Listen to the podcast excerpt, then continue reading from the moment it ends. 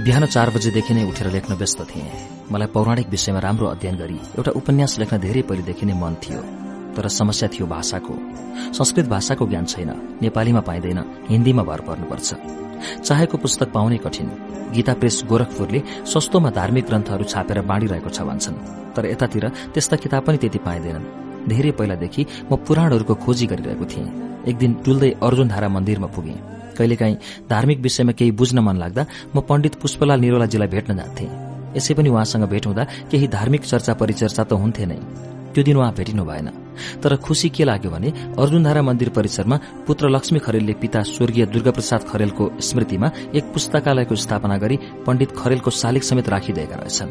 पुस्तकालयलाई धार्मिक ग्रन्थहरूको पुस्तकालय बनाइएको रहेछ। खुशी लाग्यो। भित्र पसेर हेरे। र्याक बनाउन भ्याएको रहेनछ। टेबलमाथि नै रातो तुलले बेरेर पुस्तकहरू सजाइएका थिए। गुरूकुल भएकाले विद्यार्थी भाइहरूसँग केही बेर कुरा गरे। पढ़ाईका बारेमा त ती धार्मिक पुस्तकहरू पढ्ने सुविधा सम्बन्धमा कुरा भए। गुरू पुष्पलालको स्वीकृति बेगर ती बाहिर लान नपाइने रहेछ। इच्छा हुँदाहुँदै पनि कुनै पनि पुस्तक नलिई म रित्ते फर्के। ऐतिहासिक तथा पौराणिक साहित्यमा मलाई सानैदेखि गहिरो रुचि थियो। दुई महिनादेखि म एउटा कथामा लागेको थिएँ। सती प्रथासँग सम्बन्धित त्यो कथा लेखन कार्य अन्तिम चरणमा पुगेको थियो। झोला शीर्षकको त्यस कथामा नेपालको सती प्रथाको एउटा कारुणिक चित्रण भएको छ। बिहान छ बजेतिर झ्यालबाट विवेचना दैनिक कसैले भित्र छिराइदियो। लेख्दा लेख्दै रोकिएर पत्रिकालाई पल्टाए।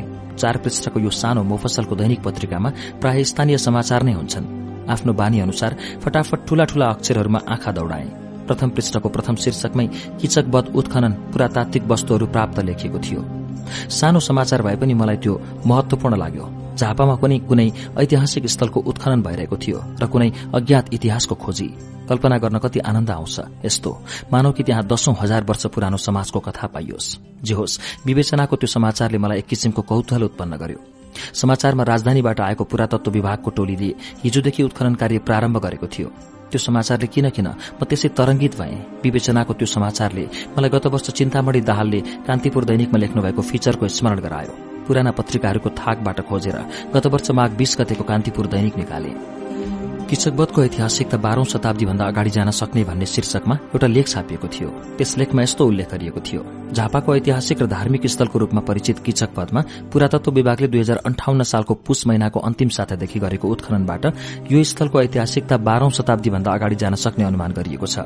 उत्खननबाट हालसम्म प्राप्त पुरातात्विक सामग्रीहरूले यो ठाउँ मध्यकालीन कुनै गढ़ भएको हुन सक्ने निश्चित भएको छ भने महाभारत कालसम्म पनि पुग्न सक्ने अनुमान गरिएको छ।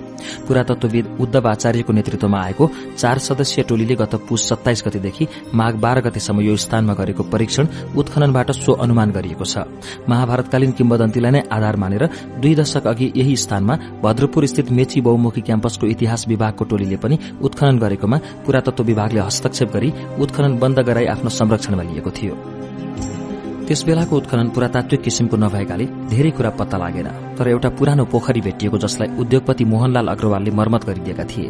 करिब तीन कट्ठा क्षेत्रफलको यस पोखरीलाई भीमसेनको गधाबाट बनेको मानेर यहाँ श्रद्धापूर्वक जाने यात्रुहरू र स्वस्तानी पूर्णिमामा मेलामा जाने भक्तजनहरू स्नान गरी यस स्थलमा रहेका शिव विष्णु र भीमसेनले किचकलाई मार्दै गरेको मूर्तिहरूको दर्शन गर्छन्। यस पोखरीमा स्नान गर्दा चर्मरोग निको हुने र मनोवांछित फल पाउने विश्वास भक्तजनमा पाइन्छ। यस पोखरीमा बाह्रै महिना पानी सुत्दैन। कटान गर्दै करिब पचास मिटर छेउमा आइपुगेको देउनिया खोलाको खतरामा रहेको छ। यो ऐतिहासिक स्थल। पृथ्वीनगर पाँच स्थित यस ठाउँलाई स्थानीय जनताले महाभारत कालसँग जोडेर हेर्ने गरेका छन्। महाभारत कालमा मत्स्य देशका राजा विराटका साला किचकले पाण्डव पत्नी द्रौपदीमाथि कुदृष्टि राखेपछि भीमसेनले किचकलाई मारेको ठाउँ यही हो भन्ने गरेका छन्। यसै किम्बदन्तीलाई आधार मानेर वर्षौं अघिदेखि हरेक माघको स्वस्तानी पूर्णिमामा यस ठाउँमा भव्य मेला लाग्ने गर्दछ। सदरमुकाम भद्रपुरबाट करिब दस किलोमिटर दक्षिणमा देउनिया खोलाको किनारमा रहेको दस बिघा जग्गाको क्षेत्रफलमा फैलिएको यस गढ़को पश्चिमपट्टिको डिलबाट शुरू गरिएको उत्खननमा किल्लालाई घेराउ गर्न बनाइएको छ फुट चौडा पर्खालको दुईटा कुना भेटिएको छ।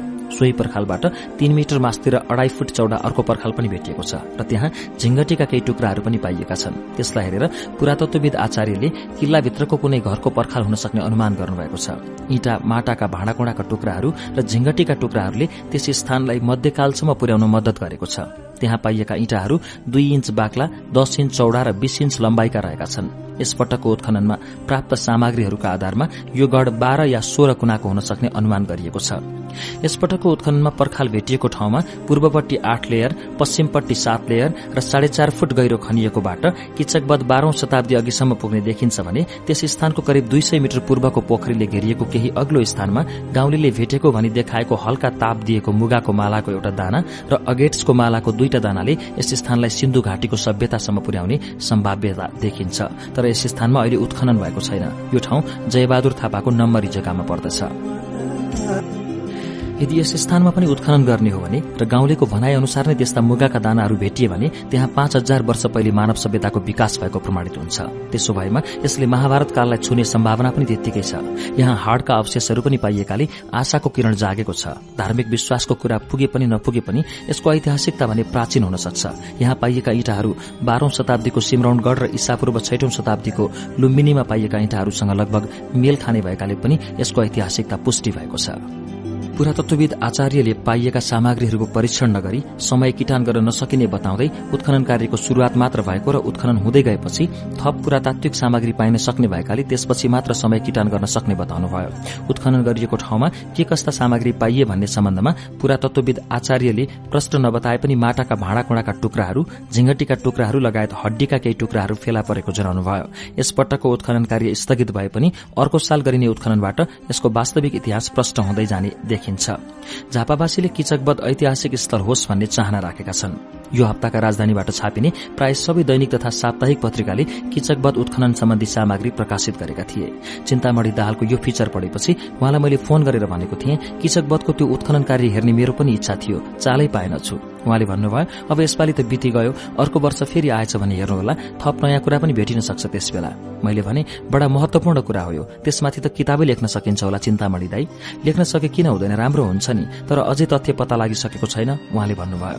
गत वर्ष उत्खनन कार्य हेर्न नपाएको धोको मनमा छँदै थियो। यसपालि पुनः उत्खनन कार्य प्रारम्भ भएको समाचार विवेचनामा पढेपछि मन अनौठो गरी रोमाञ्चित भयो। एकैचोटि मनमा कैयौं किसिमका विचारहरू आए। मैले हतार हतार टेलिफोन थिचेँ। निकै बेर रिङ गए पनि फोन उठेन। दाजुभाउजू दुवैजना क्याम्पसका प्राध्यापक क्याम्पस गइसक्नु भएछ क्यारे। दिउँसोतिर सम्पर्क गर्ने सोचे। अफिस जाँदा जीविका इन्टरप्राइजेस बिर्ता मोड अगाडि लोकराज ढकालजीसँग भेट भयो। गत वर्ष उहाँले पनि गोर्खापत्रमा किचकबधबारे समाचार लेख्नु भएको थियो। मैले उहाँसँग कुरा गरेँ। भन्नुभयो हिजोदेखि नेपाल टेलिभिजनका भीम नेमाङ र लक्ष्मी लुटेल उत्खनन कार्यको छायाङ्कन गरिरहेका छन्। मैले भने यसपालि त मलाई पनि लानुहोस् है साथै। दिउँसो अफिसमै चिन्तामणी दाईको फोन आयो। बिहान फोन गर्नुभएको थियो गरेको थिएँ। किन थियो? होइन आज बिहान विवेचनामा पढे यसपालि फेरि किचकबदमा उत्खनन कार्य प्रारम्भ भएछ। दाई कहिले जाने हो यसपालि म पनि नछुटौं भनेर फोन गरेको। फोनबाटै केही दिनपछि जाने सल्लाह भयो। प्रत्येक दिन उत्खनन सम्बन्धी ससाना समाचारहरू पत्रिकामा प्रकाशित भइरहन्थे। कहिले मोहन काजीको नाममा कहिले डिकमान विरहीको नाममा कहिले गोविन्द चन्द्र छेत्रीको नाममा किचकबदका समाचार नियमित आइरहेका थिए। आफूले भने किचकबदबारे केही लेख्न पाएको थिइनँ। पहिला पनि भूटानी शरणार्थी समस्याबारे साथीहरूले कैयौं पृष्ठ लेखिसक्दा पनि आफूले एकै शब्द लेख्न सकेको थिएन। भूटानी शरणार्थीका बारेमा त सुरु सुरुमा सबैभन्दा धेरै काम माधव विद्रोहीले गरेका थिए। उनी त केही पटक भूटानभित्रै पनि पसेर फर्केका थिए। पछि पछि मैले भने निबन्ध कथा र उपन्यासहरू नै लेखेर चित्त बुझाउनु परेको थियो। यसपालि पनि किचकबदमा म त्यसै गरी पछि परिरहेको थिएँ।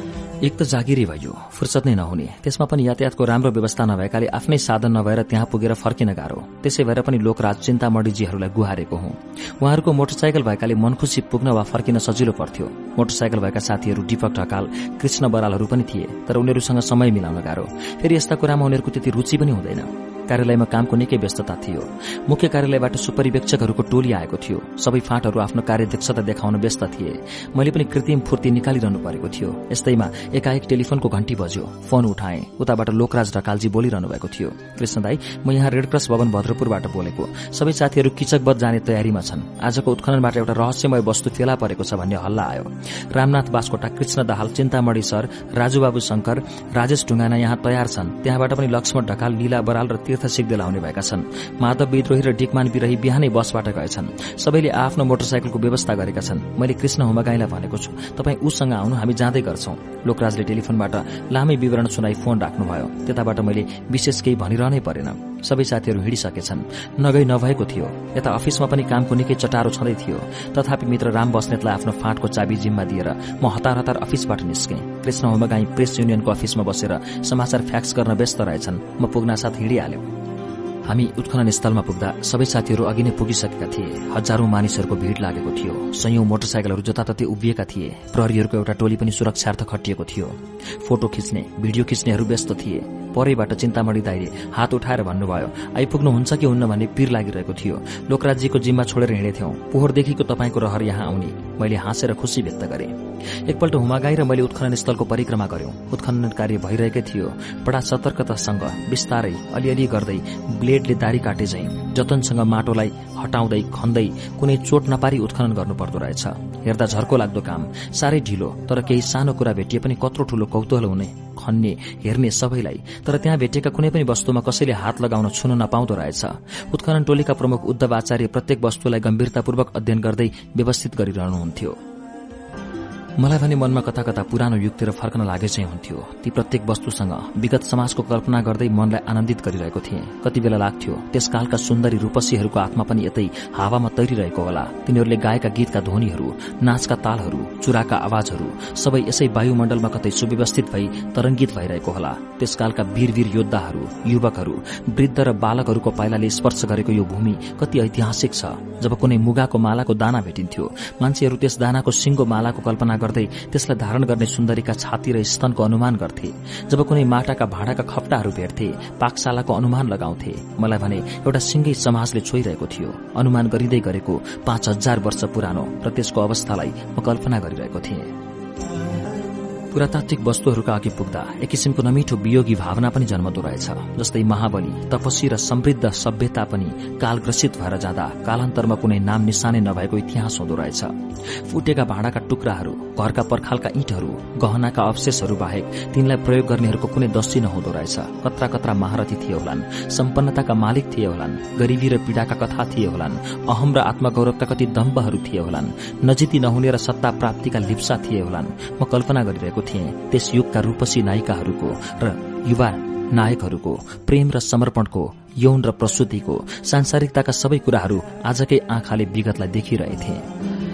आजका फिल्म वा टेली धारावाहिकहरूले प्रस्तुत गरेको जस्तो व्यवस्थित श्रृंगारयुक्त थियो होला र त्यो समाज आजको युगको चेतनासँग कति सामिप्य हुँदो हो? सोचे जैविक आवश्यकता र मानवीय संचेतनाको युग त त्यो पनि नै थियो होला तर विकासको वर्तमानसँग त त्यसको तुलना के हुन सक्दो हो? सबैभन्दा दिक्क लाग्दो कुरा के थियो भने माटोले मकाउन नसकेका वस्तु मात्र त्यहाँ भेटिन्थे जोसँग मात्र अनुमान र कल्पना थियो। कुनै दसी वास्तविक सूचना दिन सक्ने औपचारिक सन्देशहरू ती प्राप्त सामग्रीहरूसँग थिएन।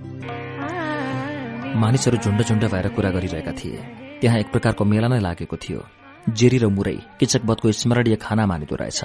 त्यहाँ स्थापित अस्थायी सबै पसलहरूमा जेरी र मुरै नै पाइन्थ्यो। मुरै र पकौडामा झुत्तिने मान्छेहरू पनि थिए। झुण्ड झुण्ड मानिसहरूका अनेकौं अनुमानहरू त्यहाँ प्रसारण भइरहेका थिए। कसैले भन्थे त्यो कंसकै दरबार हो। कोही भन्थे त्यो कंसको होइन। कुनै राजवंशी राजाको दुर्ग हो। कोही भन्थे त्यो महाभारतकालीन कुनै राजाकै दरबार हुनुपर्छ। अनेक अनुमानहरू थिए। म भने घुमी घुमी मानिसहरूका प्रतिक्रिया सुनिरहेको थिएँ। अनुमानहरू जे जे भए तापनि सबैमा एउटा कौतूहल व्याप्त थियो। एक किसिमको प्रसन्नता सबैको अनुहारमा छरिएको देखिन्थ्यो। सर्वप्रथम त्यस ठाउँमा केही चाहिँ हुनैपर्छ भन्ने अनुमान गर्ने मै हुँ भन्ने कडा स्वरहरू पनि थिए। त्यस ठाउँमा राति आउँदा मानिसहरू गुनगुनाउने गरेको सुन्नेहरू पनि थिए। पत्रकार साथीहरू छरप्रष्ट भएका थिए। भीम नेमाङ र लक्ष्मी लुइटेलहरू बडा दत्तचित्त भएर क्यामेरा घुमाइरहेका थिए। धेरैजसो पत्रकारहरू स्थानीय मानिसहरूसँग जुतिएका थिए। मानिसहरू पनि पत्रिकामा नाम आउला कि भनी अघि अघि सरेर भए नभएका कुराहरू सुनाइरहेका थिए। उत्खनन स्थलभन्दा अलिक पर रहेको दुर्गा मन्दिरका पेटीभरि पनि आइमाई केटाकेटीहरू बसेका थिए। मन्दिरको ढोका खुलै थियो र आउने प्राय सबै मानिसहरू एउटा दुईटा फूलका थुङ्गाहरू चढाउँदै ढोग्ने गर्थे। दुई चार रुपियाँ पैसा चढाउनेहरूको संख्या पनि बढ़ेको थियो। विशेष अवस्थामा बाहेक त्यति नपुजिने त्यो मन्दिरमा पनि हराभरा छाएको थियो। यत्रो दिन राम्ररी पूजापाठ नगरेकोमा पश्चाताप गरे झै मानिसहरू देखिन्थे। मन्दिरको बरण्डाको एउटा कुनामा एकजना साधु धुमधुम्ती बसिरहेको थियो। उसका थोत्रा झोली झ्याम्टा त्यही छेउमा असरल्ल थिए। निकै वर्ष खाएको जस्तो लाग्थ्यो। हेर्दा सबै किशोर केशराशिहरू सेतै फुलेका थिए। अग्लो मोटो थियो शरीर। चाउरी परेको भए पनि झरिलो थियो अनुहार। मुखभित्र दाँतहरू बलिए जस्ता लाग्थे। शरीरभरि विगुत घसेको हेर्दा भने ननुहाएको फोहोरी जस्तो लाग्ने। निधारको बीचमा एउटा पुरानो घाउ जस्तो थियो। निको नभएको। बेला बेला हात हल्लाएर त्यसले निधारका छेउतिर उडी आउने झिङ्गा धपाउने गर्थ्यो। कसै कसैले साधुलाई हिन्दीमा केही भन्थे। साधु हाँस्थ्यो तिनीहरूतिर फर्किएर। साधुको हेराएर हँसाई बडा गम्भीर र अर्थपूर्ण जस्तो लाग्थ्यो। त्यो घाउ बाहेक त्यसको व्यक्तित्व साह्रै आकर्षक थियो। मानिसहरूको चेपा चेपमा त्यो पनि त्यसै साँगुरिएर बसिरहे झैँ लाग्थ्यो। आठ दस दिन अघिदेखि कतैबाट आएर त्यहाँ बस्न थालेको रहेछ साधु। साधुहरू आउने जाने गरिरहन्छन्। तिनको थर ठेगाना केही हुँदैन। तिनीहरूसँग परिचय लिनुको पनि कुनै अर्थ हुँदैन। सारा सांसारिकतासँग विरक्त भई हिँडेका तिनीहरूको अब कुनै परिचय नै हुँदैन। अघिल्लो जीवनलाई परित्याग गरी हिँडेकाले मानिसहरू त्यस्ताको खोजी पनि गर्दैनन्। मैले छेउबाट निकै बेर अवलोकन गरेँ साधुलाई। साधुहरू मलाई त्यसै त्यसै रहस्यपूर्ण झैँ लाग्छन्। आफूलाई आफैदेखि विरत गराई यो भेष धारण गर्न तयार हुनुपर्ने तिनको मनस्थितिको कल्पना गर्छु म। त्यस्तो कठोर मनस्थितिको सिर्जना पो कसरी हुन सक्छ मानिसभित्र? आफूले आफैभित्र पनि आफ्नै विरोधमा त्यति कठोर हुन मानिस कसरी सक्छ? यो त एक किसिमको आत्महत्या नै हो भन्ने ठान्छु म। आफ्ना सबै इच्छा आकांक्षाहरू जहान परिवार समाज धन सम्पत्ति सुख शयल सबैलाई त्यागेर मोह मायाबाट विरक्त भई अर्कै संसारतिर हेलिनु कम ठूलो साहस होइन। जीवनभरिको आफ्नै परिचयलाई आफैले मेटेर हिँड्नु सजिलो छ र आफूले आफैलाई बनाउनका लागि मानिसले कति संघर्ष गरिरहेको हुन्छ। धेरै बेर हेरिरहेँ मैले त्यस साधुलाई तर हेर्दा हेर्दै मेरो मनमा कता कता लाग्यो यो साधु सामान्य मान्छे होइन। यो केवल कमण्डलु बोकी मागी खाने साधु मात्र होइन। एकाएक मानिसहरूमा हलचल आयो। मानिसको समूह नै उत्खनन स्थलतिर कुदेर गयो। एक एक छिनमा यस्तो भइरहन्थ्यो। उत्खननकर्ताहरूले कुनै चीज भेटेर त्यसलाई गौर गरेर हेर्न थाल्ने बित्तिकै भीड़ त्यतातिर आकर्षित हुन्थ्यो। मतगणना स्थलमा छिनछिनमा मत संख्या बताउने मानिस बाहिर निस्केपछि हुने हलचल जस्तै। धेरैजसो मानिसहरू भने आफ्नै गफमा मस्त थिए। कोही महाभारतको कसा यसरी भनिरहेका थिए। मानव तिनीहरू भर्खरै उतैबाट आएका हुन्। कोही यसरी गीताको व्याख्या गर्दै थिए जस्तो कि तिनी स्वयं भगवान कृष्ण हुन्। समाज भन्नु नै यही हो जस्तो लाग्थ्यो मलाई। यस किचक वधमा पहिलोपल्ट म दुई हजार अडतिस सालमा आएको थिएँ दाई सागर वनसँग। सागर वन अर्थात पटुवारी स्वर्गीय हरिविलास वनका अन्तरे छोरासँग। त्यसबेला उनी पृथ्वीनगरमा एउटा मिल चलाएर बसेका थिए। ससुराली पनि यतै भएकाले यतै थियो उनको बसाई। म दुई रात जति यस ठाउँमा बस्दा घुम्न भनी यस किचक वधमा आएको थिएँ। त्यसै बेला नै मानिसहरूले यसका बारेमा किम्बदन्ती सुनाउँथे। यसको वास्तविक किम्बदन्ती नै शुद्ध महाभारतकालीन कथामा आधारित छ। मनमा खासै पत्यार नलागे पनि त्यसको प्रतिवाद गर्ने ठाउँ थिएन मेरो। जताततै इँटाका टुक्राहरू छरिएका थिए। सागरदाई भन्थे मानिसहरूले यहाँका इँटा घर घरै लगेका छन्। चुलो बनाउने काममा यस ठाउँको इँटा प्रयोग गर्छन् मानिसहरू। मैले भनेको थिएँ कुनै कालमा यहाँ इँटाबाट थियो होला। मेरो अपत्यारलाई सागरदाईले बुझेका थिए। सागरदाईसँग मेरो उमेरमा निकै धेरै फरक थियो। तर पनि उहाँ र मेरा बीचमा केही यस्तै कुराहरू थिए मिलाउने। खास गरी यस्तै भूतप्रेत पुनर्जन्म योग ज्योतिष आदि रहस्यमय शिक्षाले हामीलाई घनिष्ठ बनाएको थियो। यस्ता विषयहरूमा चासो भएर पनि पूर्ण विश्वास भने मलाई कहिल्यै हुन सकेको थिएन। साधुहरूको संगतमा लाग्ने हुँदाहुँदै सागरदाईमा गाँजा तान्ने बानी परिसकेको थियो। रक्सी त उहाँ खानुहुन्थ्यो नै। पछि यस्तै कारणहरूले स्वास्थ्य खराब हुँदै गई। सिरोसिस भई उहाँको निधन भयो। सागरदाईको निधनमा मलाई साह्रै दुःख लागेको थियो। साना साना छोराहरू बेलैमा टुहरा भएका थिए। कता कताबाट म त्यत्तिकै सागर दाईलाई स्मरण गर्न पुगेछु। त्यसै मन भावुक भएर आएछ। यस्तैमा फेरि मानिसहरू उत्खनन स्थलतिर केन्द्रित भए। यसपालि त्यता जुत्तिनेहरूको भिड निकै बाक्लो थियो। अघि कति बेलादेखि आइपुगेर मलाई खोजिरहेका लेखनाथ भट्टराई र भूमिलाल राजवंशी पनि म भए ठाउँमा आइपुगे। हुमा गएर म त हिँडिहालेछौ। म त छुट्टी गएँ नि। लेखेको पनि थिएन। भूमिजीसँग भेट भयो र आएँ। कहाँ छन् अरू साथीहरू? लेखनाथले सोध्यो। सबै छरिएका छन् चारैतिर। म भने यसै भिडभित्र रमाइरहेको छु। मैले साधुतिर देखाउँदै भने काललाई हेर त त्यो साधुलाई राम्ररी। कस्तो उज्जर छ त्यसको अनुहार। अनौठो व्यक्तित्व छ नि त्यसको। लेखनाथ टहल्दै साधुको छेउमा पुग्यो। निकै बेर साधुको अवलोकन गरी फर्क्यो। भन्यो वास्तवमा यो साधु सामान्य साधु होइन। यो आफै पनि कुनै विशिष्ट अनुसन्धानकर्ता जस्तो लाग्छ। त्यही त म अघिदेखि यसकै अध्ययन गरिरहेको छु। कताबाट लोकराज्य पनि आइपुग्नुभयो। हाँस्दै भन्नुभयो हेडसर पनि आइपुग्नु भएछ कतिखेर? सबैले छोडिहाले के गर्ने त? आए नि जसरी भए पनि। लोकराज्यले भन्नुभयो होइन त्यहाँ त अनौठो चिज प्राप्त भयो भन्दैछन्। मानिसहरूको साह्रै भिड हुनाले छिर्न सकिएन। के भेटियो भन्छन्? खै एउटा फलामको बाकस भेटिएको छ भन्छन्। निकालिसकेको छैन खन्दैछन्। त्यसलाई निकाल्न घण्टौं लाग्छ। बिस्तारो माटो पन्छाउनु पर्यो। त्यस वस्तुमा कुनै चोट पर्न दिनु भएन मैले भने। उत्खनन क्षेत्रमा धेरै भीड़ भएकाले प्रहरीले मानिसहरूलाई पर परसम्म हटायो। मानिसहरू फेरि बिस्तारै छाँटिँदै झुण्ड झुण्डमा बाँडिन थाले। अब उत्खनन स्थलमा पत्रकारहरूको मात्र जमघट थियो। हामी पनि बिस्तारै पत्रकार साथीहरूतिर लाग्यौं। प्रहरीले रोक्न खोजे। परिचय पत्र देखाउँदै उत्खनन क्षेत्रभित्र प्रवेश गर्यौं। हामी पुग्दा बाकसको आधाउधी भाग देखिन थालेको थियो। चारजना मानिसले बल गर्दै बिस्तारै बाकसलाई जमिनबाट उखेलेर पाखा निकाले। एकाएक चारैतिरबाट पर ताली बज्यो। मानिसहरू फेरि झुम्बिन खोजे तर प्रहरीहरूले भीड़लाई त्यता आउन दिएनन्। बाकस फलामको बाक्लो थियो निकै गरौं पनि तर त्यसमा ताला लगाएको थिएन मास्तिर डिलमा निकालियो। पुरातत्वविद उद्धव आचार्यजीले त्यो दिनको उत्खनन कार्य स्थगित गर्नुभयो। मानिसहरूमा कौतलको सीमा थिएन। उत्खनन टोलीको अनुहारमा पनि लंका विजयी हनुमानको अनुहार जस्तो ज्योति फैलियो। सारा उपस्थित भीड़ चुपचाप भयो। रहस्यको संघारमा उभिएका थिए सबै। मानिसहरू तस्विरका जस्तै जहाँको त्यही ठिङ्ग उभिएका उभिए भए। उत्खननकर्ताहरूबीच बिस्तारै कुरा हुँदै थियो। चिन्तामणी दाईले उद्धवजीलाई भन्नुभयो यसभित्र के रहेछ? एकपल्ट त खोलेर हेर्नै पर्छ। यत्र मानिसहरू छन्। यसलाई यसै नखोली लगिएमा अनेक शंका उपशंका हुन्छन्। तपाईँहरूमाथि नै अनेक आरोपहरू आउन सक्छ। धेरैको अनुमान छ यो बाकस गार्धन हो। यहाँभित्र सुन चाँदी हिरामतीका गर गहना र सुवर्ण मुद्रा हुनुपर्छ। त्यसैले सबैको शंका निवारण गर्न एकपल्ट यो बाकसको बिर्को चाहिँ खोल्नै पर्छ। उद्धवजीले भन्नुभयो त्यसो भए जिल्ला प्रशासन प्रहरी प्रशासन जनप्रतिनिधिहरू र तपाईँ पत्रकारहरूको रोहबरमा यस बाकसको बिर्को खोल्न चाहन्छु। सबैले सहमति जनाए।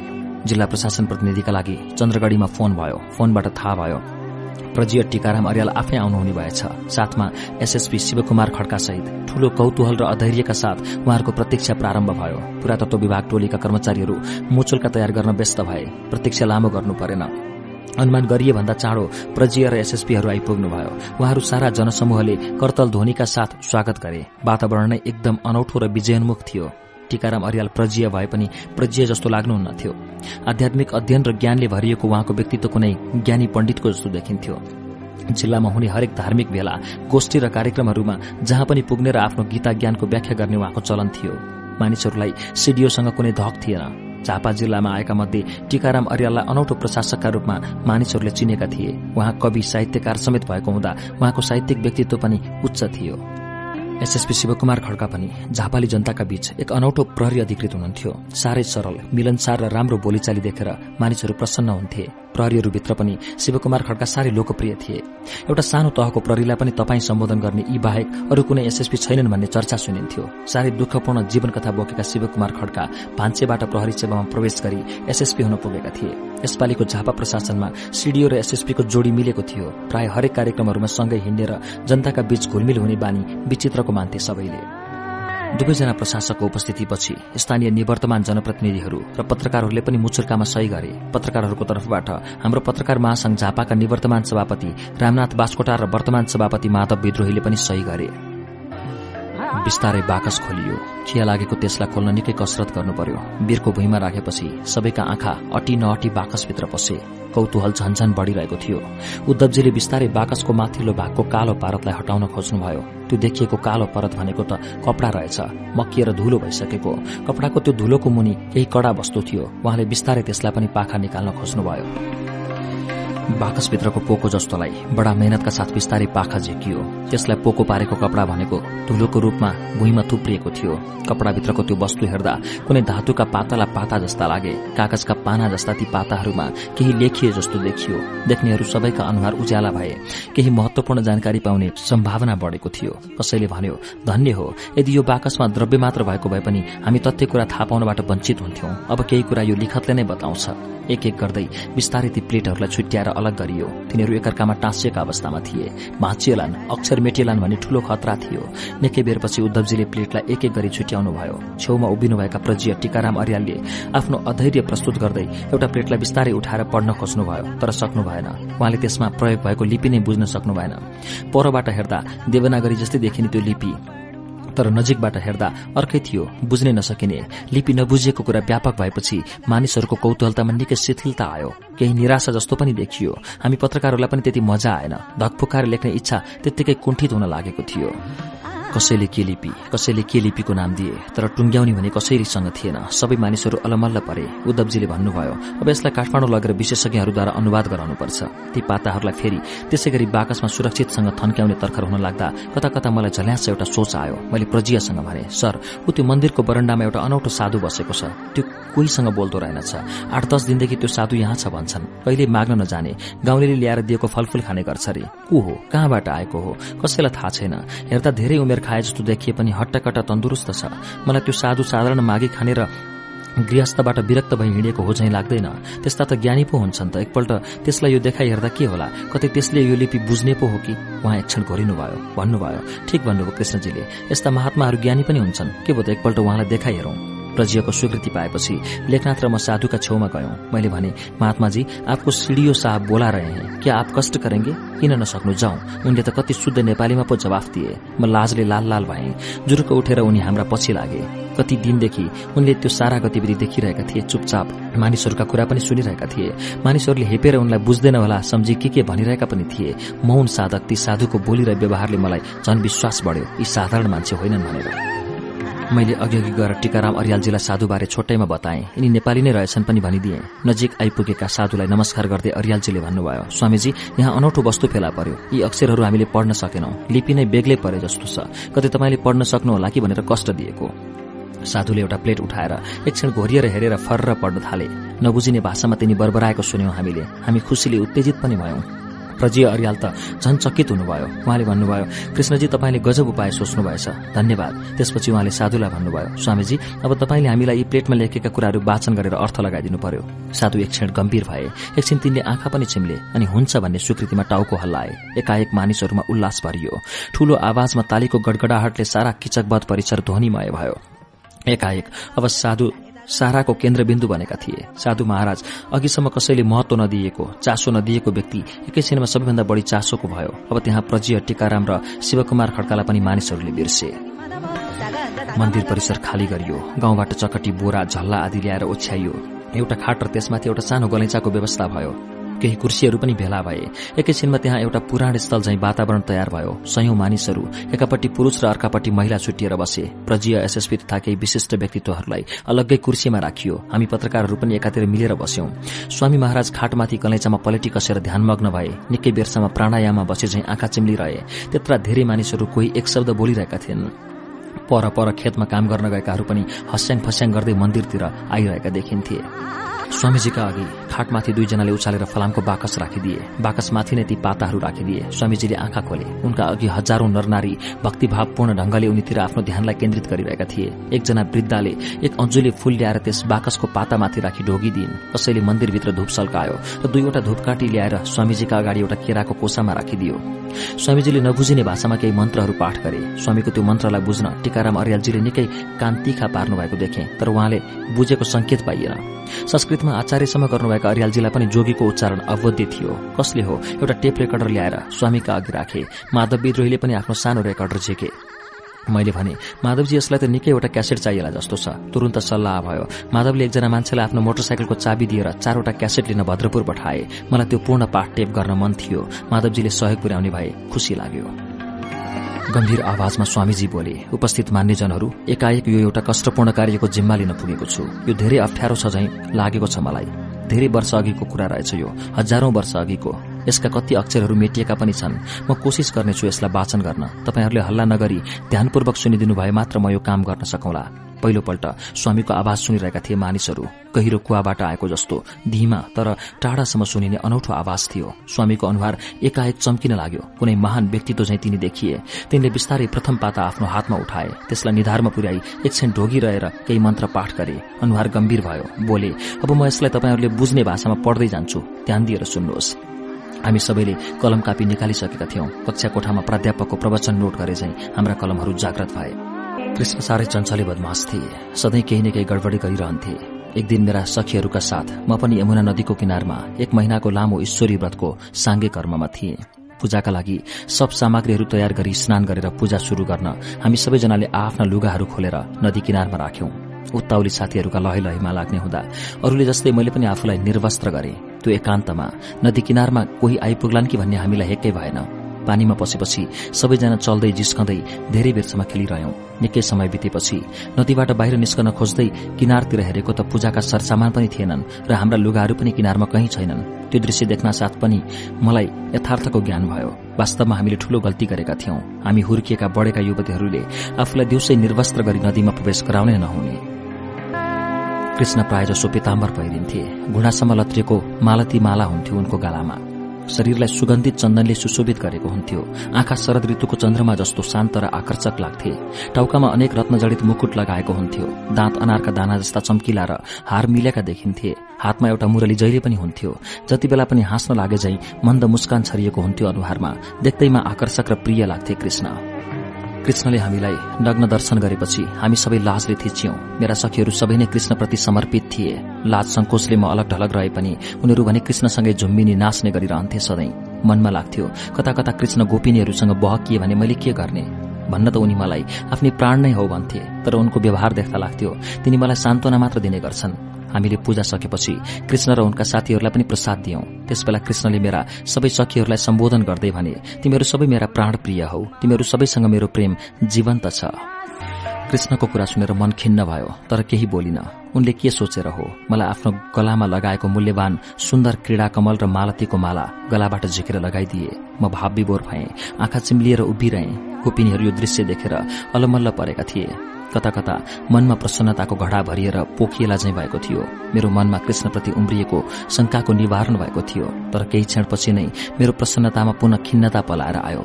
जब उनले अरू गोपिनीहरूलाई पनि आफ्ना गलाका मालाहरू उतारेर पालै पालो लगाइदिन थाले त्यसै आँखाहरू रसाएर आए तर त्यसलाई मैले प्रकाशित हुन दिन कृष्णले सबैलाई सम्बोधन गर्दै भने तीन महिनापछि म एउटा भव्य वनभोजको आयोजना गर्छु। त्यहाँ तिमीहरू सबैसँग मेरो भेट हुनेछ।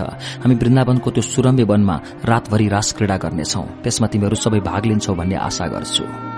कृष्णको कुरा सुनेर गोपिनीहरू खुशीले चम्किला देखिए तर म मनमा नै मुर्जाए चाहिँ हुँदै गएँ। कृष्णको एकान्तिक सामिप्यका लागि सदा तडफिरहने मलाई त्यो सामूहिक रास क्रीडाको योजनाले ठूलो धक्का जस्तो लाग्यो। अझ छुट्टिने बेलामा उनले थपे हे गोपिनीहरू तिमीहरू र ममा कुनै भेद छैन। म जस्तो हुँ त्यस्तै हौ तिमीहरू पनि।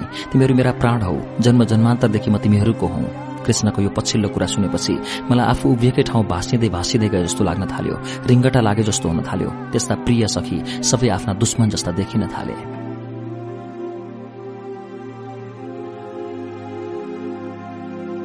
तीन महिनापछि चैत्र शुक्ल त्रयोदशीको रात चन्द्रमा आकाशमा झलमल लागेको बेला थियो। वृन्दावनमा अनेक जातका फूलहरू फुलेर जंगल नै बासनामय भएको थियो। मन नै रमाउने लट्ठ पार्ने त्यस्तो सुन्दर वातावरणमा कृष्णले हामीलाई त्यहाँ एक रात्रि वनभोजका लागि आमन्त्रण गरेका थिए।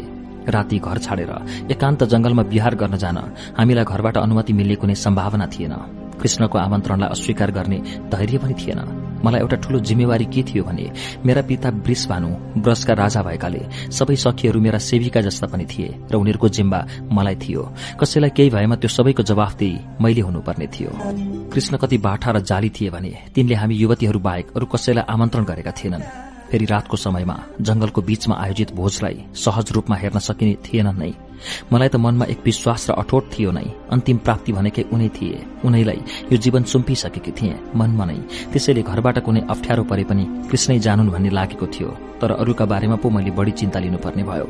मनमा एक खालको पीर पनि थियो। कृष्ण चञ्चले छन्। उनी जोसँग पनि जति बेला पनि आकर्षित भए चाहिँ गर्छन्। मेरा सखीहरू कतिजना त मभन्दा राम्रा र सुन्दरी पनि छन्। तिनीहरूले कृष्णलाई आफ्ना बसमा पार्लान् कि भन्ने शंका पनि मनमा उत्तिकै कडा अग्नि झैं रापिलो भएको थियो। म चाहन्थे कृष्णले मलाई मात्र एक्लै एकान्तमा बोलाउन्। मसँग नाचुन् गाउन् रमाइलो गरून् मनका कुरा गरून् तर उनी त मेरो त्यो भावको कुनै प्रवाह नै गर्दैनथे। मानौ उनलाई मेरो कुनै मतलब नै छैन। बेला बेला जब म एकान्तमा एक्लै टोलाइरहेकी हुन्थे त्यस बेला छेउमा आएर हाँस्दै जिस्क्याउँदै अत्यन्त गहिरो माया दर्शाउँथे र सबै मनको भ्रम मेटाउँथे। त्यो बेला आँखाभरि आँसु पार्दै म उनलाई एकहोरो हेरिरहन्थे। मन दोधार हुँदै बिस्तारै घरबाट बाहिर निस्के। सबैतिर सुनसान थियो।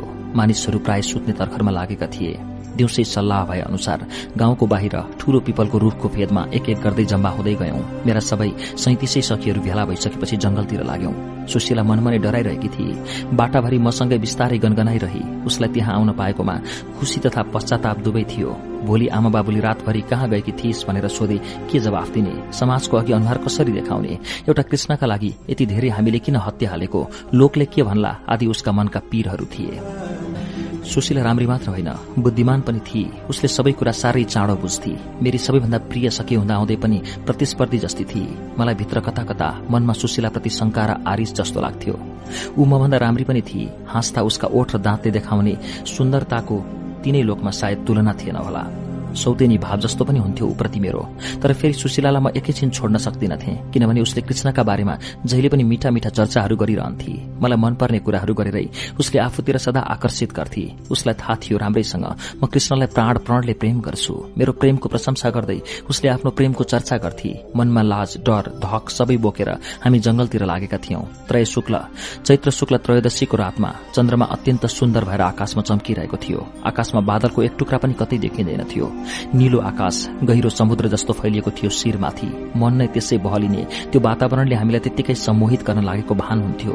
वनमा पुगेपछि जब हामीले त्यहाँको तयारी देख्यौं आश्चर्यचकित भयौं। एउटा कृष्ण मात्र त्यहाँ उपस्थित थिए तर लाग्थ्यो संयौं मानिसहरूले बडा मेहनतका साथ त्यस स्थललाई सजाएका हुन्। अनेक प्रकारका सुगन्धित फूलहरूको महक हावामा फैलिएको थियो। रूखहरूमा नयाँ पालुवा पलाएर सारा जंगल नै भर्खरै सुत्केरी भएकी सुन्दरी युवतीले नुहाई स्निग्ध भए झैँ लाग्थ्यो। रातमा बास बसेका चराचुरुङ्गीहरू पनि आ आफ्ना गुणमा गीत गाइरहेथे। ओतका लागि तम्बु गाडिएको थियो। खाद्य सामग्रीहरू तथा पाकशालाको व्यवस्था थियो। आवश्यक सबै वस्तु यथेष्ट थिए। तर व्यक्ति एक्लो कृष्णलाई देखेर हामी अलमलमा पर्यौं हुन त यो रातको समयमा एकान्त जंगलमा अनेक पुरूषको उपस्थिति हाम्रो लागि असुरक्षित हुन्थ्यो नै होला। तथापि मनमा कता कता केही युवकहरूको संख्या थपिएकै भए राम्रो हुने जस्तो पनि लागेको थियो। खास गरी मलाई त्यस्तो लाग्यो। मेरा त्यति धेरै सहेलीहरू थिए। ती सबैको दृष्टिबिन्दुमा कृष्ण मात्र परेको मलाई मन परेको थिएन। अरू पनि युवकहरू भएका भए उनीहरूको आँखा अरूहरूतिर पनि छरिने थियो। एउटा कृष्ण सबैका ध्यानमा केन्द्रित भइरहे। यो रातमा पनि एकान्तमा कृष्णको सामिप्य पाउन मलाई सजिलो थिएन। सुशीला त झन् मसँग एकैछिन पनि छुट्टिन्नथी सुशीलाको निकटता कुनै बेला मलाई नभई नहुने र कुनै बेला झर्को लाग्दो हुन्थ्यो। म चाहन्थे म कृष्णको समीप भएका बेला उसले मलाई एकान्त दियोस् तर मेरो सोचभन्दा अघि सरी ऊ कृष्णसँग लाडिन पुग्थे। मनमनमा आरिस लागे पनि तर त्यसलाई मैले कहिल्यै प्रकट गरिन। मनमनमै दबाएर सबै पीरहरूलाई राख्दा म आफू सिंहको पीड़ाको डल्लो जस्तो अनुभूत गर्थे आफैलाई। वनभोज स्थलमा कृष्ण बजिरहेको मुरली हातमा लिएर प्रसन्न मुद्रामा हामीलाई स्वागत गर्न खड़ा थिए। हामी एकै ठाउँ गाँठो पर्दै एकअर्कोसँग छेलिँदै लजाउँदै उनीतिर तानिँदै गयौं। कृष्णले मुस्कुराई सबैको स्वागत गर्दै भने सखी हो मैले तिमीहरू सबैलाई यो वनभोजमा स्वागत गरे। आजको यो बासन्ती शुक्ल पक्षीय त्रयोदशी तिमीहरूको स्वागत गर्दछ। उनी अघि अघि र हामी पछि पछि मनोरञ्जन स्थलसम्म पुग्यौं। तम्बुभित्र सबैलाई कृष्णले आसन ग्रहण गराउँदै कार्यक्रमबारे जानकारी गराए। उनले भने खाने सबै सामग्रीहरूको बन्दोबस्त गरिएको छ। अब खाली ती सामग्रीहरूले तिमीहरूको सिपालु पाक कलाको प्रतीक्षा गरिरहेका छन्। आज राति हामी यहाँ रमाइलो नाचगान गर्दै मिष्ठान्न फलफूल तथा स्वादिष्ट भोजन गर्नेछौ। तिमीहरूप्रतिको मेरो प्रेम तथा मित्रताको यो एक अविस्मरणीय क्षण हुनेछ। कालान्तरमा हामी कहाँ पुगौला? भविष्य कसैको हातमा छैन। परमात्मा पनि भविष्यको कालग्रसित बन्दछ सधैँ। त्यसैले हाम्रो मित्रतालाई जीवन्त राख्न मैले यो कार्यक्रमको आयोजना गरे। मसँग आज दिनभरि सुदामाहरू पनि थिए दादा बलराम पनि थिए। उनीहरू सबैले यो व्यवस्था गरिदिएका हुन्। तर उनीहरूले यो एकान्तिकता प्रदान गर्नकै लागि मसँग विदा लिएका छन्। आजको रात हामी रमाउनेछौ। कृष्णका कुरा सुनेर सबै केटीहरू खुसी भए। सुशीलाले कानमा भनी राधे हेर्न कृष्ण मोरो कस्तो बाटो सबै साथीहरू ढाँढोट गरेर विदा गरेछ। हामी केटीहरूसँग मात्र एक्लै रमाइलो गर्न सबलाई फकाएर पठाएछ। मैले उसको मुख थुन्दै भने मोरी त्यसो नभन् उनले हाम्रै खुसीका लागि त्यसो गरेका हुन्। यहाँ धेरै केटा भएका भए हामीलाई गाह्रो पर्ने थिएन। तर कृष्ण भए जति सबै केटी आफ्नै प्रेमिका बनुन् भन्ने ठान्छन् तँलाई थाहै छैन लाटी कृष्ण एकदमै स्वार्थी छन्। सुन्दर र राम्रो वस्तु सबै आफै मात्र भोग गरौं भन्ने सोच्छन्। सोचे पनि त्यसरी भोग गर्न सकिन्छ त। किन सक्नु पर्यो? मनमनले सोचेर भावनामा मात्र भोग गरेर पनि त आनन्द लिन सकिन्छ नि। शारीरिक भोग त कति नै गर्न सक्छ र मान्छेले। भोग्ने भनेको सबै मनैले मात्र त हो नि। खै म त जान्दिनँ यस्ता कुराहरू। मैले झर्को मान्दै सुशीलातिरबाट ध्यान हटाउन प्रयत्न गरे। कृष्ण छेउमा आएर हामी दुवैलाई निहालेर हेर्दै अनौठो मुस्कान छोडेर अन्यत्र लागे। कानमा फेरि फुसफुसाई सुशीला मोरो कस्तो बाटो छ हेर त। साईमुन्द्री पढेको छ जस्तो लाग्छ यस मान्छेले। हाम्रो मनका कुरा सब बुझे झै गर्यो छेउमा आएर। भन्दैछु त त धेरै नबोल उनले थाहा पाउँछन्। थाहा पाए के त आखिर उनी हाम्रै प्रिय त हुन् उसले सहजै भनी अहिलेको यस भनाइमा उसको आवाज निकै लाडिलो थियो। घोसे घोसे पाराले केटीहरू कृष्णको छेउछेउ पुग्न थाले। कृष्ण प्रत्येकलाई स्वागत गर्दै हाँस्दै स्पर्श गर्दै व्यस्त देखिन थाले। सुशीलाले भनी राधे आज त तँ पनि भयभरको श्रृङ्गार गरेर आएकी छस् नि। आफूलाई सोझी लाठी जस्ती प्रस्तुत गर्ने त भित्रभित्रै कत्तिकी बाठी छेस् भन्ने तेरो यो श्रृङ्गारले नै बुझाउँछ मेरो रूपको चर्चा गरेकाले। मनमा भित्रभित्रै खुसी लागे तापनि कता कता लास पनि लागेर आयो। त्यसलाई लुकाउन कृत्रिमता दर्शाउँदै रिसाए चाहिँ भने फर्काउनु पर्दैन तैँले मलाई। तँलाई जस्तो रङ्गिन पनि आउँदैन मलाई। देख्दिनस् कृष्ण मलाई एक नजर पनि राम्ररी नहेरी अरू केटीहरूसँग मस्कै मस्कै रमाइरहेका छन्। यही त तेरो भ्रम हो। त बहुतै शङ्कालु र आरिष्य पनि छेस। त बाहेक अरू युवतीसँग कृष्णले बोल्नै नहुने ठान्छेस राधा। कृष्ण राम्रा छन् सुन्दर छन् जसलाई पनि आफ्नै हुन्छै लाग्छन्। कृष्णले नै सबैलाई आफूतिर तान्छन्। कृष्णको यो सबैसँग समान रूपले घुलमिल हुने स्वभाव कसलाई मन पर्दैन भन् त? उनको संगीत कला उनको मुरलीको धुन उनको नृत्य शैली उनको मुस्कान सबै मन पर्ने नै त छ। के गर्नु हामीले? यहाँ पनि त उनले तँलाई मात्र बोलाएको भए र तँ मात्र आएको भए हुने थिएन। तँलाई पनि हामी बेगर नहुने। कृष्णलाई पनि हामी सबै चाहिने। मैले त्यस्तो नराम्रो के भनेर सुशीला चित्त नदुखान मेरो मन नै मेरो बसमा छैन आज। यो रातको जुनेली एकान्त यो सुन्दर र मनमोहक नवपालुवाले भरिएको जंगलमा एउटा कृष्ण मात्र हामीसँग छन्। एउटै कृष्णले हुन्छ त सबैलाई। प्रत्येकलाई एक एकवटा कृष्णको रहर छैन र एक फन्को लगाइसकेर कृष्ण फेरि हाम्रो नजिक आई बोले राधा किन लाठी जस्तो एकै ठाउँ खम्बा बनी गाडिएर उभिएकी? यो आजको रमाइलोको नेतृत्व तिमीले गर्नुपर्छ। तिमी यस्तै सुस्त भयो भने त यो सारा तयारीको के मतलब हुन्छ? हिँड हिँड। उनले मेरो हात समातेर डोर्याउँदै तम्बुबाट बाहिर लगे। एकछिनसम्म सुशीलाले पछ्याई। फेरि के सोचेर हो। ऊ तम्बुभित्रै अल्मली तम्बु बाहिरको संसार त सुन्दरताको परम आश्चर्य जस्तो थियो। मनमा सोचे यो पूर्णिमा यो शीतलता त संसारभरि नै होला तर यो सुन्दरताको एकान्त जति राम्रो आजको रात कहीँ छैन होला। केही पर एकान्तमा पुगेर उभिएपछि कृष्णले मेरो हात छाडे र एकहोरो मेरो अनुहारतिर हेर्न लागे। मैले कृष्णको आँखासँग आफूलाई उभ्याउनै सकिन। लाज धक प्रेम संकोच के के हो के केले मलाई लल्याक लुलुक बनायो।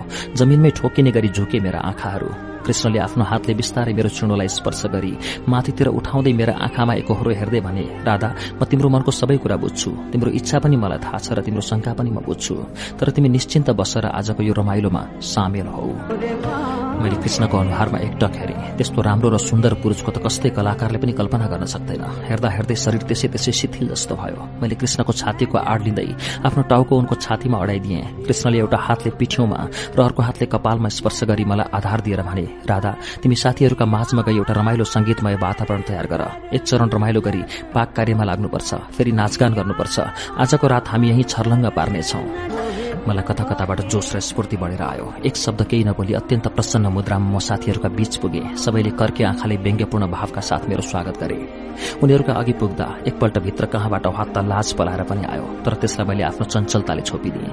मैले सुशीलालाई अलिक ओरा तानेर कृष्णसँग भएका कुराहरू सुनाए। मेरा कुरा सुनेर ऊ खुसी पनि भई कता कता उदास जस्ती पनि देखी।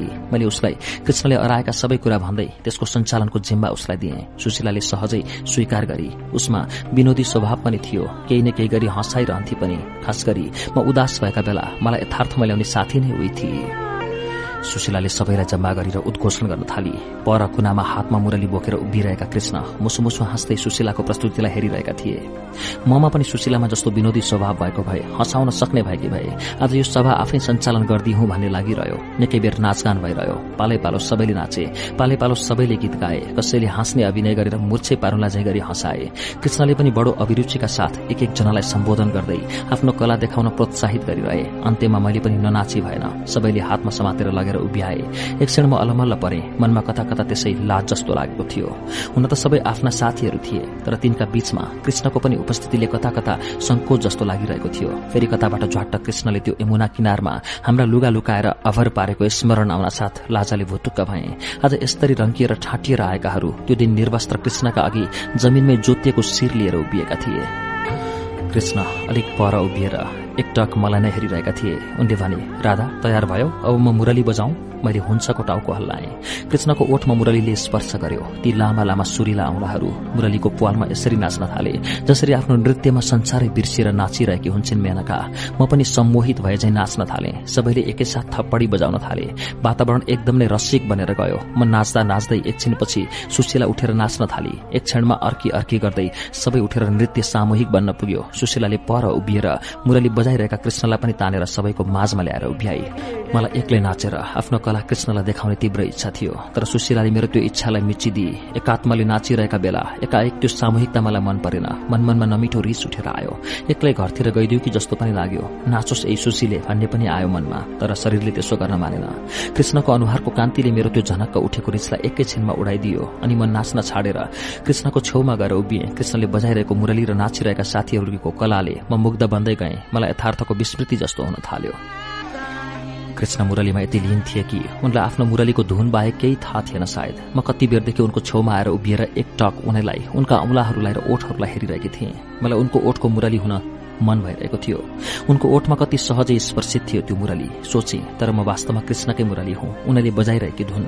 जति बेला पनि उनकै स्मरण र ध्यान छ मनमा उनकै रूप आवाज गति र बिम्ब छ इन्द्रियभरि। मेरा सोच चिन्तन र कल्पना सबै उनै त हुन् एकहोरो कृष्णको ओठ र मुरलीको मिलनबिन्दु हेरिरहे। हेर्दा हेर्दै लाग्यो म सानी भएर मुरली जस्तै उनको हातमा तिर्सिएकी छु। कृष्णले मेरा ओठमा आफ्नो ओठ राखेर फुकिरहेछन् र उनका सुन्दर औंलाहरू मेरा अङ्ग अङ्गमा स्पर्श गरिरहेछन्। म पुलकित छु रमाइरहेछु र एक किसिमको चरम सुखको ध्वनि मिश्रित गरिरहेछु आफूबाट।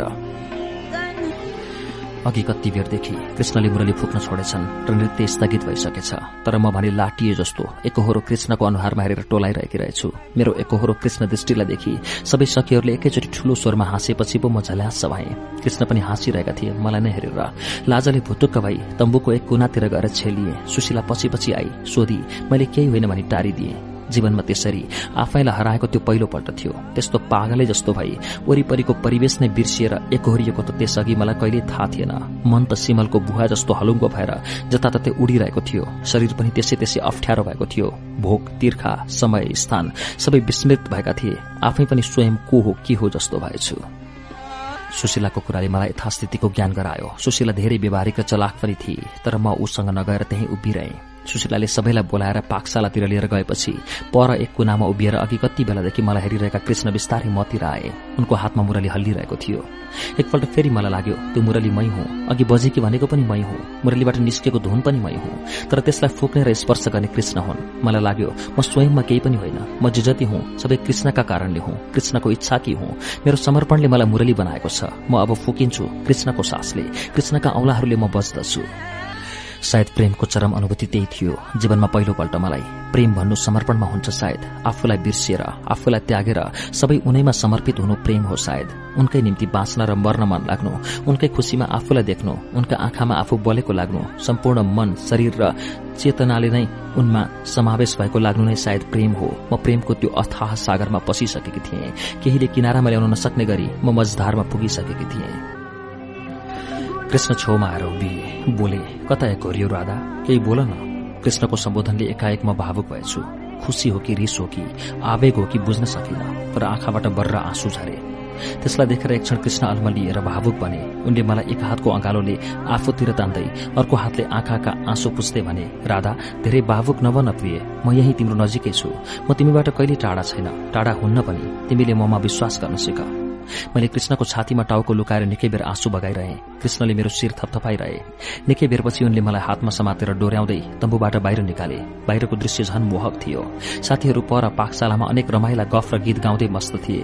अघि जस्तै एक कुनामा उभ्याएर कृष्णले मलाई सम्झाउलान् केही रमाइला कुराहरू गर्लान् भन्ने लागेको थियो। तर उनले डोर्याउँदै झन्झन एकान्त जंगलतिर तानिरहे। मनमा कस्तो कस्तो एकान्तीय खुशी तथा अज्ञात त्रास पनि थियो। जंगली जीव जन्तुहरूको भए पनि थियो। कृष्ण म भन्दा ठूला र बलिया थिएनन्। उनले मलाई भयानक संकटबाट संरक्षण दिन सक्लान् जस्तो लाग्दैन थियो। यसो हेर्थे लुते लुते केटो। रौसे आकर्षक र रमाइलो पनि तर अपरजट केही आपत्ति आइपर्दा उनले एक्लै के गर्न सक्लान् र? हुन त कृष्णका बारेमा बालककालदेखि नै अनेक किम्बदन्तीहरू थिए। कृष्णले एउटी आइमाईको दूध चुस्ता चुस्दै दाँतले दूध टोकेरै मारिदिएको। बालककालमै सुतेको ठाउँ छेउको दहीको ठेकी लात्तीले हानेर लडाएको। गोठालो जाँदा पोखरीको डिलमा सुतेको मोटो अजिङ्गरलाई पिटेर मारेको आदि अनेक चर्चाहरू गाउँमा थिए। कति चर्चाहरू त अरेका भरमा पनि थिए कसैले नदेखेका तर सुनेका भरमा चलेका हल्ला पनि कति थिए कति। ब्रजका घर घरमा कृष्णको चर्चा हुन्थ्यो। कतिले त उनलाई विष्णुकै अवतार होलान् पनि भन्थे। ब्रजमा कृष्णको जन्म भएपछि अनेक दुःख र आपत्तिहरू आएको हुनाले कृष्णका विरोधमा पनि गाउँमा चर्चा हुन्थ्यो। तर कृष्णको रूप आवाज सुशीलता आदि राम्रा बानी बेहोराले सबैलाई मुग्ध पारेको थियो। जति नै कृष्णको बहादुरीको चर्चा गरे तापनि मलाई भने उनको त्यत्रो बल र शक्तिमा विश्वास थिएन। एउटा मान्छेमा हुन सक्ने भन्दा बढ्ता ताकतको त मलाई विश्वास नै थिएन। एउटा लुरे कृष्णसँग रातको समयमा अनकन्टार वनतिर गइरहनु मलाई राम्रो लागेन। हामी दुवैलाई खतरा थियो त्यो। मैले भने कृष्ण यो मध्यरातमा हामी जंगलले जंगल कता हिँडेका? हामी हराउनु पनि सक्छौ। हिंस्रक पशुको शिकार पनि हुन सक्छौ। फर्कौं कृष्ण। साथीहरू भएका ठाउँमा फर्कौं। कृष्णले उभिएर पुलुक्क मलाई हेरेर मुस्कुराउँदै भने तिमीलाई मेरो भर छैन राधा। म त तिम्रै भरमा सारा संसार बिर्सेर हिँडिरहेछु। तिम्रो साथ पाएपछि मर्नु बाँच्नुको के अर्थ छ? जीवनले पूर्णताको खोजी गर्छ। पूर्णताको प्राप्तिपछि समय स्थान काल जीवन केहीको पनि अर्थ रहँदैन। सब निरर्थक हुन्छन्। मलाई लाग्छ हामी त्यो सुनसान रातमा एक आपसमा हातेमालो गरेर धेरै टाढा पुगिसकेका थियौं। डर लागिरहेको थियो हामी फर्केर फेरि त्यही पुग्न सक्छौ सक्दैनौ भन्ने कृष्णले मलाई व्यङ्ग्य गरे झै लाग्यो अर्थात मेरो प्रेमलाई होच्याउन खोजे जस्तो लाग्यो। मैले भने प्राण तिमी मलाई कति सताउँछौ? कि तिम्रो भर मलाई छैन होला? तिमीमा विश्वास नभए तिम्रो माया नभए तिम्रो आस्था नभए यो आधारातमा यो एकान्त जंगलमा तिमीसँग म कसरी हुन्थे? मैले बाबुआमा समाज सबैलाई छलेर दरबारको सुखपूर्ण बिछोनामा निधाइरहनु पर्ने म। अहिले तिमीसँग यो अनकन्टारमा किन छु भन त? मेरो प्रेममा शंका नगर प्रिय। मैले जीवनमा तिमी बाहेक अब अरू कुनै सपना देखेकी छैन। मैले तिम्रो प्रेममा शंका गरेको छैन राधा। कृष्णले भने मैले त एकअर्काको भर गर्न सिक्नुपर्छ। एउटाका निम्ति अर्कोले मर्न सक्नुपर्छ पो भनेको। आफूलाई सम्पूर्ण रूपमा नबिर्सिकन अर्कालाई प्रेम गर्न कहाँ सकिन्छ र? प्रेम भन्नु नै आफूले आफैलाई बिर्सी आफूलाई अरूमा पाउनु हो। मैले आफूलाई सम्पूर्ण रूपमा तिमीमा पाउनु र तिमीले आफूलाई ममा पाउनु प्रेमको पूर्णता हो। जबसम्म आफ्नो असुरक्षाको भावना हामीमा बाँकी रहिरहन्छ प्रेमले पूर्णता पाइसकेको हुँदैन। तर कृष्ण मैले उठाएको प्रसङ्ग त हामी दुवैको सुरक्षाका बारेमा थियो। त्यो मैले बुझेँ तर तिमीमा अझै शारीरिक मोह बाँकी नै देखेँ राधा। शारीरिक मोहले आत्मीय प्रेमको मार्गलाई अन्तिम कालमा त्याग्दछ। प्रेमका सामु कुनै चिज पनि उपस्थित हुनुहुँदैन। शरीर सम्पत्ति संसार कुनै पनि पूर्ण रूपमा आफूलाई बिर्सिएको र उसैलाई मात्र सम्झिएको अवस्था मात्र प्रेमको चरम अवस्था हो। शरीर सँगसँगै जोडिएको प्रेम यौन समेतसँग सम्बद्ध छ। यौनपूर्ण प्रेम यौन कालपछि समाप्त भएर जान्छ। प्रेमलाई आत्मिकता दिन सक्नुपर्छ राधा। प्रेम शारीरिक सम्वेकभन्दा धेरै माथि उठोस् जहाँ कुनै पनि मानिसका चिन्तनहरू बाधक नबनुन्। उनका कुराले म अलमल्लमा परे। उनीप्रतिको मेरो प्रेम कस्तो हो त? मैले ठम्याउन सकिनँ। तर कृष्णका बारेमा मेरो मनमा रहेको अन्यलको भने अन्त्य भए जस्तो र उनलाई मैले सम्पूर्ण रूपमा प्राप्त गरे जस्तो लाग्यो। हामी जाँदा जाँदै एउटा ठूलो पिपलको रूखको फेदमा पुग्यौं। दो छाया परेको थियो। कृष्णले भने हिँड्दा हिँड्दै थाक्यो होला राधा। आऊ बसौं यहीँ। हामी त्यो विशाल वृक्षका फेदमा बस्यौं। कृष्णको दायाँ हात मेरो काँधमा थियो। कृष्णको शरीरको तापले मेरो शरीर पनि गर्मिएको थियो। यो एकान्तमा मलाई जीवनको सबैभन्दा ठूलो प्राप्ति भएको थियो। समय ठप्प उभियोस्। युग युगान्तरसम्म यो एकान्तता समाप्त नहोस्। कृष्णलाई आफ्नो यति नजिकबाट गुमाउनु नपरोस् भन्ने लागिरह्यो। कृष्णले त्यत्रो प्रेम दर्शाउँदै गर्दा पनि मेरो स्वार्थी मनले शंका गर्न छोडेको थिएन। सबै प्राप्त भएपछि पनि त्यो प्राप्तिले सबै पाएको अनुभूति दिन नसक्दो रहेछ। उनले अरू गोपिनीहरूसँग नाचेको गाएको जिस्किएको छेउमा टाँसिएर उभिएको सम्झँदा भने कृष्णले मलाई मात्र पूर्ण प्रेम गर्लान् त भन्ने शंका घरिघरि आइरहन्थ्यो। मैले कृष्णको कुममा टाउको अड्याउँदै लामो सास तानेर थाके जस्तै गरी भने तर कृष्ण तिमीले अरू गोपिनीहरूसँग गर्ने गरेको उठबसले मलाई सदा मनमा शंका गराउँछ। तिमी मेरो र फगत मेरो मात्र हुँदैनौ कि जस्तो लागिरहन्छ। तिम्रो यति गहिरो माया के साँच्चैकै हो त जस्तो मनमा शंका उब्जिरहन्छ प्रिय। मेरो मन कहिले ढुक्क र निष्पत्ति हुनै सक्दैन। उनले मेरो अनुहार र आँखामा धेरै बेरसम्म एकहोरो हेरिरहे। उनका आँखामा मैले विचित्रको दृष्टि देखेँ। ती आँखा केवल मेरै लागि मात्र खुलेका थिए जस्तो लाग्यो। त्यति शान्त भरपर्दो र विश्वासिलो चिज अरू के होला र? कृष्णका आँखा जति शान्त र स्थिर अरू कुनै वस्तु होला जस्तो मलाई लागेन। उनले भने राधा तिमीलाई कसरी विश्वास दिलाऊ मलाई चाहने र प्रेम गर्ने हजारौं नारी होलान् तर मैले चाहने नारी त तिमी मात्र हो। अरूले मेरो लोभ इच्छा गर्न सक्छन्। तिनीहरूसँग एक क्षण हाँसिदिँदा बोलिदिँदा नाचिदिँदा नै उनीहरूलाई पुग्छ भने त्यसो किन नगर्नु? शारीरिक प्रेम र आत्मिक प्रेमको अन्तरलाई बुझ गर्दा शारीरिक प्रेम यौनको वरिपरि हुन्छ। त्यसले शरीरको भोग गर्छ र सन्तान जन्माउँछ आत्मिक प्रेम शरीर तत्वभन्दा माथि छ। त्यसले आनन्द मात्र भोग गर्छ र प्रेमको तत्वबोध गर्छ। जबसम्म शरीर तत्वको अधीनमा हाम्रो मन रहन्छ हाम्रो प्रेम पनि सांसारिक मात्र हुन्छ। उमेर र यौवन भरिको मात्र। यौनपूरक अङ्गहरूका साथ बिस्तारै विकसित हुँदै आउने भावना सांसारिक प्रेम हो। त्यो यौनपूरक अङ्गहरूको शिथिलतासँगै मरेर जान्छ। तिमी शारीरिक प्रेमभन्दा माथि उठ त्यसले तिमीलाई यथार्थ प्रेमको अनुभूति गराउनेछ। कृष्णका कुरा सधैँ रहस्यमय लाग्थे। बुझे जस्तो पनि बिर्से जस्तो पनि हुन्थ्यो। सुनिसक्दा तर जे भए पनि उनको सबै व्यवहारले मलाई आत्मैदेखि पूर्ण विश्वास थियो। कृष्ण मेरा मात्र बाहेक अरू कसैका हुन सक्दैनन्। मनमा त्यो विश्वास पलाउन साथ खुसीले भरिएर पोटिली भए चाहिँ लाग्थ्यो। कृष्णको छातीमा आफूलाई सबै बिसाइदिए। कति बेरसम्म हामी त्यत्तिकै एकअर्कामा समर्पित भएर तन्द्रिएछौं। सुनसान जुनेली रातको त्यो सुन्दरता र साथमा कृष्णको प्राप्ति मलाई सारा जीवनको यात्राको पूर्ण विराम झैं लागेको थियो। निकै बेरपछि कृष्णले बिउझाउँदै भने राधा हामी यत्तिकै बसिरहने साथीहरू हामीलाई खोजेर आत्तिरहेका होलान्। जाउँ हिँड। मलाई त्यसै त्यसै लाडिन मन लाग्यो। भने अब त म यति थाकिसके एकै पाइला पनि हिँड्न सक्दिनँ। के तिमी मलाई बोकेर लान सक्छौ? कृष्णको अनुहार कस्तो अनौठो आकर्षक र रोमाञ्चक देखियो। अहो त्यो सुन्दरता सधैँ देखिरहन पाए कस्तो हुँदो? हो मैले त जिस्केर भनेकी थिएँ तर तिनले त जुरुकै उचालेर काँधमा हाले। मैले कल्पना पनि गरेकी थिइनँ तिनी त्यति बलवान होलान् र बालकलाई जस्तो मलाई बोक्न सक्लान् भन्ने। मैले होइन होइन मलाई छोडा म हिँड्छु भन्दा भन्दै उनले सरासर मलाई बोकेर वनभोज स्थलतिर हिँडे। एक क्षण त अप्ठ्यारो लाग्यो एक क्षण पछिदेखि झन्झन रमाइलो र आनन्द लाग्न थाल्यो। उनले यसै गरी सदा सदा बोकिरहन् जस्तो कामना जाग्दै गयो। हामी हराएकोमा आत्तिएर रुनु न हाँस्नु भएर बसिरहेका रहेछन् साथीहरू। मलाई बोकेर कृष्ण उनीहरूका बीच उपस्थित भएको देखेर उनीहरू झन् साह्रो आत्तिए तर म सकुशल उनको काँधबाट ओर्लिएर उनीहरूका अघि लाजरी नतमस्तक भएर उभिएको देखेपछि भने सबैजना खुसीले जोड जोडले हाँस्दै रमाए।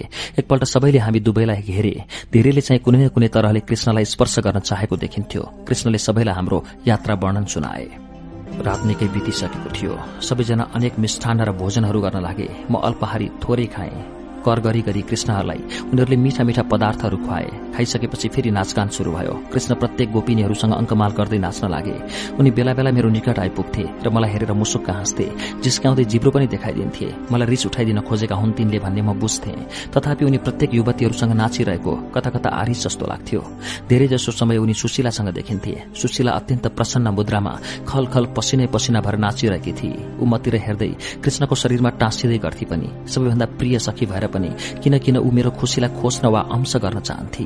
अत्यन्त रमाइलो गरी बित्यो त्यो रात। सबै गलेर लखतरान भए शिथिल भए बिहान हुनु अगावै हामीले आफ्नो ओछ्यानमा पुगिसक्नु थियो। ब्रह्म मुहूर्त अघि नै हामी जंगलबाट विदा भइसकेका थियौं। राजलीलाको घटना। खरबारीमा आगो फैलिए जत्तिकै सारा गोकुलभरि फैलियो। घर घरमा त्यो घटनाको चर्चा हुन थाल्यो। गोपिनीहरूलाई तिनका अभिभावकहरूले नराम्रो गरी हकार्न थाले। लाज शर्मा सबै त्यागेर रातभरि एउटा युवकसँग जंगलमा बिताउने भनेर चारैतिर अवगाल फैलिँदै गयो। सबैभन्दा ज्यादा दबाव परेको थियो मलाई। सबै गोपिनीहरूले मेरो नेतृत्वमा त्यो काम भएको भनी पोल लगाएका थिए। ब्रजका राजा वृष भानुकी छोरी भएर मैले जुन अनुशासनमा बस्नुपर्ने थियो त्यसमा नबसेकी जनताका छोरीहरूलाई समेत भड्काएर गलत बाटोतिर हिँड्न प्रेरित गरेकी भन्ने आरोप थियो मलाई। बाबाले आमा मार्फत मलाई सतर्क गराउनु भएको थियो। मैले आफ्नो कुल धर्मलाई विचार गर्नुपर्ने बाबाको प्रतिष्ठालाई ध्यान दिनुपर्ने कुरा आमाले मलाई लामो भूमिका बाँध्दै सम्झाउनु भयो नन्दराय गोकुलका लोकप्रिय नागरिक थिए। सारा गोपहरू नन्दरायका भक्त जस्ता लाग्थे। नन्दरायको त्यो सरल स्वभावले गर्दा मेरा पितासँग भन्दा नन्दरायसँग मानिसहरू सहज रूपमा प्रस्तुत हुन्थे। नन्दरायको सरलताको कारण उनका छोरा कृष्ण पनि सबैका प्यारा थिए। नन्दरायका छोराका रूपमा कृष्णले गाउँमा जे जति बिगार गरे पनि मानिसहरू त्यसलाई सहन्थे कहिलेकाहीँ भने कृष्णको उपद्रोले विरक्त भएर मानिसहरू उनको उपद्रोको उजुर गर्न पनि पुग्थे। भाद्र कृष्ण पक्षको अष्टमीको रात। उनको जन्म भएको भन्ने भनाइ थियो।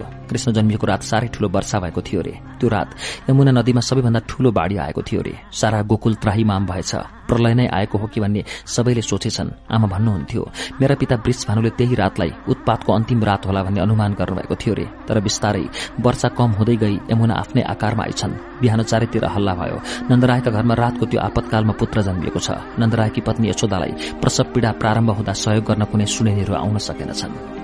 कृष्णको जन्मलाई गोकुलभरि हर्क बढाइ गरियो। नन्दरायको सन्तान ढिलो गरी भएकाले कृष्णको जन्मको पनि विशेष चर्चा भएको रहेछ। उनले पनि सारा गोकुलभरि पुत्र जन्मोत्सवका उपलक्ष्यमा मिष्टान्न आदि बाँडेछन्। गोपिनीहरूका बीच बालक कृष्णको अत्यन्तै प्रशंसा हुँदो रहेछ। एउटा बालकको यति धेरै प्रशंसा त्यसअघि कसैको भएको थिएन रे?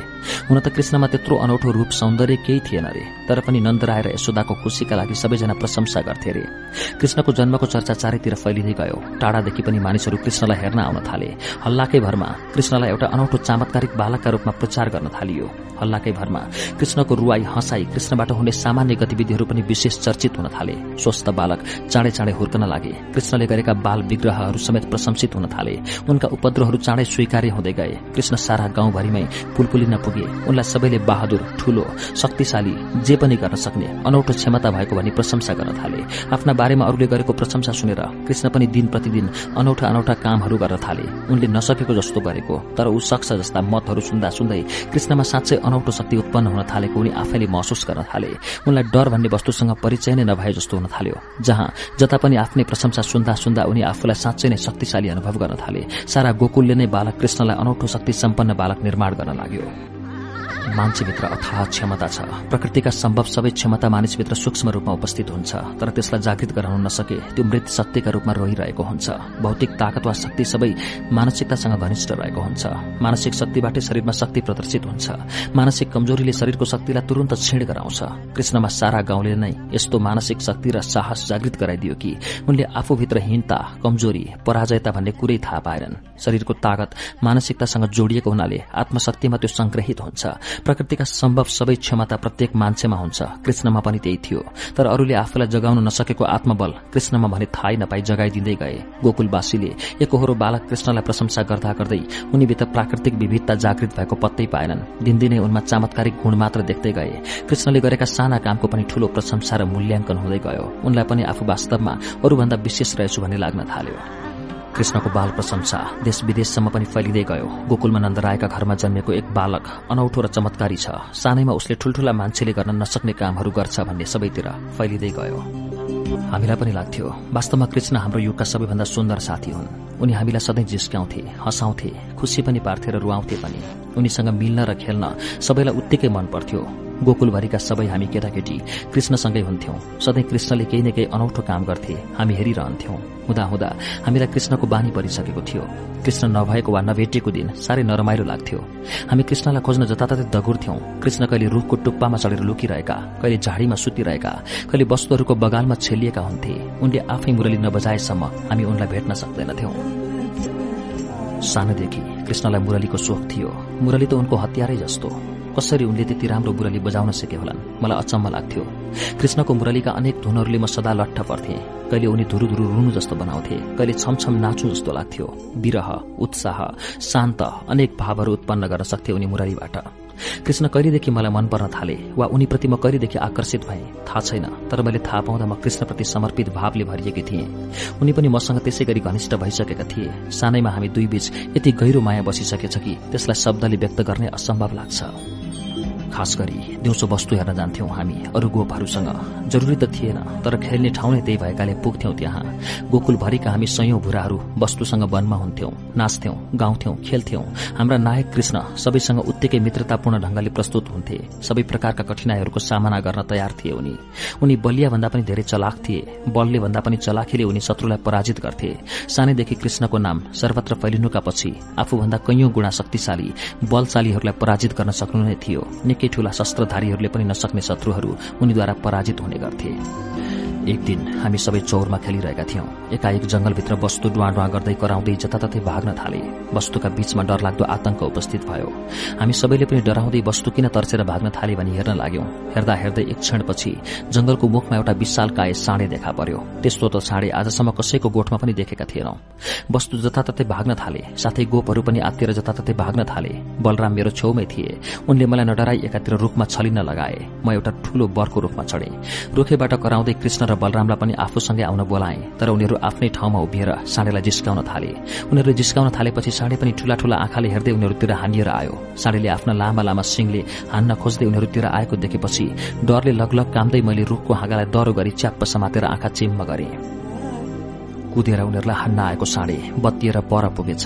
दुवैजना हाँसेको सुनेर आँखा खोले। कृष्ण र बलराम दुईतिर भएका रहेछन्। दुवैजना साँडेलाई आफूतिर आउन बोलाउँदा रहेछन्। साँडे अघिभन्दा दुब्बर बलका साथ हानिँदै कृष्ण भएतिर कुदेर गयो। साँडे छेउमा पुगिसक्दा उनी फुर्ती साथ बुरुक्क उफ्रेर अर्कोतिर लागे। हानिएर आएको साँडे हुत्तिएर निकै पर पुगी एउटा रुखमा नराम्ररी जोतियो। त्यसका सिंहले रुखको निकै ठूलो बोक्रा उप्कियो पीड़ाले रन्थनजीको साँडे झन रिचले बलरामतिर झम्ट्यो। बलरामले पनि त्यसै गरी त्यसलाई झुक्क्याइदिए। साँडे यसपालि पनि अर्को रुखमा जोतिन पुग्यो। साँडे रिसाएको बाघ भन्दा पनि घातक देखिन थाल्यो। निकैपल्ट उनीहरूले साँडेलाई झुक्क्याइरहे। साँडे नराम्रो गरी थाक्दै र घाइते हुँदै गयो। पहिला जस्तो कुद्न नसके पनि त्यसले आफ्नो घमण्ड भने त्यागेको थिएन।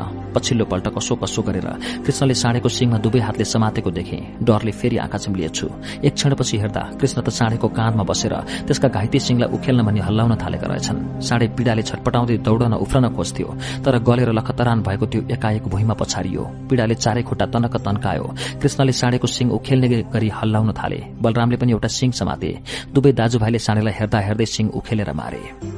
साँडे मरेको देखेर हामी सबै आश्चर्यचकित भयौं। त्यत्रो बलियो साँडेलाई त्यति साना हाम्रा साथीहरूले मारेको देखेर हामी मात्र होइन सारा गोकुलवासी नै चकित भएका थिए। त्यो घटनापछि त झन कृष्णको प्रशंसा र चर्चा यति धेरै हुन थाल्यो। उनलाई मानिसहरूले विष्णुकै अवतारका रूपमा मान्न थाले।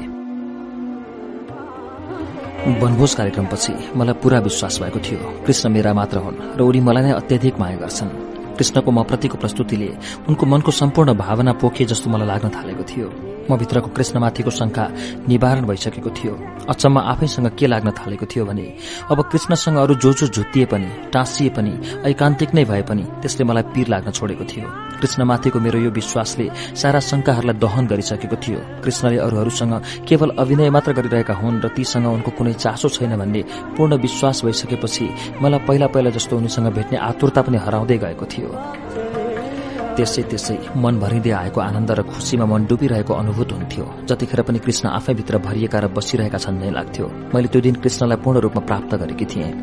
एकान्तमा उनको छातीमा टाउको राखेर आफ्ना मनका सारा कुराहरू भनेकी थिएँ र उनले मेरा सबै कुराहरूको इमान्दारीपूर्ण जवाफ दिएका थिए। त्यो दिनसम्म मलाई मनमा एक प्रकार शंका जीवित नै थियो। कतै उनीप्रतिको मेरो भावना एक पक्षीय मात्र हो कि वास्तवमा उनी मेरा प्रति उदासीन छन् कि भन्ने लागिरहेको थियो। मलाई कृष्णसँग भेट्ने आतुरता घटेर गएको भए तापनि घरले भने एक प्रकारले बन्दी बनाएको थियो। वनभोजको कार्यक्रमले समाजमा फैलिएको नकारात्मक प्रचारको सबैभन्दा ठूलो असर मलाई परेको थियो। मेरा पिताले माता मार्फत मलाई घरबाट पाखा निस्कन मनाही गर्नुभएको थियो। अब म हुर्किएकी र विवाह गर्न लायकी भएकाले छाडा छोड्न नमिल्ने र झन कृष्णसँगको संगत त गर्नै नदिने हुनुभएको थियो। उमेरले कृष्ण म भन्दा केही कम उमेरका भए तापनि उनी मेरा पिताभन्दा कम हैसियतवाला नन्दरायका पुत्र समेत भएकाले उनीसँग मेरो प्रेम वा विवाह हुनु कुनै पनि अवस्थामा सम्भव थिएन। माता पिताका नजरमा यो बन्दी अवस्थाले भने मलाई साह्रै नराम्रो लाग्यो। साथीहरूसँगको घुलमिल र रमाइलो सबैबाट म वञ्चित थिएँ। मैले चाहेका साथीहरूलाई दरबारमै बोलाउन र दरबार परिसरभित्रै खेल्न रमाइलो गर्न छुट थियो तर बाहिर जान प्रतिबन्ध। जे भए पनि बन्दीको भावना नै पीड़ादायी हुँदो रहेछ। कहिले महिनौ दरबारबाट बाहिर ननिस्कँदा पनि कुनै मतलब नहुने तर बन्दी छु भन्ने लागेपछि भने छिनछिनमा त्यो कुराले पिरोल्ने गर्दो रहेछ। अब कृष्णसँग साँच्चै भेट हुँदैन त? यो सोच मनमा आउन साथ काहली लाग्दो अन्धकार भविष्य आँखामा नाच्न आउँथ्यो। सखीहरूले मेरो नजरबन्दीको समाचार कृष्ण कहाँ पुर्याउँथे र कृष्णको आश्वासन म कहाँ लिएर आउँथे? हाम्रा बीचमा खबर आदान प्रदान गर्ने दूतहरू खड़ा भएपछि प्रत्यक्ष भेट नभए पनि एकअर्काको भावनाको प्रसारण भने भइरहेको थियो। एक दिन त्यसै त्यसै मेरो मन निराश भइरहेको थियो। कृष्णसँगको यो लामो वियोगले साँच्चै उनीसँग मेरो अब कहिले भेट नहुने नै हो त भन्ने शंका उत्पन्न हुन थालेको थियो। दरबारबाट भागेर बाहिर जाने ममा साहस पनि थिएन। पिताको इज्जत र प्रतिष्ठालाई मैले त्यसरी कुल्चन हुने पनि थिएन। कहिलेकाहीँ लाग्थ्यो मैले रात्रि वनभोजमा जान ठूलो गल्ती भयो। त्यसरी सारा समाज र परिवारको मर्यादालाई नै कुल्चेर जानु नहुने। अर्थात मनमा अनेक खाली नकारात्मक भावनाहरू विकसित हुँदै थिए। त्यसै टोलाएर बारदलीबाट टाढा टाढासम्म आँखा दौडाइरहेकी थिए। पर मूलद्वारबाट एउटी युवती यतितिर आउँदै गरेकी देखे। हिँडाएको चाल एकदम चिनेकै। मेरो कुनै घनिष्ठ सखीको जस्तो थियो। कोही मेरी प्रिय सखी नै आइरहेकी देखि खुसी भए। मनको उद्विग्नतालाई शान्त पार्न पाउने भए भन्ने लाग्यो। नजिक नजिक आउँदै गरेकी गोपिनीका पैरबाट घुङ्रुको मधुर झन्झनाहाट प्रसारण भइरहेको टाढैबाट सुनिन्थ्यो। हातका औंलाहरूमा असर्फीका औठीहरू चुहाएका देखिन्थे। नाडीमा रत्नजडित चुरा पाखुरामा भुजाबन्द तथा गलामा मोतीका हार बक्षस्थलसम्म झुण्डिएको बाल चुरिएको जस्तो दीप्तिमान शिरफूल कपालमा सुहाएको थियो। नाकमा मोती जडित बुलाकी हल्लिरहेको देखिन्थ्यो। त्यस्तो राम्रो श्रृंगारका साथ म कहाँ आउने हैसियतका त मेरा साथीहरू कोही पनि थिएनन् तर उनको हिँडाइको चाल भने मैले साह्रै नै चिनेको जस्तो लाग्थ्यो। नजिक आइपुगेको देखेपछि एकै ठाउँ बसेर पर्खिरहने धैर्य म भित्र रहेन। म उठेर तिनको स्वागतका निम्ति तिनको निकटमा गएँ र अनुहार हेरेर चिन्न खोजे। अचम्म लाग्यो। देख्दा एकदम नै चिनेको जस्तो अनुहार छ तर कसै गर्दा पनि स्मृतिमा आउँदैन। मलाई साह्रै नै संकट पर्यो। कति नै कोसिस गर्दा पनि प्रश्न चिन्न नसकेपछि लजाउँदै सोधे हे सुन्दरी सखी तिमीलाई मेरो यो कक्षामा स्वागत छ। कृपया मलाई तिमी आफ्नो परिचय दिए मेरो अधैर्यलाई शान्त गराऊ। तिमी जो स्वयं मेरामा आयौ मेरो लागि यो महान सौभाग्यको कुरा हो। मेरो स्मृतिमा तिमी जति सुन्दरी युवतीको आजसम्म मैले दर्शन पाएको थाहा छैन। तिमी आउनाको कारण विस्तारपूर्वक बताऊ र मैले तिम्रो लागि गर्न योग्य मेरो क्षमताभित्रको कार्य के हो त्यो पनि सुनाऊ। मैले आगन्तुकको सौन्दर्यबाट बसीभूत भई अत्यन्त भावुकतापूर्ण भएर आफ्नो एकहोरो जिज्ञासा पोखे। तिनलाई बोल्नै नदिई लगातार निकै बेर बोलिरहेछु। म चुप भई तिनका अनुहारमा एकहोरो हेरिरहेपछि तिनले अत्यन्त मिठो आवाजमा भनिन् हे सखे नन्दनगर गोकुलको नन्द भवनदेखि उत्तरपट्टि मेरो निवास छ। मेरो नाम गोप देवी हो। मैले सुशीलाको मुखबाट तिम्रो रूप माधुरी र गुण माधुरीको धेरै वर्णन सुने। त्यसैले तिम्रो यो रूपलाई हेर्न ममा उत्कट इच्छा हुँदा तिमीलाई हेर्न भनी यहाँ आएकी हुँ। यहाँ आएर तिमीलाई देखेपछि मेरो कौतूहल पूर्ण भएको छ। वास्तवमै तिम्रो सुन्दरता अतुलनीय छ। तिमी यस भूतलमा स्वर्गबाट झरेकी रूपकी रानी नै हुनुपर्छ भन्ने मलाई लाग्यो। तिम्रा यी सुरीला लामा हातका औलाहरू सलक्क परेको नाक ठूला ठूला आँखाहरू गुलाब जस्ता नरम र सुन्दर ओठहरू अनारका दाना जस्ता हार मिलेका दाँत। हे सकी तिमीलाई देख्न पाएर मैले आफूलाई धन्य बनाए। तिनले आफ्नो परिचय दिँदै गरेको मेरो प्रशंसाले म अत्यन्त प्रसन्न भए। केही क्षण अघि मात्र ममा फैलिएको उद्विग्नता र निराशा एकाएक समाप्त भएर गयो। त्यसै त्यसै जिउमा स्फूर्ति बढेर आयो। उमङ्ग थपियो। मलाई आफ्नो जीवनको वास्तविक मूल्य बोध भए चाहिँ लाग्यो। मैले तिनलाई अंगालो हाले। दुवै निकै बेर आलिङ्गनबद्ध भयौं। निकै बेरसम्म बसेर अनेक रमाइला गफ गाफ गर्यौं। समय बितेको थाहै भएन। नयाँ मित्रता भए पनि वर्षौं पुरानो सम्बन्धीसँग धेरै कालपछि भेट गर्न पाए झै अनुभव भयो मलाई। किन गोपदेवीको सामिप्य मलाई आफै भित्रको आफूसँगको भेट झै लागिरहेथ्यो। समय बितेको थाहै भएन।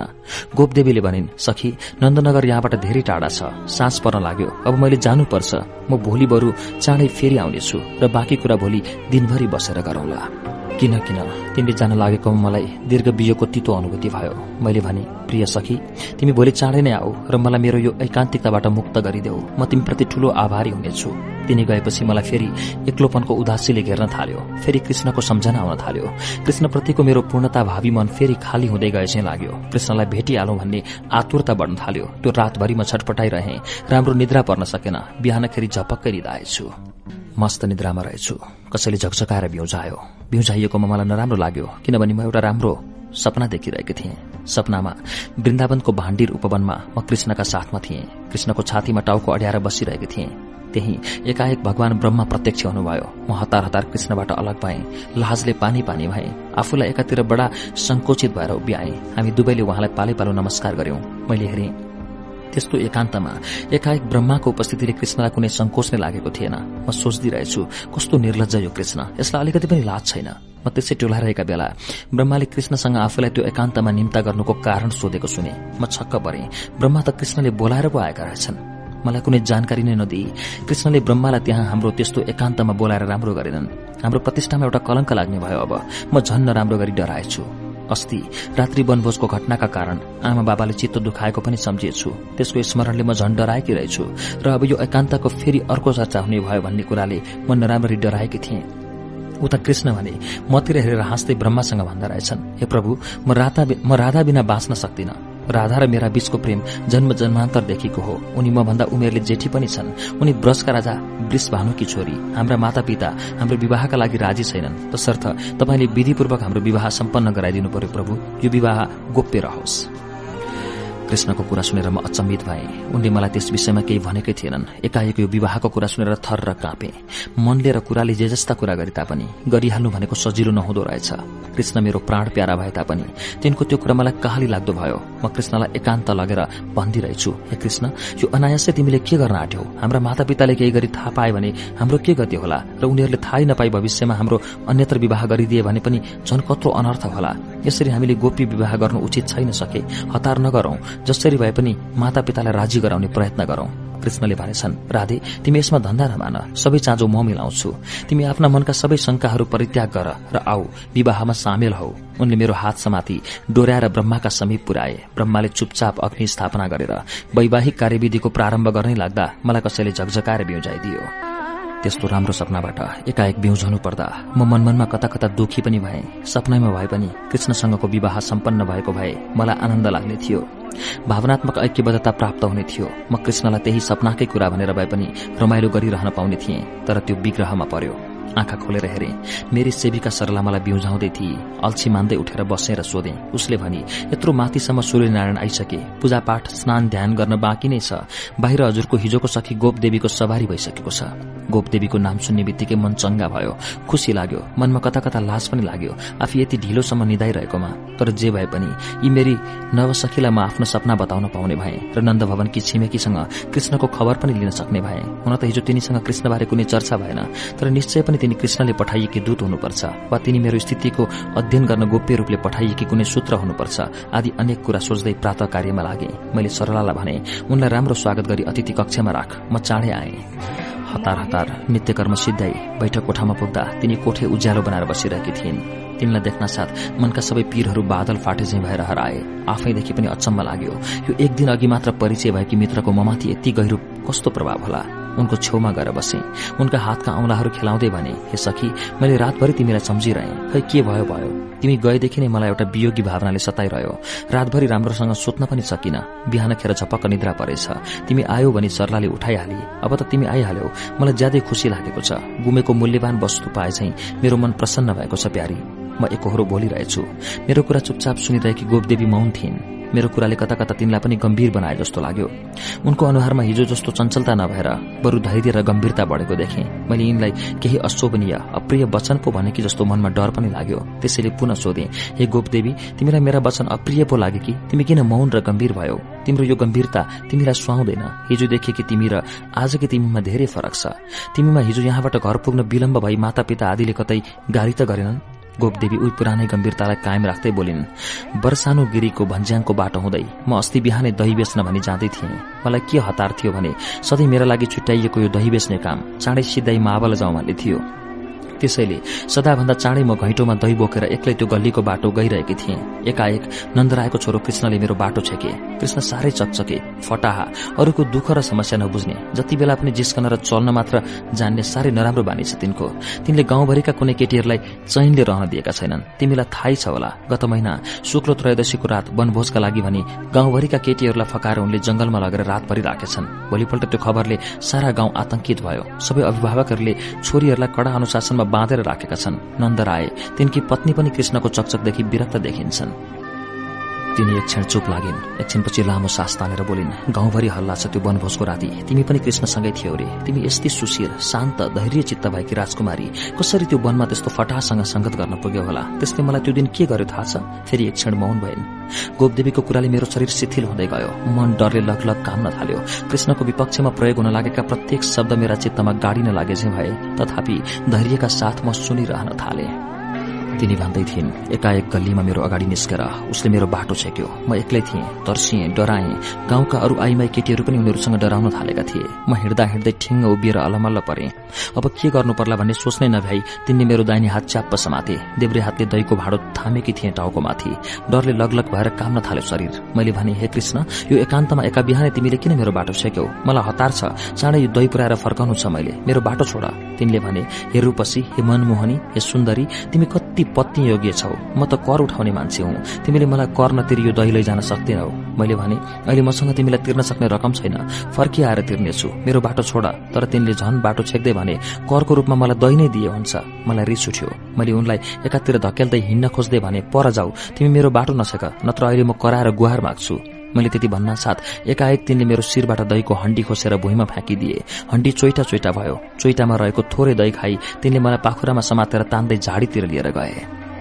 जातको ग्वाला कालो डिङ्गर हेरिन नसक्ने कुरूप कुबुद्धि त्यस दुष्टले मलाई साह्रै अभर पार्यो सकी मैले गुहारसम्म भन्न पाइन। घरमा रुँदै गएँ। आमालाई सबै वृत्तान्त सुनाए। तर तिनले मेरो कुरामा विश्वासै गरिनन्। भनिन् त कुरा पार्छेस्। गाउँका तिमी सबै केटीहरूको चाला मैले बुझेकी छु। गर्ने बेलामा मन परि गर्यो अहिले बहाना पार्यो। मैले सुनेकी थिएँ तिमी कृष्णसँग गहिरो प्रेम गर्छौ। कृष्णलाई नै पाउन अनेक यत्न गर्छौ।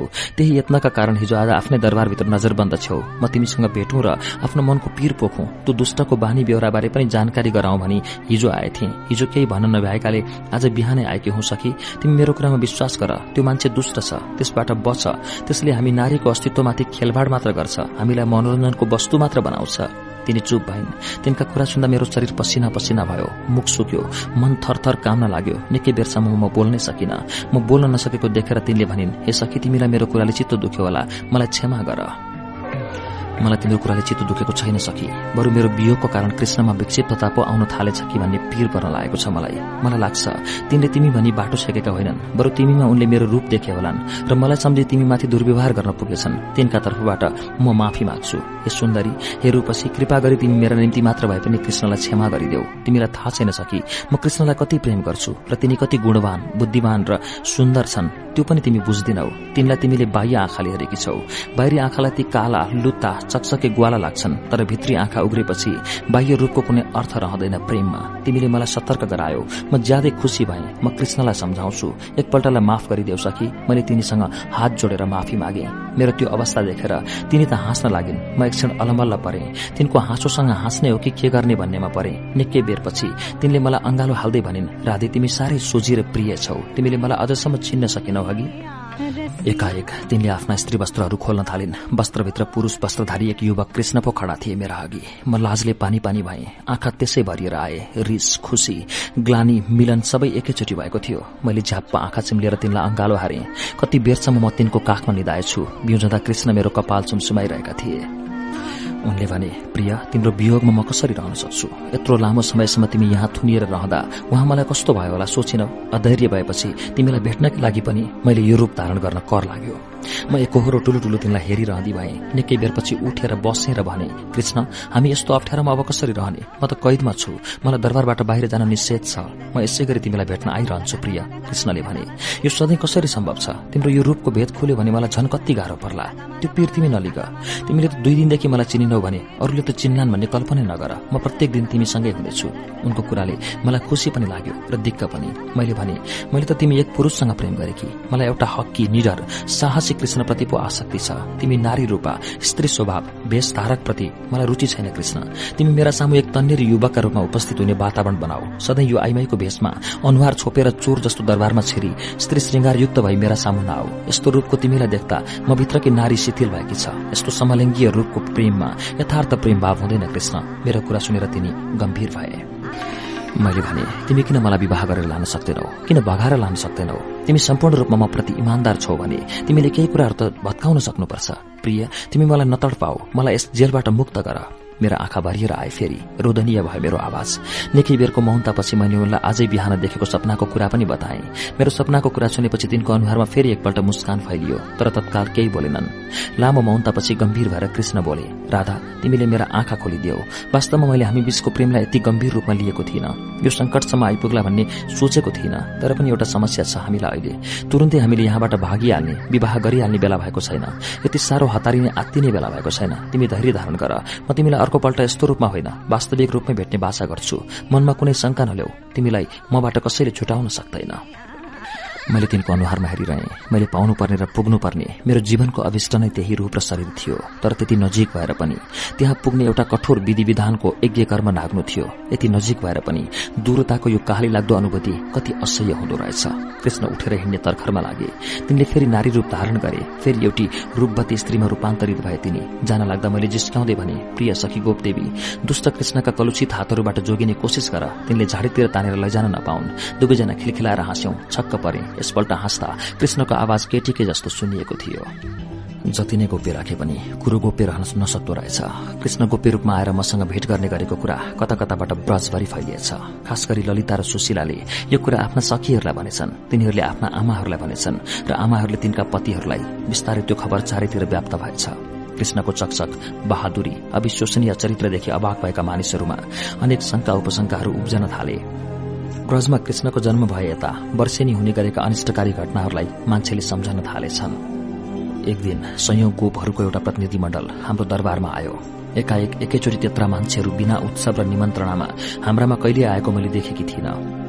दरबारका अरू सेवक सेविकाहरू पनि आश्चर्यचकित भए। सबैलाई स्वागत गरी पिताजीले सभाकक्षमा उनीहरूलाई बसाउनुभयो।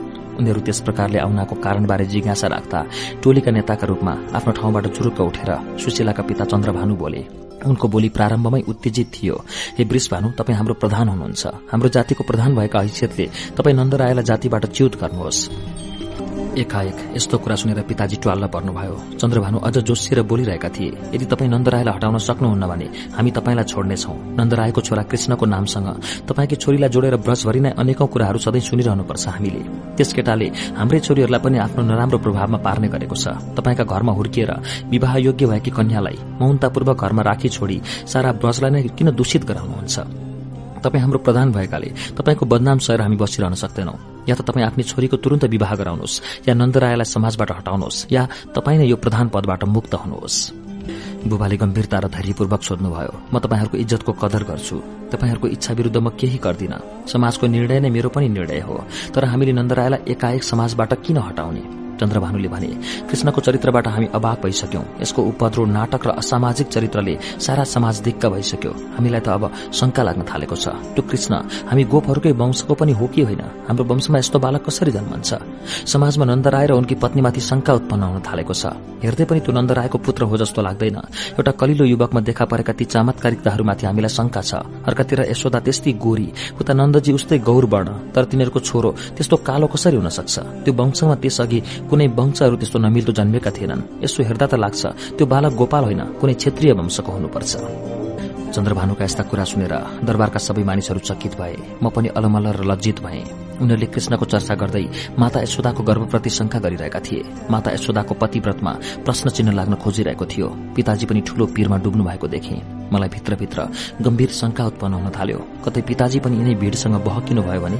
किनकि उहाँलाई पहिलेदेखि कृष्ण र मेरो संगत मन परेको थिएन। अझ जोस जोसमै उनीहरूले भनिदिए तपाईँको पुत्री राधासँग भेट गर्न कृष्ण सधैँ यस दरबारमा गोपिनीको भेष धारण गरी आउँछ। तपाईँहरू के हेर्नुहुन्छ? घरभित्रै आफ्नै छोरी फर्सी झैं कुहिरहेकी छे। बाहिर समाजमा बसिन सक्नु चर्चा छ। हाम्रो इज्जत हो तपाईँ। तपाईँले आफ्नै इज्जत राख्न सक्नुहुन्न भने तपाईँलाई हामीले प्रधान किन मान्ने? बुबाले आफू बसेको ठाउँबाट माथि बारदरीतिर हेर्नुभयो। हामी सबै नारीहरू त्यहाँ थियौं। मेरो अनुहार निलो कालो भयो। आमाले पनि अनौठो पाराले मलाई हेर्नुभयो। मेरो चोरी पक्राउ परेको थियो। सारा शरीरका कोष कोष कम्पित भए। ओठ मुख जिब्रो सब सुक्यो। आँखा पनि तिरिमिरी भए चाहिँ लाग्यो। आज मेरा कारणले पिता माताको यस्तो बदनाम भयो। यो दरबारमा यत्रा मान्छेहरू आएर पिताका अघि मुख छाडिरहेका छन्। अब म के गरौं? धिक्कार होस् मलाई। मेरो जन्मलाई भन्दै आफैलाई धिक्कार्न लागे मनमा नै यहाँ बसेर छलफल सुनिरहन सकिन। ग्लानीले छ्याप्पै भिजेकी थिए। आफ्नो कोठामा आएर बिछोनामा पल्टिए। बिछोनाले नराम्ररी बिजायो घोच्यो। आँखाबाट लगातार आँसु बगिरह्यो। मेरो दिमागमा केही पनि सुझेन। मुक्तिका कुनै बाटाहरू पनि देखिन। बेला बेला त आफ्नै जीवन पनि बेकार जस्तो लाग्न थाल्यो। बाँच्नुको पनि कुनै औचित्य देख्न छोडे।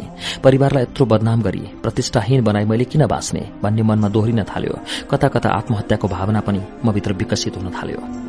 म ओछ्यानमा पल्टेर आँखा चिम्ली अनेक सोच्दा सोच्दै अघि कति बेला निधाएछु सेविकाले हल्लाएर बिउजाई आँखा हेरे। मेरा अघि आमा एकदमै चिन्तित मुद्रामा हुनुहुन्थ्यो। आमालाई देख्न साथ म फेरि रुन थाले। आमा मेरो छेउमा आएर बस्नुभयो। उहाँले मेरो टाउकोमा हात चलाउँदै एकछिन सुमसुमाइरहनुभयो। लामो मौतापछि मैले भने आमा यसमा मेरो केही पनि दोष छैन। उहाँले भन्नुभयो तर हेर आज आफ्नै दरबारमा तिम्रा कारणले पिताजीलाई कति नराम्रो भयो। उहाँ आफ्नो कोठामा घण्टौंदेखि झोक्राएर बस्नुभएको छ। बोल्नुहुन्न बोलाउँदा पनि। तिमीले कृष्णलाई मन पराए पनि उसलाई यहाँ बोलाउनु हुने थिएन। सारा ब्रजभरि नै तिम्रो यो कुकर्मको चर्चा छ अरे तिमी किन बुझ्दैनौ छोरी? त्यो केटो तिमीभन्दा पनि उमेरमा सानो छ। आफूभन्दा कम उमेरका युवकलाई कसरी आफ्नो पुरूष मान्नु? तिमी त वृष भानुको पो छोरी हौ त। तिम्रो तुलना नन्दरायका छोरासँग हुनै सक्दैन। नन्दरायसँग हाम्रो आर्थिक हैसियतले मेल खाँदैन। सामाजिक प्रतिष्ठालाई पनि हेर्नुपर्छ हामीले। मैले केही पनि भनिन तर के बुझिरहेकी थिइनँ भने दुईटा युवक युवतीको आपसी प्रेममा यो हैसियत भन्ने कुरा किन आउँछ? आफ्नो जीवनको प्रारम्भ गर्छन् उनीहरूले आफूहरूको सम्मिलनबाट। बाबुआमाको सम्पत्तिले छोराछोरीको जीवनको आर्थिक भविष्य निर्धारित हुन्छ र आफ्नै बुद्धि र बरकतले पो भविष्य निर्माण गर्ने हो जसले पनि ठूला ठूला राजा महाराजाहरू पनि समयक्रममा एकाएक कंगाल भएका छन्। कृष्ण र मेरा बीचको यो सम्बन्धले नन्दरायको र वृषभानुको आर्थिक ढुकुटी किन खोजेको? आमा भनिरहनु भएको थियो हेर छोरी तिमी पिताजीका सामु गएर क्षमा माग। आजदेखि कृष्णसँगको सम्बन्ध समाप्त गरे भन। तिम्रा लागि पिताजीले यस पृथ्वीका एक भन्दा एक महाराजाहरूका सुपुत्रहरू मध्येबाट वर छनौट गर्नेछन्। यो कलिलो उमेरको उत्ताउलोलाई अब बिर्स। बाबुआमाको इज्जत नै तिनका सन्तान हुन्। हाम्रो सम्पत्ति भनेको नै तिमी नै हौ। तिमी नै व्यवस्थित नभएपछि हाम्रो अरू धन सम्पत्तिको के मान भो र? देखिनौ कसरी सारा गोपहरूले आएर पिताजीका अघि औंला ठडाएर आफ्नै छोरीलाई ठेगानमा राख भनेर गए? म टोलाए जस्तै भए। म कसरी कृष्णलाई बिर्सन वा त्याग्न सक्थे? मेरो मुटुको धड्कन थिए ती। तिनी मेरो शरीरको रोम रोममा थिए। तिनी मेरो फोक्सोको एक एक सासमा थिए। मेरा आँखाका ती ज्योति थिए। कानका ध्वनि तिनी मेरो स्पर्श र जिब्रोका स्वाद थिए। कृष्ण बिना त म नै असम्भव थिए। तर आमा भनिरहनु भएको थियो तिनलाई बिर्स।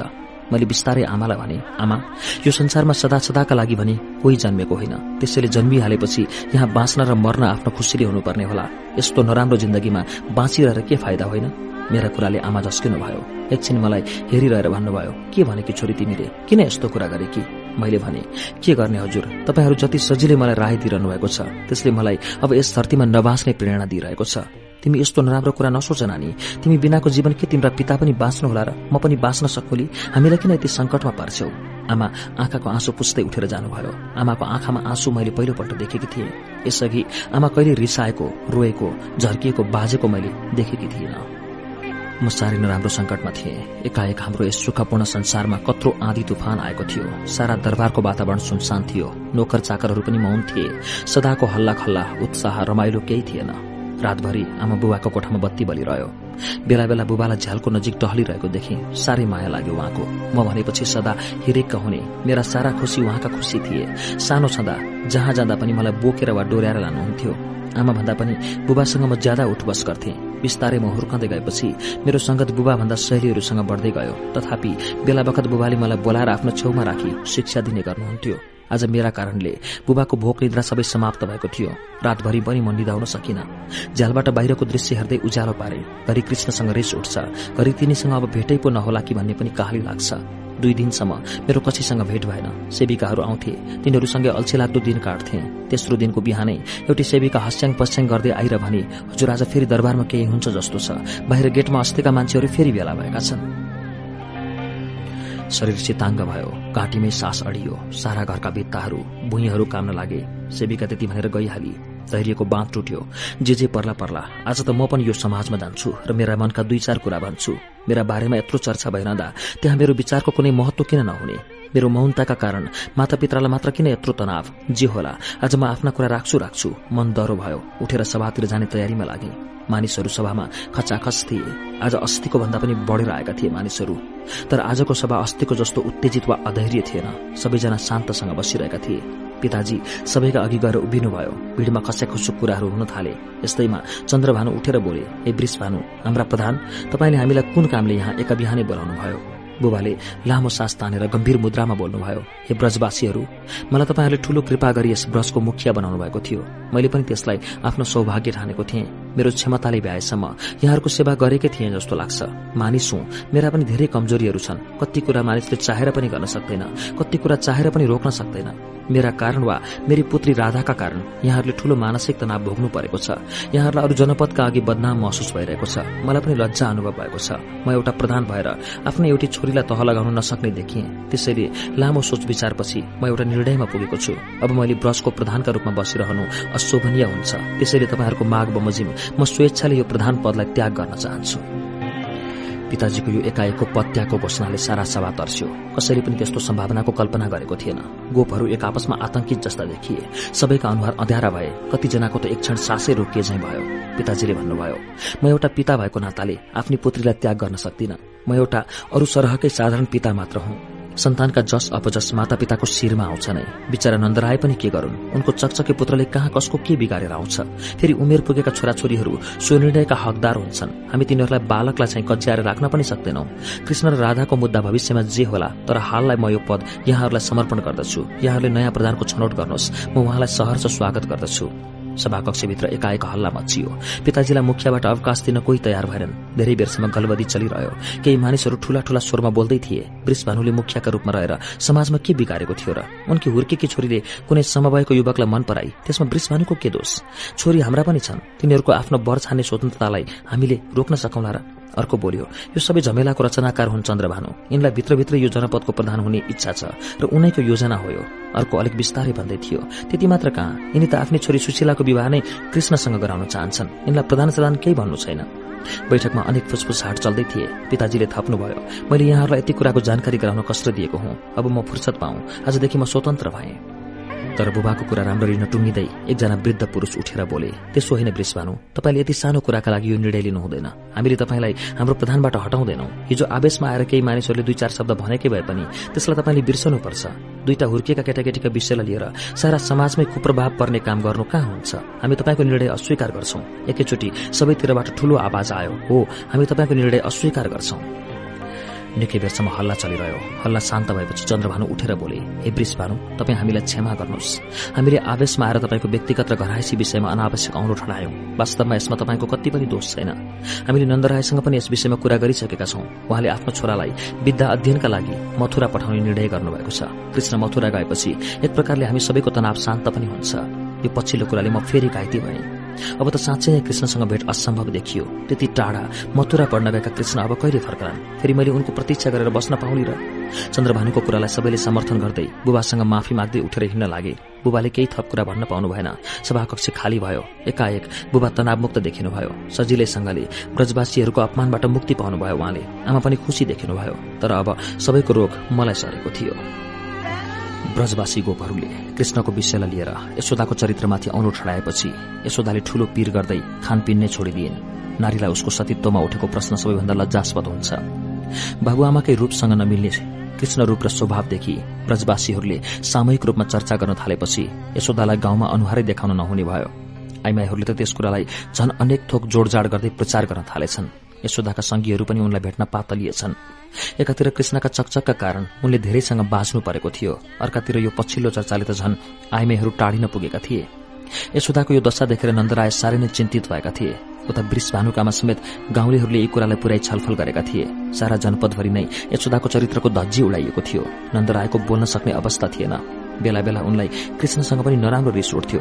वर्षौंदेखि मनमा लुकेर रहेको एउटा काली लाग्दो रहस्यलाई अब पर्दाफाश गर्ने बेला आएको। उनी महसुस गरिरहेका थिए तर त्यसलाई कसरी भन्ने? त्यस कुरालाई यशोदाले सहन गर्लिन् र तिनको यो शोकमा अझ त्यसले नराम्रो असर नपार्ला नन्दराय आफै तनावमा डुबिरहन थाले। एक दिन उनले यशोदालाई सम्झाउन थाले हे प्रिय तिमी किन यस्तो बेपत्ताको चिन्ता लिन्छौ? समाजमा अनेक खाले मान्छे हुन्छन् विचार हुन्छन् त्यतातिर ध्यान नदिएर हामीले आफ्नो वास्तविकतालाई बिर्सनुपर्छ। ठूलो दुःखमा पर्नेछौँ हामी नत्र।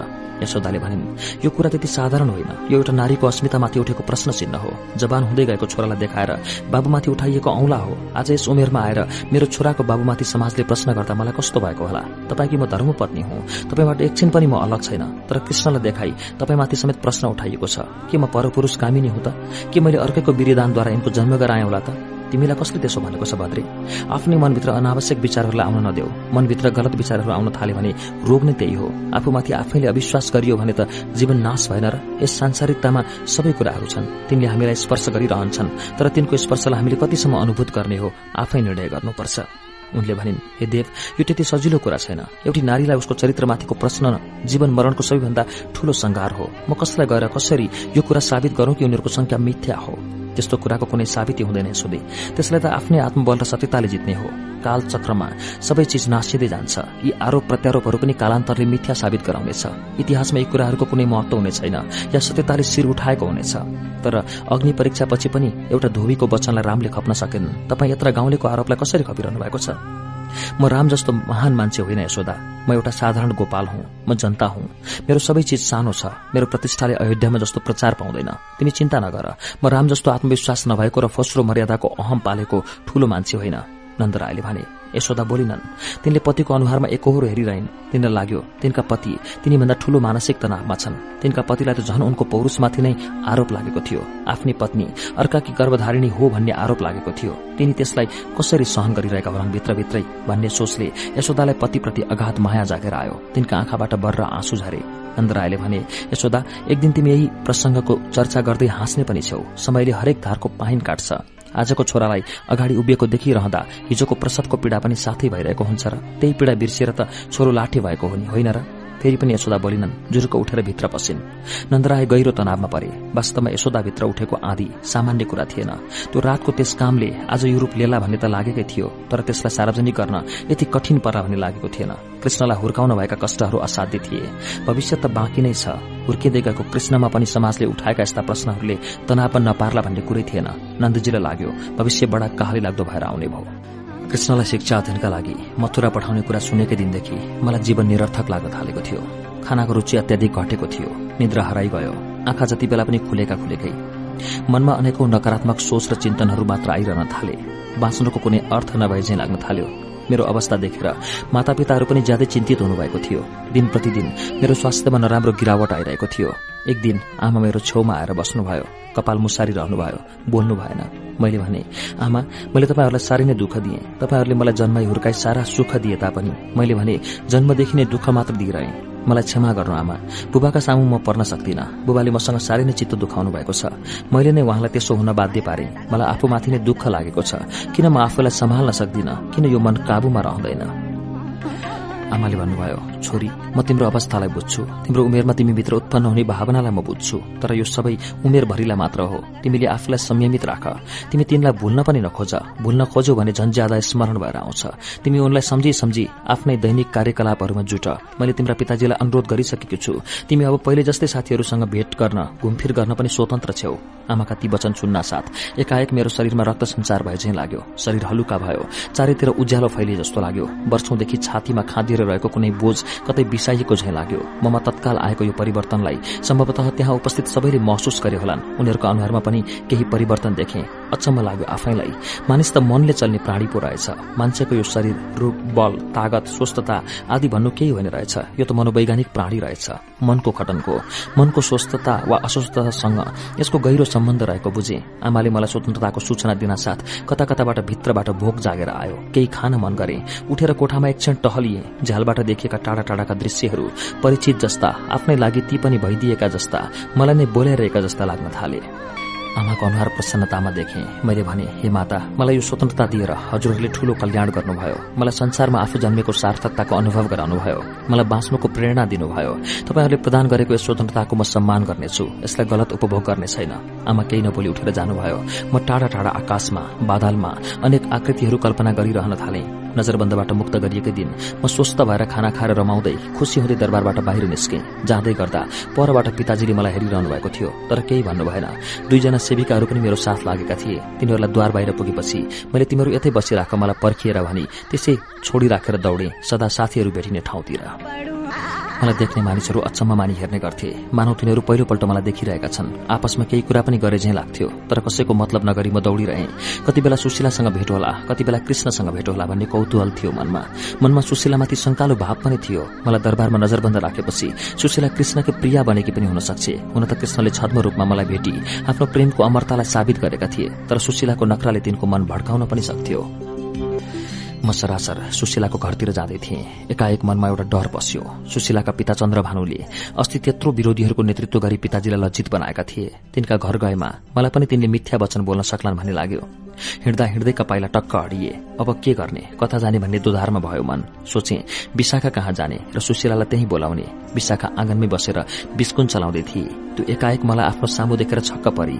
एकछिन टुलु टुलु हेरेर आँखाबाट पर्लक पर्लक आँसु झारी। केही बोल्न सकिन। उसको त्यो अवस्थाले मलाई पनि भावुक बनायो। म पनि अनायासै आँसु बगाउन थाले। विशाखा आएर मलाई अँगाल्दै उभिरहे निकै बेरसम्म। हामी दुवैलाई त्यस्तो अवस्थामा देखिरहेकी विशाखाकी आमाले परैबाट बोलाउनु भयो होइन तिमीहरू त्यही उभिरहन्छौ कि बस्छौ पनि? राधा नानी आऊ यहाँ बसेर कुरा गर। ल यिनीहरू त रुन पो थालेछन्। किन रोएका? भेट भइगयो त अब किन रुन्छौ? तिमीहरूकै उत्ताउलोले त हुने यस्तो परेको। हामीले केही गरेका थिएनौ। आमाका कुरा मैले बुझिन। हामी विशाखाको कोठामा बस्यौं। विशाखाले आँखाको आँसु पुस्दै भनी राधा हामी कसैलाई पनि तिमी र कृष्णसँग भेट्न बन्देज गरेको छ। त्यो रात्रि वनभोजको घटनापछि हामी सबै नजरबन्द छौं। कसैलाई पनि घरबाट निस्कन दिइएको छैन। तिमी र कृष्णका बारेमा साह्रै नराम्रो चर्चा छ जताततै कृष्णसँग हाम्रो नाम जोडेर पनि अनेक दुष्प्रचार छन्। साँच्चै त्यो दिनदेखि हामी कसैको कृष्णसँग भेट भएको छैन। सुनिन्छ कृष्ण पनि हामीसँग साह्रै वियोगी छन् रे एक्लै वनमा गएर घण्टौं मुरली बजाइरहन्छन् रे भन्छन्। कृष्णको वियोगी धुनले गाईवस्तु पनि चर्न छोडेका छन् रे जंगलभरिका वस्तु सबै कृष्णकै वरिपरि भेला भएर एकहोरो मुरलीकै धुन सुनिरहन्छन् रे भन्छन्। विशाखा टाढा कतै हेरेर टोलाए झैं एकहोरो बोलिरही कृष्णको घरमा पनि ठूलो तनाव उत्पन्न भएको छ रे। घर घरमा अचेल कृष्णको जन्मलाई लिएर अनेक अफवाहहरू फैलिएका छन् भन्छन्। धेरैको के भनाइ छ भने कृष्ण नन्दरायका छोरा होइनन्। यशोदा र नन्दरायको गुण केही पनि कृष्णसँग नभएकाले त्यो कुनै क्षेत्रीय वंशको हुनुपर्छ। कृष्णको जन्म शुद्ध छैन भन्दै अस्ति एक हुल मान्छे नन्दरायका घरमा पुगी यशोदा र नन्दरायलाई अनेक थोक भनेछन्। त्यो दिनदेखि यशोदाले भात पानी सब छाडेर अनसन धारण गरेकी छन् रे। विशाखा हाम्रो गाउँका मान्छे किन यसरी बौलाएका? कसले यस्तो पाप विचार तिनको दिमागमा भरिदियो होला। अनि कृष्ण चाहिँ केही बोल्दैनन् बिचरा कृष्ण के बोल्नु? उनकै जन्मलाई प्रश्न उठाएपछि आफू जन्मनुकै विषयमा त उनी पनि कसरी प्रतिवाद गरून्? त्यसको सबै जवाफ त नन्दराय र यशोदामै सीमित छ नि। यशोदाका कुराले म साह्रै व्यथित भए। सास बढेर आए जस्तो मुटु ढुकढुक गरे जस्तो हुन थाल्यो। यत्रो दिनपछि एकाएक धेरै समाचार सुन्नु पर्दा कुन मुख्य हो कुन साधारण हो छुट्याउनै गाह्रो भयो। फेरि सबै सखीहरू आफ्नै घरमा बन्दी जस्ता भएका रहेछन्। सुशीलालाई भेट्न पनि सजिलो छैन जस्तो लाग्यो। विशाखा भन्दै थिए नन्दरायको घर परिवारलाई सारा जनपदले बहिष्कार गरेको छ। जबसम्म कृष्णका बारेमा उनीहरूलाई सन्तुष्ट गराइन्न यशोदा र नन्दरायका कोही नजाने भन्ने प्रचार छ। जान चाहनेहरू पनि डरैले जाँदैनन्। नन्दरायको घर अचेल सुनसान हुन्छ रे। कृष्ण र बलराम पनि साह्रै चिन्तित छन् रे। अस्तिको दिन मात्र सुने। नन्दरायले अब कृष्ण र बलरामलाई विद्या अध्ययनका लागि चाँडै मथुरा पठाउने रे। विशाखाले भनेका सबै कुरा मैले सुनिसकेकी थिएँ। केवल यशोदा माताले भात पानी छोडेको कुरा मात्र मलाई नयाँ भयो। मनमा एक प्रकारको विद्रोही भावना पनि उठ्न थाल्यो। गाउँलेलाई के मतलब कसले के गर्छ कसले के? म जोसँग प्रेम गरूं कि विवाह गरूं? त्यो मेरो रुचि इच्छाको कुरा हो। आफ्नो हित अहित सोच्ने मेरो आफ्नै काम हो। दुःख पाए पनि सुख पाए पनि। संसारमा त्यसको बाँडफाँड कसले गर्ने गरेको छ र? सुखमा सबैले अधिकार जमाउन खोजे पनि दुःखमा कसले साथ दिन्छ र? मानिस आफ्नो जीवनबारे निर्णय गर्न पूर्ण रूपले स्वतन्त्र हुनुपर्छ। मैले विशाखालाई भने विशाखा के हामी सुशीलासँग भेट गर्न सक्दैनौ? उसले तिमी यहीँ बसिराख म त्यसलाई लिएर आउँछु। म विशाखाकै कोठामा बसिरहेको थिएँ। आमा बस्नुभयो उहाँले मलाई निकै बेरसम्म एकहोरो हेरिरहेर भन्नुभयो तिमीहरू बौलाईहरूलाई के भएको यस्तो? कहीँ गाउँको एउटा केटासँग गाउँभरिका सबै जुत्तिनुहुन्छ? लाज नभएका। संसारमा अरू केटै नभए जस्तो। हेर अनुहार गाउँभरिका सबै केटीको हालत एउटै। होइन तिमीहरूले एकैचोटि के खायो त्यसै त यस्तो नहुनु पर्ने लाज डर ग्लानी सबैले छोप्यो मलाई। आमा छेउमा बसेर मेरो टाउको सुमसुमाउँदै बोल्नुभयो छोरी राधा तिमीहरूको अहिलेको यो किशोरी वर्षमा प्राय सबैलाई यस्तै हुन्छ तर यसलाई बुद्धिको पनि साथ चाहिन्छ। हेर आज सारा ब्रजभरि नै कत्रो नराम्रो भएको छ। यस्तो राम्रो मिलेको गाउँ आज भत्ताभंग भएको छ। घर घरमा झगडा छ। एकले अर्कालाई अनेक आरोप प्रत्यारोप गरिरहेका छन्। छोरीहरूका कारणले सारा गाउँ नै सम्बन्ध विच्छेदको अवस्थामा पुगेको छ। तिम्रै पितालाई पनि कति गाह्रो पर्यो भन त। दया गर तिमीहरूको व्यवहारले नै हामी आमा बाबुहरूलाई बाँच्न मदत गर्छ नानी। तिमीहरूले गति छोडे हामीले समाजमा कसरी मुख देखाउनु। म बोल्नै सकिन। दिमागमा कुनै कुरा पनि व्यवस्थित थिएन। सारा संसार नै बिरानो भइसकेछ। अब रमाइला दिनहरू सतालाई सकिएछन् जस्तो लाग्यो। मैले भने आमा हामीले के नराम्रो गर्यौं र? तपाईँहरूले हामीलाई सानैदेखि साह्रै माया दिनुभयो स्वतन्त्रता दिनुभयो। पुरूष र स्त्रीको भेद देखाउनु भएन। केटा र केटीमा मित्रता गर्नु नहुने भन्नु भएन। हामीले त कृष्णसँग पनि केटीसँग जस्तै मित्रता गरेका थियौं। तिनीसँग हाम्रो कुनै अनैतिक सम्बन्ध छैन। तिनले हामीलाई कुनै गलत प्रयोग गरेका पनि छैनन्। एकाएक यो हाम्रो गाउँलाई के दशा लाग्यो? यस्ता बेकामे कुराका आमा बाबुहरू किन बहकिए आमा? म के जानु नानी। लोग्ने मान्छेहरू सन्केपछि हामी आइमाईको केही लाग्दैन। हाम्रो कुरै सुन्दैनन्। रात रातभरि कचहरी बस्छ। कहिले भन्छन् वृष भानुलाई प्रधानबाट हराउनुपर्छ। कहिले भन्छन् नन्दरायलाई गाउँबाट निकाल्नुपर्छ। कोही त यशोदालाई सारा गाउँले सामु उभ्याएर कृष्णको बाबुको परिचय माग्नुपर्छ समेत भन्छन्। यस्ता कुरा हामी नारीले कसरी सहनु? तर के गर्नु? नसहेर पनि के गर्नु? तर आमा हुँदै नभएको कुराको त हामीले प्रतिवाद गर्नु पर्दैन र? तिनीहरूले हाम्रो कुरा सुन्दै सुन्दैनन्। उहाँ निराश भएर उठेर बाहिर जानुभयो। म झन व्यथित भएर बसिरहेँ। हस्याङ फस्याङ गर्दै विशाखा र सुशीला भित्र पसे मलाई देख्न साथ अंगालो हालेर सुशीला रुन थाली। त्यसले यति साह्रो विलाप गर्ली भन्ने मैले कल्पना पनि गरेकी थिइनँ। सदा हाँसिरहने हँसाइरहने विनोद प्रिय थियो। सुशीला सुशीलामा गम्भीरता रोदन पनि होला भन्ने मैले सोचेकी रहेनछु। निकै बेरसम्म त्यो सुकसुकाइरही अनुहार उठाएर हेरे साह्रै नै दुब्ली र खिनौटी भएकी थिए। कति दिनदेखि भात पानी परित्याग गरे जस्तै देखिन्थे। मैले त्यसलाई माया गर्दै दुवै हातले त्यसका हातका औंलाहरू खेलाउँदै भने सुशीला किन यति साह्रो गरे कि? हामीलाई के भएको छ र? हाम्रै मूर्खताले गर्दा केही समयलाई यो दण्ड पाएका हौ। हेर म पनि आजदेखि घरको कैदबाट मुक्त भएकी छु। बाबाले अब मलाई स्वतन्त्र गर्नुभएको छ। मैले आफ्नो अनुहारमा जबरजस्ती हाँसो ल्याउन खोजे। त्यसले मलाई यसरी हेरी मानव पहिलोपल्ट देखिरहेकी छे र मेरो अनुहारका कोष कोषसँग त्यसले परिचय गर्नु छ। भने यसरी दुखी नबन सुशीला हामीले आफ्ना गल्तीहरूलाई पनि विचार गर्नुपर्छ। लामो सास तानेर मलाई नै हेरिरहेर भनी यो सब मेरै कारणबाट भएको राधा। आज गाउँमा जे जति नराम्रो भएको छ त्यसको जड तत्व मै हुँ। मैले नै यो गाउँलाई यस्तो बनाए। अब म कहाँ गएर यो पाप पखालु? कसरी प्रायश्चित गरौं? मैले बुझिन सुशीलाको कुरा। गाउँमा भइरहेको यस्तो वातावरणको जिम्मेदार ऊ कसरी हो? उसले के गर्न सक्थे र? तैपनि सोधे कसरी यो सबैको जिम्मेदार त भए सुशीला तैँले के गरेकी होस् र? राधा मलाई माफ कर सकी म पापी नै हुँ। म स्वार्थी र अन्धी पनि हुँ। मैले आफ्नो मात्र हित चिताएर आज सारा गाउँको अहित भएको छ। ऊ फेरि रुन थाली। निकै बेर केही बोलिन लामो सास तानेर शर्त राखी। तिमीले मलाई मैले जे गरेको भए पनि माफी दिन्छौ भने म आज आफ्ना मनका सारा कुराहरू तिम्रा सामु खोल्छु। भन् सुशीला तैँले जे नै गरेको भए पनि त्यसमा म चित्त दुखाउँदिन र तँलाई आफ्नै प्रिय सखीबाट खसाउँदिन। भन् आज आफ्ना मनका सब कुरा भन् मन हलुको हुन्छ भन्न सकियो भने कति दिनदेखि मैले पनि मनमा कति कुराहरू गुम्साएर राखेको छु। त्यही कुरा त भन्न आज यहाँ दौडिएर आएको छु। पहिला तेरा कुरा भन् त्यसपछि मेरा कुरा सुन। सुशीला घोसे मुन्टो लगाएर भन्न थाली। राधा मैले मनमा नै कृष्णलाई साह्रै नै चाहेकी थिएँ। कृष्णका प्रत्येक व्यवहारले यस्तो लाग्थ्यो। तिनी पनि म भनेपछि हुरुकै हुन्छन्। कृष्ण बात बातमा मलाई काम अराइरहन्थे जिस्किरहन्थे सोधिरहन्थे छेउमा आइरहन्थे छोइरहन्थे र मलाई लाग्थ्यो कृष्ण मेरा हुन् र मेरा मात्र। उनले कतिपल्ट एकान्तमा मलाई भेटेर मेरो रूपको र बानी व्यवहारको प्रशंसा पनि गरेका थिए। ममा रहेको चञ्चलता बोलकर्ता विनोद प्रियताले उनलाई आकर्षित गर्थ्यो। भन्थे तिमीमा यस्तो विलक्षणता कसरी आयो होला? मलाई पनि लाग्थ्यो मेरा सबै साथीहरूमध्ये म विशिष्ट हुँ ममा विशेष गुणहरू छन्। जसका माध्यमले म अरूलाई आफूहरूतिर तान्न सक्छु। घर परिवारमा पनि मैले यस्ता प्रशंसाहरू सुनिरहनु पर्थ्यो। तिमी मेरी सबैभन्दा घनिष्ठ साथी भए तापनि तिमीमा रहेको सादगीपना लज्जालु स्वभाव आफूलाई त्यति प्रकाशित गर्न नचाहने बानी कुनै कुरामा पनि तुरन्त प्रस्तुत नहुने कम बोल्ने खिलखिलाएर नहाँस्ने अलग ढलक भइरहने आदि तिम्रा स्वभावहरूका अघि म कहाँ कहाँ टाढा थिएँ। तिम्रा यी सबै बानीहरू एउटै शील स्वभावयुक्त नारीमा हुने गहना रहेछन् तर ममा पुरूषमा हुने जस्ता स्वभावहरू धेरै रहेछन्। मलाई केटाहरूसँग घुलमिल हुन जिस्किन पनि कुनै संकोच नहुने। तिमी हेरिरहन्थ्यौ। म कृष्णसँग लाडिएर टाँसिन पनि पुग्थे तर मलाई थाहा थिएन। कृष्ण र तिम्रो आन्तरिक सम्बन्धको गहिराई लाग्थ्यो। कृष्णले तिमीलाई मेरी सहेलीका रूपमा हेर्छन् र जिस्काउँछन्। म पनि तिमीलाई जिस्काएर भनिदिन्थे। जाऊ न तिमी आफ्ना कृष्णसँग किन लजाएकी भन्दै तिमी झन लजाउँथ्यौ? तिम्रो मनका कुराहरू मैले कहिले बुझ्न सकिने राधा। कृष्ण त झन रहस्यमै रहेछन्। तिमीले त मलाई होइन तिमीलाई पो प्राण प्रणले माया गर्दा रहेछन्। भित्रभित्रै तिमीहरूको त्यत्रो माया बसेको रहेछ तर त्यसलाई तिमीहरूले पनि प्रकाश पारेनौ। मैले पनि बुझिरहने कोसिस गरिन। म मेरा खुसीका लागि कृष्णको चर्चा गर्थे। तिमी भक्ति निझै आँखा चिमेर सुन्थ्यौ। राधा हामीमा ठूलो अभिव्यक्तताको खाडल रहेछ। कति लामो भूमिका बाँधेकी यसले जस्तो लागिरह्यो मनमा। मलाई वास्तविक कुराको चुरो चाहिएको थियो तर ऊ मानव कुनै आत्मपरक काव्य नै भन्न लागेकी छ।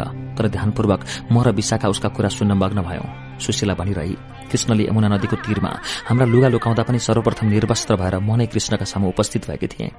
त्यो दिन पनि मलाई त्यति लाज लागेको थिएन किनभने मेरो यो रूपको हकदार पुरूष भनेकै तिनै हुन् भन्ने मेरो सोचाइ थियो र मेरै लागि नै उनी त्यसरी जिस्केका हुन् भन्ने ठाने। तिमी त कृष्ण नहिँडेसम्म पानीबाट पाखा आउँदा पनि आइनौ बरु कृष्णले तिम्रो मात्र लुगा समातेर ननिस्के लुगै दिन्न भनेर कति बेरसम्म अड्डी लिँदा पनि पानीमै डुबेर केही नबोली रोइरह्यौ। अन्त्यमा हार भएर कृष्णले तिम्रा लुगा मेरा हातमा राखिदिएर कस्तो कस्तो अपराधी जस्तो अनुहार बनाएर बाटो लागे। अहिले पनि म सम्झन्छु कृष्णको त्यो अनुहारलाई। मलाई लाग्छ त्यो दिन कृष्णलाई ठूलो आत्मग्लानी भएको थियो। तिनलाई आफ्नो कृत्यप्रति नराम्रो पश्चाताप थियो। असहाय युवतीमाथि बलात्कार गरेको पश्चाताप जस्तो थियो तिनलाई त्यो बेला। मैले सम्झे वास्तवमा कृष्णले गरेको त्यो बदमासी साह्रै नै घटिया स्तरको थियो। सम्पूर्ण यौनाङ्ग विकसित भइसकेका किशोरीहरूलाई त्यस्तो संकटमा तिनले पार्नु नहुने। हुन त हामीले पनि ज्यादती नै गरेका। मध्य दिनमा नदीमा निर्वस्त्र नुहाउनु त्योभन्दा लज्जाहीनता के हुन्थ्यो र? तर हामीले गल्ती नै गरेको भए पनि तिनले एकछिन अल्मलाए पनि निर्वस्त्रै नदीबाट पाखा निस्कन बाध्य चाहिँ गर्न नहुने। म त बरु त्यहीँ डुबेर मर्थे होला। सुशीलाहरू जस्तो पाखा निस्कन सक्ने थिइनँ म आफ्नै स्मृतिमा डुबिरहेको भए पनि सुशीला बोलिरहेकी थिए वनभोजको रात मैले जीवनको महत्वपूर्ण रात हुने ठानेकी थिएँ। कृष्णलाई आफ्ना मनका वास्तविक कुराहरू बताएर प्रेमको औपचारिक प्रस्ताव गर्ने सोचेकी थिएँ। मलाई लागेको थियो कृष्णले आयोजना गरेको यो रात्रि वनभोजका पछि उनको पनि केही अविष्ट निश्चय छ। हामी त्यहाँ पुग्दा पनि कृष्णले सर्वप्रथम मलाई नै सम्बोधन गर्दै स्वागत गरेका थिए।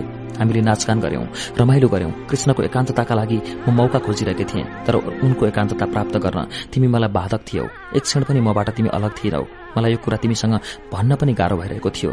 किनभने कृष्णप्रति तिम्रो पनि राम्रो झुकावको अनुभव मैले गरिरहेकी थिएँ। मैले सोचे नाचगान रमाइलो गरी एकपल्ट साथीहरू थाक्छन् र भान्सातिर लाग्छन्। त्यस्तै मौकामा म कृष्णसँग एकान्त उपभोग गराउँली त्यही सोचेर मैले तिमीलाई पनि जबरजस्ती नचाहे गल्ने गरी तर तिम्रो नाच देखेर म छक्कै परे। तिमी त्यति राम्रो नाच्न जानौली भन्ने त सपनामा पनि सोचेकी थिएन। तिम्रो नृत्य देखेर कृष्ण यस्तो लाटिए जस्तो भए मलाई कृष्णको त्यो एकोराई मन नै परेन।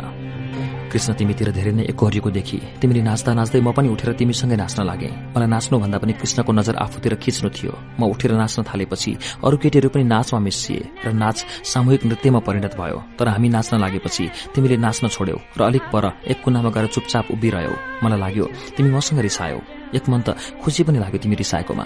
तिमी सधैँ नै रिसाएर मबाट टाढिए पनि मलाई कृष्णसँग उठबस गर्न सजिलो पर्थ्यो जस्तो लाग्यो मनमा। नाच सकियो। योजना अनुसार सबैलाई पाकशालातिर लिएर गए र उनीहरूलाई एक एकवटा काम जिम्मा दिएर तम्बुभित्र आउँदा तिमीहरू दुवै थिएनौ। म अलमल्ल परे। कृष्णले मलाई छोडेर त्यसरी तिमीलाई लिएर हिँड्लान् भन्ने मैले सपनामा पनि सोचेकी थिइनँ। मेरो शरीर ल्याक्लुरुक भयो। मन भरङ्ग भएर आयो। रिस दिगदारी आवेश एकैचोटि उत्पन्न भयो। म तम्बुभित्र थुचुको भुइँमा बसे।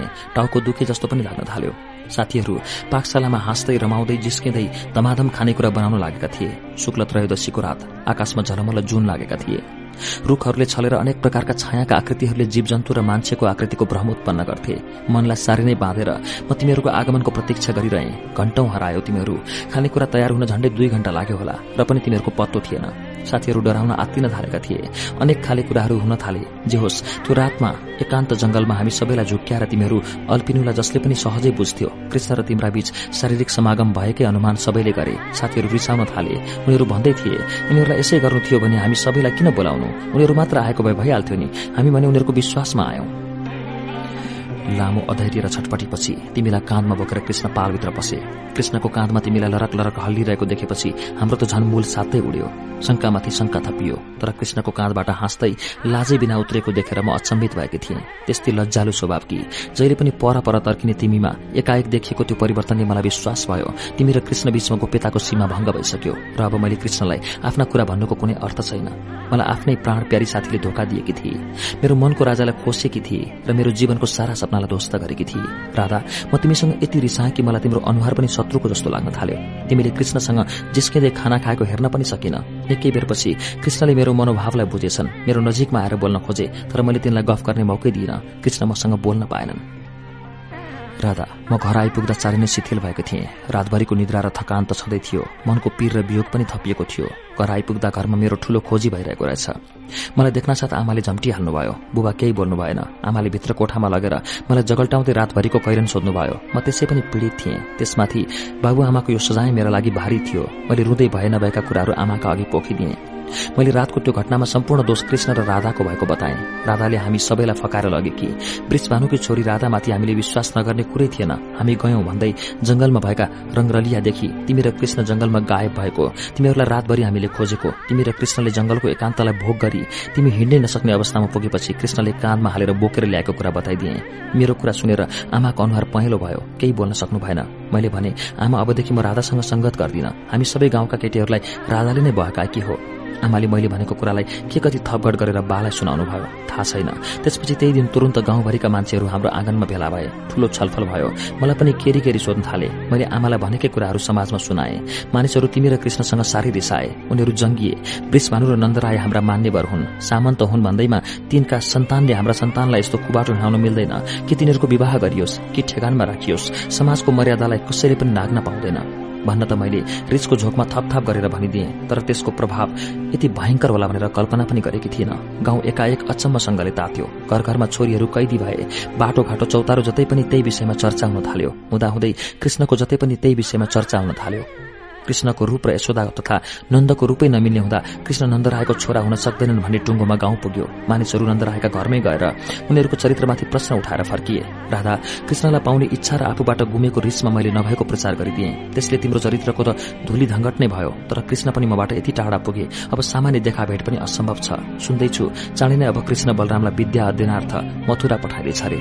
राधा मेरै कारणले हामीबाट कृष्ण सदाका लागि टाढिए। तिमीले पनि तिनलाई पाउन नसक्ने भयो। मैले आफ्नो स्वार्थलाई बिर्सिदिए। देखि भए यस्तो नराम्रो हुने थिएन गाउँमा। मलाई क्षमा गर सकी म मूर्ख रहेछु। मैले आफ्नो एकपक्षीय अन्धो प्रेमको बसमा परेर यो अपराध गर्न पुगे। सुशीला यति भनेर घोप्रो परेर रुन थाली। त्यसका कुरा सुनेर म अलमल्ल भएँ।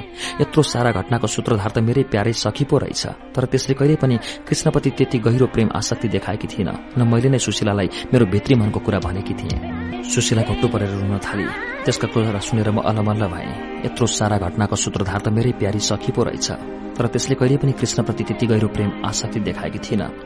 न मैले नै सुशीलालाई मेरो भित्री मनको कुरा भनेकी थिएँ। सुशीला अब जे भयो त दुःख नमान। संसारमा भइरहने घटना दुर्घटनाका तत्कालीन कारणहरूले कसैलाई दोषी देखाउँछ तर वास्तवमा त्यो कुनै एक व्यक्ति वा विषय मात्र त्यसको दोषी हुँदैन।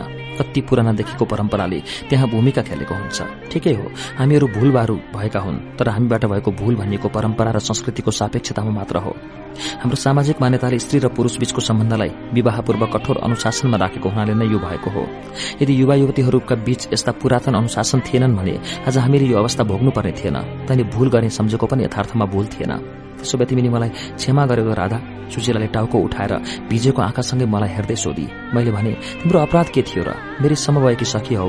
मलाई एउटा राम्रो सुन्दर युवकप्रति रुचि बढ़िरहँदा त्यही भाव तिमीमा नआउने कुरा असम्भव थियो। तिमीले कृष्णलाई मन पराउनु चाह गर्नु तिनीसँग घुलमिल हुन खोज्नु स्वाभाविक थियो। त्यो रात कृष्ण र मेरो एकान्तमा असामाजिक पनि हो। हामीले तिमीहरूलाई छाडेर त्यसरी अल्पिलो नहुने। मलाई लाग्छ सुशीला हामीबाट जानी नजानी भावुकतावश केही अमर्यादित कामहरू भए जसको परिणाम हो यो वर्तमान। तर अब हामीले यस अवस्थाबाट हाम्रो समाजलाई मुक्त गर्नुपर्छ भन्न त मैले ज्ञानी जस्तो भएर भने सुशीलालाई सम्झाएँ पनि तर म भित्र त्यत्रो ठूलो आत्मबल थिएन। म आफ्नै घरमा नजरबन्द भएर आजै मात्र मुक्त भएकी थिएँ। मन धेरै कमलो छ यो अनियन्त्रित पनि। मलाई आफैलाई काबुमा राख्न कठिन भएको थियो। मैले सोधेँ अनि अचेर कृष्ण कहाँ छन् त? के गर्छन्? विशाखाले भने कृष्णको अवस्था झन बेहाल छ। उनी एक्लै वन वन डुल्छन् वियोगी धुन बजाउँछन् गाउने रुने गरी मुरली फुकिरहेका हुन्छन्। कसैसँग राम्ररी बोल्दैनन् पनि सुधामासँग भेट भएको थियो हिजो। तिनी भन्थे कृष्ण एकदम एकान्त प्रिय भएका छन् र तिनका चकचक छटपट सबै गायब छन्। तिमीहरूले रात्रि वनभोजमा कस्तो बवाल गर्यो? सुधामा धेरै चिन्तित छन्। कृष्णका सबैभन्दा प्रिय मित्र सुधामा कृष्णको दुःख देख्न सक्दैनन् तर तिनले पनि कृष्णको मुख खोल्न सकेका छैनन्। कृष्ण किन त्यति मौन छन् र उनी के सोचिरहेका छन् भन्ने थाहै भएको छैन? विशाखा बोली हामीले यति चाँडै कृष्णसँग भेट गर्नु हुँदैन। गाउँलाई अलिक शान्त हुन दिनुपर्छ। गाउँले कुरो बुझ्नुपर्छ। तिमी र सुशीला मात्र कहाँ हामी? सैतिसजनालाई अहिले घर घरमा कैद राखेको छ। हाम्रै एक आपसमा भेट छैन। कसैलाई घरबाट निस्कन दिएको छैन। तर यो त साह्रै अन्याय भयो नि विशाखा। मलाई सबैभन्दा ज्यादा माया लाग्यो यशोदाको। यो बुढेसकालमा आएर आज तिनको सतीत्वमाथि औँलो उठाउनु कति घोर अन्याय थियो। कृष्ण आज आएर कालो रूप नमिलेको भएको होइन। जन्मदै तिनी त्यस्तै थिए। यी शंकाहरू त्यसै बेला जाहेर हुनुपर्ने। यत्रो वर्षपछि आज कताबाट न्यू पाउ भइरहेका बेला सानो कुरालाई लिएर यो समाजले आफूलाई यति तल नझार्नु पर्ने मलाई जसरी भए पनि एकपल्ट कृष्णलाई भेट्ने मन थियो। तिनले गोपदेवीको रूप धारण गरेर पनि मलाई भेटिरहन्थे। तर गाउँमा एकाएक यो होहल्ला भएपछि त्यो पनि बन्द भएको छ। मेरा प्यारा कृष्ण आज एक्लै यो समाजसँग जुधिरहेका छन्। तिनका साथीहरू कोही छैनन्। उनी यस्तो नराम्रो प्रसंगले थिचिएका छन् जसका बारेमा कुरै गर्नु पनि लाज मर्दो छ। उनी स्वयं केटीहरूसँग अनैतिक सम्बन्धले आलोचित छन् र त्यो आलोचना उनकै मातासम्म तन्किँदै उनको जन्ममाथि नै प्रश्न चिन्ह बनेको छ। मैले अनेक जुक्ति गर्दा पनि कृष्णसँग भेट गर्न सकिन। आखिर त्यही घटना कृष्णसँग हाम्रो दीर्घ वियोगको कारण बन्न गयो। नन्दरायले गाउँको यो दबावलाई खप्न नसकी आफ्ना प्यारा छोराहरूलाई गाउँबाट टाढा राख्ने निधो गरेछन्। कृष्ण र बलराम मथुरा जाने भन्ने कुरा सारा ब्रजभरि नै व्याप्त भयो। धेरै बाबुआमाको शिरबाट एउटा ठूलो बोझ घटे चाहिँ अनुभव गरे तर हामी छोराछोरीहरूमा भने बियोको डरलाग्दो कालो छायाले प्रवेश गर्यो। जता पनि कृष्णै कृष्ण देख्थ्यौं हामी। तिनको अनुपस्थिति तिनी नहुनु हामीलाई खल्लो थियो। हामीले कसैले आँट गर्न नसकेको काम तिनले कति सजिलै गरिदिन्थे तर विद्या अध्ययन गर्न जाने कुरालाई हामीले नराम्रो मान्नु हुने पनि थिएन। बुद्धिले जति नै तर्कपूर्ण र व्यवहारिक कुरा सोचे पनि मन बुद्धिको नियन्त्रणमा नहुँदो रहेछ। भित्र कहाँ चिसो भएर आउँछ। संसारै विरक्त लागेर आउँछ। अब यस्तैकी उता बाँच्नुको औचित्य समाप्त भए चाहिँ लागेर आउँछ। कृष्णका सम्बन्धमा सम्झन कुरा गर्न र तिनीप्रति आफ्नो साख्य भाव व्यक्त गर्न अब मलाई कुनै लाज डर धक केही पनि थिएन। मैले एक दिन खोलेर भनिदिएँ आमालाई आमा हजुर यो भन्न अब मलाई कुनै शरम छैन। म कृष्णकी प्रिया हुँ। तिनी बाहेक मेरो जीवनमा अब अरू कोही आउन सक्दैन। कृष्ण जो हुन् जस्ता हुन् जहाँ जाउन् तर म तिनी बाहेक अरू कसैको प्रतीक्षा गर्दिन। आमाले मेरा कुरा सुनेर केही पनि भन्नु भएन। मेरो अनुहारमा एकहोरो हेरिरहनु भयो। लामो मौनतापछि बिस्तारो मसिनो आवाजमा बोलेको सुने सबै छोरीहरूले तिमीले जस्तै धक नमानी आफ्नो कुरा भन्न सके कति राम्रो हुन्थ्यो। तिम्रो उमेरमा मैले पनि यस्तै निर्णय लिन सकेकी भए कस्तो हुन्थ्यो होला? आमाको कुराले म जससँग भए तर केही प्रश्न गर्न सकिन। उहाँ केही भित्री कुरा आफैसँग गरिरहनु भएको थियो। आफैभित्र पश्चाताप बोल्दै हुनुहुन्थ्यो। कता कता उहाँका आँखाका कोष कोषमा आँसु किनार लागे चाहिँ देखे। मैले भने कृष्ण विद्या अध्ययनका लागि मथुरा जाँदैछन् रे। उनी जहाँ जाउन् तर म उनकै प्रतीक्षा गर्छु। मलाई हजुरले सघाउनु पर्छ। छोरी। हामी नारीहरूले कहाँ त्यत्रो हट लिन सक्छौ? पतिका अघि हाम्रो हट त्यति डर हुँदैन। तिम्रा पिताको निर्णयलाई मैले बदल्न सकुली जस्तो लाग्दैन। फेरि तिम्रा पिताको जिम्मामा सारा व्रत छ। उहाँले आफ्नो खुसीले जे पनि निर्णय गर्न सक्नुहुन्न हाम्रो घरभित्रको जीवन पनि निजी छैन। हाम्रो एक एक पारिवारिक घटना र विषयहरू ब्रजवासीको प्रतिष्ठासँग जोडिएको हुन्छ। अन्त्यसम्म म तिमीलाई मदत गर्न सकुली जस्तो लाग्दैन बाबा। उहाँ जुरुको उठेर हिँड्नुभयो। मैले आज आमामा अनौठो द्वन्द देखेँ। उहाँले आफ्नो कुनै पुरानो अतीतलाई नजिकैबाट स्मरण गर्नुभए चाहिँ लाग्यो। वर्तमान जीवनप्रति कर्तव्य मात्र गरिरहेकी तर आफ्नै जीवन त कहाँ अन्धकारमा छोडिराखेर आएकी झैँ देखेँ उहाँलाई। पिता वृषभानुकी पत्नी भएर पनि आमा अन्य कसैकी प्रिया रहेको मैले अनुभव गरेँ। कृष्णको मथुरा जाने सम्पूर्ण तयारी पूरा भएछ। मलाई प्रत्येक दिन विशाखाले यी समाचारहरू सुनाइरहन्थे। सुशीलाको ठाउँ अब विशाखाले लिएकी थिए। सुशीला आफैभित्र पश्चातापले डुबेकी थिए। ऊ पहिला चाहिँ चञ्चल अब थिएन। उसमा अत्यधिक गम्भीरता बढेर गएको थियो। ऊ आमा बाबु र समाजबाट धेरै त्रसित थिए। ऊ मेरो घरसम्म आउन पनि अब आँट नगर्ने भएकी थिए। त्यसलाई मैले कति नै सम्झाएर पहिलाकै जस्तै पार्न खोज्दा पनि सकिन। विशाखाले एक दिन खबर ल्याई कृष्ण मथुरा जानु अघि तिमीसँग भेटेर मात्र जान्छन् रे। उनले भनेका छन् राधा भनेको तिमी मात्रै होइनौ रे उनको जीवनको अभिन्नता पनि हो रे। उनको बाँच्नको उद्देश्य र प्रेरणा तत्व समेत राधा हो रे। त्यसैले तिमीले उनका लागि सदा वियोग गरी चिन्ता नगर्नु। तिमी सदा प्रसन्न रहनु भनी खबर पठाएका छन्। यो खबरले एकाएक मन प्रसन्न भएर आयो। मनको अति गरौं भारी कतै बिसाए झै भयो। मलाई यत्रो घटनापछि तिनी के सोच्दछन्? तिनको मौनताको के अर्थ छ? तिनी मेरा पिता प्रिस भानुसँग रिसाएर मलाई नै पो बिर्सने हुन् कि भन्ने डर लागिरहेको थियो। तर खबरले कृष्णमा कुनै हलचल नआएको पाएर सन्तुष्ट भए। मथुरा जाने सारा तयारी पूरा भएछ। गाउँभरिका समकालीन साथीहरूमा ठूलो वियोगमय आँसु थियो। कृष्णको मथुरा जाने कुराले सबैभन्दा धेरै दुखी हुने युवक थिए। सुदामा एक गरीब ब्राह्मणका अपाङ्ग छोरा सुदामा कृष्णका सबैभन्दा प्रिय मित्र थिए। तिनलाई कृष्णले जहाँ जाँदा पनि सँगै लान्थे मद्दत गर्थे। कृष्णको करूणा पाएर सुदामा पनि हामी नै आत्मबलयुक्त भएका थिए। उनलाई आफ्नो आर्थिक हीन भावनाले कुनै प्रभाव पारेको थिएन। एक दिन तिनले मलाई भने राधा तिमीलाई परेको पीर मैले बुझेको छु तर अहिले हामी कृष्णलाई रोक्न पनि सक्दैनौ। उनी हाम्रा प्रिय हुन्। उनले धेरै ज्ञान हासिल गरेको ठूलो मान्छे भएको। चारैतिर कृति फैलाएकोमा हामीले खुशी हुनुपर्छ। कृष्ण त्यस्ता निष्ठुरी छैनन्। मैले भने कृष्णको सफलताका लागि हामीले जन्म जन्मान्तर पर्खन सक्नुपर्छ। तिनलाई यो ठूलो संसारमा तिमी एक्लै छैनौ भन्ने हामीले ज्ञान दिनुपर्छ सुदामा। तिमी कृष्णलाई एकपल्ट मलाई भेट्नु भन न। कृष्ण त मदेखि टाढा भागे चाहिँ गरिरहेका छन्। उनले भने राधा तिमीलाई नभेटी उनी जाँदैनन्। उनले मलाई भनिसकेका छन्। नभन्दै एक दिन कृष्ण मलाई भेट्न घरमै आए। कृष्णलाई सरासर आएको देखेर म डरले लगलग भए। पिताले देख्नुहोला भन्ने कुराले भित्र कहाँ थरथर भयो तर कृष्ण कुनै धकै नमानी सरासर आइरहे परैबाट सबैले देखे तिनी आउँदै गरेको। आफ्नो कोठाको झ्यालबाट आमा बाबाले पनि देख्नुभयो। काम गरिरहेका नोकर चाकरहरूले आफ्ना कर्मस्थलबाट देखे। मसँग बसिरहेका सखीहरू विशाखा बिन्दा माद्रिका तिलोत्तमा उर्मिला र सुशीहरूले पनि देखे। म बसेकै ठाउँमा लाटिए जस्ती भए। मलाई आफ्नो अव्यवस्थित नै विस्मृत हुँदै गए झै लाग्यो। लाज डर पीड़ा र खुशी सबै एकैसाथ थिए। कृष्ण मेरा घरमा निर्धक्क आउँदै थिए। कति महान कुरा। तिनी मेरा प्रेमीका रूपमा मेरै घरमा आमा बाबुका सामु थिए। कति लाज लाग्दो कुरा कति डर लाग्दो पनि। ती यत्रो लामो अन्तरालपछि आज मलाई भेट्न आउँदै थिए। कत्रो खुशीको कुरा। र तिनी अब ब्रजलाई अन्तिम नमस्कार गरी लामो समयका लागि मथुरा जाँदै थिए। कति पीड़ादायी वियोगको संहार पनि। तर जे जे भए पनि तिनी मेरा सामु थिए मेरा अगाडि। चन्द्रमा जस्तो उज्यालो थियो तिनको अनुहार। आँखामा अनौठो ज्योति। तिनी अलिकति पनि चिन्तित थिएनन्। एक रत्ती घटेका पनि रहेनछन्। हातमा मुरली छँदै थियो। कपालमा मयूरको प्वाख धारण गरेका सिकुटी अग्ला अनार झैं मिलेका दाँत लामा लामा औला चौडा निधार कानमा कुण्डल झुण्डिएका मुसु मुसु हाँस्दै मेरा अघि उभिएका तिनलाई देखेर म लाठिए जस्तो भएछु। अघि कति बेला साथीहरूले एकान्तता दिइसकेछन्। कृष्ण मेरा छेउमा बसे। तिनले मेरा दुवै हात आफ्ना हातमा लिए। आँखामा आँखा गाडेर हेर्दै बोले राधा तिमी किन यस्ती भएकी? मैले तिमीलाई रात्रि वनबोसका बेला भनेका सबै कुरा बिर्स्यौ। तिम्रो यो अवस्था देख्दा कि म सुखी होला आनन्दित होला भन्ने सोचेकी छौ प्रिय। यस संसारमा मान्छे भएर जन्मेपछि अनेक प्रकारका कर्तव्यहरू निर्वाह गर्नुपर्छ। भावुकता मात्र जीवनको सबै क्षण कहाँ हुन्छ र? जीवनमा गम्भीरता कठोरता निष्ठुरता अभिमान घमण्ड दया सब चिज हुन्छ। हामीले जीवनका अनेक रूपहरूको खेल खेल्नुपर्छ राधा। तर ती खेलहरू खेलिरहेको बेला पनि म को हुँ र के खेल खेल्दैछु भन्ने ज्ञान आफूमा राख्नुपर्छ। हेर प्रिय अहिले म उच्च विद्या अध्ययनका लागि मथुरा जाँदैछु। तर तिमीबाट टाढा अलग भएर होइन।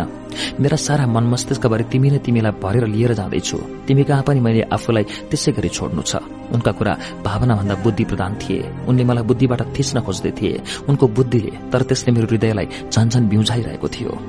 मैले भने हे कृष्ण समयले हरेक वस्तुलाई पुरानो बनाउँछ खियाउँछ विस्मृतिमा लैजान्छ। वर्तमान प्रभावबाट मुक्त गराउँदै त्यसमा नयाँ प्रभावहरू थप्दै जान्छ। स्थान र समयको परिवर्तनले मान्छेको स्मृतिलाई पनि कमजोर पार्दै लान्छ। मलाई डर लागिरहेको छ। तिमीलाई मथुराको वातावरणले यो गाउँको विस्मृति गराओस्। यहाँको हाम्रो यो मित्रता कुनै कालको बाल खेल मात्र लागोस्। तर हेर म त यिनै ब्रजका गल्लीहरूमा जंगलहरूमा यहाँका गाई वस्तुहरूमा यहाँको हावा पानी र ढुङ्गा माटोमा तिम्रो सम्झना सदा आलो राखेर पर्खिबस्नेछु। तिमीले संसार विचरण गरे पनि म त यहीँको ब्रसको भूमिमा तिम्रा कलिला पाइलाका डामहरूलाई जोगाएर बसिरहनेछु। मेरा कुराले कृष्ण अनायासै भावुक भए। तिनमा त्यस्तो भावुकता आउला भन्ने मैले सोचेकी थिइनँ। तर तिनी त असहाय बालक चाहिँ आँखाभरि टलपल टलपल आँसु पारेर एकहोरो मलाई हेरिरहन थाले। कति दिनदेखि मनमा गाँठो परेर रहेको तिनको पीड़ा आज मेरा सामु आँसुमा परिणत हुन लागे चाहिँ देखे। तिनी झन्झन भावुक र कारुणिक हुँदै गए। तिनका आँखाका डिलमा भेला भएका मोतीका दाना जस्ता आँसुहरू पर्लक पर्लक झर्दै गालाबाट छातीतिर पुग्दै बिराउन थाले। कृष्णका यी आँसुहरूले मलाई झन् नराम्रो गरी थिच्यो। तिनी एकहोरो मेरो अनुहारलाई हेरिरहेका थिए। मैले भने हे प्यारा तिमी किन यसरी विलाप गर्छौ? म त तिमीलाई पर्खी बस्नेछु युग युगान्तरसम्म। म एक्लै छैन। तिमी बिनाको म हुनु नै असम्भव छ। तिमी जहाँ पुग म तिम्रो स्मृतिमा ताजा बनिरहन पाऊ। तिम्रो जीवन यात्राको प्रेरणाकी स्रोत हुन सकौं। कुनै दिन तिम्रो फुर्सद भए जीवनमा साथीको आवश्यकता परे तिमीले मलाई ग्रहण गर्नु। नरौ प्रिय यी आँसुहरू भविष्यमा मेरो स्मृतिका लागि जोगाएर सँगै लिएर जाऊ। तिनले निकै बेरपछि आँसु पुछे गला साफ गरेर भने राधा मलाई मानिसहरूले चिन्न सकेनन्। म एउटा सफा मन भएको असल मान्छे थिएँ। मेरा लागि सम्पूर्ण ब्रजवासी आमा बाबु र साथीभाइ थिए। यो मेरो जन्मभूमिमा। मैले जे जस्ता राम्रा नराम्रा काम गरे पनि म उनीहरूको पुत्र थिएँ तर यिनीहरूले मलाई गलत बुझे। मलाई मात्र होइन राधा। उनीहरूले मेरी आमाको सतीत्वमा समेत प्रश्न उठाए। मेरो यो कालो रूपलाई मेरो आमाको नारी कलङ्कसँग दाँजेर हेरे। राधा आज म तिमीसँग मेरा मनका सबै पीरहरू पोख्न आएको हुँ। ब्रजलाई छोडेर जानु अघि म आफ्ना मनका सबै कुरा तिमीलाई भन्न चाहन्छु। तिनी उदास अनुहार लगाएर कता कता हेर्न थाले। म आफ्नो मनको वेदना तिमी बाहेक अरू कसैसँग भन्न पनि सक्दिन। फेरि एकछिन चुप लागे। उनी केही महत्वपूर्ण कुरा भन्न लागेका छन् भन्ने बुझेपछि भित्र मनमा एक किसिमको डर जस्तो पलाएर आयो। तैपनि मनलाई डरो पारेर भने मनमा जे कुरा छन् कुनै संकोच नमानी मलाई भन कृष्ण। म तिम्रा मनका सबै पीरहरूलाई बुझ्न र सहन गर्न सक्छु कुनै गहिरो कुवाभित्रबाट कसैले बोले चाहिँ गम्भीर आवाजमा उनी बोले राधा रात्रि वनभोजको कार्यक्रमले हामीलाई साह्रै नराम्रो पार्यो। त्यसको यस्तो भयंकर असर होला भन्ने मैले सोचेको थिइनँ। सारा ब्रज नै त्यसबाट प्रभावित भयो। हाम्रा सबै सखीहरू घर घरमा कैदी बने। कसैको कसैसँग भेटघाट हुन पाएन। मैले पनि कसैसँग भेट गर्न सकिन। यो घटनापछि घरमा पनि मेरो अवस्था नाजुक भयो। जब गाउँलेहरूले मेरो विषयलाई लिएर आमामाथि औंला उठाए घर साह्रै तनावग्रस्त भयो। बाबाले त एक शब्द बोल्नु भएन। आमाले रुँदै भन्नुभयो देखिस कृष्ण तेरा कारणले मैले कस्तो पुरस्कार पाउँदैछु? अब मैले तेरा बाबु खोजिदिनु रे। आमाको यो पीड़ा मलाई सही नसक्नुभयो। तर म के गर्न सक्थे र? सारा गाउँ एकातिर थियो। हाम्रो घरलाई गाउँवासीले बहिष्कार गरेका थिए। मेरो मनको पीर सुनिदिने कोही साथी थिएन मसँग। सुदामालाई सुनाउँथे बेला बेला। ऊ पनि एउटा असहाय ब्राह्मण पुत्र थियो। वास्तवमा मलाई त्यसबेला तिम्रो साह्रै खाँचो परेको थियो राधा। म आफ्नो पीर तिम्रो छातीमा टाउको राखेर पोख्न चाहन्थे। कृष्णका आँखा फेरि रसिला भएका थिए। गला अवरुद्ध भएको थियो। आज मलाई लाग्यो एउटा बालक आफ्नै आमाका अघि आफ्ना व्यथा पोखिरहेको छ। कृष्णलाई मेरो सहाराको खाँचो देखे। तिनका सबै कुरा सुनिदिनु पर्ने देखे। तिनी आज मसँग भए जति सबै आँसु बगाइसकेर जान आएका रहेछन्। तिनले भने यस्तो मानसिक तनावको बेला म एक्लो थिएँ। मेरो मनको पीर बुझिदिने कोही थिएन। घरमा पनि मेरो कृत्यले विरक्त भएको परिस्थिति थियो। दादा बलराम बेला बेला भन्थे तिम्रो ढिपीले त भनी हामीलाई पनि बस्न दिएनौ। तिम्रो बोल्ने ठाउँ थिएन। कस्तो मूर्खतापूर्ण लहड गरिएछ जस्तो लाग्छ। आज सम्झदा पनि। विरक्त भएर वन वन घुमिरहन थाले। यही एउटा मुरली थियो मेरो साथी। यसैलाई बजाउँथे यसैमा रुन्थे यसैमा गाउँथे। एक दिन निकै साँझ परुन्जेलसम्म पनि म गाउँ बाहिरको चौतारीमा बसेर एक मुरली फुकिरहेको थिएँ। गाउँ फर्किरहेका मानिसहरू मलाई हेर्दै नबोली गइरहेका थिए। पहिला पहिला म भनेपछि हिरिक्क हुनेहरू पनि अब टाढा टाढा पुग्दै थिए। समाजबाट टाढा भएर बाँच्न साह्रै कठिन हुँदो रहेछ राधा। मलाई हेर्दै जानेहरूको पछि पछि एउटा वृद्ध साधुलाई पनि देखेँ। अरू गइरहे पनि ती साधुले भने उभिएर मेरो मुरलीको धुन सुन्न थाले। निकै बेरसम्म उभिरहेपछि मैले आफ्नो मुरली फुक्न बन्द गरेँ। तिनी बिस्तारै मेरो छेउमा आए। झ्याम्म सेतदारी थिए अनुहारभरि। लामो कपाल सेत्तै गेरु वस्त्र धारण गरेका। ध्यानी तपस्वी जस्ता लाग्थे। तिनले मलाई चिन्न खोजे चाहिँ ध्यान दिएर हेर्न थाले। मैले पनि चुप लागेर उनको इच्छापूर्ति गर्न लागे। निकै बेरपछि तिनी बोले किशोर के तिमी यशोदानन्दन कृष्ण हौ? हुँ महात्मा। तर मैले यहाँलाई चिन्न सकिनँ। मैले नमस्कार गरेँ। तिनले आफ्नो परिचय दिँदै भने मलाई गर्ग ऋषि भनेर लोकले चिन्दछ। म लामो तीर्थयात्रापछि फर्किरहेको छु। म ब्रजवासी नै हुँ। तिमीलाई सानो बालक रूपमा देखेथे। कति चाँडो यति ठूला भएछौ। मैले गर्ग ऋषिका बारेमा बेला बेला पिताजीबाट सुन्ने गरेको थिएँ। उनी महान ज्ञानी तपस्वी थिए। उनले मलाई त्यसरी एक्लै त्यहाँ विरक्त भई बसेको देखेर सोधे घरमा सबै राम्रै त छ? तिमी किन यहाँ एक्लै यस्तो बिरसिलो धुन बजाएर बसिरहेका छौ साँझमा? किन घरमा जान मन छैन? राधा मलाई ऋषिको अघि डाको छोडेर रुनु जस्तो भयो। मैले एकैछिनमा भयभरका सबै कुराहरू सुनाइदिए। गाउँको त्यो अवस्था सुनेर ऋषि चिन्तित भए। खास गरी आमाका बारेमा उनले मन दुखाए। गाउँलेहरूको मूर्खतासँग रिसाए। मैले ऋषिसँग सोधे महाराज के म यशोदानन्दन कृष्ण होइन त? मेरो कुराले तिनी साह्रै गम्भीर भए। लामो मौनतापछि तिनले भने हे कृष्ण यो कुरा म तिमीलाई भन्ने विचारमा थिइन तर आज तिमीलाई भेटेपछि तिम्रो उमेरको वृद्धि र शोकलाई देखेपछि मेरो मन थामिएन। मेरो कुरालाई ध्यानले सुन र यसलाई राम्रोसँग बुझ। यो कुराले तिम्रो घर व्यवहारमा परिवर्तन आउनु हुँदैन। यसलाई तिमीले सामान्य रूपमा लिन सक्नुपर्छ। ऋषिका भूमिकाले म झन् सशंकित भए। उनी भन्न थाले म लामो तीर्थयात्रामा थिएँ। सारा भारतवर्षका तीर्थस्थलको भ्रमण सकी ब्रजतिर आउने क्रममा एकपल्ट मथुरा पनि पसिहालौँ भनी त्यता लागे। त्यहाँ मेरा एक परम मित्र अक्रूरजी राजा कंशका मन्त्री छन्। धेरै वर्षदेखि उनीसँग भेट भएको थिएन। तिनलाई भेट्न भने उनको निवासमा पुगे। अक्रूरजीले मेरो साह्रै राम्रो स्वागत गरे मानमनितो गरे कुशल छेम सोधे उनले ब्रजका विषयमा पनि सोधे तर म धेरै कालदेखि ब्रजबाट टाढा रहेकाले यहाँको विषयमा बताउन सकिन। राति धेरै घड़ीसम्म कुराहरू हुँदै जाँदा अक्रूरजीले एउटा बडो रहस्यमय कुरा सुनाए। उनका कुराले म समेत चकित भए। तिनका कुरा सुन्दै जाँदा पत्यार पनि लाग्दै गयो। बोल्दा बोल्दै ऋषि गम्भीर र मौन भए। निकै बेरपछि भनु नभनु गर्दै उनले भने मन्त्री अक्रूरले मलाई साह्रै अनौठो कुरा सुनाएका छन्। त्यो कुरा सुन्नासाथ म यता लागेको हुँ। संयोग नै भनौं ब्रजको प्रवेश मार्गमै मैले यो कुरा तिमीलाई सुनाइरहेछु। धेरै काल अघि मथुरामा राजा अहुकका दुई छोरा भए उग्रसेन र देवक। उग्रसेनका सात भाइ छोरा मात्र भए जसमा जेठो कंश थियो। देवकका नौवटा पुत्री मात्र भए जसमा जेठी पुत्री थिइन् देवकी। उग्रसेनका पुत्र कंश र देवक पुत्री देवकी साह्रै मिल्ने दाजु बहिनी थिए। कंशको अति मिल्ने साथी थिए वसुदेव। कालान्तरमा कंशले आफ्नी प्रिय बहिनीको विवाह मित्र वसुदेवसँग गरिदिए। विवाह गरेर बेहुली अनुमान लाग्दा कता कता कंशलाई मनमा एउटा त्रास उत्पन्न भएछ। तिनले भनेछन् वसुदेव तिमी मेरी बहिनीलाई लिएर यही मेरै दरबारमा बस। म तिम्रो लागि नयाँ दरबार बनाइदिन्छु। परन्तु वसुदेवले कंशको कुरा मानेनन्। कंशले जोडै गरेर विलाप गरेछन्। बहिनीले दाजुको विलाप देखेर साह्रै भावुक हुँदै वसुदेवलाई दाजुको भनाई मान्न बाध्य गरिछन्। कंशले देवकी र वसुदेवका लागि सुविधा सम्पन्न दरबार तयार गरी अथाह सम्पत्तिले दरबार भरिदिए अनेकौं तास तासीहरू राखिदिए। सुख सुविधाले परिपञ्च भए पनि उनीहरू एक किसिमले बन्दी जस्तो हुन पुगे। चौबिसै घण्टा उनीहरूमाथि निगरानी हुने गरेको कुरा दुवै दम्पतिले थाहा पाए। यसै बीचमा कंशले आफ्ना धर्मात्मा पितालाई पदच्युत गरी स्वयं आफूलाई राजा घोषित गरेर पितालाई कैद गरे। त्यो देखेपछि देवकी र वसुदेवको सातो उड्यो। कंशले किन आफूहरूलाई बन्दी बनाएको भन्ने कुरा उनीहरूले धेरै पछि मात्र थाहा पाएछन्। त्यो पनि एउटी दासीको मुखबाट। कंशकी पत्नीकी दासी देवकीको सेविका भएर आएपछि त्यसले एक दिन भनिछ कंशलाई सपनामा भगवान नारदले भनेरे देवकीको आठौं गर्भबाट जन्मेको पुत्रले उनको वध गर्नेछ। त्यो सपना देखेपछि कंशले डराएर उनीहरूलाई अघोषित कैदमा सम्मान राखेको रे। यसै क्रममा समयकाल बित्दै गयो। देवकीले प्रथम सन्तान पुत्र जन्माइन्। पुत्र जन्मेको राति नै सुतेको ठाउँबाट बालक गायब भयो। देवकीले रोएर ठूलो विलाप गरिन्। कोही आएको पनि देखिएन तर बच्चा अल्प्यो कसरी? बच्चा हराएको हराएकै भयो। यसै क्रममा देवकीको हरेक सन्तान जन्मनासाथ हराउन थाले। जति नै दह्रो पहरा राखे पनि कसरी कसरी नवजात शिशुहरू हराइरहे वसुदेवलाई ठूलो चिन्ता भयो। तिनले बुझे यी बच्चा कंशले नै चोर्ने गर्दछन्। आठौं पल्ट पनि देवकी गर्भवती भइन्। अब त वसुदेवलाई विश्वास भएको थियो। कंशलाई उसको यो पापको सजाय कसैले दिनै पर्छ। तिनले सोचेछन् यो आठौं सन्तानलाई जसरी पनि सुरक्षित राख्ने। बच्चा जन्मनु अघिदेखि नै वसुदेवले सारा सेवक र चाकरहरूलाई अनेक पुरस्कार आदि दिएर आफ्नो प्रभावमा पारेछन्। नभन्दै आठौं गर्भबाट पनि पुत्र नै प्राप्त भएछ। पुत्र प्राप्त हुन साथ त्यसलाई सफा सुग्घर गरेछन्। दाई आमाहरूलाई पनि अतुल सम्पत्ति दिएर वसुदेवले आफ्नो प्रभावमा पारेछन्। कंशको ज्यादतीबाट विरक्त भएका ती ममतामयी माताहरूले पनि वसुदेवको साथ दिएछन्।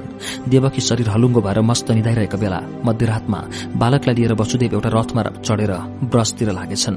सारथी विरोचनले त्यो यात्रामा साह्रै ठूलो सहयोग गरे रे। भदौको अष्टमीको रात जोडले पानी परिरहेको थियो रे। यमुना नदी बाढ़ीले ढाकिएकी थिइन् रे। तर दैवको खेल वसुदेवको घाँटी घाँटी पानीबाट तरेर बालकलाई ब्रजवासी उनका मित्र नन्दरायका घरमा पुर्याएछन्। मध्यरातमा आफ्नो ढोका ढकढकाएको सुनेर उठेका नन्दराय एकाएक वसुदेवलाई एउटा नवजात शिशुलाई बोकी उभिएको देखेर अचम्बित भएछन्। हतार हतार। वसुदेवले नन्दरायलाई सबै कुरा भनी यो बच्चा तिमीले आफ्नो सम्झी पालन पोषण गर यसलाई हुर्काऊ। हामीलाई कंशले मारे पनि यसले पछि त्यसको बदला लिनेछ वसुदेवको कुरा सुनि निकै बेर गमेर हाँस्दै नन्दरायले भनेछन् ईश्वरको लीला यही होला संयोग नै सम्झ। वसुदेव भर्खर दुई घण्टा अघि मात्र मेरा घरमा एउटी पुत्री जन्मेकी छ। यशोदा निधाएकी छन्। तिनलाई पुत्र पुत्रीको ज्ञान छैन। तिमी त्यसलाई लैजाऊ। कंशले पुत्रीलाई निश्चय पनि मार्दैन। तिमी पुत्री हुर्काऊ म पुत्र हुर्काउँछु वसुदेव नन्दका कुरा सुनेर रमाएछन्। हतार हतार नन्दराय र वसुदेवले बच्चा साटासाट गरे। उस्तै कठिनाईका साथ वसुदेवले यमुना तर्दा पारिपट्टि विरोचन साह्रै डराई पर्खिरहेका थिए। भयंकर वर्षाको त्यो कालो रातमा वसुदेवले नवजात पुत्री देवकीको छेउमा सुताइदिए। नभन्दै त्यो पुत्री सुरक्षित रही। त्यसलाई कसैले अपहरण गरेन। एक नम्सा नामकी ती पुत्री देवकीको काखमा रमाउँदै हुर्किन्। ऋषि चुप लागे। कथा सुन्दा सुन्दै म अलमल्ल परे। शरीर त्यसै गर्मिएर आयो। च्याप च्याप पसिना आएको थियो शरीरमा। विश्वास नलागेर सोधे महाराज नन्दरायको त्यो पुत्र के मनै हो त? हो बाबु वसुदेवको त्यो पुत्र तिमी नै हौ तर यो कुरा देवकी र यशोदालाई थाहा छैन। म छाँगाबाट झरे झै भए। ठुवाल्ल परे मलाई संसार घुमे जस्तो लाग्यो। म अर्कै लोकमा पुगे झै भए। आफूले आफैलाई चिन्नुपर्ने भयो। आफ्नै परिचय हराए झै लाग्यो। मलाई ब्रजवासीको शंका निवारण भएको देखेर अनौठो खुशी पनि लाग्यो। तर मेरी माता यशोदामाथिको कलंक पो अब कसरी पुस्ने?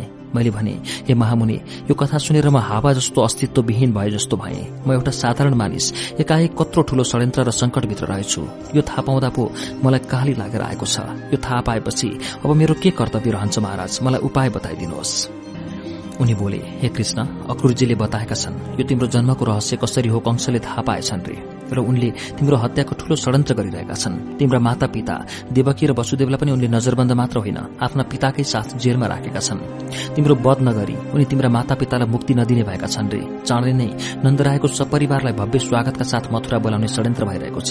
अक्रुरजीले मलाई भनेका छन् जति चाँडो हुन्छ कृष्णलाई ब्रजबाट अन्यत्र भगाउनु उचित हुनेछ यो सुनेपछि त झन् तीन छक परे म मुरली बजाएर वन वन डुली हिँड्ने एउटा गोठालोका पछि कत्रो रहस्य र षड्यन्त्र। अब मैले जे थिएँ त्यो नभई जे बनाइदिएछु त्यो हुनुपर्ने भएको छ। मैले अब कंश बधक हुनु परेको छ। कंशको अत्याचारबाट मथुरावासीलाई मुक्ति दिनुपर्ने भएको छ। हे राधा म तिम्रो प्राण प्रिय हुँदाहुँदै पनि अब मलाई अनौठो कर्तव्यले अज्ञात भविष्यतिर तानिरहेको छ। तिमीलाई छातीभरि मनभरि लिएर पनि तिमीभन्दा टाढा कुनै युद्ध सरोवरतिर मेरो जीवनको नौका हेलिँदैछ राधिके। लामो सास तानेर कृष्ण चुप लागे। म त कुनै प्रकारको कथा सुनिरहे झै एकाग्र भएर कृष्णका कुरा सुनिरहेकी थिएँ। कृष्ण चुप हुना साथ मेरो भंग भएको एकाग्रता आत्तियो। त्यत्रो ठूलो रहस्यभित्र बाँचिरहेका थिए मेरा कृष्ण। हेर्दै माया लाग्दो अंगालोमा लुकाउँ जस्तो अति प्रिय युवकका पछि एउटा शक्तिशाली राजा कंश नै उसको वधका निम्ति लागेको छ सुन्दै कहाली लाग्ने कुरा। तिनले थपे राधा मैले सबै सखीहरूसँग घर घरै गएर भेटे। सबैसँग विदा मागे। उनीहरूलाई त चाँडै आउँछु भनेको छु। तर तिमीलाई कसरी ढाँटौ राधा? यी सब कुरा त मेरी ममतामयी माता यशोदालाई पनि भन्न सक्दिन मेरा महान पिता नन्दरायले आफूलाई ढुङ्गा जस्तो मौन बनाई मनमनै आँसुकै सागर पिरहेका छन्। तिमी नै मेरी त्यस्ती हौ जसलाई म मेरो जीवनको शब्द शब्द भन्न सक्छु। राधा एकजना साथी त जसको पनि त्यस्तो हुनुपर्छ जसले सारा कुरा सुनेर त्यसलाई सुरक्षित राख्न सकोस्। कृष्णका एक एक शब्दले म भित्रको धैर्यलाई पालै पालो भत्काउँदै जाँदै थियो। तिनको ममाथिको विश्वास र आड भरोसा तथा प्रेम देखेर मैले आफूलाई समुद्र चाहिँ टम्म भरिएकी अनुभव गरे। कृष्ण म भरि छन्। मेरो रोम रोममा तिनी भरिएका छन्। म कतै खाली छैन अब भन्ने अनुभूति हुन थाल्यो। तिनी भनिरहेका थिए अब दादा र मलाई ठूलो ज्यानको खतरा छ। कंशले हामी दुवै भाइलाई छोड्दैन। नन्दरायको कुन छोरा चाहिँ उसको शत्रु हो भन्ने त्यसलाई थाहा छैन। त्यसलाई कसैले भनिदिएको छ नन्दराय कहाँ वसुदेवको छोरा हुर्कँदैछ? मलाई लाग्छ यो कुराको रहस्य तिनै दास दासी मध्ये कसैले मनमा राख्न नसकी एकले अर्कालाई भन्दा भन्दै कता कताबाट कंशको कानमा पर्यो होला। त्यो अन्धविश्वासी राजा आफ्नै प्राणका डरले झन पापहरूतिर हेलिएको छ। हेर राधा बिना कारण दाजु र म त्यसका शत्रु हुन पुगेका हौ। हाम्रो जन्म हुनुभन्दा अघि नै यस धरतीमा हाम्रो शत्रु जन्मिसकेको रहेछ। जीवनमा आइपर्ने काम कर्तव्यहरू हाम्रा इच्छा र बसमा छैनन्। तिनी त्यहाँ पहिलेदेखि नै उपस्थित छन्। जडवत उपस्थित तिनीहरूलाई जब आकार र अर्थ प्राप्त हुन्छ गतिशील हुन्छन्। कंशभित्रको सुतेको शत्रुतालाई कसैले बिउझाइदियो। त्यसको बाँच्ने लिप्सा र धेरै कालसम्म शासक भइरहन चाहने महत्वाकांक्षाले आफ्ना सम्भाव्य विरोधीहरूलाई उसले सक्रिय शत्रुतामा परिणत गरिरहेछ। त्यसले हामीलाई देखेको पनि छैन तर कहिले कहिलेदेखि जीवनकै विरोधी भइसकेको छ। बाध्यताले हामी अब उसका शत्रु भएका छौं जसलाई हामीले देखेकै छैनौं। नाताले आफ्नै मामा भएर पनि अब ऊ हाम्रा निम्ति भयंकारी भएको छ। त्यसो त जन्म सँगसँगै मृत्युको कारण पनि जन्मिसकेको हुन्छ। सदा जीवित नरहने यस संसारमा मृत्युका सम्भावनाहरू अनेक छन्। कंशलाई उसकै सपना घातक बन्यो। उसको अन्धविश्वास नै उसको मृत्युको कारण हुने भयो। त्यसले सपनामा विश्वास नगरेर आफ्ना बहिनी ज्वाइँहरूमाथि ज्यादती नगरेको भए नवजात शिशुहरूको हत्या गर्न नथालेको भए देशका जनतामाथि अत्याचार नगरेको भए सत्ताका लागि आफ्ना बाबुमाथि विद्रोह नगरेको भए त्यसलाई यो जीवन यति कहाली लाग्दो र कष्टकर हुने थिएन। तर राधा कंस आफैले आफ्नो वध गर्नेहरूलाई निर्माण गर्दै गयो। म एउटा साधारण गोपाल वंशीय युवकलाई उसले आफ्नो प्रमुख शत्रु बन्नका निम्ति आह्वान गरेको छ। म र ऊमा ठूलो कालीय अन्तर छ। म भविष्य हुँ। मसँग धेरै लामो समय सुरक्षित छ। यसै पनि ऊ बुढो हुँदै गएको बलबुद्धिले कमजोर राजा हो। उसको तीव्र बाँच्ने इच्छा नै मृत्युको कारण बन्ने भयो।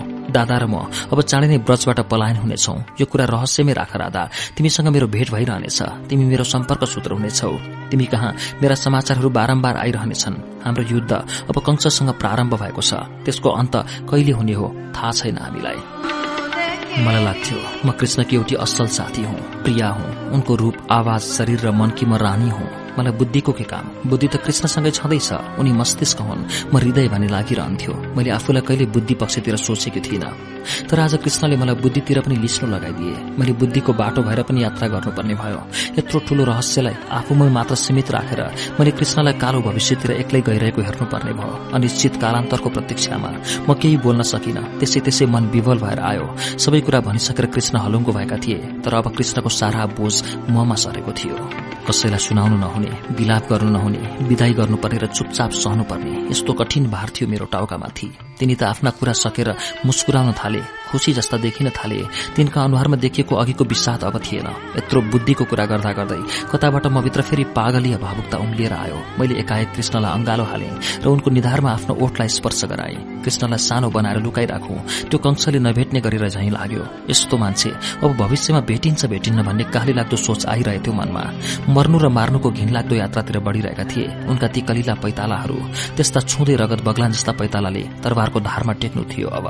मेरा आँखाबाट असारे झरे चाहिँ आँसु बगिरहे। म केही बोल्न सकिन। मेरो बोल्ने ठाउँ पनि थिएन। मेरो सहने क्षमता पनि थिएन।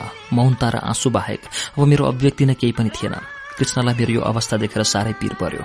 तिनले भने राधा तिमी आफूलाई नियन्त्रण गर प्रिय। म तिमीबाट टाढा कदापि हुने छैन। मनमा तिमीलाई लिएरै जानेछु जहीँ पनि। युद्धभूमिमा पनि मैले जित्नुपर्ने एकमात्र कारण तिमी हुनेछौ। तिमीलाई नै भेट्नका लागि मैले मर्नु हुँदैन। हे तिमी त मेरो प्राण हौ। मलाई हर क्षण सास फेरिरहन प्रेरणा दिने। मनको कुनै कुनामा बसेर बारम्बार जीवनतिर बगाइरहने तिमी नै त हौ। तिम्रो बोली रूप गुण तिम्रो सक्रियता सहनशीलता यिनै सबैले त मलाई जीवन्त राख्नेछन्। प्यारी यस पृथ्वीमा हामी जन्मेका छौं नाना कर्म गर्नका लागि। यो हाम्रो प्रेमको अमरतालाई सिद्ध गर्न पनि धरतीमा हामीले धेरै थोक गर्नुपर्छ। तिमी विलाप नगर म तिमीलाई कुनै न कुनै रूपमा भेटिरहन्छु। मैले भने हे नाथ सबै कुरा जानेर बुझेर पनि यो मन किन आफ्नो नियन्त्रणमा आउँदैन? ज्ञानको जस्तै भारीले पनि भावनाको यो कोमलतालाई किन थिच्न सक्दैन? सके म ज्ञानको कारण म हुन्छु तर मनका कारण आँसुलाई थाम्न सकिरहेकी छैन। तर कृष्ण तिमी फेरि पनि एउटा वचन देऊ मलाई। के वचन दिनु राधा? तिमीलाई त मैले आफ्नो सर्वस्व दिइसकेको छु। फेरि पनि केही पाउन बाँकी भए माग। मैले भने म बारम्बार तिमीलाई भेट्न आइरहन्छु भनेका छौ। त्यो वचन पूरा गर्ने वचन देऊ कृष्ण। तिमी कमसेकम महिनामा एकपल्ट भए पनि मलाई दर्शन देऊ प्यारा। उनले भने राधा तिमी यति कठोर नभन हामीले अब भूमिगत जीवन शुरू गर्नेछौ। त्यस क्रममा कहाँ पुग्छौ के गर्छौ कस्ता अप्ठ्यारामा हुन्छौ त्यसैले हरेक महिना तिमीसँग अनिवार्य रूपमा भेट गर्न नसकिएला। तर कुनै न कुनै रूपमा तिमीसँग मेरो सम्पर्क भइरहनेछ। म समाचारहरू पठाइरहनेछु पत्र पठाइरहनेछु। मेरा तर्फबाट कोही न कोही तिमीलाई भेट्न आइरहनेछ। मैले उनको कुरालाई स्वीकार गरेँ। मलाई लाग्यो कृष्णसँगको यो छोटो वार्तालापले नै आफूलाई कता हो कता परिपक्व र जिम्मेवार बनाएर गयो। अघि कृष्ण आउँदै गरेको देखिरहेकी राधा र अहिले कृष्ण जाँदै गरेको देखिरहेकी राधामा अब धेरै फरक थियो। अघि आएको कृष्ण र अहिले गइरहेको कृष्णमा पनि अनन्त फरक थियो। समय परिस्थिति र विषयहरू एकैछिनमा युगौंको चेतन फड्का मार्दो रहेछन्। म अब एक सौम्य धीर र गम्भीर राधिकै थिएँ। रुन्ची पिन्ची बाल राधा थिएन तिनले परसम्म गएको हेरिरहे। तिनी एकपल्ट पनि नफर्किकन सरासर गइरहे र आँखाबाट ओझेल भए अब तिनी मनमा तस्विर चाहिँ अचल भएर टाँसिएका थिए एक धीरोदात्त नायक बनेर भोलिपल्ट दिउँसोतिर रुँदा रुँदा सुन्निएका आँखा लिएर सुशीला र विशाखा आइपुगे। तिनीहरू मलाई कृष्ण र बलराम राति नै उठेर कसैलाई नभेटी मथुरातिर लागेछन् भन्ने सुनाउन आएका थिए। साथै उनीहरूले यो पनि सुनाए कि कृष्णले जानु अघि उनीहरूलाई भेटी राधालाई सम्झाइदिनु विलाप नगर्न भन्नु र बारम्बार भेट्न आइरहन्छु भनेका रहेछन्। सुशीला फेरि पनि मेरा अघि अपराधी झैं टाउको निहुराइरहेकी थिए। मैले भने सुशीला तिमीलाई मैले अस्ति पनि भनिसकेको छु। यसमा तिमीले पश्चाताप नगर। तिमी त एउटा कारण मात्रै हो तर त्यो जो घटना भयो त्यसको पृष्ठभूमि धेरै लामो थियो। अझै धेरै लामो छ। त्यो कुरा तिमीहरूले बुझेका छैनौ। त्यो घटना यही सकिँदैन सुशीला। यो अझ लामो भएर जानेछ। कृष्ण र बलरामको ब्रज परित्यागले त्यस घटनालाई अझ विस्तार गर्नेछ। हेर्दै गर। तिनीहरूले मेरा कुरा बुझेनन्। म आफैलाई पनि अचम्म लागिरहेको थियो। म के भनिरहेको छु? यस्ता कुरा मलाई कहाँबाट आइरहेका छन् भन्ने? साँच्चै नै पछिल्लो पल्ट कृष्णसँग छुट्टिएपछि ममा अनौठो परिवर्तन आइरहेको थियो। मेरो सोच्ने शैली हेर्ने दृष्टिकोण बुझ्ने क्षमता सबै बदलिएको थियो। मलाई लाग्छ तिनीहरूले कृष्ण गएको खबर सुनाउँदा म ठूलो विलाप गरौँली भन्ने सोचेका थिए तर उनीहरूको अनुमान जस्तो मैले केही पनि गरिन। मेरो त्यो सामान्य अवस्था देखेर अचम्बित हुँदै सुशीलाले सोधी राधा कृष्णको वियोगले तिमीलाई कुनै पीर परेन? सुशीला उनीहरू विद्या अध्ययन गर्न जाँदैछन्। त्यसमा हामीले विलाप गर्ने के काम छ? तिनीहरू झन ज्ञानी तापस चतुर वीर र साहसी भएर आउनेछन्। हाम्रा प्रियहरू सबैभन्दा अतुलनीय रहनु राम्रो होइन र हाम्रो मायाको डोरीले कसेर तिनीहरूलाई कामी नलाग्ने शक्तिहीन बनाएर कहाँ राख्नुहुन्छ? तिनीहरू जहाँ जहाँ पुगुन् तिनलाई सम्झिरहने बनेर हामीले माया मात्र दिइरहनुपर्छ जसले उनीहरूलाई बाँच्न प्रेरित गर्छ। मैले त कृष्णलाई महान हुनु भनेर आशीर्वाद दिएकी छु। आशीर्वाद? तिमीले कृष्णलाई आशीर्वाद दियौ? हो त। कृष्ण मेरो प्रेमको अघि केही पनि होइनन्। उनको भन्दा मेरो प्रेम जेठो छ ठूलो छ। तिनलाई त म सानो बनाएर हृदयमा राख्न सक्छु। बालकलाई जस्तो छातीमा टाँस्न सक्छु। काखमा तिनको शिर राखेर सुमसिमाउन सक्छु। तिनलाई म स्तनपान गराउन सक्छु। मेरो प्रेमका अघि कृष्ण सानो छन्। त्यसैले मैले तिनलाई आशीर्वाद दिएकी छु। सुशीला ट्वाल्ल परिरही। मेरा कुरा सुनेर। मलाई पनि लागिरहेको थियो। अनौठा अनौठा कुराहरू आइरहेछन्। म भित्रबाट फटाफट धामीले बके जस्तो आफ्नै नियन्त्रण नभए जस्तो थियो। कृष्ण र बलराम ब्रजबाट हिँडेको तीन दिनपछि मथुराबाट एउटा ठूलो लाभा लस्करका साथ मन्त्री अक्रूरजी ब्रजभूमिमा आइपुगे। एकाएक मन्त्रीको आगमनले गाउँ भयभीत भयो। बिना सूचना मन्त्रीको आगमन कुनै अनिष्टकारी सूचक मानियो। पिताजी सबैभन्दा ज्यादा भयभीत हुनुभयो। ब्रजको सारा कर पिताजीकै माध्यमबाट कंशको दरबारसम्म पुग्थ्यो। कर त नियम अनुसार पुगिरहेको थियो। भर्खरै गाउँमा भएको एउटा अशान्ति बाहेक त्यस्तो मन्त्री नै आउनुपर्ने घटना केही थिएनन् पनि। यसअघि मथुराका त्यस्ता ठूला पदाधिकारी कहिले पनि त्यहाँ आएका पनि थिएनन्। अक्रूरजी गाउँमा आएको खबर सुनाउनलाई हस्याङ फस्याङ गर्दै आएकी थिए विशाखा। पिताजीहरू सबै अक्रूरजीको स्वागतार्थ गाउँको प्रवेशद्वारमै पुग्नु भएको थियो रे। सारा गाउँवासीहरू एकत्रित भएका थिए रे। अक्रूरजी आएको समाचार सुनेपछि मलाई कृष्णले भनेको कुरामा थप पत्यार लाग्यो। साँच्चै नै कृष्णका शिरमाथि कालो छाया मडारिन लागेको देखेर मनमा नमिठो अनुभव भयो। विशाखाले भनी हल्ला छ। अक्रूरजी कृष्ण बलराम र नन्दरायजीहरूलाई लिन आएको रे मथुराका राजाले उहाँहरूलाई भेट्ने इच्छा गर्नुभएको छ रे अब के गर्छन् त? कृष्णहरू त छैनन्। उनीहरू अस्ति मथुरातिर हिँडिसके। खै के हुन्छ? अक्रूरजी महर्षि गर्ग र नन्दराय तीनजनाले निकै बेर एकान्त गरे रे पिता वृषभानुलाई पनि त्यो एकान्तमा सामेल गरिएको थिएन रे कोही कोही भन्छन् राजाले वृषभानुलाई नै हटाएर नन्दजीलाई नै प्रधान बनाउन लागे कि कसो? जे होस् यो ब्रजमा केही नराम्रो नहुने भयो अब। मैले सबै कुरा बुझिसकेकी थिएँ। मलाई त चिन्ता अर्कै खालको लागिसकेको थियो। कृष्ण र बलरामको सुरक्षाबारे। पछि सुने अक्रुजी त्यसै दिन मथुरा फर्किएछन् रित्तै। कृष्ण र बलराम राति नै उठेर आमा बाबुसँग विदा मागी हिँडेको देखि माता यशोदा साह्रै दुखित भइन्। उनी दिन प्रतिदिन ब्रजमा भइरहेको अनौठो गतिविधिले विरक्त हुन थालेकी थिइन्। उनलाई लाग्न थालेको थियो सम्पूर्ण ब्रज नै उनका विरूद्धमा छ। पति नन्दराय पनि गम्भीर र मौन बस्न थालेका थिए। पतिको मौनताले उनलाई झन संकटमा पारेको थियो। गाउँलेहरूले आफूमाथि लगाएको लान्छनाका कारण पतिमा आएको गम्भीरता यशोदाका लागि पीड़ापूर्ण थियो। उनी कसै गर्दा पनि आफ्नै मनलाई बुझाउन नसक्ने भएकी थिइन्। गर्गऋषि गाउँ फर्केको भोलिपल्ट नन्दरायलाई भेट्न नन्द भवनमा गएका थिए। गर्गऋषि र नन्दरायका बीच लामो एकान्त भयो। त्यसमा यशोदाले भाग लिन पाइनन्। गर्ग फर्किएर गएपछि उनले निकै बेर खेर्दा पनि नन्दले यशोदालाई मुख्य कुरा नबताई टारी रहे र त्यसको तीन दिनपछि नै दुवै छोराहरू आधारातमै उठेर मथुराका लागि प्रस्थान गरेका थिए। घरभित्रै रहस्य भएपछि विरक्त भएर यशोदाले भनिन् होइन पुरूषहरूले हामी नारीलाई किन कहिले विश्वास नगरेको? सारा जीवन सँगै बिताउँदा पनि देह आत्मा सबै जिम्मा लगाउँदा पनि किन सधैँ पर राखेको?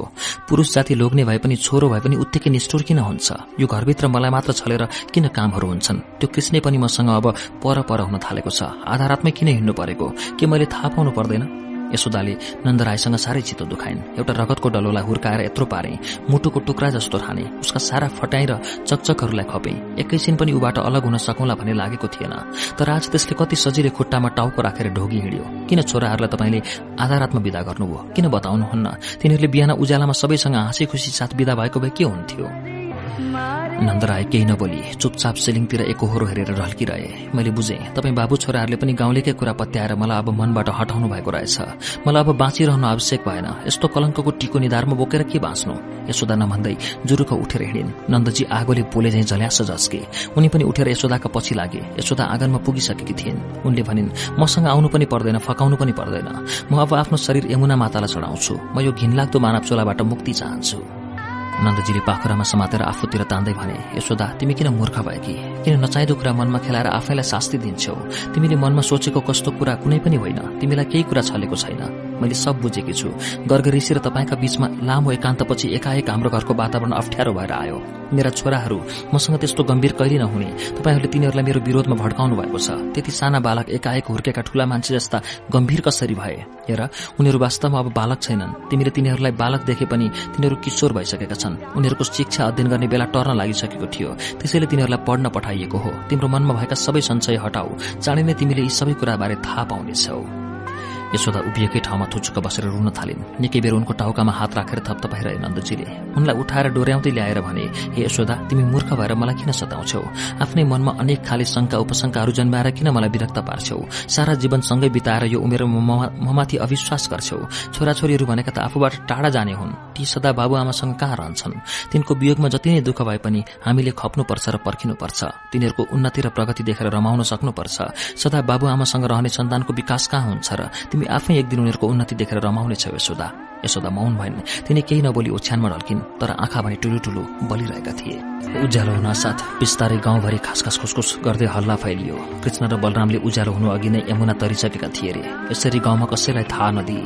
कसैसँग नभेटी उनीहरूले आधा रातमै गाउँ छोडेको कुराले भने सबैको मनमा नराम्रो लाग्यो। बुढाभुरीको कुरालाई लिएर बेकारमा अनेक थोक भनेकोमा उनीहरू मनमा नै पश्चाताप गर्न थाले। कसैले मुखैले भने बिचरा ती किशोरहरूले सारा ब्रजवासीसँग चित्त दुखाएर गए। उनीहरूले जाने बेलामा कसैसँग विदा पनि मागेनन्। जन्मेर यत्रो ठूलो भइन्जेल तिनीहरूले यमुना नदीसम्म तरेका थिएनन्। यसै गाउँलाई स्वर्ग ठानेका थिए रमाउँथे खुसी हुन्थे नाचगान गर्थे सारा गाउँ नै उज्यालो बनाउँथे तिनीहरूले। कृष्णले बजाएको मुरलीले जसलाई पनि एकहोरो बनाउँथ्यो जंगल सदा संगीतमय हुन्थ्यो। आइमाईहरू केटाहरूका कुरा गर्दै आँसु छार्न थाले। सबैभन्दा ज्यादा तिनीहरूलाई जाने बेलामा यसो हातमा दुई थुङ्गा फूल र फल राख्न नपाएकोमा पीर परेको थियो। उनीहरूलाई ठूलो आत्मग्लानी हुन थाल्यो। आपसमा भन्न थाले हामीले तिनीहरूको साह्रै चित्त दुखायौं। त्यस्ता चञ्चले केटाहरू केही महिनादेखि गुमसुम भएका थिए। एकाएक गाउँका सब केटाकेटी मरे झैं शान्त भएथ्यो गाउँ। कोही भन्थे यो सबै चन्द्रभानुको काम हो। तिनले अनावश्यक रूपमा गाउँलेहरूलाई उक्स्याएर तिललाई पहाड़ बनाए। कलिला केटाकेटीको कुरालाई अनावश्यक प्रतिष्ठा बनाए। लोग्ने मान्छे भएर पनि तिनले साह्रै कलिलो बुद्धि गरे। लजाउँदै धकाउँदै पश्चाताप गर्दै सारा ब्रजवासीहरू महिलाहरू नन्दरायको आँगनमा भेला हुन थाले। घरको पिँढीमा बसेर आँसु बगाइरहेकी यशोदालाई देखेर तिनीहरूले पनि आँसु रोक्न सकेनन्। पुत्र वियोगको असाध्य पीड़ामा डुबेकी थिएन यशोदा। तिनले आँगनभरि गाउँले महिलाहरू भेला भएको पनि धेरै बेर थाहा पाएनन्। निकै बेरपछि अवरुद्ध गला साफ गर्दै चन्द्रभानुकी पत्नी बोलिन् यशोदा किन एक्लै रोएर बस्छौ? हेर हामी पनि तिम्रो शोकमा रुन आएका छौं। हामीले तिमीलाई बुझ्न सकेनौ। हामीले बहकाउमा आएर तिमीलाई भन्नु नभन्नु भन्यौ। हामीलाई क्षमा देऊ यशोदा। हामी दुर्बुद्धिलाई क्षमा गर। कृष्ण र बलराम तिम्रा मात्र छोरा थिएनन् यशोदा। तिनीहरू ब्रजवासीका पुत्र थिए। घर घरमा तिनीहरूको चर्चा हुन्थ्यो। गुण अवगुणको व्याख्या हुन्थ्यो। तिनका उपद्रोको मीमांसा हुन्थ्यो। यशोदाले टाउको उठाएर सबैलाई हेरिन्। तिनीहरूले सबैले शिर उडाएका थिए। तिनले भनिन् हे महिलागढ मलाई तपाईँहरू कसैसँग पनि चित्त दुखेको छैन। अर्काका कारणले आफू दुखी हुनु बेकारको कुरा हो। भविष्यप्रतिको अज्ञानता मात्र हाम्रो दुःखको कारण बन्दछ यशोदा भन्दै गइन् आज भइरहेका घटनाहरूको भोलि के परिणाम हुन्छ भन्ने थाहा नपाउनाले हामीमा अज्ञात भय उत्पन्न हुन्छ। हाम्रो दुःखको कारण त्यही हो। तपाईँहरूले पनि आफूले गरेका कुराहरूको परिणामको अनुमान गर्न सकेको भए त्यसो भन्नुहुने थियो होला र मैले अब केही कुराहरू बुझिरहेको छु। मेरो यो शोक मोह र वियोगको कुनै अर्थ छैन। समयले सबै कुरालाई व्यवस्थित गर्दो रहेछ। यशोदाका कुरा कुनै तपस्वी विदुष्यका जस्ता थिए। यशोदामा आउन लागेको निष्प्रियता देखेर ब्रजवासी नारीहरू अलमल्ल परे। उनीहरूले यशोदाको कुरा बुझेनन्। तीनमध्ये एउटी बोली यशोदे मुखले साधुका जस्ता बाढी बोले पनि तर तिम्रा अनुहार र आँखाहरू शोक विवल छन्। तिमी हामीलाई सान्त्वना दिन मात्र यस्ता कुरा गरिरहेको हामीलाई भान भएको छ। यशोदाले भनिन् यसके मैले आफूलाई बुद्धिको शरणमा पुर्याउने चेष्टा गरिरहेको छु। हेर्ने बुझ्ने सोच्ने सबै ढंग नै अब बुद्धिमय पार्न प्रयत्नरत छु। हेर न पुरूषहरूले आफ्ना सबै सोच्ने शैलीहरू बुद्धिवादी बनाएकाले तिनीहरू हामीभन्दा कति फरक छन्। हामी भने जे कुरालाई पनि हृदयले ग्रहण गर्छौं। भावुकता हामी नारीको सबैभन्दा ठूलो कमजोरी रहेछ। हाम्रा आँसु करूणा दया र समर्पणहरूले नै हामीलाई सदा कमजोर बनाएको रहेछ। विषय र परिस्थितिले घटनाहरू हुन्छन्। तिनले ल्याउने परिणाम पनि स्वाभाविक छ तर हाम्रो इच्छा भने परिणाम प्रतिकूल हुँदो रहेछ। यो मायाको कमजोर डोरीलाई सबैभन्दा डह्रो थान्नु हाम्रो भूल हो। मैले केही कुरा भर्खरै बुझ्न लागेकी छु। त्यसो भए कि तिमीले हामीलाई माफ गरिदेऊ त यशोदा चन्द्रभानुकी पत्नीले सोधिन् मैले तिमीहरूको आरोपलाई अब गाली सम्झेको छैन। तिमीहरूभित्र उत्पन्न शंका पनि एउटा आम नारीको कमजोरी मात्र थियो। यौन पक्षलाई सदा हेरिरहने। आफूलाई यौन दासीको रूपमा स्वीकार गर्ने हामी नारीहरूको हजारौं वर्षदेखिको मानसिकता ध्वनित भएको थियो त्यो। आज तिमीहरूले बोलेको भनेको यो आज मात्र बोलिएको कुरा होइन। यो त युगै पछि उठिरहेको विषय हो। सीतालाई अग्नि परीक्षामा उत्तीर्ण भएर पनि वनवास लाग्नु पर्यो। सत्यता जे भए पनि नारीमाथि प्रहार गर्न सकिने सबैभन्दा घातक अस्त्र भन्नु यौन सम्बन्धमाथिको प्रश्न हो र त्यो प्रश्नलाई उठाउने हौ। हामी आफै नारी नै। यौनलाई नै प्रतिस्पर्धाको सबैभन्दा मूल बिन्दु ठानी लडिरहने हामी नारीहरू आफ्नै अस्मिता र भवितामाथि लडिरहेका छौं। तिमीहरूलाई मैले त्यसै दिन माफ दिइसकेको छु जुन दिन मैले कलावतीका मुखबाट वृषभानुको चिन्तामय अवस्था सुनेकी थिएँ। तिनले थपिन्। गाउँका सबै मानिसहरू वृषभानु कहाँ? कृष्णको उजुरी लिएर पुगेका थिए रे त्यहाँ तिनीहरूले यशोदाको सतीत्वमाथि ठूलो प्रश्न उठाएछन्। कृष्ण कुनै हातमा पनि नन्दरायको पुत्र हुन सक्दैन भन्ने एउटा निष्कर्ष जस्तै निकालिएछ त्यहाँ। र पुरूषहरूलाई त्यस्तो निष्कर्ष निकाल्ने सम्पूर्ण बल भरेका रहेछौ तिमीहरू सबैले। कलावतीले मसँग रुँदै भनिन् यशोदा यी आइमाईहरू किन बौलाएका? किन यिनीहरूले आफ्ना पुरूषहरूलाई यस्ता पाप चिन्तनहरू भरिदिएका? तिनीहरू त आफ्ना स्वास्नीका प्रतिनिधि जस्ता देखिन्थे त्यहाँ।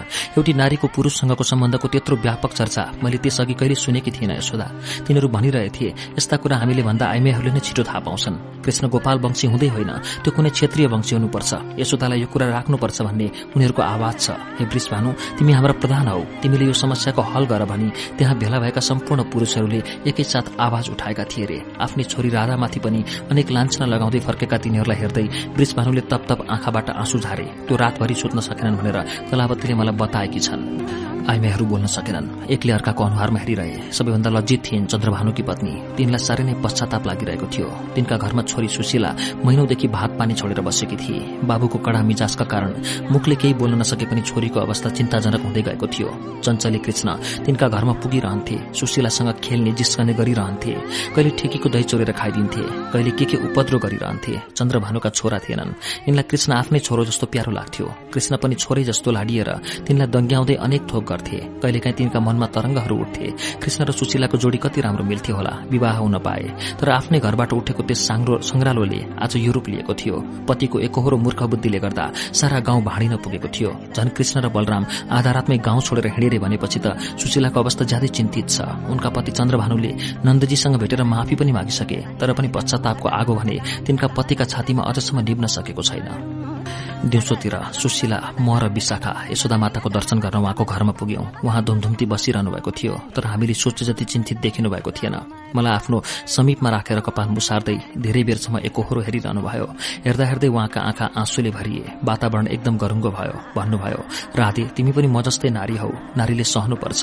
सहने बाध्यता छ हामीलाई। बालकैदेखि सहँदा सहँदा हामीले ढुङ्गो झैं कठोर हुनुपर्छ। आरोपहरू र दुःख कष्टहरू हाम्रो भागमा छुट्याइएको छ। रूख जस्तो एकै ठाउँमा उभिएर सारा आँधी असिना सहनुपर्छ हामीले। चाहेर पनि ठाउँ सर नसक्ने वृक्षको बाध्यता जस्तो छ हाम्रो जीवन। तिमी यति सानी भएर के गर्छौ? आमाको जातिकी पर्यौ? उमेरभन्दा पहिले नै तिमीले रुन सिकिसक्यौ। अब जीवनमा पाइलै पाइला आँसु मात्र छ राधे। त्यसलाई बटुला तिमी। उहाँले धेरै बेर मलाई अँगालोमा बेरिरहनुभयो। तिम्रो मनको अवस्था मलाई थाहा छ। तिमी अहिले के बोकिरहेको छौ भन्ने मैले बुझेकी छु। हरेक किशोरीलाई जीवनमा एकपल्ट यस्ता काली लाग्दा क्षणहरू आउँछन्। भोलि फेरि भेट्नै नसक्ने गरी भोगिरहेको यो वर्तमानलाई देखेर कसको आँखा नरसाउला कसको मन हतोत्साही नहोला? मनमा उदाउन लागेको कलिलो घाममा एकाएक लाग्ने बादलले जसलाई पनि रुवाउँछ। राधा आज तिमीलाई परेको पीर तिमीलाई मात्र परेको होइन। यो सनातन पीड़ा हो जसलाई पनि एकपल्ट यस्तो पीर परेकै हुन्छ। आ आफ्ना मनका कृष्णहरू यसै गरी मध्यरातमा बिलाउँदै जान्छन्। काली लाग्दो बालुवा मन स्थिति छोडिराखेर प्रेमको यो अतृप्तता जीवनको अश्रु भण्डार हो। पछिसम्म रोइरहन पुग्ने आँसुहरूको कुवा यसै गरी खनिन्छ राधा हृदयमा। आजदेखि तिमीमा पनि त्यो कुवा खनिएको छ। त्यस कुवालाई जोगाऊ। त्यसले बाँच्ने प्रेरणा दिन्छ। एकान्तको साथी हुन्छ त्यो। आफ्नै विगतलाई सम्झेर कहाँ कहाँ हराए तिनी एकहोरो बोलिरहेकी थिइन्। तिनले मलाई सम्बोधन गरेर भनिरहे पनि वास्तवमा उनी आफ्नै मनको पीड़ा बोलिरहेकी थिइन् भन्ने मैले बुझेकी थिएँ। यशोदा माताका कुरा सुनेर हामी तिनैजना अलमल्ल पर्यौं। तिनले आफ्ना कुरा भनेकी हुन् कि हाम्रा कुरा भनेकी हुन् बुझ्न सकेनौं तर कुरा धेरै गहिरा थिए। बाटामा सुशीला र विशाखा कुरा गरिरहेका थिए। यशोदा माताका कुरामा गहिरो अर्थ छ। तिनले पनि आफ्नो विगत सम्झिन आज। तिनले पनि राधालाई देखेपछि आफ्नो कृष्णको स्मरण गरिन आज। तर तिनको ती कृष्ण को को होलान्? कहाँ होलान्? विशाखाले भने नन्दबाबाको अनुहार यशोदा माताले स्वीकार गरेको कृष्ण होला। उहाँको आफ्नो कृष्ण त अरू नै कसैको नन्दबाबा होला कतै? मैले उनीहरूको वार्ता कता कता बहकिन लागे झैँ ठानेर उनीहरूलाई त्यस्ता कुरा नगर्न भने। एक त यशोदा मातालाई कृष्णको वंशकै प्रश्न लागेको त्यसमा फेरि त्यस्ता बेफाका कुराले के के अर्थ लाग्ने हो भन्ने सोचे तर यशोदा माताका कुरा भने अनौठै थिए। एक दिन यस्तै कुरै कुरामा मेरी माता कलावतीले पनि लामो सास तानेर एक्लै गुनगुनाए झैँ गर्नुभएको थियो। सबै छोरीहरूले तिमीले जस्तै धक्नमानी आफ्ना कुरा भन्न सके कति राम्रो हुन्थ्यो। तिम्रा उमेरमा मैले पनि यस्तै निर्णय लिन सकेकी भए कस्तो हुन्थ्यो होला। आज मलाई आमा र यशोदा माताका कुराहरू मिल्दा जुल्दा र अनौठा लागे। भित्र कता कता गाडिएर रहेको खिल चाहिँ उहाँहरू त्यसलाई कोट्याउँदै हुनुहुन्थ्यो त्यसबेला उहाँहरूका अनुहारमा अनौठो आकृति टाँसिएको देखेथे पहिला कहिले नदेखेको। सारा गोकुलमा मुर्दा शान्ति छाएको थियो। मानिसहरूमा कुनै उत्साह जाँगर थिएन।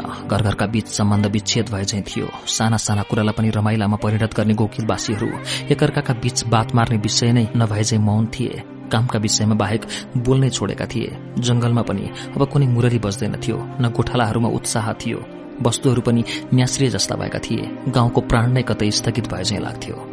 नन्दबाबाको गम्भीरता झन बढेर गएको थियो। यशोदाको शोकले घरलाई आँसोकै पोखरी चाहिँ बनाएको थियो। गाउँका मान्छेहरू विशेष कामले बाहेक कोही आउँदैन थिए उनीहरूलाई अपराध बोधले थिचेको थियो। नन्द राय र यशोदामाथि आफूहरूले लगाएका आरोपहरूका कारण आफै थिचिँदै गएका थिए। महिलाहरू पनि आत्मग्लानीले थिचिएका थिए। कहिले दुःख भन्ने नदेखेका ब्रजवासीहरूमा अन्धकार छाएको थियो।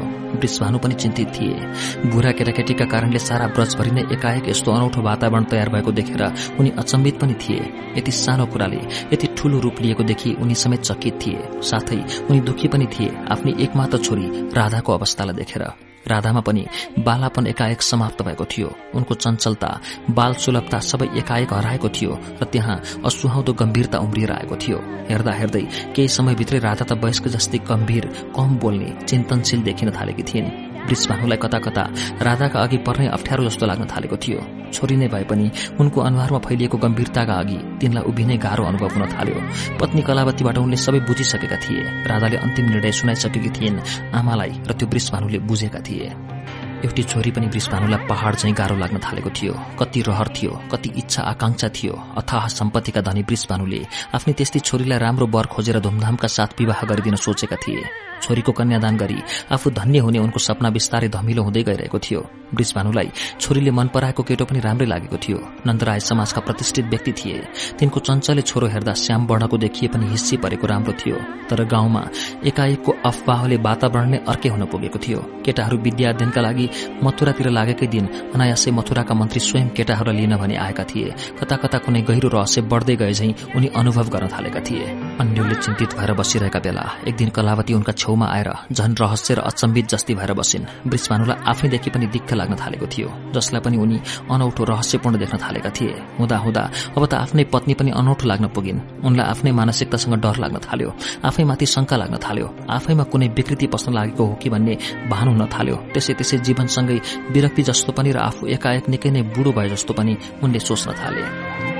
अनौठो पाराले पत्नीले आफूलाई हेरेकोमा समेत ब्रिजभानु आफूमाथि आफै झस्किए। उनले सोधे किन कलावती तिमी अनौठो पाराले हेरिरहेकी छौ। ममा कुनै दोष देख्छौ कि? तिनी केही भन्न चाहे चाहिँ तर भन्न नसकेकी झैँ भइन् कलावतीको त्यो अवस्था वृषभानुलाई सह्य भएन। तिनले अधैर्य हुँदै भने हे कलावती कृपा गरी तिमी केही बोल। तिम्रो यो मौनता र रहस्यमय हेराइले मलाई सताइरहेको छ। कलावतीले लामो सास तानिन्। चम्किला र आश्चर्यमयी आँखा यताउति घुमाइन्। वरिपरि कोही छ कि भने चाहिँ तिनले चिच्चाइन् अनि बिस्तारै बोलिन् प्रभु आज म अत्यन्तै आतंकित भएकी छु। मैले जे सुने त्यस कुरालाई म विश्वास नै गर्न सक्दिनँ। कल्पना गर्न नसकिने कुरा सुनेकाले यो हजुरलाई सुनाउ नसुनाउ भएर म अर्गज्ज परेकी हुँ।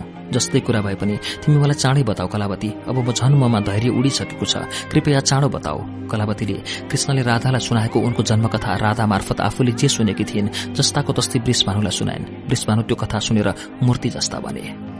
वृषभानुको त्यो अवस्था देखेर कलावती लाटिए जस्तै भइन्। तिनी आत्तिइन् पनि। तिनले पतिलाई हल्लाइन्। वृषभानु भ्युजिएरन् एकाएक रानी चिच्चाइन् दास दासी एकैचोटि अन्तपुरमा भेला भए। राजा वृषभानु टोलाएर बसिरहेका थिए। तिनले कसैलाई हेरेनन् र चिनेनन् पनि। रानी र राधाले वृषभानुलाई ओछ्यानमा बिस्तारै सुताए। कोही वैद्य लिन गए।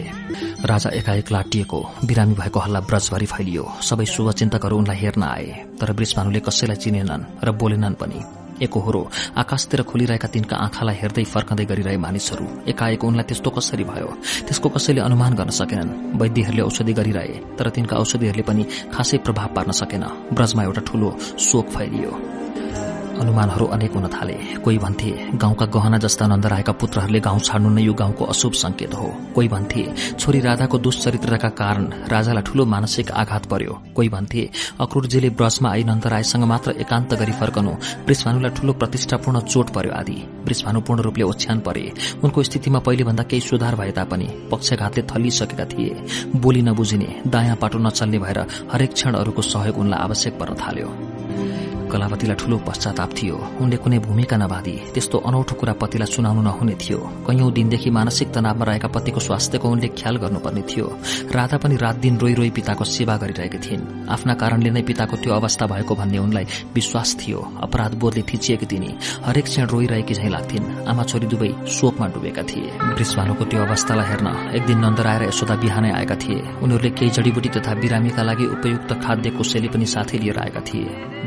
शयन कक्षमै भेटे दुवैले नन्दराएर देखेपछि उठ्न खोजे वृषभानु तर सकेनन्। कलावतीले तिनलाई उठाएर सिरानीको अडेसा लगाइदिन्। वृषभानु केही बोलेनन् एकहोरो आँखाबाट आँसु मात्र बगाइरहे। वृषभानुको अवस्थाले सबैलाई रुवायो। दुईटा परिवार एउटै भएर रोए। नबोलेर एकअर्कालाई हेरी मात्र रहे। रोइरहेका ठाउँबाट यशोदालाई हातमा समातेर कलावतीले आफ्नो शयन कक्षतिर लिएर गइन्। राधा आफ्ना पिताको छेउमा बसेर नन्दरायले सोधेका प्रश्नहरूको उत्तर दिन थालिन्। धेरै बेरपछि फर्केर आएका यशोदा र कलावतीका अनुहार अचम्मित र रहस्यमय थिए। दुवैका आँखा रुँदा रुँदा सुन्निएका जस्ता थिए। यशोदाले नन्दरायलाई अनौठो पाराले हेरिन्। यशोदाको अनुहार अस्वाभाविक भएको थियो। पाहुना भएको घरमा उनको त्यस्तो रूप नन्दलाई मन परेन। तिनले बस्ने मन हुँदाहुँदै पनि घर जान बिदा मागे। यशोदाको हिँडाइमा अनौठो चाल देखेर दुखी थिइन् कलावती। उनीहरू पर पुगेसम्म एकहोरो हेरिरहन्। बाटाभरि पनि यशोदा पतिसँग बोलिरहन्। केहीपल्ट नन्दजीले यशोदासँग बोल्ने प्रयत्न गरे तर ती कुनै कुराको जवाफ नपाएपछि उनले पनि यशोदालाई चलाइरहेनन्। दुई अपरिचित झैं चुपचाप हिँडिरहे उनीहरू घर आइपुगे। बिहान घरबाट हिँड्दाको भन्दा धेरै नै अनौठो मनस्थिति थियो यशोदाको। नन्दजीले यशोदाको मानसिक अवस्था बुझ्न अनेक प्रयत्न गरे। सकेनन्। नन्दराय यसै पनि कम बोल्ने त्यसमा पनि हाल ठूलो मानसिक तनाव भोगिरहेका उनी र त्यसमा थपिएकी थिएन यशोदा। नियमित गृह कार्य भइरहे पनि वृषभानु कहाँबाट फर्केकै क्षणदेखि यशोदाको वाक्य बसेको थियो। नन्दरायले जति नै कोसिस गर्दा पनि आफ्नो अधैर्यलाई रोक्न सकेनन्। सुतिसकेका उनी आधा रातसम्म निधाउन सकेका थिएनन्। बत्ती बाले उठे चिसो पानी पिए टाउको फुट्ला झैं भएको थियो तातेर झलझली सम्झिरहेका थिए वृषभानुलाई तिनको त्यस्तो दयनीय अवस्थासँग उनलाई पनि डर लाग्न थालेको थियो। मानसिक तनावले पक्षाघात हुनु स्वाभाविक नै थियो। यशोदाको यो व्यवहारले कतै मलाई पनि पक्षाघात त हुने होइन भन्ने मनभरि हुन थालेको थियो उनलाई। नन्दजीले यशोदाको ढोका ढकटेकाए आधा रातमा। निकै बेरपछि बत्तीबाली ढोका खोलिन यशोदाले अपरिचित जस्तो कोठाको एक कुनामा साधारण ओछ्यान लगाएर सुतेकी थिइन् तिनी। सुतेकी पनि के भन्नु? तेर्सिएकी थिइन् शरीरले। नन्दरायलाई यशोदाको त्यो अवस्था देखेर कहाँ भित्र गहिरो माया कतै ठोकिएर दुखे जस्तो र दुखेको पीड़ाले रिस उठे जस्तो भयो। केही नबोली तिनले यशोदाको हात समाथि डोराएर आफ्नो कोठामा लिएर आए। यशोदा पनि सपेराको बिनका पछि पछि डोरिएकै चाहिँ भइन्। सदाको आफ्नो बिछोनामा पसेपछि यशोदाले साह्रै नराम्रो अनुहार बनाई आँखाबाट आफूलाई बगाउन थालिन्। उनी रुनाको कुनै कारण थाहा नपाए पनि नन्दजीले यशोदाको शिर आफ्नो छातीमा राखेर धेरै बेर सुमसुमाइरहे।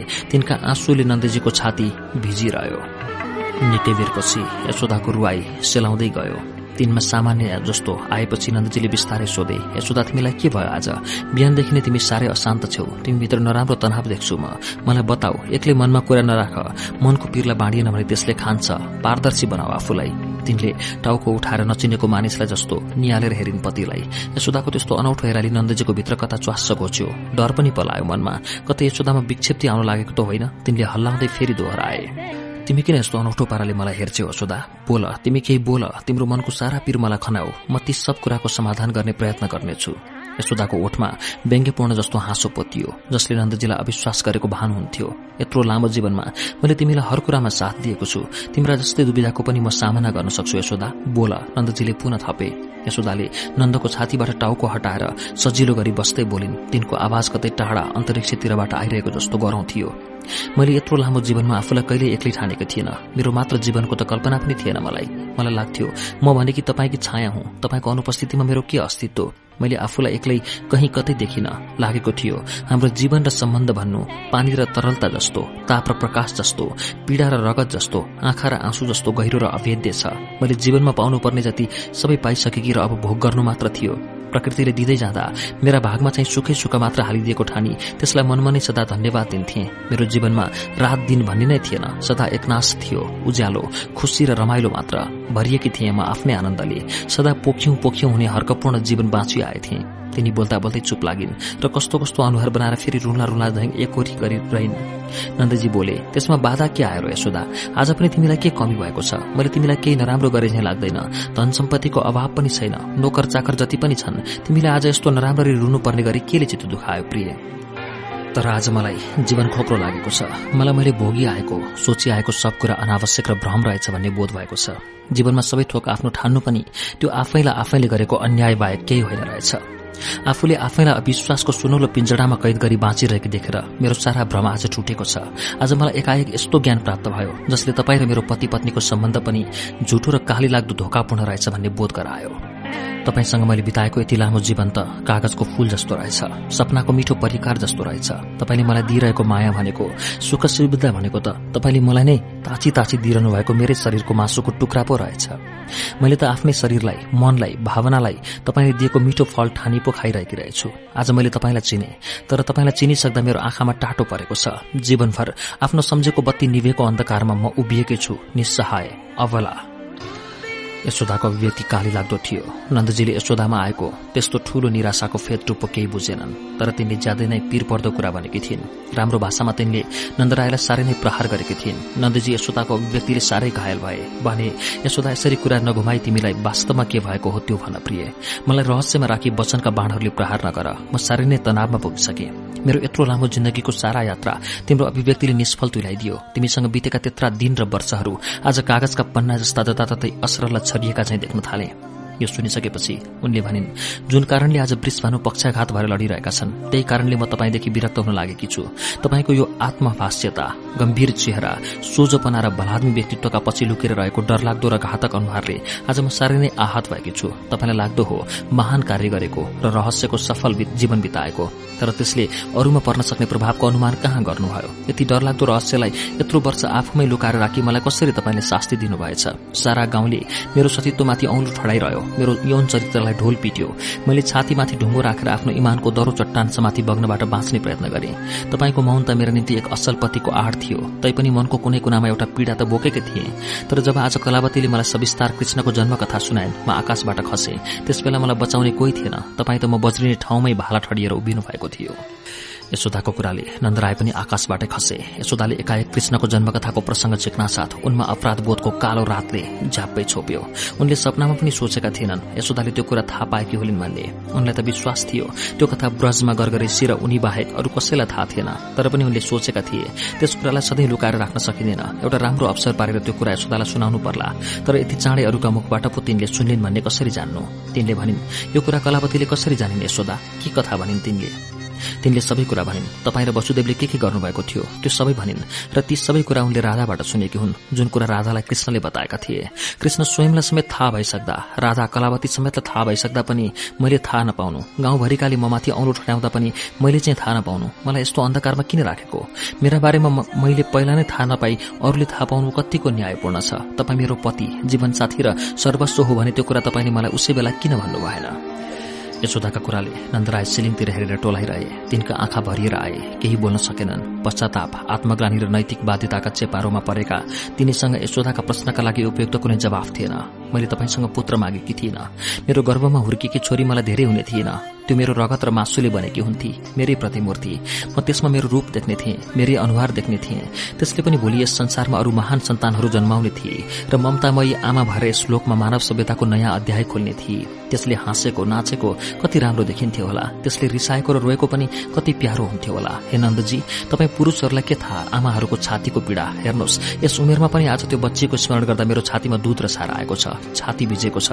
तपाईँले मेरो पोल्टामा देवकी नन्दलाई राखिदिएर कृत्रिम पुत्रवती बनाई ठूलै यस लिनुभएको ठाने पनि आज मलाई त्यो कार्य गलत लागेको छ। तपाईँले त्यसरी नढाटेर नलुकाएर पनि मलाई अझ सहयोगी यशोदा पाउन सक्नुहुन्थ्यो। यत्रो ऐतिहासिक यात्रामा मैले कृष्णको ओठमा आफ्नो दूधको मुन्टो राख्दै गर्दा र त्यसलाई उसले चुस्दै गर्दा पनि एक महान कार्यका लागि छोरीको बलिदान दिएर अत्याचारका विरूद्ध लड्ने योद्धा हुर्काउँदै गरेको आत्मगौरव त गर्न पाउँथे। यस युद्धमा मेरो पनि लगानी भइरहेको छ भन्ने सन्तोष त लिन पाउँथे। कंशद्वारा बध नगरिएकी त्यो पुत्रीलाई म आफ्नै अर्को फाँचो पान गराएरै हुर्काउन पनि त सक्थे। हे शंकालु अविश्वासी दम्ब पुरूष तिमीले मेरो सारा जीवनलाई निरर्थक र पत्रु बनाइदियौ मलाई कहीँको हुन दिएनौ अब आँखाबाट आँसु बगाउने पालो थियो नन्दजीको। निर्वाहक तिनी अविरल आँसु बगाइरहेका थिए। यशोदाका प्रत्येक वाक्य झिर जस्ता बनी तिनका कानका माध्यमबाट हृदयमा गएर गाडिन्थे। तिनलाई आज आफूले गरेको कार्य ठिक हो कि बेठिक हो छुट्याउन कठिन परेको थियो। नन्दजीको बोली बन्द भएको थियो। दिनभरि पनि केही बोलेनन्। पति पत्नी दुवैजना चुपचाप दैनिक कार्यमा लिन भइरहे। अनुहार हारेको सिपाहीको जस्तो आत्मग्लानीपूर्ण थियो नन्दजीको। उनी यशोदालाई ठाडो शिर गरेर हेर्न सक्दैनथे। अपराधबोधले ग्रस्त तिनी आफैभित्र आफै होछिँदै होछिँदै गइरहेका थिए। यशोदालाई मन हलुको भएको थियो।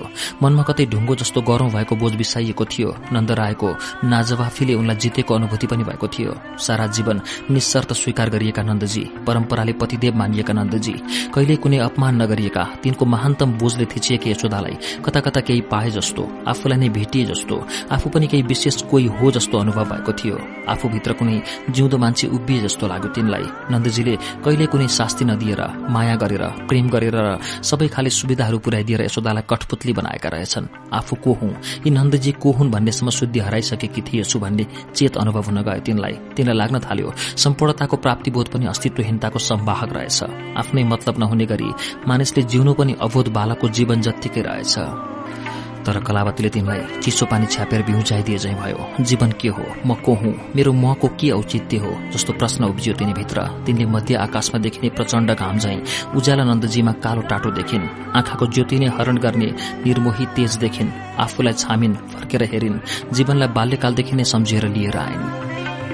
यता नन्द बाबा अपराधबोधको चेतले ग्रस्त थिए। उनी आफूभित्रै महान द्वन्दमा फँसेका थिए। आफूले त्यो रात गरेको निर्णय ठिक थियो कि गलत उनी छुट्याउन असमर्थ थिए। सत्य लागेको माथि पनि जब प्रश्न उभिन्छ सत्य धर्म आउँछ र त्यसले आधार दिन कन्जुस्याई गर्दछ। नन्दरायभित्र आफूले गरेको महान कार्य ठानिएको आज बालुवा झैं बेकममा बोध भइरहेको थियो। उनी यशोदाको सामु पर्न सकेका थिएनन् बोली बन्द भएको थियो। नन्दजीमा आएको त्यो घोर मौनता निराशताले फेरि यशोदालाई शास्ति दिन थाल्यो। तिनले आफ्नो जितको अनुभूति त गरिन् तर जसलाई जितेकी हुन् त्यो हार्नेप्रति नै फेरि पनि सहानुभूति थपिँदै जान थाल्यो। तिनी देख्थिन् एउटा निर्वाहक पुरूष जो उनको पति थियो र जीवनमा कुनै क्षण पनि अलग थिएन। तिनका सुखका निम्ति सदा तत्पर त्यो पुरूष कम बोल्ने बढ़ी सोच्ने गर्थ्यो। सारा समाजको एउटा आँखो जस्तो मान्यवर थियो। सदा निर्णायक व्यक्तित्वका रूपमा स्थापित व्यक्तिले त्यो आसन गुमाएपछि त्यसको मृत्यु हुँदो रहेछ। त्यसमा आत्मबलको प्राण विसर्जन हुँदो रहेछ। नन्दजीको पनि सम्पूर्ण व्यक्तित्व मूर्छित जाइ थियो। अब तिनी फेरि कहिले टाउको उठाउन सक्लान् झै लाग्दैन थियो। नन्दजीको त्यो अवस्थाले यशोदामा पुनः छटपटी पैदा गर्यो। तिनलाई लाग्यो नन्दजीको यो आत्महीन अवस्था सामान्य छैन। एकाएक आफ्नो नजरबाट आफै गिरेको त्यो पुरूष अनुभूति सहज छैन हेरिन नन्दको अनुहारमा। नन्द एकदमै निरीह र कमजोर जस्ता थिए। सानो बालक जस्तो असहाय देखिन्थे। संसारै गुमाइसकेर एक्लै बाँचिरहे झै लाग्थे। यशोदाले आफूलाई कठोर बनाइ राख्न सकेनन्। मनमा कति नै आत्मबोध र उचाइ उठेको लागे पनि मनको कुनै कुनामा नन्दजीप्रति अगाध प्रेम जागेर आयो। तिनको त्यो असहायत्वप्रति करूणा पलाएर आयो। सोचिन् यिनको सबै थोक भनेको पनि त मै हुँ। यी र मको संयुक्त जीवन बाँचिरहेका हामी। जो जो थियौं भने पनि यस जीवनमा प्रविधिले हामीलाई सहजीवन दियो मिलेर बाँच्ने काम दियो। संसारमा मानिस भएर जन्मेपछि कसै न कसैसँग सहकार्य गर्नै पर्थ्यो। यिनैसँग पर्यो। मैले भाग्य सम्झेथे ईश्वरको वरदान सम्झेथे। मैले आफूलाई अवला सम्झेथे कुनै पीर थिएन। आज आफूलाई चिनिसकेपछि म पनि स्वयं केही हुँ थाहा पाएपछि मेरो अस्तित्व र महत्वबोध भइसकेपछि भाग्य ईश्वर र चमत्कारबाट मुक्त भइसकेपछि पनि। तर नन्दजी मेरा जीवन साथी नै हुन्। तिनी बिनाको म वा म बिनाको तिनी जीवनमा सुखी हुनु सम्भव छैन। अब त बानी परिसकेको छ एकअर्काको। तिनलाई लाग्यो नन्दजी साह्रै एक्ला भएका छन्। बेलुका सुत्न लाग्दा यशोदा आफैले भनिन् हिजो मैले रिसको आवेगमा जे जे भने पनि हजुरले बिर्सिदिनु पर्यो। म एकदम तनावमा थिएँ। मैले जीवनमा त्यति तनाव कहिले खप्नु परेको थिएन। नन्दजीले ठूलो ठूलो यशोदाको अनुहारमा हेरिरहे। बोलेनन् अझै पनि तिनका आँखामा पानी भरिए झैं देखिन्थ्यो।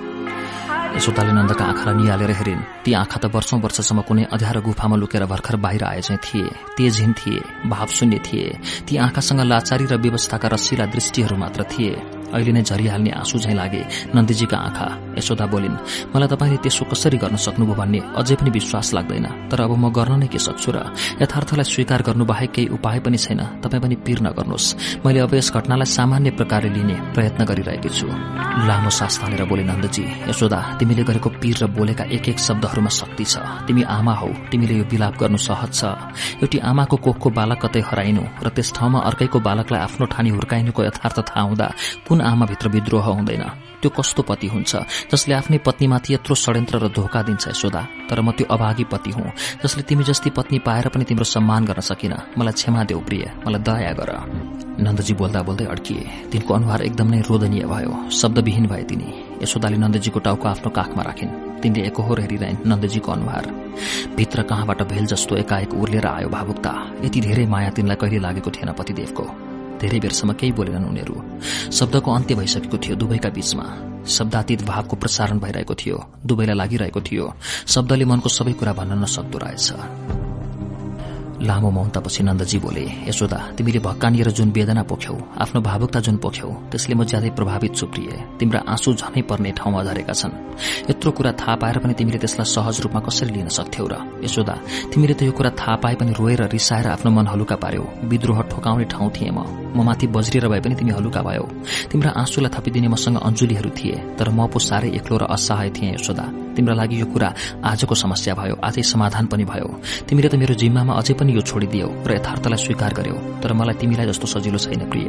कहिले मलाई यति सजिलो भएको छैन। उनी एक क्षण अड्किएर फेरि बोले तिमीले जस्तो मैले रुन नहुने विलाप गर्न नहुने मैले लोग्ने मान्छे हुनुपर्ने कठोर देखिनुपर्ने मैले गोप्य र धीर बन्नुपर्ने मलाई कति गाह्रो भयो होला यशोदा तिमी आफै सोच। मैले अर्काको हातबाट नवजात बालकलाई तिम्रो छेउमा सुताई आफ्नै हातले आफ्नै बच्ची अर्काको हातमा सुम्पिरहेका बेला त्यो पनि दुष्टले मार्न सक्छ भन्ने जान्दा जान्दै कसरी सय होला खपे होला? त्यस बेला के मैले विच्छेद अवस्थामा लडिरहेकी तिम्रो अनुहार देखेको थिइनँ होला? वर्षौं वर्षदेखि म भित्र यो एउटा कठोर ढुङ्गोलाई बोकेर म ब्रजमा हाँस्न खोज्थे रमाउन खोज्थे तर भित्र कतै मेरो आत्मबललाई केही कुराले नराम्रो गरी सदा थिचिरहेको हुन्थ्यो। तिमीले हुर्कँदै गएको कृष्णलाई जब काखमा लिएर दुध चुसाइरहेकी हुन्थ्यौ त्यसको गालामा मही खाइरहेकी हुन्थ्यौ त्यसलाई जिब्रो देखाएर हाँस्न सिकाइरहेकी हुन्थ्यौ आफ्नो चोर र बुढियाउनाले त्यसको नाक समातेर हल्लाइरहन्थ्यौ त्यो हाँस्थ्यो किटकिताएर कहिले तिमी महान देवी झै लाग्थ्यौ एउटी पूर्ण माता पूर्ण सन्तुष्टिले भरिएकी देखिन्थ्यौ तिमी तर त्यस बेला म भने भित्रभित्रै वेदनाले छटपटाइरहेको हुन्थे। तिमीले यत्रो माया गरी हुर्काइरहेको बालक तिम्रो होइन तिमीले जन्माएको होइन भन्ने तिमीलाई थाहा छैन भन्ने कुरा खप्न मलाई कति गाह्रो पर्थ्यो होला जति जति कृष्ण हुर्कँदै जान्थ्यो म भित्र पीड़ा झन्झन बढ्दै जान्थ्यो। कुनै न कुनै दिन यो रहस्य खुल्नेछ र त्यो दिन म तिम्रो नजरबाट गिर्छु नराम्ररी भन्ने कुराले म सधैँ ग्रसित हुन्थे। एकाएक यो क्षण यो पीरको बोझ बोकेर यत्रो वर्षमा कसरी आए होला? तिमीलाई यो थाहा पाएको दिन एक दिन त्यति नै गरौं भयो। मैले सिंगै युग जस्ता काली लाग्दा वर्षहरू एक्लै कसरी कटाए होला? सबै समय तिमीसँग रहेर पनि म तिमीसँग थिइन। तिम्रा सामु बोलिरहेर हाँसिरहेर पनि म त्यहाँ थिइन। म एक्लो फगत एक्लो थिएँ। एउटै खाटमा रातभर सँगै सुते पनि सपनामा एक्ला एक्ला भए चाहिँ थिएँ म। तिमीसँग यत्रो वर्ष। खालि एउटै कुराले मात्र मलाई बाँच्ने प्रेरणा दिइरहेको थियो कि मैले एउटा दुष्टताको अन्त्यका लागि यो बालकलाई हुर्काउँदैछु। आफ्नै आत्मालाई बलिदान दिएर पनि भविष्यलाई हुर्काइ गरिरहेछु यशोदा हामीले चित्त बुझाउनुपर्छ। इतिहासलाई बनाउने काममा हामी जस्ता साधारण मान्छेहरूको पनि ठूलो योगदान रहन्छ। कृष्णनन्द राय र यशोदाका नभएर वसुदेव र देवकीका पुत्र पो रहेछन् भन्ने कुरा सारा ब्रजभरि आदि जस्तो फैलियो। मानिसहरू जहीँ सुन्थे त्यही ठिङ्ग उभिन्थे र बोल्दैनथे। गोपिनीहरू ट्वाल्न पर्थे गाउँ नै अलमल्ल परेको थियो। ब्रजभित्रको शान्ति र खुसियाली समाप्त भएको थियो। त्यहाँ दिन प्रतिदिन नयाँ नयाँ रहस्यहरू उद्घाटन भइरहेका थिए। त्यही खबर सुनेर वृषभानुलाई पक्षाघात भएको थाहा पाएपछि ब्रजवासीहरू झन दुखित भएका थिए। सबैभन्दा दुखी र चिन्तित भएका थिए चन्द्रभानु। आफ्नै कारणबाट नन्द र वृषभानुको ठूलो अपमान भएको थियो भन्ने कुराले तिनी दिनदिनै बाँसिँदै गइरहेका थिए। उनले आफूलाई सम्हाल्न सकेनन्। एक दिन बिहानै नन्दरायका घरमा पुगेर उनका अघि हात जोडी उभिरहे। नन्दरायले तिनलाई आफ्नो छेउमा बसाएर यसरी मौन भई उभिरहनुको कारण सोधे। चन्द्रभानु साह्रै नै आत्मग्लानीले भिजेको आवाजमा बोले नन्दजी म अज्ञानी मूर्खलाई क्षमा गर्नुहोस्। मलाई के थाहा? तपाईँ यस्तो महान हुनुहुन्छ। ईश्वरकै प्रतिरूप जस्तो तपाईँको यो मौनतालाई हामी सोझा साझा मानिसले कसरी बुझ्नु? सागर जस्तो गहिरो तपाईँको व्यक्तित्वका अघि हामी सदा साधारण मान्छे हौ नन्दजी। मैले सामान्य लोकाचारको भाषा बोले। मैले हामीले नै बनाएको सांसारिक कुरा गरेथे त्यसबाट तपाईँ र यो सदा मातामा परेको मानसिक तनावका लागि म क्षमा माग्छु। नन्दजी बोले हे मित्र मैले तपाईँहरूलाई के भनेको छु र? तपाईँहरूले सामाजिक लोकाचारको प्रश्न उठाउनु गलत थिएन। सामाजिक मर्यादाका लागि यो जरूरी थियो। जनताका नजरमा गलत लागेको कुरा सार्वजनिक हुनै पर्थ्यो। त्यसैले त त्यो काम गर्नै पर्ने थियो। त्यो तपाईँले गर्नुभएको थियो। त्यसलाई मैले सहज रूपमा लिएको थिएँ। कृष्णको वर्ण स्वभाव आदिलाई हेरेर तपाईँहरूले उसको वंशमाथि उठाउनु भएको प्रश्न जायज थियो। तर त्यसलाई सार्वजनिक घोषणा गर्ने बेला भएको थिएन। त्यसैले म मौन थिएँ। अब यो कुरा सार्वजनिक भइसक्यो। सबैले थाहा भइसके। अब मलाई यसबारे बोल्न गाह्रो हुँदैन मित्र। नन्दरायसँग धेरै बेर पश्चातापका शब्द रोएर फर्के चन्द्रभानु। ब्रजमा भइरहेको यो उथल पुथललाई साधारण मान्नुहुने अवस्था थिएन। कंश कृष्णका शत्रु भएका छन्। कृष्णलाई वध गर्ने उनको उद्देश्य छ भन्ने भित्रभित्रै गाउँमा चर्चा चल्न थालेपछि दुई किसिमका प्रतिक्रियाहरू भए। एउटा थियो कृष्णको मायाले उत्प्रोत भएको र कृष्णको अनिष्टको कल्पना पनि गर्न नसक्ने। अर्को थियो अब यो कृष्णका कारण ब्रजमा ठूलो अनिष्ट हुने भयो। ब्रजवासीलाई कंशले दुःख दिने भयो ठूलो मारकाट हुने भयो आदि। बाहिर बाहिर कृष्णको माया गर्ने र नन्दजीको प्रशंसा गर्ने भए पनि भित्रभित्र भने तिनीहरूको आलोचना गर्नेहरू नै धेरै थिए। आत्मसुरक्षाको भावनाले मानिसलाई व्यक्तिगत बनाउँछ। ब्रजमा मानिसहरू बिस्तारै व्यक्तिगत हुन थालेका थिए। कृष्णको त्यो रूप र अवस्थाको कुरा सार्वजनिक भइसकेपछि भने गाउँका युवाहरूमा नयाँ प्रतिक्रिया र गोप्य संगठन प्रारम्भ हुन थाल्यो। फेरि एकपल्ट गोपिनीहरू र गोपहरू पहिला जस्तै भेला हुन थाले। तर अबको भेलामा पहिला जस्तो हाँसखेल नाचगान र ठट्टा होइन गोप्य मन्त्रणा र विमर्शहरू हुन थालेका थिए। उनीहरू बीच ब्रजमा हुन सक्ने सम्भावित अनिष्टसँग जुझ्नुपर्ने तयारी तथा आवश्यक पर्दा कृष्णको सहयोगका लागि पनि लडाकु दस्ताको निर्माण गर्ने बारे छलफल हुन थालेको थियो। गाउँमा अब कुरा गोप्य थिएन। अर्धवयस्कहरू पनि युवाहरूको जमातमा मिसिन थालेका थिए। अभिभावकलाई यस कुराको खासै ज्ञान नभए पनि यमुनाको किनारमा जंगलभित्र उनीहरूको तालिम केन्द्रको स्थापना गरिएको थियो। त्यस तालिम केन्द्रमा गाउँका युवक र युवतीहरू हत्या हतियार सम्बन्धी तालिम लिन थालेका थिए। यस काममा भित्रभित्रै गर्ग ऋषिको योगदान थियो। गर्ग ऋषिले कृष्ण र बलराम मथुरातिर लागेपछि र अक्रूरजी ब्रजबाट रित्तै फर्केपछि कंशको दरबारमा होहल्ला मचिएको र कंश झन ज्यादा आतंकित र आक्रामक भएको कुरा बुझेका थिए।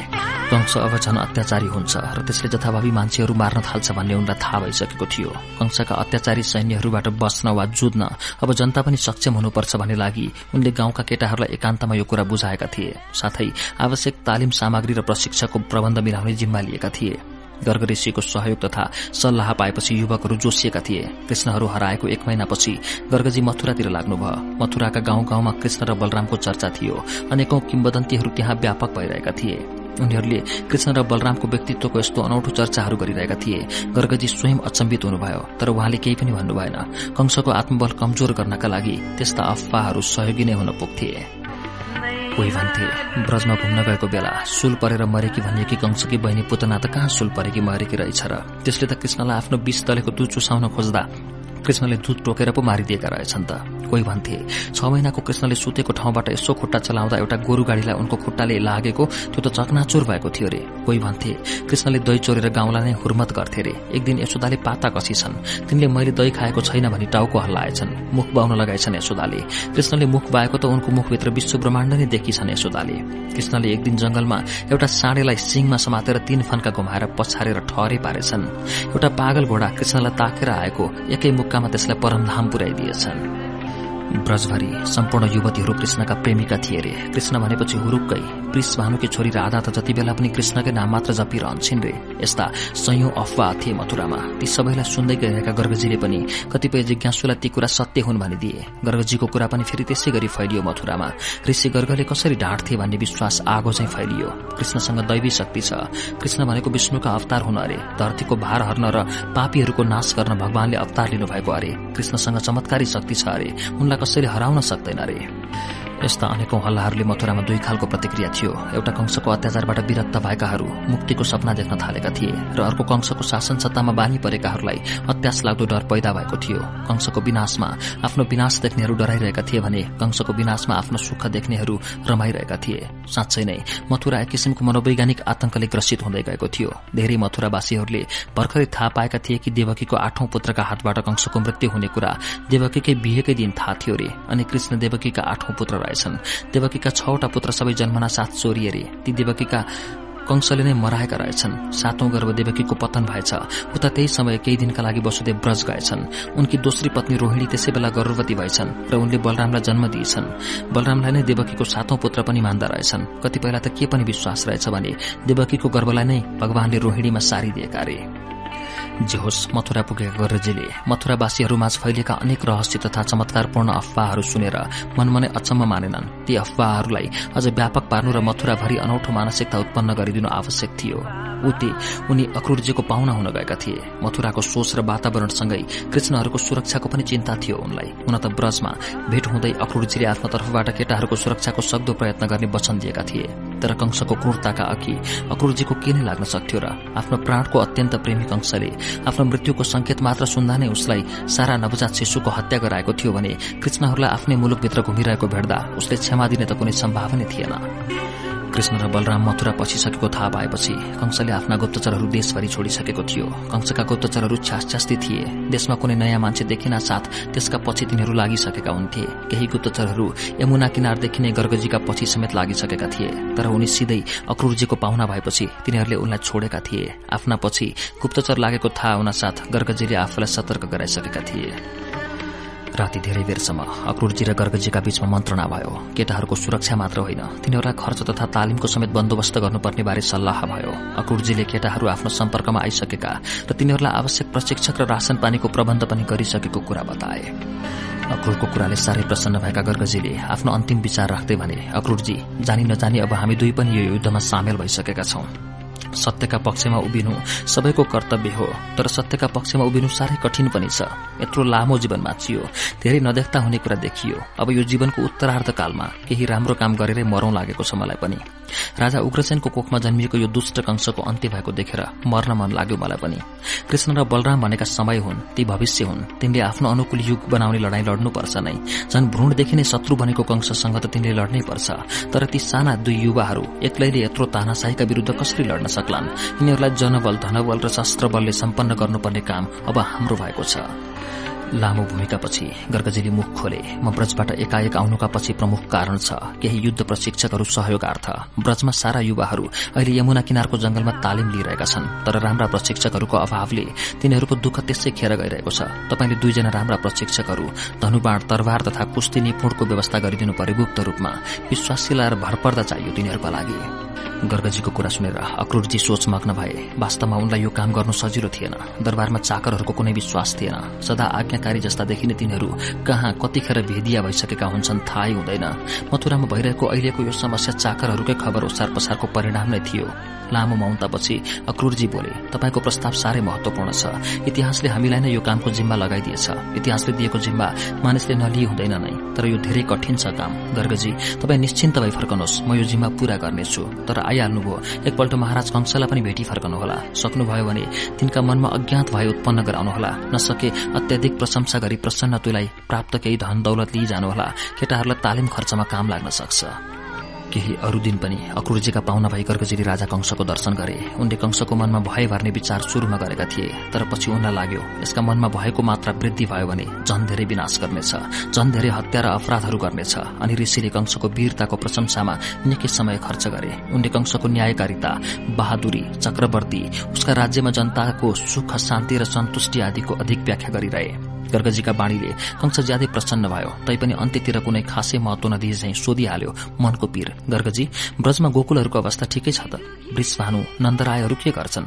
धेरै काल भयो मेरो उनीहरूसँग भेट नभएको। मित्र नन्दराय र वसुदेव दुवै घनिष्ठ थिए मेरो युवा कालमा। हामीले धेरै रमाइला र सुखपूर्ण क्षणहरू संयुक्त रूपमा व्यतीत गरेका छौं। तिनका बालबच्चाहरूको अवस्था के छ? मैले नन्दजीलाई तपाईँको छोरो पठाइदिनुहोस्। म त्यसको राम्रो हेरविचार शिक्षा दीक्षाले सुशोभित गरी मेरी भान्जी एकनङसासँग बिहे गराइदिन्छु भनी खबर पठाएको थिएँ। तर तिनले पुत्र पठाएनन्। कंसको कुरो सुनेर गर्गजी भित्रभित्रै हाँसे। उनको ओठ समय उठेर आयो भित्री मुस्कान भने महाराज नन्दजी र यशोदालाई अहिले ठूलो किर परेको छ। तिनीहरूले बुढेसकालमा एउटा छोरो त पाए तर त्यो साह्रै बदमाश निस्कियो। घरभित्र मात्र होइन गाउँभरि नै त्यसको चकचकले उत्पात मचाएको थियो। अझ वसुदेवकी दोस्री पत्नीपट्टिको पुत्र बलरामको संगत भएपछि त गाउँ नै त्राहीमाम भएको थियो। गाउँभरिका कुमारी केटीहरूको अवस्था उस्तै असुरक्षित। कसैका घरमा दही र मक्खन सुरक्षित नरहने। सबले उनीहरूलाई अतिरिक्त कर तिर्नुपर्ने। लडभिड गर्ने जहिले मारकाट मात्र भइरहने। ब्रज जस्तो शान्त क्षेत्रमा यी दुई कोटाहरू हुर्किएपछि एक दिन पनि ब्रजवासीहरू सुखले बसेका थिएनन्। गाउँभरिका अल्लारे केटा जति सबैलाई पछि लगाएर दुवै केटा हिँडिरहन्थे कैयौं पल्ट नन्दजीका आँगनमा केटाहरूको विषयलाई लिएर कचहरी बस्यो। कैयौं पल्ट गाउँलेहरूले वृष भानुकै अघि पनि उजुर पुऱ्याए। तर के गर्नु? वृष भानुकै पुत्री राधा समेत कृष्णसँग एकहोर भएर लागेकीले उनी पनि विरोधी जस्ता भए। गर्गजीको कुराले कंसको अनुहार लाल लाल हुँदै गयो। तिनमा रिसको पारो चढेको प्रष्टै देखिन थाल्यो। गर्गजीले थपिरहे महाराज कतिपल्ट विचारा नन्दजीले तिनीहरूको ग्रह शान्तिका लागि पूजापाठ पनि लगाइसके। सबै ज्योतिषीहरू भन्छन् कृष्णका हातबाट ठूलो मान्छेको बध लेखिएको छ। मैले पनि त्यस केटाको कुण्डली एक दुईपल्ट हेरे। अचम्मको कुण्डली छ त्यसको। डर लाग्छ। ज्योतिषीहरूलाई त्यसका ग्रहहरू देखेर। साधारण मानिसका कुलमा त त्यस्ता बच्चाहरू जन्मदै जन्मदैनन्। जन्मी गए पनि ती बाँच्दैनन्। तर खै त्यो केटो कसरी हुर्किरहेछ? त्यसको औषध देख्दा त उहिले नै रुखबाट लडेर पानीमा डुबेर पशुले हानेर सर्पले डसेर भीरबाट खसेर कुनै न कुनै अपगति गरेर मरिसक्नुपर्ने। तर त्यो अचम्म ढंगले हुर्किरहेको छ। केही समय भयो महाराज। दुवै केटा एकाएक गाउँबाट हराएका छन्। तिनीहरू हराउनको पछि गाउँमा अनेक खाले चर्चा छन्। प्रमाणित केही छैनन्। तैपनि भित्रभित्रै गाईगुई छ तिनीहरू कतैतिर गएर सैन्य दस्ता निर्माणमा लागेका छन् रे। तिनीहरू कुनै राज्यमाथि लडाईँ गर्ने योजनामा छन् रे। हुन त ती फुच्चीहरूले के को राज्यमाथि हमला गर्न सक्नु र? तैपनि फटाहरूको के विश्वास? गर्गका पछिल्ला कुराले भने कंशको अनुहारमा देखेको रिस एकाएक भयमा परिणत भयो। तिनी नराम्रो गरी डराएका जस्ता देखिए। ऋषिले फेरि थपिदिए तर महाराजको नाम सुन्दा भने तिनीहरू डरले लगलग काँप्थे। कतिपय मानिसहरूले तिनीहरूलाई धम्क्याउनु पर्यो भने महाराजको नाम लिएर मथुरामा उजुर गर्ने भन्न साथ तिनीहरू ठण्डा हुन्थे। तिनीहरू गाउँबाट हराएपछि निकै दिनपछि उडुवा समाचार गाउँमा आएको थियो। तिनीहरू हस्तिनापुरतिर लागे रे भन्ने। तर त्यो पनि प्रमाणित छैन। अहिले भने गाउँ शान्त छ। बिचरा नन्द यशोदा र रोहिणी भने शोकाकुल छन्। महाराजको प्रस्ताव लिएर अक्रुरजी स्वयं पुगेपछि त उनीहरू झन शोकमग्न भएका छन्। गर्गजीको पछिल्लो अभिव्यक्तिले कंस प्रसन्न देखियो। उसले गर्गजीको अत्यन्त आदर तथा प्रशंसा गर्दै एक पोको स्वर्ण मुद्रा र केही गरगहनाहरू अर्पण गर्यो। त्यसलाई साथै लिएर तिनी ब्रज फर्के। गर्गजी मथुराबाट फर्केर आउँदा गाउँमा एक किसिमको आतंक जस्तो मचिएको थियो। केटाहरू कोही गाउँमा थिएनन् केटीहरू पनि गाउँमा थिएनन्। गोकुल त युवाहरूबाट रित्तो जस्तो पो थियो। सारा वस्तु भएको काम अब सबै बुढाबुढीको भरमा थियो। पहिला जस्तो दही घिउको उत्पादन पनि थिएन। एकाएक गाउँको आयस्रोत घटेको थियो। कृष्भानु पूर्ण रूपमा थला परेका थिए। उनको आर्थिक अवस्था पनि घिर्दो स्थितिमा थियो। गाउँमा आएको यस परिवर्तनले सम्पूर्ण दोष कृष्ण र बलरामको टाउकोमा थोप्रिएको थियो। त्यति शान्त ब्रजलाई नर्क बनाए दुईटा फटाहा केटाले भन्ने धेरैको मुखमा थियो। राजाले मार्न चाहेको एउटा बालकलाई उति बेलै मर्न दिएको भए आज यस्तो बखेडा खडा हुने नै थिएन भन्ने निकैको राय थियो। आफ्नै गाउँमा। सर्प जस्तो विषालु बालक हुर्काइदिने नन्दरायप्रति पनि गाउँलेहरू खुसी थिएनन्। तिनीहरूमध्ये कतिले चन्द्रभानुलाई भेटी। अब गाउँको सुरक्षाको जिम्मा तिमीले लिनुपर्छ। वृषभानु र नन्दरायबाट ब्रजको स्थिति थामिँदैन भनी राय पनि दिए। तर चन्द्रभानुले त्यसको कुनै जवाफ दिएनन्। तिनी पहिला पहिलाको जस्तो जुरुकै उचालिन छाडेका थिए। गर्गजीले गाउँलेहरूलाई सम्झाए समय सदा एउटाको अधिकारमा हुँदैन। यसलाई हाँक्ने नयाँ नयाँ व्यक्तिहरू संसारमा आइरहन्छन्। प्रत्येक पुस्ताले आफ्नो युगमा आफ्नो अनुकूल बाटो खोज्छ। परिवर्तन हुने नै त्यसै गरी हो। हाम्रा पालामा हामीले गरेको भनेको हाम्रै अनुकूलको मात्र थियो। हामी गरेकाले नै अब आउने पिढ़ीलाई अन्तिमता दिँदैन। त्यसैले आफ्नो यौवनको गीत जसले पनि गाउँछ अब नयाँ पुस्ताले नयाँ कुरा सोचिरहेको छ। तिनीहरू आफ्नै युगको निर्माणमा लाग्न खोजिरहेका छन्। तिनीहरूलाई त्यसो गर्न दिनुपर्छ। गर्गजीको कुरा गाउँलेहरूले बुझेनन् तर ऋषिले पनि छोराछोरीको बाटोलाई समर्थन गरेको पाउँदा भने उनीहरूको कता कता चित्त बुझे जस्तो देखियो। गर्गजी मथुराबाट फर्किएको करिब दुई सातापछि दुईटा नयाँ मान्छे गाउँमा देखा परे। नयाँ मान्छे देखिन साथ अचेल ब्रजवासीहरू डराउन थालेका थिए। तर त्यसको चाँडै निवारण भयो। जब तिनीहरूले गर्गजीलाई भेट्न चाहे गर्गजीले गाउँलेहरूलाई भनिदिए तिनीहरू गर्गजीका तीर्थाटन अवधिका उनका मित्रका पुत्रहरू थिए र आफ्ना पिताजीका समाचार बोकी उनलाई भेट्न आएका हुन्। केही दिन ती दुई जवानहरू गर्गजीकै पाहुना भए सँगै गाउँ घुमे जंगल विहार गरे। गर्गजीको संगत लागेपछि कसैले वास्ता पनि गरेन। गर्गजीले तिनीहरूलाई तालिम केन्द्रमा पुर्याइदिए। नयाँ मान्छेहरूलाई आफ्ना अघि देखेर हच्केका केटाहरूलाई ऋषिले उनीहरूको प्रशिक्षणका लागि अक्रुर्जीका तर्फबाट आएका भनेपछि सबै खुशी भए। सबैले अत्यन्त आदरका साथ तिनीहरूको स्वागत गरे।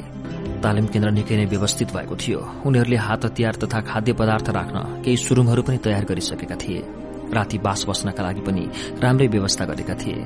हात हतियार बनाउनेहरू पनि काममा व्यस्त थिए। अर्थात यस्तो लाग्थ्यो वास्तवमा केही ठूलै युद्धको यो एउटा तयारी हो। गर्गजीले भने तिमीहरूले खर्चको पीर नगर्नु। जे आवश्यक हुन्छ कुनै सूत्र मार्फत मलाई खबर गर्नु। म सबै कुराको बन्दोबस्त मिलाउँछु। राम्रो तालिम लिनु गुरूहरूबाट। उनले थपे युवा युवतीहरू सबैलाई सम्बोधित गर्दै तिमीहरू सबै एउटा साँच्चैको युद्धमा निस्केका छौ। एउटा ठूलो परिवर्तन ल्याउनु छ तिमीहरूले। तिमीहरूले आफ्ना सबै सुखशैल र भोगविलासलाई बिर्सनुपर्छ। लक्ष्यमा पुग्नका लागि मार्गमा देखा पर्ने हरेक अवरोधलाई सहजै पन्छाउन सक्नुपर्छ। तिमीहरूको यो उमेर तिम्रो हरेक अठोट र प्रतिज्ञाहरूको बाधक पनि छ। तिमीहरूले लक्ष्यलाई भुलेर शरीरको मात्र कुरा गर्यो भने सुन त्यो भन्दा ठूलो दुर्गति केही हुँदैन। अझ छोरीहरूले सुन तिमीहरूले कुनै भूल गर्यो भने यो युद्ध क्षेत्रबाट विराङ्गना भएर होइन अवला भएर बिना पतिका पुत्र लिएर गाउँ फर्कनेछौ। होस गर्नु सबैले लाजले टाउको निहुराए ऋषिले थपे। यो लजाउने बेला होइन भावनालाई दबाउने बेला पनि होइन सबै कुरा खुला र प्रष्ट हुनुपर्छ। भावलाई दमन गरेर कोही मुक्त हुन सक्दैन त्यसलाई व्यक्त गरेर मात्र मुक्त हुन सकिन्छ।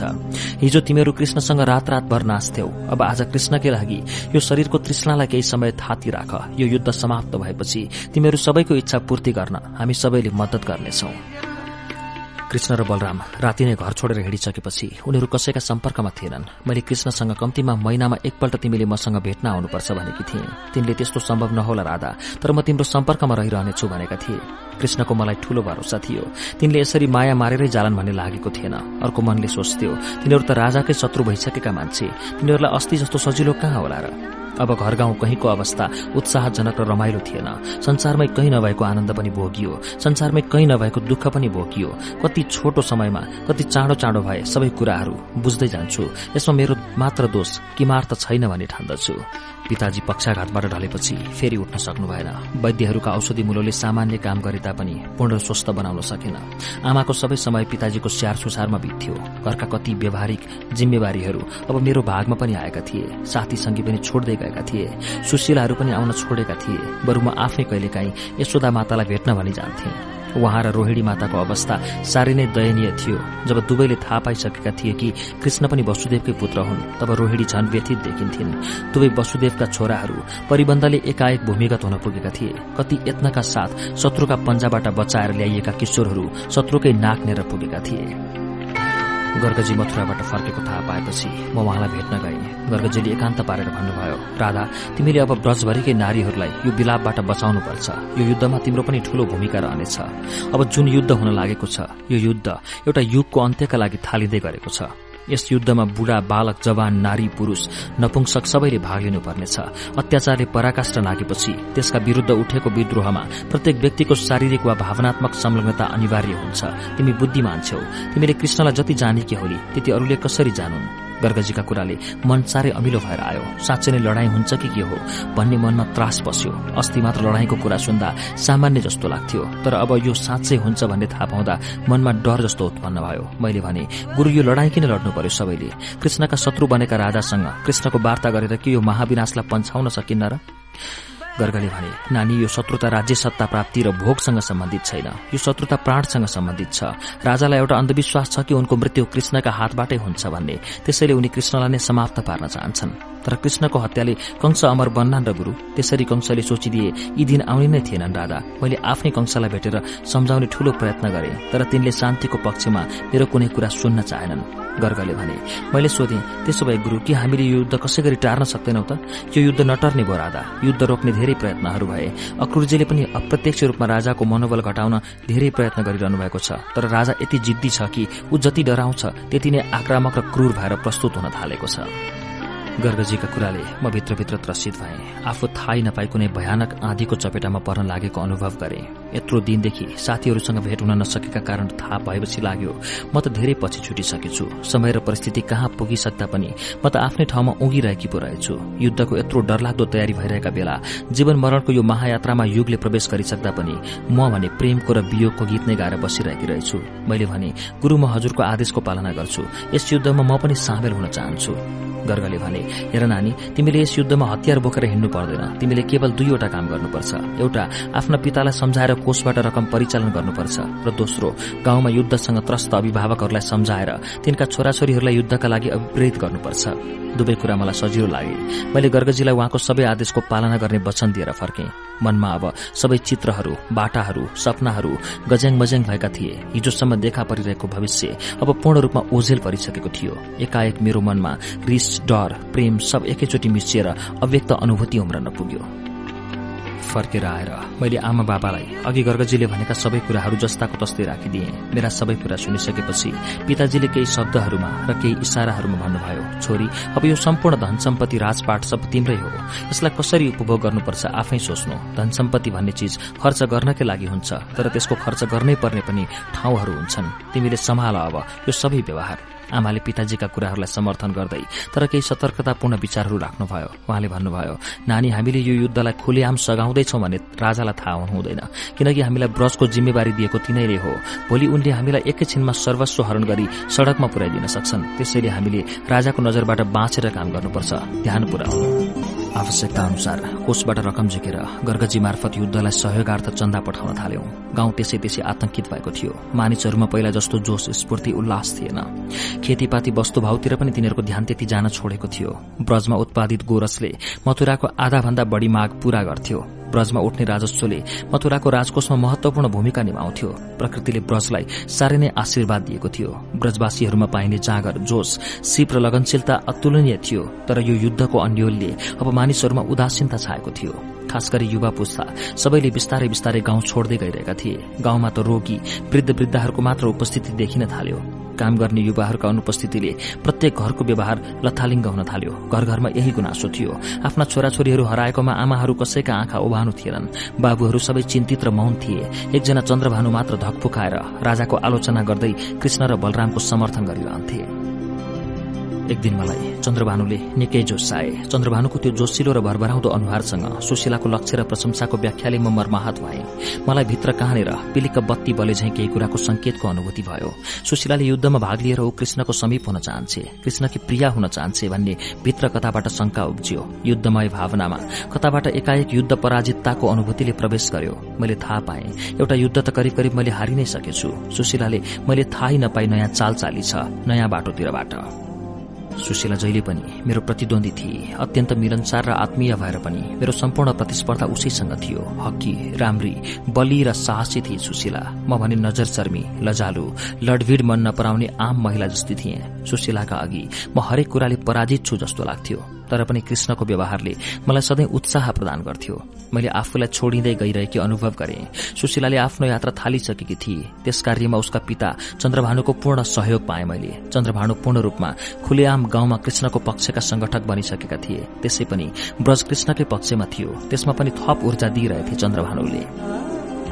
सुशीलासँग। मेरा अधिकांश सखीहरू जंगल पसिसकेका रहेछन्। उनीहरू मलाई नभेटी मसँग कुनै राय नलिए जंगल पसे भनेको सुन्दा मनमा खिन्नता पलाएर आयो। तिनीहरूले मलाई किन विश्वास गरेनन् वा किन राय लिन आवश्यक ठानेनन् होला भन्ने कुराले निकै दिनसम्म पिरोलिरह्यो। एक दिन एउटा अपरिचित युवक मलाई भेट्न आयो। त्यो युवक ब्रजको थिएन। रहस्यमय थियो त्यो। त्यसलाई देख्न साथ चन्द्रभानु र गर्गजीको भनाइको स्मरण भयो। कंसकै गुप्तचर हुनुपर्छ भन्ने पूर्ण विश्वास मनमा बस्यो। मैले त्यससँग सतर्कता अप्नाउन सोचे तर त्यसले मलाई अत्यन्त आदरभाव प्रकट गर्दै कृष्णको चर्चा गर्यो। कृष्णको चर्चा सुन्न साथ मेरो अघिको सबै सतर्कता कता भाग्यो भाग्यो। मैले त आफूलाई यति विस्मृत गरेछु कि उसैलाई कृष्ण झैं सम्झन पुगेछु। पछि म ज्यादै लज्जित पनि भए आफैसँग। त्यस युवकले मसँग धेरै कुरा गरेन। एकदम संक्षिप्त कुरा गरी गोजीबाट एउटा चिठी निकालेर दियो। खोलेर हेरे कृष्णकै अक्षर थिए। लेखेका थिए तिनले। राधा पल पलको स्मरणमा ताजै छौ तिमी। त्यो रात हामी घरबाट हिँड्दा साह्रै दुखी थियौं। हामीले बुझिसकेका थियौं। अब आउने समय हिजोको जस्तो रमाइलो र आनन्दित हुने छैन। न हाम्रो मिलन नै त्यति सहज र स्वाभाविक छ। अन्तिम पल्ट तिमीलाई भेटेर फर्केपछि म सिधै तिनै जंगल र मैदानहरूमा गएँ जहाँ हामीले कैयौं एकान्तताहरू बिताएका थियौं। तिम्रो शिरलाई काखमा राखेर एक एकवटा केसका रौंहरू खेलाई मैले बिताएका क्षणहरूको स्मरण गरे। तिम्रा आँखामा म प्रति उम्रने उज्यालो आँसु र भावुकताको रंगलाई स्मरण गरे। राधा त्यो दिन मैले जीवनमा सबैभन्दा धेरै बेरसम्म मुरली बजाएको दिन हो। मलाई लाग्छ अब त्यसरी मुरली बजाउने फुर्सद पनि कहिल्यै हुने छैन मलाई। मुरलीको धुनसँग आँखाबाट कति कति बगे आँसुका धाराहरू। मलाई लाग्छ तिमीले मेरो तिमीप्रतिको प्रेम र भावनालाई जति बुझेकी छौ सायद कति पनि बुझेकी छैनौ राधा। तिमी भनेकी प्रिस भानुकी छोरी एउटी प्रेमिका होइनौ मेरा लागि। तिमी भनेकी म भित्रको भावरूप हौ म भित्र मैसँग हुर्कदै गएको उमेरले स्थापना गर्ने अनुभूति र आकांक्षाकी प्रतिरूप हौ। तिमी मभन्दा अलग अस्तित्वमा देखिने तर मेरै भाव र अनुभूतिको प्रस्तुति हौ। राधा तिम्रो स्मृति मात्रले म कति कति साहसिला कामहरू गर्न सक्छु। जब म एकान्तमा एक्लै हुन्छु अरूले देख्दा तर हो त्यही बेला चाहिँ म तिम्रो सबभन्दा नजिक हुन्छु तिमीसँग। तिमी छेउ र त म जे पनि गर्न सक्छु। तिमी छेउ र त म यो सारा संसारलाई सानो तोरीको गेडो जत्रो देख्दछु। तिमी छेउ त्यसैले म संसार जित्न निस्केको छु राधा। मलाई सदा प्रेरणा गर प्रिय। मलाई हर वखत स्मरण गर। हामी जंगल जंगल डुलिरहेछौं। अनेक पल्ट हाम्रो जंगली जनावरसँग जम्का भेट र युद्ध भइसक्यो। बलराम दादालाई त एउटा भालुले नराम्रो गरी घाइते बनायो राधा एकपल्ट तर हामी दुवै भएर त्यसलाई मार्यौं। अहिले हामीसँग अब प्रशस्त लडाकु साथीहरू संगठित भइसके। मथुराका जंगल जंगलमा हाम्रा तालिम केन्द्रहरू छन्। ब्रजमा पनि हाम्रा तालिम केन्द्रहरू सञ्चालित छन्। यसबीचमा दादा र मैले विभिन्न हात हतियारको प्रयोगदेखि लिएर कुस्तीको पनि राम्रो तालिम लियौं। तिमी छक्क पर्छौ होला राधा। तिम्रो हिजोको लुरे मर्न आँटेको कृष्ण छैन म अब। अब त बुझ्यौ म एउटा पहलमान जस्तो भएको छु। यो जिउ भनेको जस्तो चाहियो। त्यस्तो बनाउन सकिने कुरा रहेछ। कठोर कसरत र तालिमले मेरो जिउलाई फलाम जस्तो कडा बनाइदिएको छ। तिमीले मेरो पीर लिनु पर्दैन।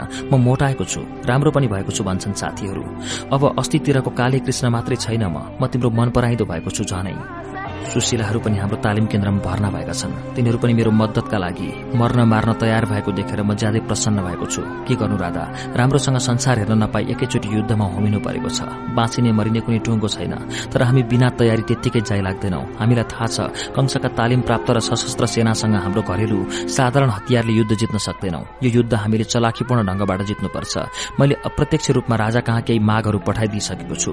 मैले साधारण मागहरू राखेको छु। उनले मेरा माता पितालाई जेलमुक्त गरी गरी स्वतन्त्र रूपमा बाँच्न दिनुपर्छ। जीवनभरि मेरा मातापितालाई उनले दिएको शारीरिक तथा मानसिक ज्यादतीको क्षतिपूर्ति दिनुपर्छ। उनले अपदस्थ गरेका आफ्ना पितालाई जेलमुक्त गरी पुनः राज सिंहासनमा बसाउनुपर्छ। यति तीनवटा शर्त पूरा गरेमा हामी उनीसँग वार्ता गर्न र युद्ध रोक्न सक्नेछौ। तर हाम्रा यी कुनै कुरा पनि उनले सुनेनन्। अक्रुरजी मार्फत गएका हाम्रा यी माघहरूलाई राजाले साह्रै नराम्रो व्यवहार गरेछन्।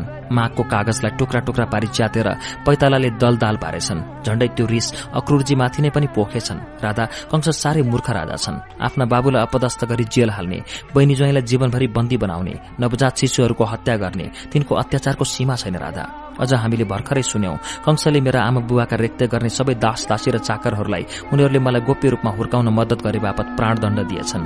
संयौं दास दासी र चाकरहरूको सामूहिक हत्या गरिएछ। राधा यस्तो पापी राजालाई कहिलेसम्म राज्य जिम्मा दिने? हुन त तिमी यस्ता राजनीतिक कुरा बुझ्दैनौ। तिमीले नबुझ्नु पनि यस्ता कुराहरू। राधा तिमी तिमी जस्तै सादा सुन्दर मायालु दयालु र प्रेमालु भएर रहनु। तिमी सुशीला जस्तै चञ्चल लडाकु र उत्ताउली नहुनु। तिमी यसै कारण मलाई प्रिय छौ राधा किनभने तिमी तिमी जस्तै शालीन र सरल छौ। तिमी यो जटिलतातिर नआऊ। म पनि यो जटिलताबाट मुक्ति चाहन्छु। केही कालपछि यो जटिलताबाट मुक्त भएर म तिमीसँग आइपुग्नेछु राधा। प्रतीक्षा गर।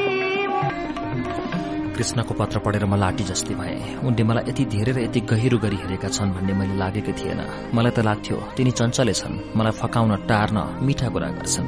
तिनलाई आकर्षण गर्ने सुशीलाहरूका तुलनामा तिनी म प्रति नाटक र अभिनय ज्यादा गर्छन्। तर आजको यो पत्रले भने मलाई भित्रैदेखि एउटा महान विश्वास पलाएर आयो। खुसीले पागल चाहिँ भएकी मैले त्यो चिठी आमालाई लगेर दिएँ। चिठी पढेर खुसी हुनुभएकी आमाले त्यो चिठी बाबालाई पनि देखाउनु भयो। चिठी पढेर गम्भीर हुनुभयो बाबा।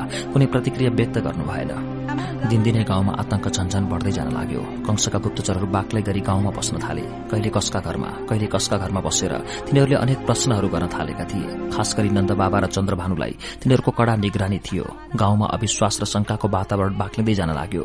गुप्तचरहरू यसरी छासछास्ती हुनुका पछि गाउँभित्रै रहेका राजाका सुराकीहरूको कारण हो भन्ने प्रचार एकातिर थियो भने अर्कातिर गाउँका सारा युवाहरू विद्रोही सेनामा सामेल भएको आशंका राजाका गुप्तचरहरूलाई थियो।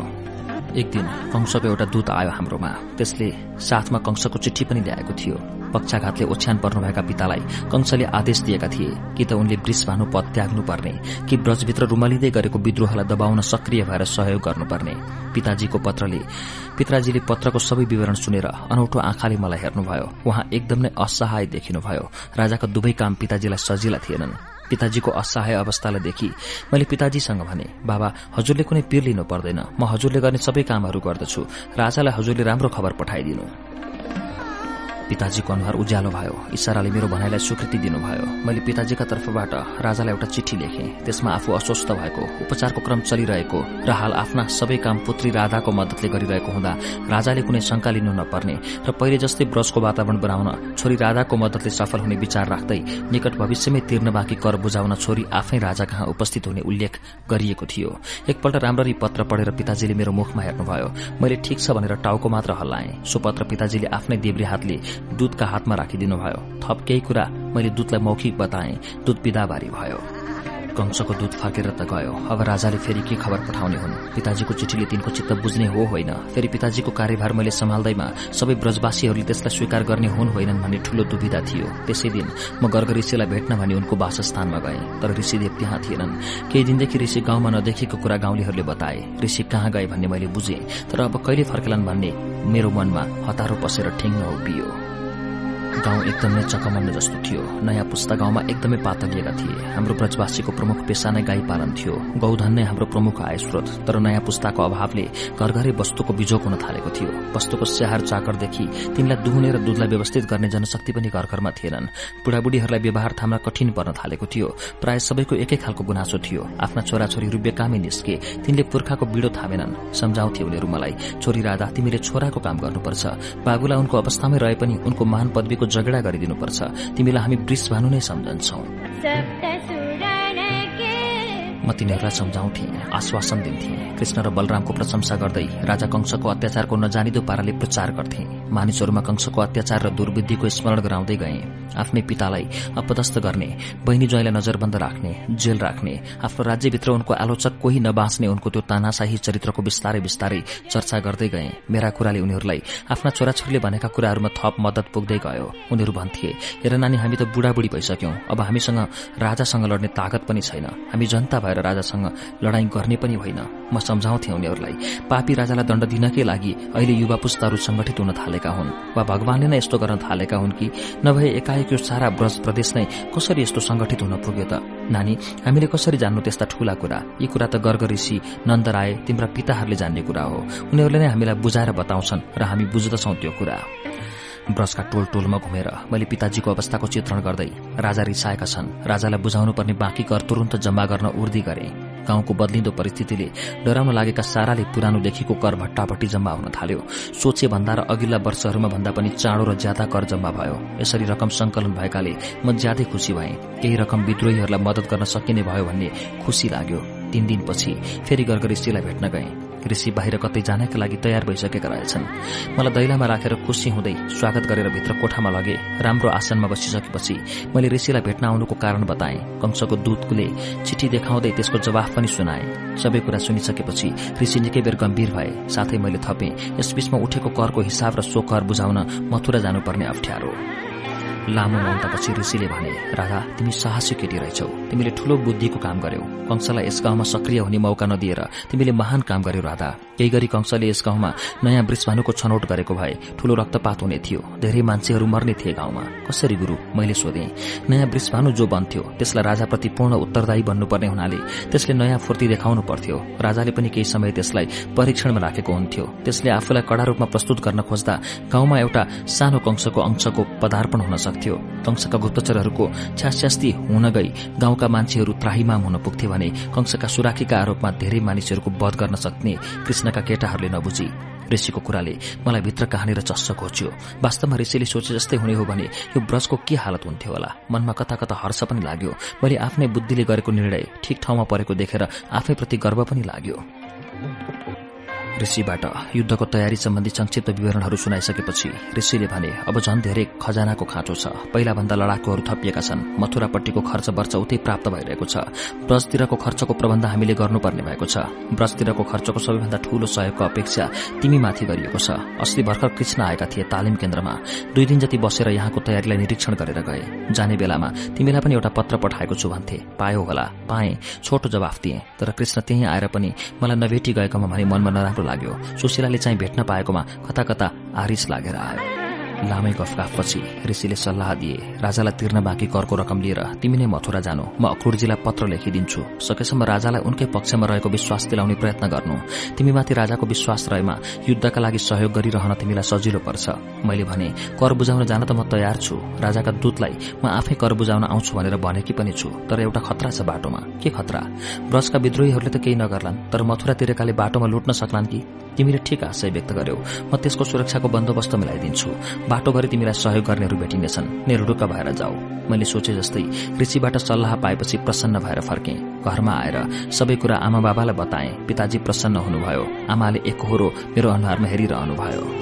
अक्रोरजीले सोध्नुभयो बाटामा कुनै अप्ठ्यारो त परेन होला नि? कसैले केही गरेन? साह्रै सजिलोसँग आइपुगे। मनमा डर चाहिँ भइ नै रह्यो। तपाईँका बारेमा मैले समाचार पाइसकेको थिएँ। तपाईँको पूर्ण सुरक्षाको व्यवस्था गरिएको थियो।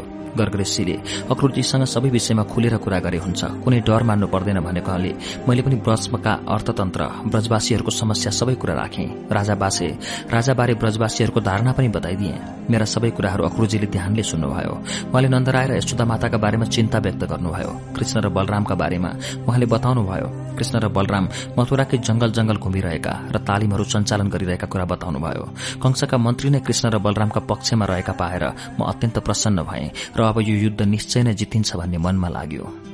राजढोकुटीमा जम्मा हुने गरी ब्रजवासीका तर्फबाट ल्याइएको कर बुझाउन अक्रुरजीसँगै म राजाको सभामा पुगे। मथुराका बढी बढी व्यक्तिहरूको त्यहाँ उपस्थिति थियो।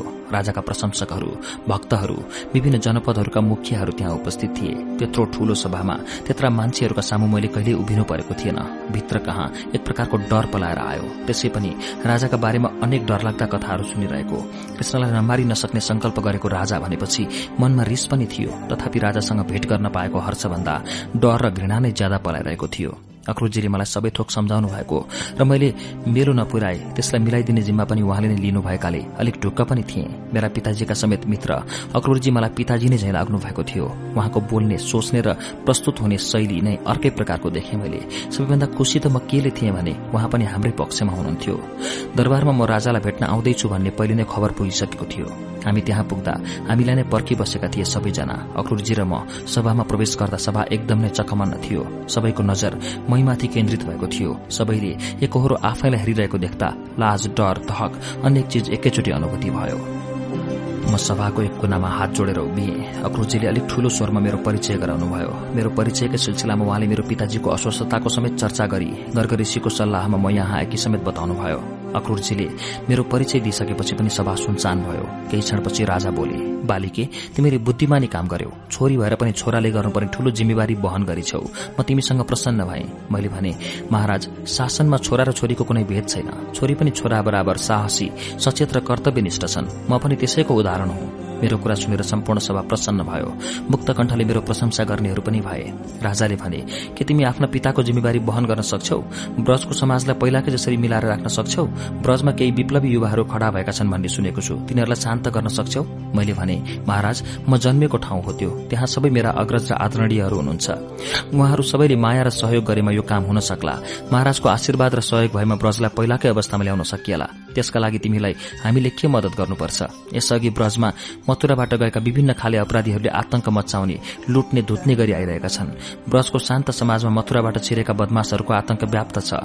ती फटाहरूले सबैपल्ट राजाका सेवक बताउने गरेकाले ब्रजवासीहरू मथुरासँग सशंकित छन्। मथुराले उनको सुरक्षाको ग्यारेन्टी गर्नुपर्छ। ब्रजमा मथुरातिरबाट छिरेर जाने फटाहरूलाई रोक्नुपर्छ। ब्रजका समाजप्रति अनावश्यक शंका गरिनु हुँदैन। ब्रजवासीका मनमनमा बसेको महाराजप्रतिको भक्तिभावलाई बचाइराख्न ब्रजमाथि मथुराको विश्वास अटल रहनुपर्छ। आज पनि प्रत्येक ब्रजवासीहरू महाराजको नाम हरेक प्रातकालमा स्मरण गर्छन् पुज्दछन्। चक्रवर्ती राजा कंशको महान युग र शासनकालमा छिमेकी प्रदेश ब्रजवासीहरूले मथुराको नाममा दुखी हुनु शोभनीय छैन महाराज। भन्दा भन्दै निकै कुरा भनिहालेछु। सभा एकदम मौन थियो। कोही पनि नबोलेको देखेर मन तर्सियो। अक्रुरजी पनि अध्यारो अनुहार बनाएर घोप्टिनु भएको थियो। राजा एकटक मलाई हेरिरहेका थिए। वातावरण भयावह जस्तो बोध भयो। मैले फेरि थपेँ। अहिले ब्रजमा नयाँ पिढ़ीका युवाहरू छैनन्। सबै मथुरातिर लागेका छन्। नयाँ पिढ़ीको अभावले गर्दा प्रमुख गाई पालन व्यवसाय धराशायी हुने अवस्थामा छ। कृष्ण र बलरामले गाउँको वातावरण नै एकदम विश्रृंखलित बनाइदिए। उनीहरूकै भकाउमा लागेर युवाहरूले गाउँ छोडे। कृष्ण र बलरामको आलोचना सुनेपछि अक्रुरजीको टाउको केही ठाडो भयो। राजाको तन्तमाइलो अनुहारमा पनि केही परिवर्तन देखियो। मेरो सबैभन्दा पछिल्लो भनाई निकै प्रभावकारी भएछ। सभामा उपस्थित धेरैजनाले मेरो भनाईको समर्थन गर्दै भने तिनीहरूलाई समातेर कडाभन्दा कडा दण्ड दिनुपर्छ। मैले अझै थपेँ। महाराज म मेरा पिताजीको सम्पूर्ण जिम्मेवारी वहन गर्न सक्छु। त्यो मौका मलाई प्रदान गरियोस्। प्रसन्न भएका राजाले तत्कालै पिताजीको उत्तराधिकारीका रूपमा मलाई ब्रजको जिम्मेवारी सुम्पिए। अक्रुरजी र मेरा बीचमा त्यही नै सल्लाह भएको थियो। मसँग प्रसन्न भएका राजाले अक्रुरजीलाई मलाई आवश्यक सबै खाले सरसहयोग गर्न हुकुम दिए। मैले बुझाउन लगेको कर राजकोषमा दाखिला भएपछि म मुक्त भए। म मथुरा जाने भन्ने चर्चा ब्रजभरि नै व्याप्त भएको थियो।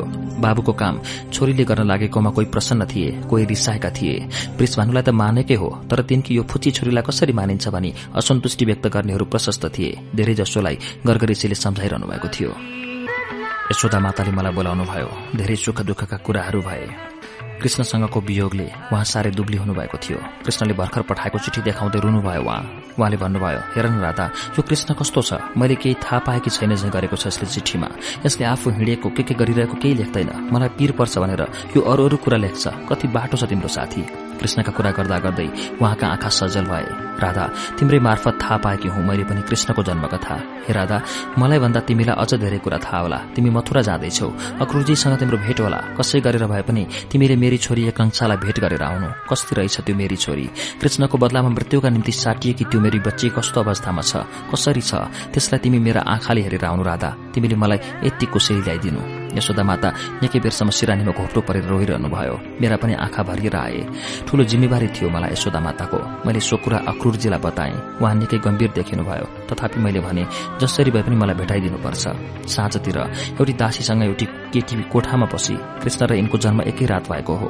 कृष्ण र यिनको उमेरमा केही घडीको मात्र फरक छ। कृष्णको जीवन रक्षार्थ कंसाका हातमा मार्नका लागि सुम्पिएकी यिनी? जन्मदै मृत्युको षड्यन्त्रमा प्रवेश भएकी आफू को हुँ र कहाँ छु? कोद्वारा किन पालित छु भन्ने ज्ञानबाट छलिएकी तिनलाई देखि मन साह्रै विद्वलित भयो। यशोदा माताको गर्भमा दश महिना हुर्किएकी यिनी तर यिनलाई थाहा छैन यो कुरा। आहा कति अन्धकारमा बाँचिरहेका हुन्छौं हामी। आफूले उज्यालो चाँचो सत्य देखिरहेको भोगिरहेको भनिएकै चिज वास्तवमा कति अध्यारो र अज्ञानताले परिवेष्टित हुँदो रहेछ। म जससँग जस्केँ र छेउमै बस्न अनुरोध गरेँ। दासीलाई विदा गरिदिएँ। तिनी मलाई अपरिचित आँखाले हेरिरहेकी थिइन्। निकै कौतूहल थियो तिनमा मैले नै कुरा शुरू गरेँ। हे बहिनी एकांक्षा तपाईँ मलाई चिन्नुहुनुहोला म पनि भर्खरै तपाईँलाई देखिरहेको छु अनुहारमा। तर माता देवकी पुत्री तपाईँलाई देख्न मलाई साह्रै नै इच्छा थियो। उति टाढा ब्रजदेखि आइपुगेकी म? एकपल्ट भेटौँ भनी मैले अक्रूरजीसँग अनुरोध गरेथेँ आइदिनुभयो धन्यवाद। तिनी बिस्तारै बोलिन्। मैले हजुरका बारेमा प्रशस्तै सुनेकी छु। ब्रजमा कृष्ण र बलराम दादा कि हजुर घनिष्ठ मित्र हुनुहुन्छ भन्ने मथुराभरि व्याप्त छ। तपाईँहरूले ब्रजमा गरेका बाल लीलाहरूको चर्चाले मथुराका घर घरमा बास पाएको छ। मलाई पनि हजुरको दर्शन गर्ने इच्छा तीव्र थियो। आज मलाई यो मौका दिएर ठूलो गुण लगाउनु भएको छ। मैले भने बहिनी एकनाम्सा मलाई तपाईँको अवस्थाप्रति चिन्ता लागेको छ। हुन त दरबारमा पालिनु भएको छ। खाना लाउनको पक्कै कुनै दुःख नहोला। तर आफ्ना माता पिताहरूबाट बालककालमै यसरी बिछोडिएर अर्काको दयामा झैं पालित हुनु कति पीड़ापूर्ण होला। म अनुभव गर्न सक्दिनँ। मेरो कुरा सुनेर तिनी भावुक तथा त्रसित भइन्। तिनले इसाराले चुप लाग्ने संकेत गरी ढोकासम्म गइन्। कुनाकानी सबैतिर हेरविचार गरी फर्केर आइन् भित्र पसेर ढोका पनि लगाइन्। उनको यस्तो अवस्थाले म अझ व्यथित भएँ। तिनी कतिसम्म आतंकित र त्रस्त रहेछन् भन्ने मैले त्यसैबाट अनुमान गरेँ। तिनले छेउमा आएर भनिन् दिदी यहाँ त राजाको विरोधमा केही बोल्नु हुँदैन। तुरन्त प्राण संकटमा पर्छ। यो दरबारका भित्ता भित्तामा राजाका कान छन्। जे बोले पनि तिनले सुन्छन्। यहाँ दिनै पछि भित्रभित्रै कति दास दासीहरू मारिरहेका र कति पुरस्कृत भइरहेका हुन्छन्। राजाको प्रिय पात्र हुने र पुरस्कार पाउने लोभमा दास दासीहरू बीचको अन्तर संघर्षले आफू आफै मारिरहेका छन्। मैले सोधेँ तपाईँको विश्वासिलो एउटी दासी पनि छैन त? दासीहरू फेरिरहन्छन् कसैसँग घनिष्ठ हुन पाइँदैन। मेरो सेवाका लागि नियुक्त गरिएका दासीहरू मेरै गुप्तचरी गरिरहेका झैँ लाग्छन्। साँच्चै दिदी अचेल मलाई चारैतिरबाट केही आतंकपूर्ण वातावरणले घेरिएकै झैँ लाग्छ। तर बहिनी त्यसरी निराश र हताश हुनु हुँदैन। आफू पनि चलाक हुनुपर्छ। किन आफूलाई त्यसो गरिँदैछ? त्यो बुझ्नुपर्छ। बरु राजाकै प्यारो हुन खोजेर भए पनि यी कुराहरू पत्तो लगाउनुपर्छ। म रोगी पिताको सहयोगी भई ब्रजदेखि राजा भेट्न यहाँ आएकी छु। राजाबाट पिताको उत्तराधिकारीको पदवी लिएर फर्कँदैछु। साहसी पो हुनुपर्छ। सथा कमजोर हुने रुने र आफ्ना पीरहरूलाई सुनाउने मात्र गरिरहे त हेपिहाल्छन् नि जसले पनि। मलाई एक नङ्साको अनुहार देख्नु थियो। तिनको आवाज सुन्नु थियो। तिनको स्थिति जान्नु थियो। छोटो समयमा सबै कुरा पत्ता लाग्यो। तिनी साह्रै सोची तथा मानसिक रूपमा बन्दी जीवन भोगिरहेकी रहेछन्।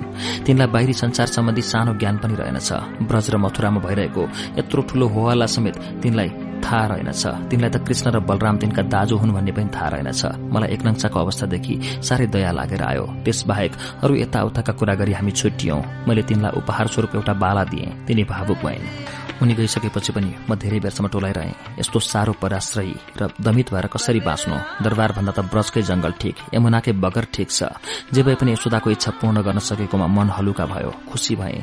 मथुरामा मलाई केही दिन अरू बस्न मन थियो। राजालाई भेटेर कर बुझा आएपछि र आफ्ना कुरा भनेपछि मन हलुङ्गो भएको थियो जे चिताएको थियो त्यही पुगेपछि एक किसिमको युद्धै पो जितिए झैँ लाग्न थाल्यो। मलाई मथुरा नगरको भ्रमण गर्न तथा त्यहाँको जीवनका बारेमा केही अध्ययन गर्ने इच्छा थियो खास राजधानीको व्यवस्थापन तथा सुरक्षा स्थिति बुझ्ने इच्छा थियो। त्यसै भएर भोलिपल्ट बिहान पूजापाठ सकेपछि मैले अक्रूरजीसँग आफ्नो विचार राखेँ।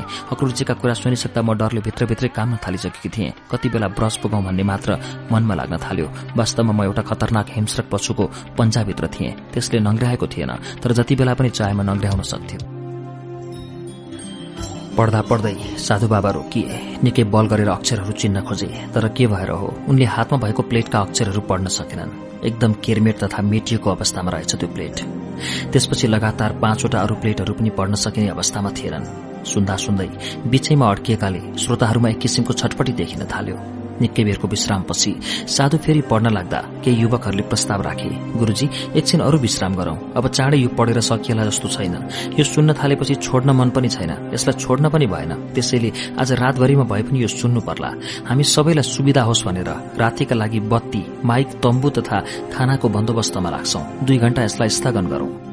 यो प्रस्तावले सबैभन्दा खुशी भए महिलाहरू उनीहरूलाई बेलुकाको कामले बोलाउन थालेको थियो। दुई घण्टाको विश्रामले सबैलाई मद्दत पुग्ने भयो वाचन स्थगित भयो। चिन्तामणी दाई लोकराज हुमागाई तीर्थ सिग्देलहरू पनि उठेर जमजमाए। उनीहरूले पनि समाचार फ्याक्स गर्ने मौका पाए। त्यहाँ बसेका पुरूष चटपटाउनेवाला थिएनन्। बसी बसी सुनिरहेका कथामाथि अनेकौं विमर्शहरू हुन थाले। लेखनाथ र म अलमलमा पर्यौं हिँडौं भने त्यस्ता कुरालाई छोडेर कसरी हिँड्नु? बसौं भने घरमा पनि केही बताएको थिएन। सरसल्लाहपछि काठमाडौँ समाचार फ्याक्स गर्न भद्रपुर जान लागेका भएका साथीहरूलाई घरमा फोन गर्ने जिम्मा दिई बस्ने निर्णय गर्यौं। बस्ने त भयौं तर त्यो गाउँमा खाने पो कहाँ? संकट थियो। हाम्रो खाने समस्याको पनि एकैछिनमा समाधान भयो। भद्रपुरको गैर सरकारी संस्था नागार्जुन बहुउद्देश्य विकास परिषदले त्यस रातको त्यहाँ बस्ने सम्पूर्ण श्रोताहरूमा खानाको व्यवस्था गर्ने भयो। लेखनाथ ढुक्क भएर आङ तन्काउँदै उत्खनन क्षेत्रको वरिपरि भ्रमण गर्न लाग्यौं। हामी साह्रै नै अचम्बित भएका थियौं। त्यो बाकस त्यहाँ त्यस रूपमा भेटिएको र त्यसभित्रको कथाले हामी साह्रै नै चकित भएका थियौं। एउटा अनौठो पुराणको उत्खनन भइरहेको थियो त्यो बाकसमा अहिलेसम्म पाइएका पुराणहरूको कथासँग पटक्कै नमिल्ने गरी कथा विकसित भएको छ। राधा आफैले लेखेको यस कथामा तर सत्यताको अंश बढ़ी भएको हामीलाई लाग्यो। कथा अघि बढ़िरहेकाले टुङ्गोमा पुग्ने कुरा त थिएन तैपनि सुनिए जतिले नै पनि कथा अर्कै दिशातिर गइरहेको हामीले देख्यौं। जब कृष्ण र बलराम अक्रूरजीको रथमा चढेर मथुरा जानुपर्नेमा भूमिगत भए कथाले यहीँदेखि अर्को रूप लिन थालिसक्यो। कंसको वध नै अब नयाँ ढंगले हुने लक्षण देखियो। घुम्दै हामी फेरि एउटा मानव झुण्डाको नजिक पुग्यौं। त्यहाँ पनि त्यही कथाका विषयमा चर्चा भइरहेको थियो। साधु बाबा साधारण व्यक्ति होइनन् भन्ने कुरा प्रमाणित भइसकेको थियो। तर यी को हुन् र यहाँ कसरी आइपुगे भन्ने अर्को रहस्य पनि हुर्कँदै थियो। अनेक अनुमानहरू हुन थालेका थिए मानिसहरूका बीचमा। कोही भन्थे यी मान्छे सुभाष चन्द्र बोस हुनुपर्छ। भारतको स्वतन्त्रताको आन्दोलनमा हराएका सुभाष चन्द्र बोसका बारेमा अनेक किम्बदन्ती छन्। अर्को भन्थ्यो कहाँ सुभाष चन्द्र बोस त खप्तड बाबा पो हो भन्छन् त। तिनी त मरि पनि सके। कोही भन्थ्यो यी मान्छे कि विदेशी गुप्तचर हुन् कि सरकारी गुप्तचर आफ्ना अनुमानहरू प्रसारण भइरहेका थिए त्यहाँ। केही युवाहरूले माइक चढान गर्न लागे। तम्बु र बत्तीको प्रबन्ध मिलाउन लागे मनमा त्यसै त्यसै एक किसिमको हर्क लागिरहेको थियो। जीवनमा साह्रै नै महत्वपूर्ण कुरा प्राप्त हुन लागेको अनुभव भइरहेको थियो। विभिन्न गम्भीर विमर्शहरू गर्दै हामी यताउति घुमिरह्यौं। समाचार फ्याक्स गर्न भद्रपुर गएका पत्रकार साथीहरू फर्केर आए। उनीहरूले खबर ल्याए बाटामा सयौं मानिसहरू यतैतिर आउँदैछन् रे। चारैतिर हल्ला फैलिसक्यो।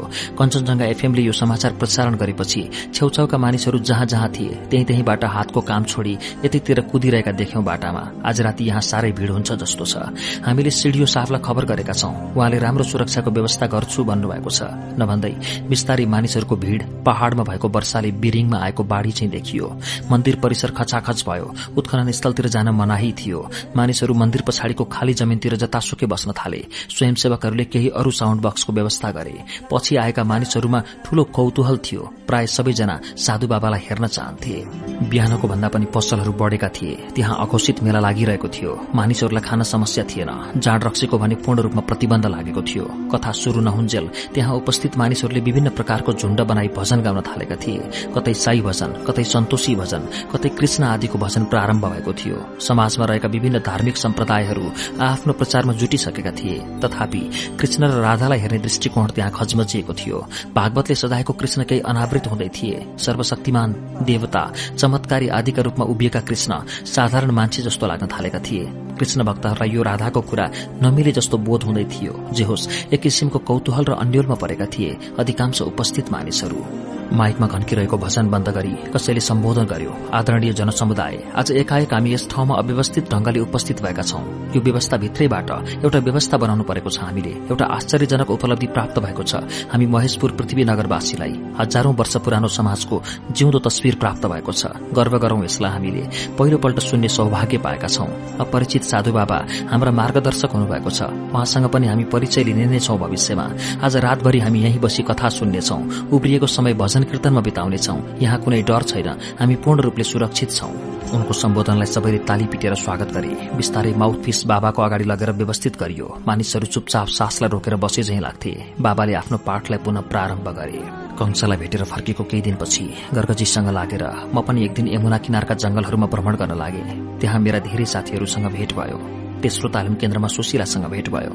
त्यसले मलाई अंगालो हालेर साह्रै नराम्ररी रोई। बिछोडको यो लामो समयलाई त्यसले एकैचोटि रोएर पखाल्न खोजी। सुशीलाको म प्रतिको प्रेम भाव देखेर उसप्रति यदाकदा मभित्र उत्पन्न हुने शंकाको पूर्णतया निवारण भयो। ऊ त एउटा महान समर्पण भावले त्यहाँ आएकी रहेछ। प्रायश्चितको ठूलो व्रतमा रहेछ त्यो। त्यसले भनी राधा हेर आज म यस जंगलमा यो कठोर यात्रामा यसकारण छु कि मैले तँलाई र यशोदा मातालाई साह्रै गहिरो चोट पुर्याएकी छु। म नारी भएर पनि मैले नारीको सम्मान गर्न सकिन। साह्रै नै सानो स्वार्थका अघि मैले आफूलाई ठूलो बनाएर उभिन खोज्दा यस्तो भयो। म त्यो सारा पाप पखाल्न चाहन्छु। यो महान यज्ञमा हाम फालेर मेरो तँप्रतिको मित्रताको महान उदाहरण हुनेछ यो। ती सब कुरा बिर्सी सुशीला। ती धेरै पुराना कुरा भइसके। हामी अब धेरै ओह्राइसकेका छौं। हामीमाथि भविष्यको महान जिम्मेवारी छ। मैले कंशलाई भेटेर आए। त्यो कृष्णकै ज्यानकै दुश्मन छ। मैले उसलाई भने तर मलाई लाग्छ कंशलाई जित्न गाह्रो छैन किनकि कंश नैतिकहीन एक क्रूर तानाशाह छ जनता उदेखि वाक्क भएका छन्। मेरो कुरा सुनेर सुशीला झन प्रसन्न र उत्साहित भई सुशीलासँग कुरा गरिरहेको बेला पनि मलाई आफैदेखि अचम्म लागिरहेको थियो। हामी एकाएक कसरी बुढा भयौं र हामी यस्ता ठूला कुरा गर्ने भयौं सोचिरहेकी थिएँ। ठूला कुराहरूलाई बिर्सिएर केही रमाइला क्षणहरू पनि बिताउन मन थियो। तर कुरै कुरामा फेरि हामी पुगिहाल्यौं उही वर्तमान समस्यामा। सुशीला पनि अब एक पूर्ण सैनिक बनिसकेकी थिए त्यसको शरीर उमेर पुगेकी सुन्दरी युवतीको जस्तो कोमल र आकर्षण थिएन। कसिएको गाँठिएको शरीर थियो। हात पाखुरा सब लोग्ने मान्छेका जस्ता कसिएका कठोर थिए। बल्ली र साहसी पनि थिए थियो तर त्यसले नारी सुलभ सुन्दरता गुमाएकी थिए त्यसले हिजोको प्रेममय चञ्चलता रसिकता गुमाएकी थिए पछिल्लो पल्टको भेटमा सुशीलाले सुनाएको यस कुराले मेरो शरीर रुवा चाहिँ हलुङ्गो भयो। सारा मनका शंका पीरहरू समन भए। हिँड्ने बेलामा सुशीला फेरि रुन थाली। अघिसम्म त्यति कठोर देखिए कि त्यो फेरि पहिलाकै जस्तो भावुक र कमजोर भई। भनी राधा युद्ध मैदानमा छु। मर्ने बाँच्ने ठेगान छैन। भविष्यमा भेट होला नहोला मेरो कारणबाट तिम्रो मनमा लागेका सबै चोटलाई बिर्सिदिनु। मलाई क्षमा गर्नु राधा। र कृष्णलाई तिमीले कहिले नबिर्सिनु। तिम्रो मनमा कृष्ण बाहेक अरू कसैले बाँच्न पाउन् तिम्रो मन र आँखाबाट हेर्न पाऊ। म पनि कृष्णलाई। म बाँचे पनि मरे पनि। कृष्ण तिम्रै हुन् राधा। तिम्रो मात्र। त्यसका आँखाबाट आँसुको भल बग्यो। मैले पनि आफूलाई रोक्न सकिनँ। पिताजीको निधनले आमालाई साह्रै ठूलो चोट परेको थियो। वैधव्यको निरस जीवन प्रारम्भ भएको थियो उहाँको। पिताजीबाट एकैछिन पनि अलग नभई यति लामो जीवन व्यतीत गर्नुभएको उहाँलाई एकाएकको यो वियोग काली लाग्दो थियो। पक्षाघात भएर सुतिरहे पनि सदा पिताजीकै छेउमा बसेर समय बिताउने बानी भएको थियो उहाँलाई। तर अब उहाँको एकान्त साथी कोही थिएन। ख्यालख्यालमै मलाई व्यावहारिकताले नराम्ररी थिच्न थाल्यो। आमाको कुरा म बुझ्थे। म हाँसेर सहज हुन खोजेर टारिदिन्थे। गर्गजी मार्फत म निरन्तर खर्च पठाइरहन्थे सुशीलाहरूलाई। अब मैले सम्पत्ति खर्च गर्न पिताजीको स्वीकृति लिनु पर्दैन थियो। आमाले मलाई पूर्ण रूपमा छोडिदिनु भएको थियो। एक दिन कृष्ण आउलान् भनेर यत्रो लामो अत्याचार खपेथे। मथुरावासीले भनी पिताजीको निधनमा शोक व्यक्त गर्न आउँदा उहाँले भन्नुभएको थियो मसँग। त्यसबेला एउटा अर्को रहस्य पनि खोल्नु भएको थियो। सरकारी सेनाभित्र फुट आइसकेको र नगरवासीहरू कृष्णको स्वागतका लागि आतुर रहेको। जे होस् युद्ध एकपक्षीय रूपमा तयारीको अवस्थामा पुगेको थियो। मलाई युद्ध अघि कृष्णसँग एकपल्ट मात्र भए पनि भेट गर्न पाए हुन्थ्यो भन्ने लागेको थियो तर त्यो सम्भव भएन। एक दिन एक अपरिचित युवक एउटा चिठी लिएर आयो कृष्णको। ब्रजमा अब पहिला जस्तो अप्ठ्यारो र शंका गर्नुपर्ने अवस्था थिएन। चिठीमा कृष्णले थोरै कुरा लेखेका थिए र त्यसमा भनेका थिए अब केही दिनभित्र युद्धको प्रारम्भ हुन्छ। मथुराका गाउँहरू कब्जा गर्दै शहरतिर पस्ने योजना छ। युद्ध धेरै लामो नहुने र केही दिनमै त्यो समाप्त हुने संकेत गरिएको थियो पत्रमा। कृष्णको चिठी लिएर आएको मान्छे गएपछि गर्गजी मलाई भेट्न आउनुभयो। यसपालि उहाँ स्वयं हाम्रोमा आउनुभएको थियो। काम पर्दा सदा मलाई नै बोलाउनु हुने उहाँले यसपालि आफ्नै कष्ट गर्नुभएको थियो। गर्गजीलाई आफ्नो घरमा आएको देखेर आमा अत्यन्त खुशी तथा आत्तिनु भएको थियो। उहाँले गर्गजीको स्वागतका लागि हतार हतार मान्छे खटाउनुभयो तर गर्गजी साह्रै छोटो समय लिएर आउनुभएको थियो। उहाँलाई हामीले विशेष सत्कार गर्न भ्याएनौं। सदा गर्गजी मसँग एकान्तमा सरसल्लाह गर्नुहुन्थ्यो तर यसपालि उहाँले आमासँगै राखेर मसँग कुरा गर्नुभयो। उहाँले भन्नुभयो देवी कलावती तपाईँहरूले अन्याय र अत्याचारका विरूद्ध लड़िरहेका युवाहरूको सहयोगका लागि बालिके राधाका माध्यमबाट जुन सहयोग गर्नुभएको छ यो महान सहयोग भएको छ। कृष्णले यस कुरालाई साह्रै महत्वका साथ लिएका छन्। उनले पत्रमा लेखेका छन् तपाईँहरूको यस महान सहयोगका लागि उनका तर्फबाट तपाईँहरूलाई धन्यवाद दिउँ। मथुरामा युद्ध शुरू भइसकेको छ। लडाकुहरू जंगलबाट निस्केर गाउँहरू कब्जा गर्दै बिस्तारै नगरतिर बढ़िरहेका छन्। तर अहिलेसम्म युद्धका नाममा कसैलाई मार्नु परेको छैन। गाउँ गाउँ नै हर्चित भई कृष्णका सेनाहरूलाई स्वागत सत्कार गरिरहेका छन्। उनीहरू प्राय सबैको एउटै मत छ। कंशका सेनाहरूबाट हुने अत्याचार र शोषणले ती विरक्त भएका थिए। कंशको यो गरूङको शासनबाट मुक्तिका लागि आएका कृष्ण उनीहरूका मनका राजा हुन्। हात हतियारधारी सेनालाई गाउँलेहरूले फूलमाला मिष्ठान्न आदिले स्वागत गर्दै नगरतिर पठाइरहेका छन्। मथुरालाई चारैतिरबाट विद्रोही सेनाहरूले अघि बढ़ी घेरिरहेका छन्। कंशका सेनाहरू पनि सानोतिनो भिडन्तपछि कृष्णकै सेनामा सम्मिलित हुँदै नगरतिर बढ़िरहेका छन्। कंश एकदम नै हताश र आत्तिएको छ। त्यसले आत्तिएर सानोतिनो न्यूमा आफ्नै सेनाहरूलाई मृत्युदण्ड दिन थालेको छ। कृष्णको सेनामा सम्मिलित हुने उसका सेनाका परिवारहरूलाई अत्यन्त कष्ट दिन थालेको छ। यो युद्धको आतंकले ग्रसित कंशले जेलमा थुनेर राखिएका वसुदेव देवकी र राजा उग्रसनलाई भेटेर उसले प्राणको धम्की दिन थालेको छ। राधा मनमा जति नै भावुकता र संवेदनशीलताको ज्वार उठे पनि अहिले त्यसको बसमा पर्ने बेला छैन। अहिले हामी युद्धभूमिको मध्यमा आइपुगेका छौं। यसबेला हामीले आफ्नो प्रमुख भूमिकालाई बिर्स्यौं भने तत्काल हाम्रो विनाश हुन्छ। अहिले म त्यसैको अभ्यास गरिरहेको छु। युद्ध हामीले सोचे जस्तो सजिलो भएन। कंशका सेनाहरू हाम्रा सेनाभन्दा कति धेरै छन् संख्यामा र ती दक्ष पनि छन्। हामीले सोचेको शैलीले युद्ध नहुने रहेछ। अब युद्धको शैली परिवर्तन गर्नुपर्ने हो। त्यसैले गर्गजीलाई कंसको दरबारमा उनकै शुभचिन्तकको हैसियतले जान अनुरोध गरेको छु।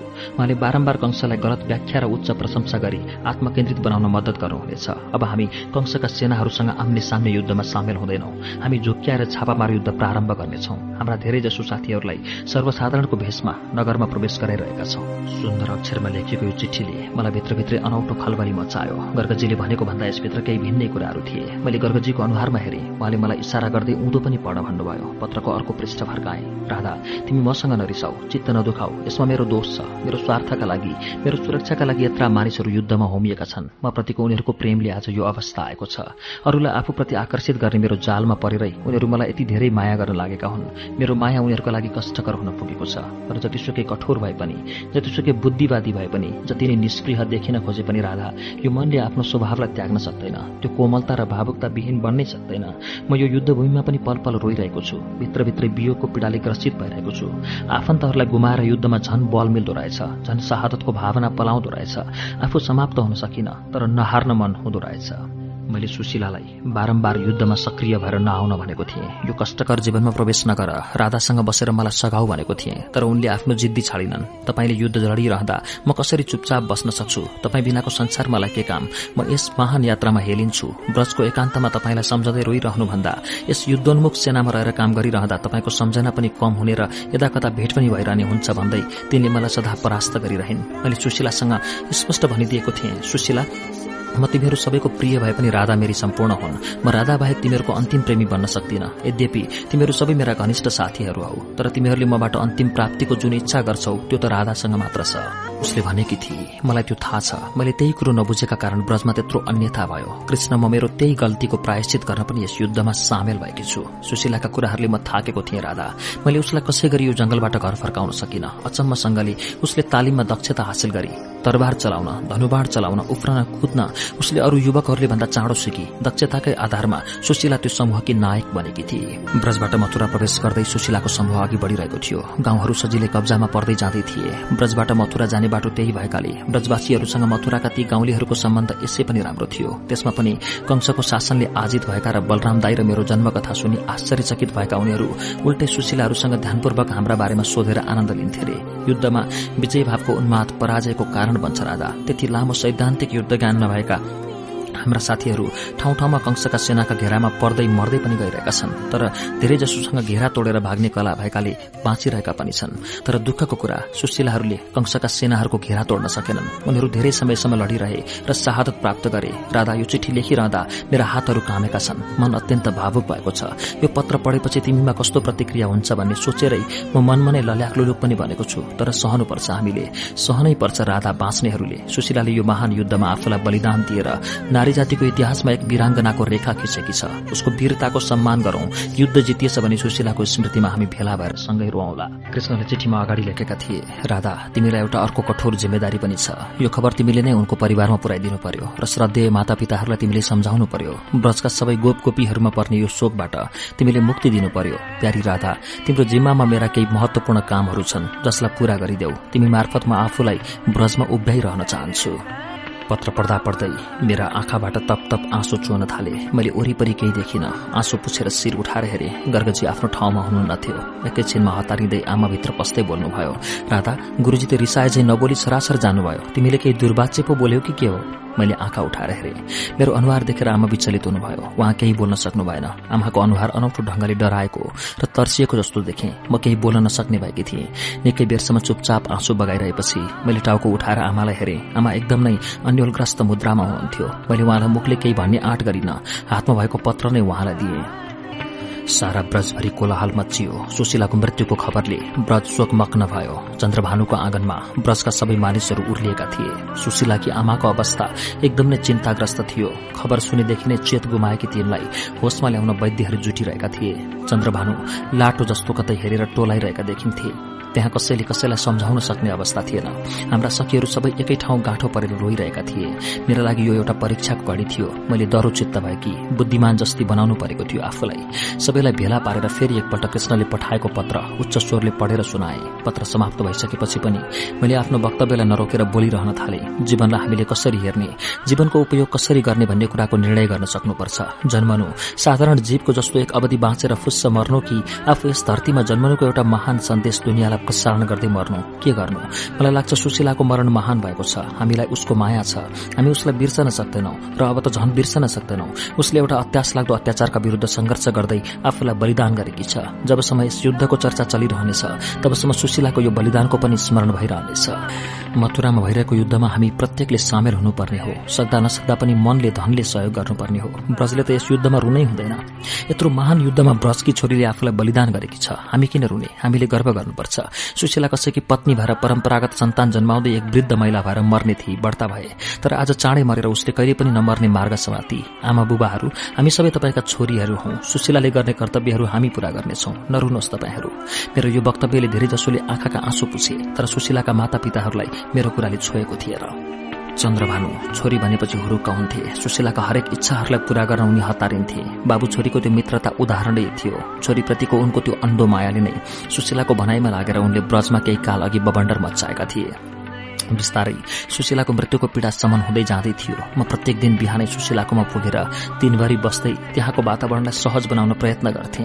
शोक व्यक्त गर्ने आउनेहरूको बीचमा बसेर म युद्धको वर्णन गर्थे। मानिसहरूको दिमागमा मृत्यु शोकभन्दा पनि विजयको भाव उतार्न खोज्थे। यो युद्धमा आफूले भाग लिन नपाएको पीड़ा जनजनको मनमा उमार्न प्रयत्न गर्थे। समयसँगै मनको घाउ पुरिँदै गयो। सुशीलाको घर पनि सामान्य अवस्थामा फर्कँदै थियो। एक दिन बिहानै सुने चन्द्रभानु राति नै उठेर मथुरातर्फ लागेछन्। छोरीको बहादुरीको प्रशंसा गर्दै युद्ध नजिती नफर्किने उनी बाटो लागेछन्। पत्नीले कति रोक्दा पनि ती रोकिएनछन्। मथुराका बारेमा किसिम किसिमका समाचारहरू आइरहन्थे। उडन्ते हल्लाहरूले कहिलेकाहीँ हामीलाई निकै चिन्तित बनाउँथे। गाउँका धेरैजसो मानिसहरू हल्लाहरूको आधिकारिकता बुझ्न म कहाँ आइरहन्थे तर तिनीहरूलाई चित्त बुझाउने प्रमाणिकता मसँग केही पनि हुँदैन थियो। निकै दिनसम्म मथुराको गतिविधिको खासै समाचार आएन। उडुवा कुराहरूमा मलाई विश्वास थिएन पनि। सबैजना भूमिगत रूपमा मथुरामा प्रवेश गरेका हुनाले एकाएक कुनै अपत्यारिलो घटना होला भन्ने म लागेको थियो मनमा। गाउँबाट लोग्ने मान्छेहरू स्वाट्ट स्वाट्ट हराउन थालेका थिए। युद्धको विरोध गर्ने राजाको समर्थन गर्ने तटस्थ बस्नेहरू पनि हराउन थालेका थिए। गाउँ त्यसै पनि युवाहरूले खाली जस्तो थियो। त्यसमा पनि अब प्रौढ पुरूषहरू हराउन थालेपछि ब्रजनारीहरूको बस्ती जस्तो लाग्न थालेको थियो। मेरो कपालमा हात खेलाउँदै माता यशोदा टोलाइरहनुहुन्थ्यो मेरा हातका औँलाहरू नङहरू खेलाएर एकोहरू हेरिरहनुहुन्थ्यो। कति बेला भित्र मनमा कतै लाज जस्तो पलाएर आउँथ्यो। मेरा आँखा जोग्थे कहिले पुग्थे बतासिँदै सुशीलाको शून्य घरमा। सुशीला नभएको त्यो घरको शून्यता पनि मलाई बानी भएको थियो। आमाका छेउमा बस्ने र रोइदिन्थे। कहिलेकाहीँ म बढ्दै पनि रुँदिरहेछु। आमाले नै सम्झाउन थाल्नुहुन्थ्यो। उहाँलाई सुशीलाको अभावले धेरै नसताओस् भनेर म प्राय गइ नै रहन्थे। म नपुगेका बेला विशाखा पुग्ने गर्थे। हामी सबैको दीर्घ प्रतीक्षा थियो मथुराको खबरको। प्राय पुरूषहरू उतै लागेकाले गाउँमा कामको सारा बोझ महिलाहरूमा थपिएको थियो। खेतबारीको काम प्राय ठप्प थियो। वस्तुभाव पनि खोलेर प्राय जंगलतिर लगाइएको थियो। कति वस्तु आफै फर्केर गोठमा आउँथे कति जंगलमै बस्थे। एक दिन साँझमा विशाखा स्यास्या र फ्याफ्या गर्दै आइपुगी। त्यसको अनुहारमा अनौठो चमक थियो। त्यो डराएकी जस्ती रमाएकी जस्ती अनौठी देखी। निकै बेरसम्म त्यो केही बोल्न सकिन। त्यसलाई मैले आराम कुर्सीमा राखेँ चिसो पानी खुवाएँ। पंखा हम्काएँ केही बेर हतार गरिन उसका कुरा सुन्न। अचेल मलाई पहिला पहिला जस्तो कुनै कुराले पनि ज्यादै कौतूहल लाग्न छोडेको थियो। निकै बेरपछि आमाले सोध्नुभयो विशाखा तिमी निकै धापिएर आयो। केही विशेष खबर लिएर आयो जस्तो छ। सुनाउ नानी समाचार। धपधप बलिरहेका जस्ता आँखाले एकपल्ट आमा र मलाई हेर्दै त्यसले भनी भर्खरै चन्द्रभानु घरमा आइपुगे। उनी आएको देखेर गाउँभरिका मान्छेहरू उनकामा भेला हुन थाले। उनले आउने बित्तिकै कराउँदै खुसी हुँदै आँगनमा नाच्दै भने युद्ध समाप्त भयो। युद्धमा विजय भयो। राजा कंशको वध भयो। मथुरामा फेरि कंशका पिता उग्रसेन राजा भए। कृष्ण र बलरामले युद्ध जिते। यो सुन्ने बित्तिकै म दौडेको दौडेकै आएँ। अरू कुरा केही सुन्नै पाएकी छैन। विशाखको कुरा सुन्दा सुन्दै म त निधाएकी जस्तो भएछु। माथि माथि उड्दै गए झै बादलमा हराए झै आँखा अघि कृष्ण र बलरामको चित्र नाच्न थाल्यो। माथि बादलमा सुशीलाको आकृति देखेँ हाँसिरहे झै आमा पनि टोलाए झै हुनुभयो। विजयको यो खबरले उन्माद ल्याएन हामीलाई। हामीलाई गम्भीर बनायो। खुसी पनि कहिलेकाहीँ बुद्धिले र भावनाले एकैसाथ थिचियो भने कचल्टिँदो रहेछ। कचल्टियो यो विजयको आनन्द पनि। एउटा गरौं भारी बिसाउन पाएर पनि जिउ हलुङ्गो हुन नसके जस्तै लागिरह्यो मलाई। लक्ष्यमा पुगिसकेपछि पुग्नुको उन्माद चाउरिए झै भयो किन किन? तर भित्र कता कता भने डह्रो भएर उभिन सकेको लाग्यो आफैलाई। विशाखाले भने राधा हिँड जाउँ सुशीलाकोमा। बाबालाई भेटौं। मलाई तुरन्त चन्द्रभानुलाई भेट्न जाने आँट आएन। मनलाई डह्रो पार्नुपर्ने भयो। यो विजयको खबर बोकेर चन्द्रभानुको सट्टा सुशीला आएकी भए कति रमाइलो हुँदो हो। यो विजयमा हामीले सुशीलालाई पनि त हारेका छौं। एउटी महान साथीको बलिदान पनि छ यस खुशीमा मिसिएको। कसरी नाच्नु यो खुशीमा जहाँ दुःखका आँसुभित्र पनि कतै लेग्रा परेका छन्? मैले भने विशाखा त जा। अहिले म त्यहाँ जान सक्दिन। मलाई मनमा अहिले कठिन पीड़ा अनुभूति भइरहेको छ। म सुशीलालाई सम्झन लागेकी छु साथी। मलाई एक्लै छोडिदिए। फेरि विशाखालाई भने तर त मेरो मनको यो खुसीलाई कम नगर। त जुन रमाइलो बोकेर आइस त्यसै गरी फर्की। जाँदा बाटामा जो जोसँग भेट हुन्छ भन्दै जा। म चन्द्रभानुलाई भोलि भेट्छु। विशाखा तर गम्भीर भएर गरौं पाइला उचाल्दै गई। मैले उसलाई सदा चाहिँ परसम्म गइरहेको पनि हेर्न सकिन। गाउँबाट रातारात भाग्दै मथुरा गएका पुरूषहरू गाउँ फर्कन थाले। केही दिनमै गाउँ पहिला झैं भरियो। युद्धका लागि गएका युवाहरू पनि फर्किन थाले। बिरानो जस्तो लागेको गाउँ। कता कता आफ्नै हो कि जस्तो अनुभूत हुन थाल्यो। छोराछोरी गुमाएर शोकाकुल भएका आमा बाबुहरू पनि प्रसन्न भए। गाउँमा विजयको खुसियाली छायो। नाचगान हुन थाल्यो। सबै रमाइरहेकोमा भाग लिँदै थिए। म रमाएरै तर भित्र मनमा भने ढक जस्तो गरौं भएर केही बसिरहेको थियो युद्ध विजयको खबरले प्रसन्न भएको मन दिनदिनै अलिअलि अलिअलि गर्दै मुर्झाउँदै जान थाल्यो। जब निकै दिन बितिसक्दा पनि मथुराबाट कृष्णले मेरा निम्ति कुनै खबर पठाएनन्। मान्छे मान्छेका मुखबाट युद्धबारे उडन्ते खबर सुनेका भरमा रमाउनु पनि के? यत्रो खुसीको समाचार उनले नै मलाई सुनाउनु पर्ने थियो। उनी आफै नै यो विजयोत्सव मनाउन ब्रजमा आउनुपर्ने थियो। तर उनी त आएनन् आएनन्। बरु नन्द राय माता यशोदा र रोहिणीलाई नै मथुरामा बोलाए। उनीहरूले मलाई र आमालाई पनि साथै जान निकै कर गरे। आमाले पनि जाने इच्छा गर्नुभयो तर मैले मानिन। मैले भने कृष्णले मलाई बोलाएका छैनन्। नबोलाएका ठाउँमा म जान्न हजुरहरू जानु। पछि कृष्णलाई म यही ब्रजमा भेट्नेछु। मेरा कुराले नन्दबाबा गम्भीर हुनुभयो।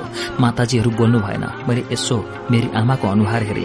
उहाँको अनुहारमा अनौठो भाव थियो। जाने इच्छा पनि र जान नपाइएको विषाद पनि। मैले आमालाई भने आमा हजुर नन्द बाबासँग मथुरा जानु। तपाईँले यो गाउँ छोडेर टाढा नगएको पनि धेरै भएको छ। पिताजीको देहान्तपछि तपाईँले कतै यात्रा गरेको पनि छैन। त्यहाँ बाबा वसुदेव र माता देवकीसँग पनि हजुरको भेट हुन्छ। एक नङ्सा बहिनी छन् मायाकी खानी। अक्रुजीले हजुरको ठूलो स्वागत गर्नुहुनेछ। गुरू गर्गजी हजुरको प्रतीक्षामा हुनुहुन्छ। म पछि जाउँला। अहिले म गाउँमै साथीहरूसँग रमाउँदै गर्छु। आमाले केही बोल्न नपाउँदै माता यशोधा र रोहिणीले खुसी हुँदै मेरा कुराको स्वागत गरे। आमा केही प्रसन्न पनि देखिनुभयो। तैपनि उहाँले भन्नुभयो भन्न त भन्यो छोरी। तर म तिमीलाई छोडेर कसरी जाउँ उहाँ तिमी बिना कि मलाई बस्न मन लाग्ला र? बानी पर्न पनि कहिलेकाहीँ यसो गर्नुपर्छ माता। मैले भने सदा सदाका लागि हामी एकै ठाउँ हुने पनि त होइनौ। कुनै दिन त तपाईँले मलाई यो घरबाट पनि विदाई गर्नुपर्छ। अहिले त केही दिनका लागि परदेश जाने कुरा मात्र हो। कुनै पीर नलिई जानु। म यहाँ आरामले बस्नेछु। नन्दराय र आमाहरूलाई विदाई गरेपछि मन झन बिरसिलो भएर आयो। के भएर म फेरि पहिलाकै जस्तै रुन्ची राधा पो हुन लागेकी रहेछु? तर जब युद्धमा गएका साथीहरू रमाउँदै मलाई भेट्न आए र उनीहरूले आफ्ना संस्मरणहरू सुनाउन थाले मैले आफूलाई फेरि यथार्थमा फर्काउन थाले। युद्ध कसरी भयो र त्यो कसरी जितियो होला भन्ने जिज्ञासा मनमा हुँदै थियो। त्यसैबारे साथीहरूबाट सुन्न थाले उनीहरूले आफ्ना किसिम किसिमका अनुभवहरू बताउन थाले। मथुरामा प्रत्येक दिन कुनै न कुनै उत्सव भइरहेको समाचार आउँथ्यो। मानिसहरूको आवत जावत भइरहेकै थियो। ब्रजबाट जाने सबैसँग कृष्णले भेट गर्दै केही उपहार दिँदै र म चाँडै ब्रजमा आउँछु भन्दै गर्दा रहेछन्। तर तिनले आफ्नो वचन पूरा गरेनन्। मैले सोचेकी थिएँ म नगएपछि कृष्ण अवश्य एकपल्ट ब्रज आउलान्। तर तिनी आएनन्। तिनको प्रतीक्षा गर्दा गर्दा म थाकेँ। मलाई आफै मथुरा गएकी भए पनि हुने भन्ने पनि लाग्यो। आफ्नो घमण्डी बानीदेखि आफैलाई रिस पनि उठ्यो। तर पछि फेरि सोचे जे गरी मैले राम्रै गरेँ रथको बेगलाई धुलोले पछ्याए झैं मैले कृष्णलाई किन पछ्याउनु नपछ्याएकै ठिक भयो तर मन साह्रै अस्थिर र निराकार हुँदो रहेछ। विचारले मनलाई थिचुन्जेल यो दबिँदो रहेछ। विचारको क्षणिक अनुपस्थितिमा मनले आफूलाई विचलित गर्न थालिहाल्थ्यो। त्यसै त्यसै आँखाबाट आँसु बग्ने एकान्तताको सैर गर्ने पूर्व स्मृतिहरूमा जानेर भविष्यलाई आफूबाट ओझेल गर्दै गरेको अनुभूति हुने गर्थ्यो। कृष्ण त मभित्र सास जस्तै रगत जस्तै भएर पसेका रहेछन्। तिनी अब छैनन् भन्ने शंका मात्र उठ्नु पनि मुटुमा ठूलो पहिरो गए चाहिँ हुन्थ्यो। तिनी नआउनु र तिनले मेरा निम्ति मात्र भनी कुनै समाचार नपठाउनुले मभित्र ठूलै प्रलय हुन लागेको बोध गर्थे। निकै दिन बिते। सायद महिनै बिते होलान् कतिवटा। मलाई समयको यो अन्तराल पनि थाहा भएन। समय ठप्प उभिएको थियो मेरा अघि। बियोगको ठूलो चट्टान उजाएर साथीहरू आइरहन्थे म कहाँ मलाई सम्झाउँथे फकाउँथे मथुरै जान सल्लाह पनि दिन्थे तर हारेर निहुरिएर मलाई मथुरा जानु थिएन। मैले एउटा नराम्रो जिद्दी हुर्काइरहेको थिएँ आफ्नै भित्र एक किसिमले यो वियोग र बिछोड पनि मिठै जस्तो लाग्न थालेको थियो। सुशीलाको ठाउँ विशाखाले लिएकी थिए। सबै दुःख चोकेका कुराहरू म उसँग भने खुलेर गर्न सक्थे। विशाखा पहिलेदेखि गम्भीर प्रकृतिकी र कम बोल्ने स्वभावकी थिए। एक किसिमले उसको र मेरो स्वभावमा समानता जस्तो देख्थे मै पनि। अन्तर्मुखी थिए त्यो पनि। हामी बारम्बार सुशीलाको स्मरण गर्दै रुन्थ्यौं पनि।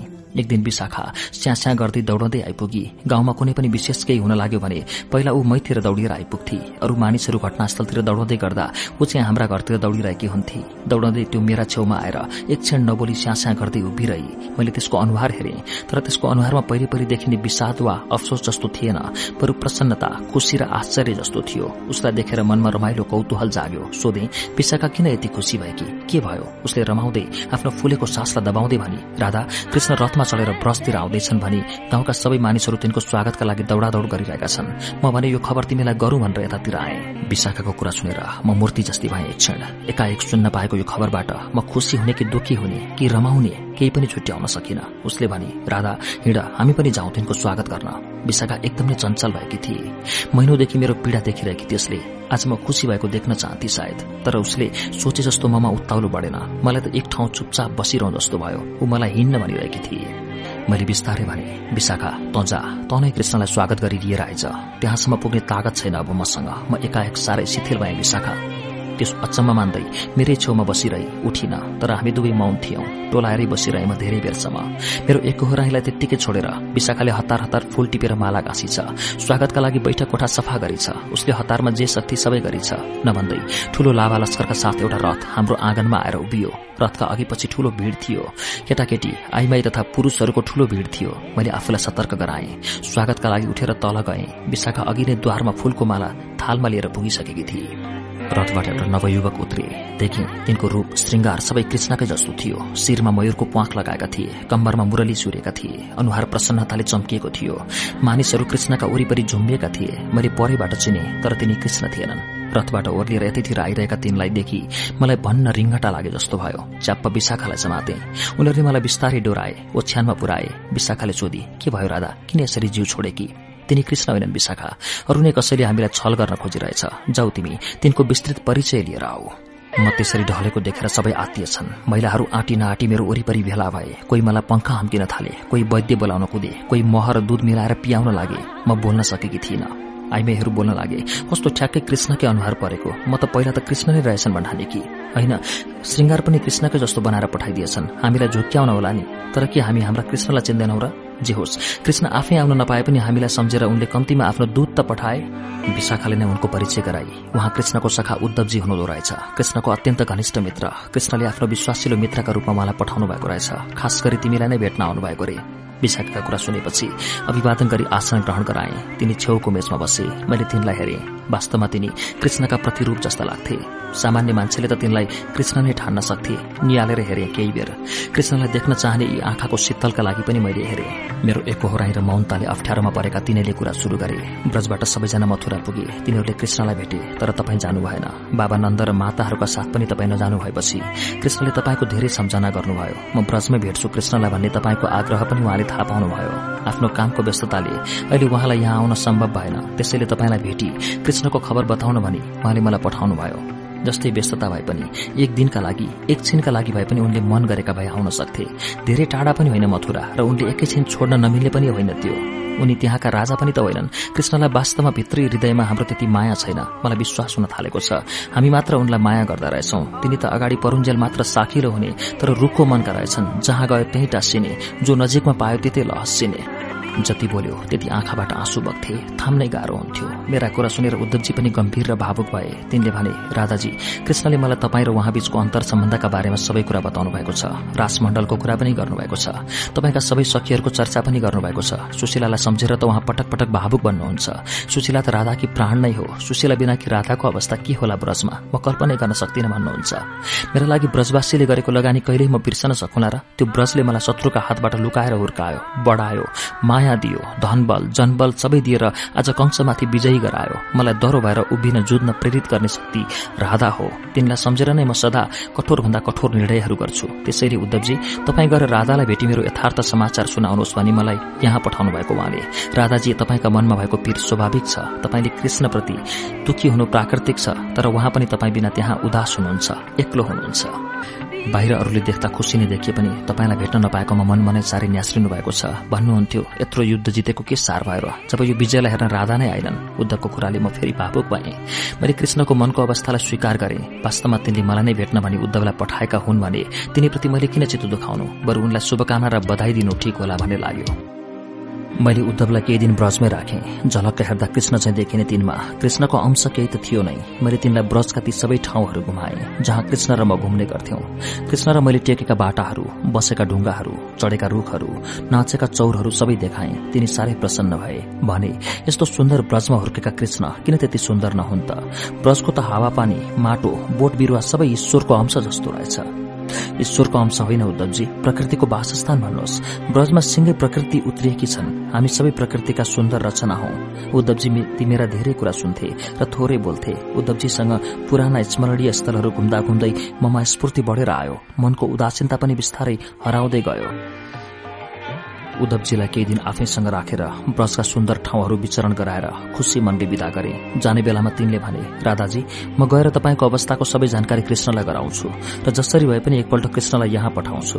नन्द बाबा आमाहरू र बलरामका साथ म कृष्णलाई चाँडै ब्रजमा पठाउँछु। अब तपाईँले कृष्णसँग भेट गर्न लामो प्रतीक्षा गर्नु पर्दैन। उद्धवजीको बोलीमा भर थियो। मलाई उनको विश्वासले सहारा दिइरहेको थियो। उद्धवजीलाई मैले कृष्ण जत्तिकै नजिक ठाने सबै मनका कुराहरू भनेर पठाएकी थिएँ।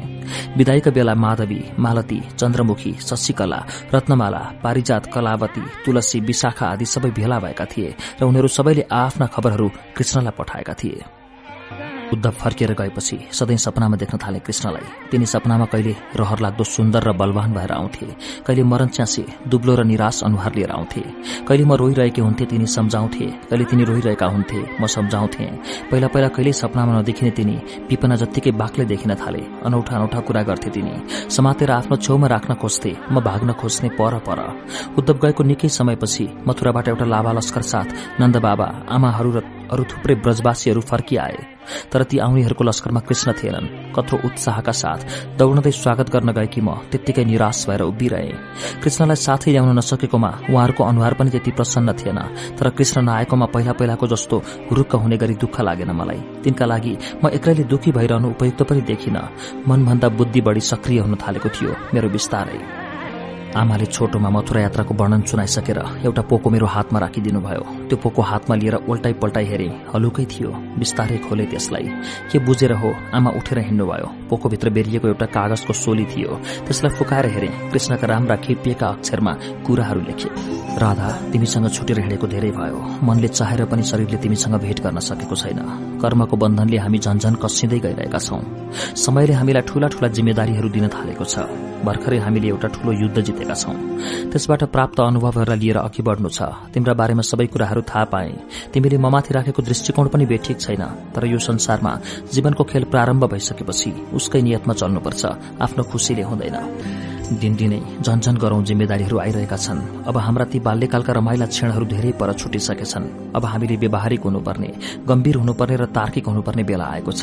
भावनाको एकहोरो गहिराईमा डुबेर एकान्त साधना मात्रले अब हुँदैन। राधा तिमीले मेरो कुरा बुझ्दै हौली मेरा बारेमा सबै कुरा आमाहरूबाट थाहा पाउनेछौ। तिम्रा प्रति मभित्र जुन भावना छ त्यसमा एक अंश पनि कतै केही भएको छैन। तर शरीरले तिमीलाई भेट्नमा असमर्थ भएको छु। मैले विगतमा तिमीसँग गरेका बाचाहरू तिमीसँग बिताएका क्षणहरू सबै आलै छन्। राधा प्रेमको चरम अनुभूति मसँग छ। तर त्यसलाई हामीले वैयक्तिक मात्र होइन सामाजिक बनाउन सक्नुपर्छ। हाम्रो आपसी प्रेमलाई व्यापकता दिन सक्यौं भने लोक कल्याणकारी बन्न सक्छ। मैले तिमीलाई कुराले अल्मल्याउन वा तिमीबाट भाग्न खोजेको होइन। तिमी पनि अब पूर्ण रूपमा सामाजिक जीवनमा प्रवेश गर। म चाँडै तिमीसँग ब्रजमै भेट गर्नेछु र त्यसपछिका हाम्रा सामूहिक र सार्वजनिक जीवन प्रारम्भ हुनेछन्। म जहाँ रहँ तर तिम्रो हृदयबाट टाढा गएको हुन्न। जबसम्म तिमी मेरो हृदयमा रहनेछौ अस्तु। कृष्णले चिठीमा प्रेमका भन्दा पनि कर्तव्यका कुराहरू लेखेका थिए। तिनले मलाई व्यवहारिक हुन अर्थी दिएका थिए। तिनले भनेका कुरा मलाई नयाँ पनि थिएनन् र मैले नबुझेका पनि थिएनन्।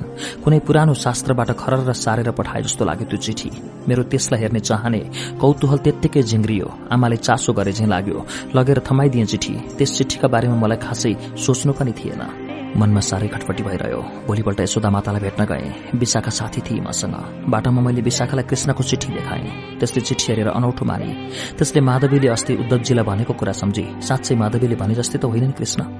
यशोदा मातालाई भेट्न आउनेहरूको भीड़ थियो। सबैजना मथुराका बारेमा अनेक प्रश्न गरिरहेका थिए। कति कुराहरू भन्दा भन्दा थाकिसकेकी थिइन् तिनी। हामी पुगेपछि हामीलाई लिएर भित्र पसिन् आफ्नो छेउमा बसाएर मेरा हातका औँला खेलाउँदै भावुक भएर भनिन् छोरी राधा अब त तिमी नै मात्र छौ मेरो साथी। मैले कृष्णलाई सदा सदाका लागि देवकीको जिम्मा लगाएर आएँ। कृष्ण पनि अब पहिलाको जस्तो छैन।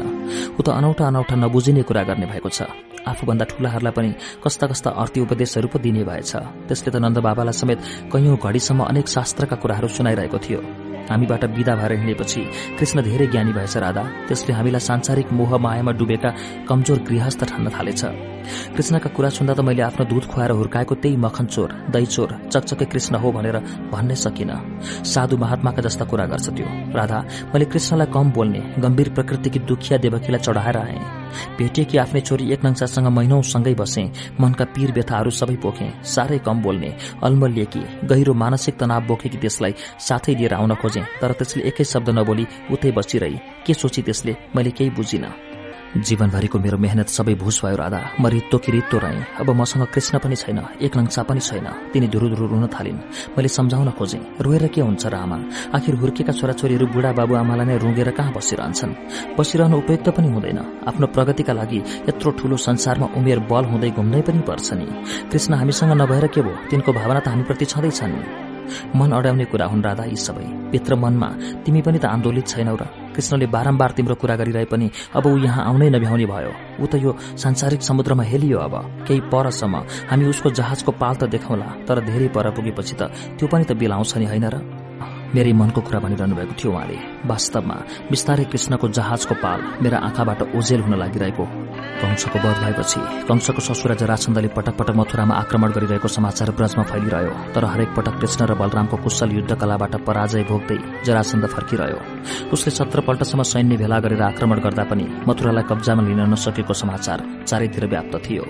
जराछन्दले साह्रै नै दुःख दिइरहेपछि राजधानीलाई सुरक्षित स्थानमा सार्ने सोच भएछ। एकतिरबाट मात्र नगरमा पस्न सकिने र तीनतिर समुद्र पर्ने गरी समुद्रका किनारमा भव्य द्वारिका नगरीको निर्माण गरिएको पनि सुन्यौं। द्वारिका नगरीको निर्माणपछि नगरको उद्घाटन तथा राजा उग्रसेनको राज्याभिषेकको भव्य तयारीको निम्ता सबैतिर छरियो। ब्रजभरि पनि सबैकामा निम्ता आएको थियो। यसपालि पनि मलाई द्वारिका जान जोड गरियो तर मैले फेरि पनि आफूलाई कृष्ण आफै नआउन्जेल उनलाई भेट्न नजाने ढिपीमा कायमै राखे। माता यशोदा रोहिणी नन्दबाबा लगायत ब्रजबाट धेरैजना द्वारिका गए। यसपालि पनि मैले आमालाई द्वारिका जान भने तर उहाँ जानु भएन। कता कता आमालाई पनि कृष्ण ब्रजमा फर्किन आएकाले चित्त दुखेको मैले अनुमान गरेँ। जे भए पनि विद्या अध्ययनपछि आउने भन्ने उनको वचन अधुरै छोडेका थिए कृष्णले। ममा देखिएको चिन्ता र सुर्ताले भित्रभित्रै आमालाई पनि खाइरहेको थियो। फर्केर आउनेहरूले द्वारिका नगरीको साह्रै प्रशंसा गरेका थिए। त्यस नगरीको सुन्दरताको वर्णन सुन्दा त तुरन्तै हेर्न जाइहालौं जस्तो लाग्थ्यो। ब्रजबाट गएका धेरै मानिसहरू त्यहाँको रंगी देखेर बिलाखबन्द हुँदै फर्केका थिए। सबैको पालै पालो कृष्णलाई पनि भेटेछन्। कृष्णले प्रत्येकलाई चिनेर प्रत्येकसँग कुरा गरेर ब्रजका बारेमा हरेकसँग सोधेछन्। आफ्ना बाल्यकालको स्मरण गर्दै कहिले हाँस्दै कहिले गम्भीर हुँदै पनि गरेछन्। मेरो र गोपिनीहरूको स्मरण पनि तिनले धेरैपल्ट गरे भन्थे। यसपालिको यात्रामा आफ्ना मातापिताका साथ शशिकला र रत्नमाला पनि द्वारिका गएका थिए। आउना साथ तिनीहरू अत्यन्त खुसी हुँदै मलाई भेट्न आए। द्वारिकाको वर्णन तिनीहरूले गर्नै सकेनन्। के भन्न खोज्थे? के भन्थे? पटक्क रत्याउन नसक्ने। त्यसको चित्र र तथ्याङ्क दिएर मलाई धेरै बेरसम्म हँसाइरहे। द्वारिका नगरीको कुरा गर्दै शशिकला भन्थे राधे त त अभागी रहेछस्। त घमण्डी पनि भइस। तेरो घमण्डले गर्दा तैँले कत्रो कत्रो मौका चुकाइसकिस्। मथुरा पनि गइनस्। त्यहाँ पनि कृष्णले तेरो कत्रो सम्झना गरेका थिए रे। यसपालि त तँलाई उनले कति सोधे सोधे जोसँग पनि धेरै कुरा गर्थे। त नगएकोमा तिनी मनमा नै धेरै चिन्तित थिए। उसले भने तिनले हामीलाई लाँदा लाँदै उनको महलको अगाडि बनाइएको एउटा भव्य देवीको मन्दिरको दर्शन गराए। हामी सबैले त्यसमा पूजा गर्यौं त्यहाँबाट हिँड्न लाग्दा कृष्णले नै भने ब्रजवासीहरूले पुज्नै पर्ने यहाँ पनि एकजना देवी छन्। छेउमा गएर हेर्यौं त्यहाँ त अहिले नै बोलिहालौँ न जस्तै सुशीलाको मूर्ति पो रहेछ। त्यसलाई देखेर त सबै मूर्ति जस्ता भए। एकाएक सबैको आवाज बन्द भयो र आँखाबाट आँसु बग्न थाल्यो। सबैले सुशीलाको शालिक अघि अश्रुञ्जली चढाए। राधा सुशीला त अमर भइछे त्यसले एकपल्ट शरीर मरेर हजारौं हजार वर्षका लागि विचार बाँचिछे चेतना बाँचिछे कति लामो इतिहास र किम्बदन्ती बाँचिछे। हामी त खै के भयौं र? हामी त कति सानो संसारमा साँगुरिएर ढिलो चल्ने गाउँले समयसँग विगत केलाउँदै वर्तमान भोगिरहेका रहेछौ। कृष्णले एकान्त जस्तो परेका बेला धेरै नै भावुक जस्ता भएर भने शशिकला तिमीहरू कसैलाई पनि मैले बिर्सेको छैन। मानिसले आफ्नो बाल्यकालको जति माया जीवनको अरू कुनै कालको गर्न सक्दैन। तर तिमीहरूसँग मैले ब्रज ब्रजमा बिताएको समय र स्मरण के म भुलुला? झन् राधालाई त म कसरी बिर्सुला? जसलाई मैले आफ्नो प्राणको प्रारम्भिक बिन्दु ठानेको छु। सुत्दा उठ्दा हिँड्दा डुल्दा हरेक एकान्त क्षणमा म उनैसँग हुन्छु उनकै स्मरणमा। तर राधाले मलाई चिनिनन् शशी। तिनले मलाई बुझिनन्। तिनी ब्रजको एकान्तिकताबाट मुक्त हुनै सक्दिनन् तिनलाई सम्झाइदेऊ तिमी। तिनलाई एकपल्ट मात्र भए पनि द्वारिका पठाइदेऊ। तिनका निम्ति भनी मैले अलग्गै एउटा भवन बनाएको छु। त्यो भवनमा राधा बाहेक अरू कोही बस्ने छैन। केही गरी राधा आइनन् भने त्यो भवन युग युगान्तर खाली नै रहनेछ। शशी हिँड तिमीलाई देखाइदिन्छु म त्यो। उनले हामीलाई राधा भवन देखाए। अहो त्यो त एउटा प्रेमको प्रतीक जस्तो छ राधा। त्यस्तो महल त यस संसारमा कहाँ होला र? शहर घुम्न निस्केका प्रत्येक दर्शनाभिलाषीहरू एकपल्ट राधा भवन अघि पुगेर निश्चल बन्द रहेछन्। सुन्दरताको पराकाष्ठा छ त्यो। अनेक मडी माडिक्यले जडित सुन झैं चम्किलो सूर्य पनि लजाउँदो रहेछ त्यो भवनसँग। हामी त झन् लाटा भयौं। कृष्णले भने शशी यो महल म भित्रकी राधाको वासस्थान हो। राधा जहाँ हुन् म तिनलाई यसै महलमा भएको सम्झन्छु। र प्रत्येक दिन मेरो एकान्त जीवन यसै महलमा बित्दछ। यदि राधा आएकी भए म उनलाई यो महल उपहार दिन्थे र सदा सदाका लागि द्वारिकामा उनलाई स्वागत गर्थे। तर तिनी मसँग धेरै रिसाइन्। तिनले मलाई नराम्ररी माया मारिन्। तिनले मलाई बुझिनन्। म कर्तव्यको कठोर बन्धनले दिनदिनै बेरिँदै र बाँधिँदै गएको छु भन्ने तिनले बुझ्न सकिनन्। प्रेमको एकहोरो रुमानी चेत बोकेर एकान्त गीत गाइरहने तिनले जीवन त ठूलो युद्धभूमिमा छ द्वन्द्व र संघर्षमा छ भन्ने बुझ्नै सकिनन्। तिनले जीवनलाई रमाइलो खुशी र आनन्दको भन्दा अर्को देख्नै सकिनन्। म चाहन्थे राधालाई सांसारिकता पनि देखाइदिउँ तर तिनले यतापट्टिको जीवन नै हेर्न मन गरिनन्। राधा वास्तवमा कृष्णले तँलाई कति माया गर्छन् कति? तैँले त आफ्नै घमण्डको रापमा आफूलाई पोली बसेको रहेछस्। त्यस्ता सुन्दर शक्तिशाली जसको पनि मन तुरन्त हरण गर्न सक्ने कृष्णलाई त ब्रजमा बसेर घुर्क्याउँछस्। तिनलाई तैँले देखि अरूले नै भोग गर्नेछन् राधा। मैले बुझेको। अझै पनि त्यहाँ एकपल्ट द्वारिका जा। मैले भनेको मान्छेस् भने कृष्ण तेरो प्रतीक्षामा छन्। शशिकलाका कुराले म दोधारमा परे। मनमा कता कता पश्चाताप जस्तो पनि लाग्यो। कृष्णलाई अहिले नै देखिहाल्नुको इच्छा पनि जाग्यो। तर के भएको के? मनले आँटै गरेन। मन चटपट आएन तर तनाव भित्रैबाट म तानिँदै जाँदै थिएँ द्वारिकातिरै। शशिकलाले गरेको द्वारिकाको वर्णन कृष्णको कुरा र राधा भवनले मलाई त्यतातिर तानिरहेको थियो। तिनी म प्रति इमान्दार नहुँदा हुन् त मेरा लागि अलग्गै भवन किन बनाउँथे जहाँ मेरो उपस्थिति नै छैन? अनि एक दिन मैले आमालाई धक मान्दै आफ्ना मनका कुरा राखेँ। आमा केटाकेटीमा जानी नजानी धेरै घटनाहरू भए। कृष्णसँग मेरो नाम नबिर्सिने गरी जोडियो। मेरै कारणले पिताजीले पनि लामो पक्षाघात बिहोरेर दिवंगत हुनु पर्यो तर अब म त्यस्तो उडन्ते र भावुक छैन।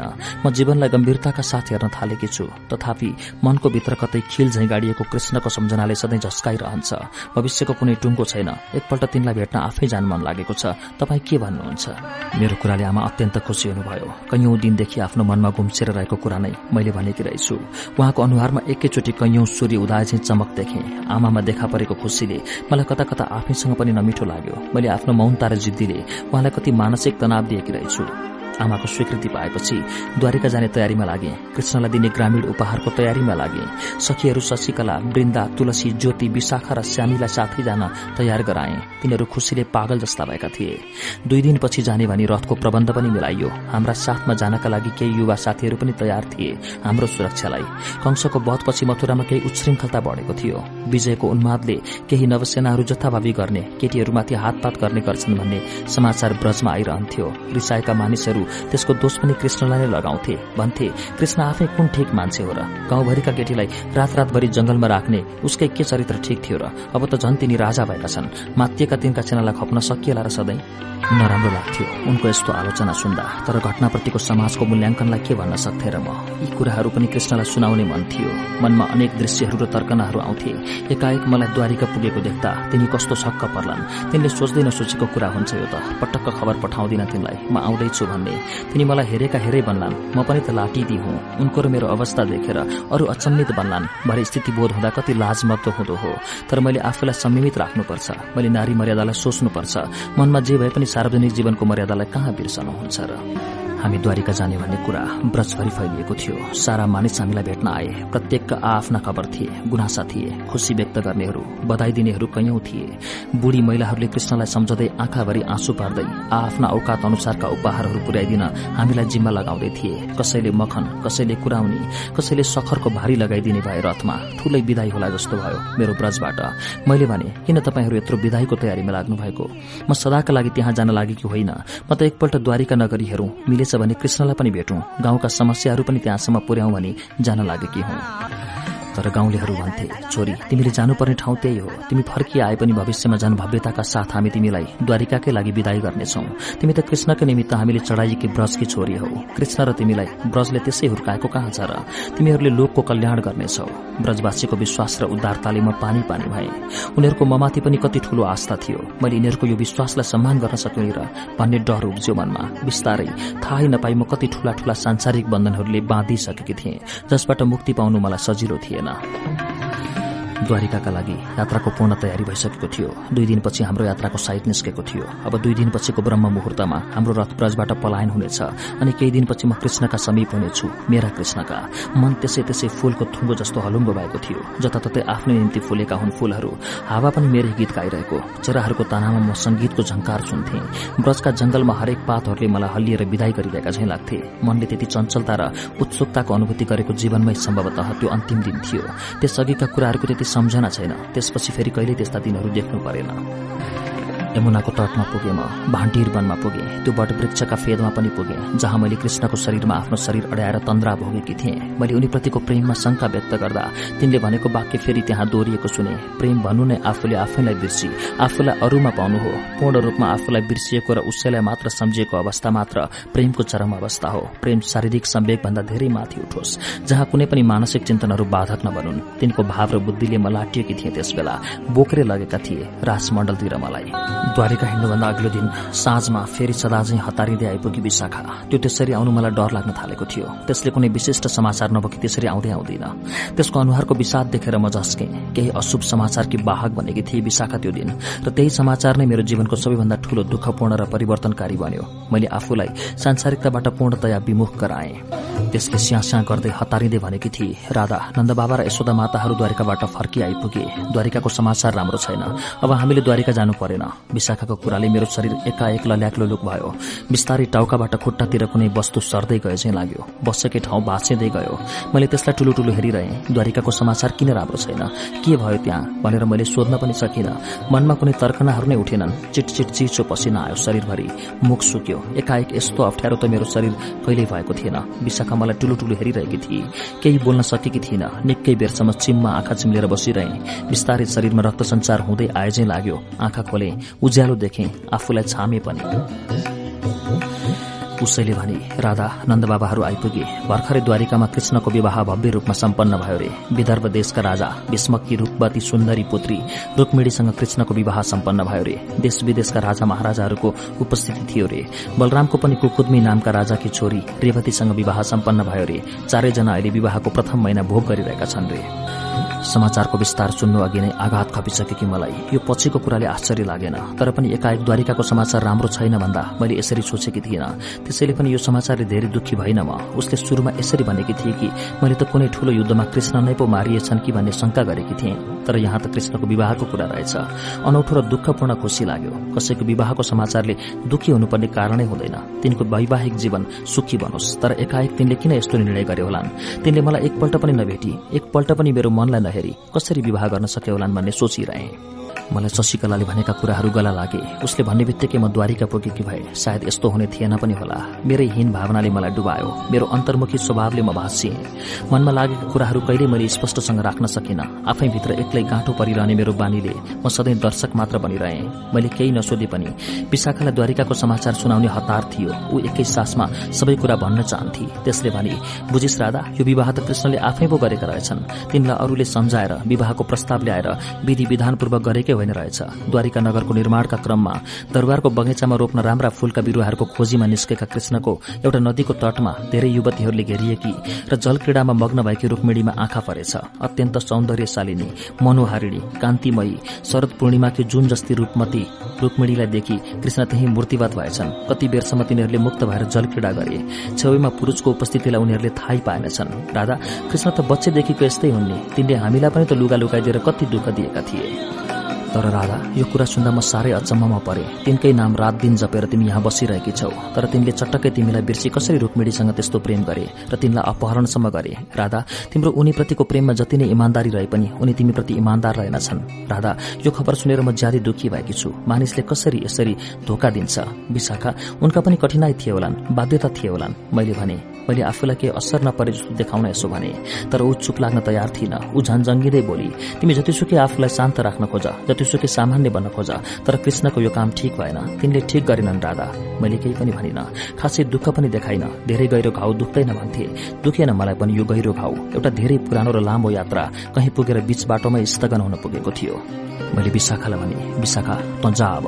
आज म एकान्त चाहन्छु। फेरि भोलि भेट गरौँ है। ऊ त्यत्तिकै तातिएरै गई। त्यसलाई यो खबरले पटक्क चित्त बुझेको थिएन। विशाखा त्यसरी रिसाएको मैले देखेकी पनि थिइनँ। हामी मध्ये सबैभन्दा कम बोल्ने र सोझीमा गन्थ्यौं हामी त्यसलाई। सुशीलासँग छुटेपछि मेरो सबैभन्दा घनिष्ठ पनि उही भएकी थिए। विशाखा हिँडेपछि उहाँलाई एकैचोटि गमलङ्ग आकाश लिएर अँध्याराले थिचे जस्तो भयो। नराम्रो गरी टाउको रन्क्यो रिङ्गटा पनि लाग्यो। फेरि अघिकै जस्तो जिउभरि चिसो पसिना आयो।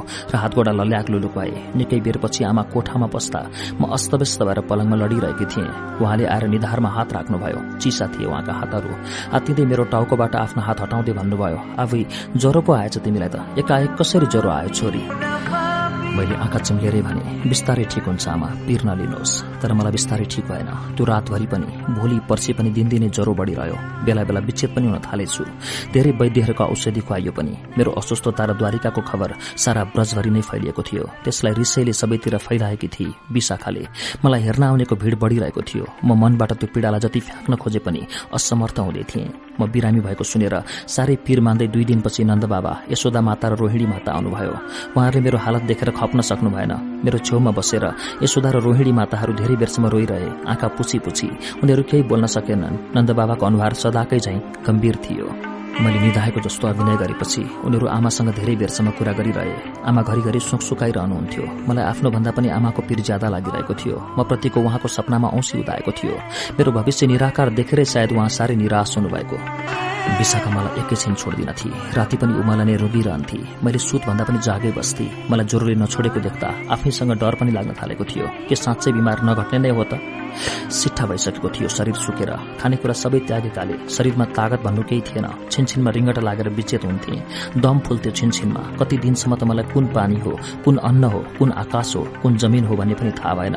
तर बिस्तारै बिमार घट्दै गयो। झण्डै एक महिनामा ओछ्यानमा सुतेछु। मेरा हत्केला पाइतालामा काई बसेको थियो। शरीरको एक पत्र छाला फुस्रिँदै गयो। दह्रोसँग तङ्ग्रिन मलाई अरू दुई महिना लाग्यो। तर यसबीचमा मैले आफूलाई दरी बनाइसकेकी थिएँ। मैले जीवनलाई नयाँ ढंगबाट हेर्न थालेकी थिएँ। कृष्णपट्टिबाट आफूलाई निकै नै स्वतन्त्र गरी व्यवहारमा लागे म। अब पूर्ण रूपमा समाजसेवामा केन्द्रित हुन थाले। ब्रजको जिम्मेदारी पनि हामीले द्वारिकालाई फर्काइदियौं। कृष्णले यो फिर्ता लिन मानेका थिएनन् रे। तर आमाले आफ्नो अनुभवहीनता र मेरो चाँडै हुन सक्ने विवाहका कारण त्यो जिम्मा अब हामी आमा छोरीले लिन नसक्ने भएको कुरा बुझाएपछि द्वारिकाको प्रतिनिधिका रूपमा चन्द्रभानुले त्यो काम गर्ने भए खुसी लाग्यो मलाई पनि। कमसेकम सुशीलाको त्यागको सानो मूल्याङ्कन त भयो। आफू मरेर भए पनि त्यसले बाबुलाई स्थापना गरी मेरा बारेमा कृष्णले आमासँग सोधेका रहेछन्। तर आमाले खासै महत्व दिनु भएन रे त्यस जिज्ञासालाई कृष्णले धेरै नै नजर गिरेको अवस्थामा उपस्थित भएका थिए अरे आमाका समीप हामी आमा छोरीलाई त्यत्रो सम्पत्तिको केही आवश्यकता पनि थिएन। त्यसलाई सम्हालेर राख्न हामीले सदा त्यसैको नोकर बन्नु थियो। आमा पनि त्यो व्यवहारबाट मुक्ति चाहनुहुन्थ्यो। एक दिन आमाले भन्नुभयो नानी म यो सांसारिक जीवनबाट विरक्त भए। म एकान्त कुनै तीर्थस्थलमा गई। बाँकी जीवन ईश्वरको आराधनामा बिताउन चाहन्छु। तेरो कन्यादान गर्न पाए म यो कर्मबन्धनबाट मुक्त हुन्थे। त के भन्छेस्? आमालाई कर्तव्य बन्धनले कसैकै थियो। उमेर पुगेकी एउटी छोरीको भविष्य निश्चित गरिदिन कुन आमा बाबु चिन्तित नहोला र मैले भने तपाईँ आफ्नो तीर्थयात्रामा निस्कनुहोस् आमा मेरो पीर नलिनु। मैले आफूलाई एक ब्रह्मचारी कन्याको रूपमा जीवन बिताउने अठोट गरिसकेको छु तर मेरो कुराले आमाको चित्त बुझेन। उहाँले मलाई नारी जीवनको महत्वको व्याख्या गर्दै भन्नुभयो नारीलाई प्रकृतिले आफू बाँच्दै फैलन ठूलो जिम्मेदारी दिएको हुन्छ।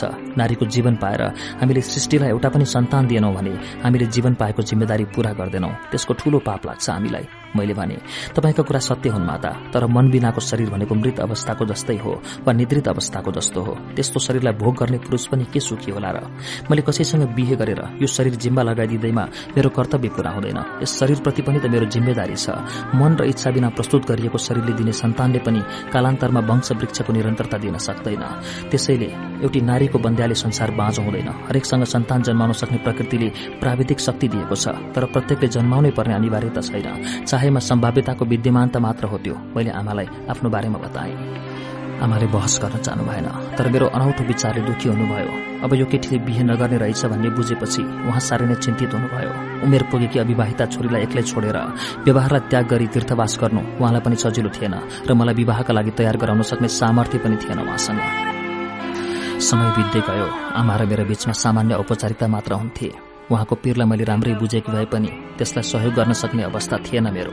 बालककालदेखि नै प्रिय पुरूषका रूपमा एकमात्र कृष्णलाई मैले रोजेकी हुँदा अरू कुनै पनि पुरूष मेरो कल्पनामा आउनै सक्दैनथे र कृष्ण पनि अब कालो टाटो मात्र भएका थिए। पुरूष अस्ताएको मेरो मनमा आमाको इच्छा पूरा गर्ने कुनै ठाउँ नै थिएन। द्वारिकाबाट बाक्ला पाताला खबर आइरहन्थे। कृष्णलाई भेटेर आउने प्रत्येकले तिनले मलाई सम्झेका छन् भन्ने खबर ल्याउँथे। ती खबरहरूले बारम्बार मलाई खाटो बसेको घाउ कोट्याइदिए लाग्थ्यो। आलो घाउ भन्दा खाटो बसेको ज्यादा दुख्दो रहेछ। कोट्याउँदा। यसरी आउने समाचारहरूले प्राय कृष्णका विवाहका चर्चाहरू नै लिएर आउँथे। कृष्णले रुक्मिणी हरणपछि आफ्नो जीवनको लक्ष्य नै अर्काका छोरीहरूलाई हरण गरी पत्नी बनाउने लिए जस्तो गर्न थालेछन्। जोसँग युद्ध हुन्छ। त्यसकी छोरी पनि ल्याइहाल्ने गर्दै जाँदा उनले रुक्मिणीपछि पनि अरू सातवटी युवतीहरू हरण गरी पत्नी बनाइसकेका थिए। कालिन्दी सत्यभामा सत्या सती नाग्नजिती जाम्बवती लक्ष्मणा गरी रुक्मिणी बाहेक अरू सातवटी पत्नी कृष्णले थपिसकेका थिए। मलाई रुक्मिणीको साह्रै माया लाग्यो। बिचराउनी त कृष्णकी प्रथम पत्नी थिइन्। तिनले मन पराएरै कृष्णलाई हरणका निम्ति आह्वान गरेकी थिइन्। तर तिनका आँखा अघि एक एक गरी अरू पत्नीहरू ल्याइरहँदा कस्तो जीवन भोगिरहेकी होलिन्? के तिनी सुखी होलिन्? झट्ट मनमा डर उम्रियो। यदि रुक्मिणीको ठाउँमा मलाई स्थापना गरिएको भए आज मेरो के दशा हुन्थ्यो? यो सोचाइ आउन साथ ममा एकाएक ज्ञान पलाए जस्तो लाग्यो। कुनै कठोर बन्धनबाट मुक्त भए चाहिँ लाग्यो। आँखा अघि सधैँ कालो टाटो जस्तो देखेँ अब उज्यालो बाटो देखेँ उघारो आकाश देखेँ। साँच्चै नै म ठूलै समस्याबाट मुक्त भए चाहिँ भएँ।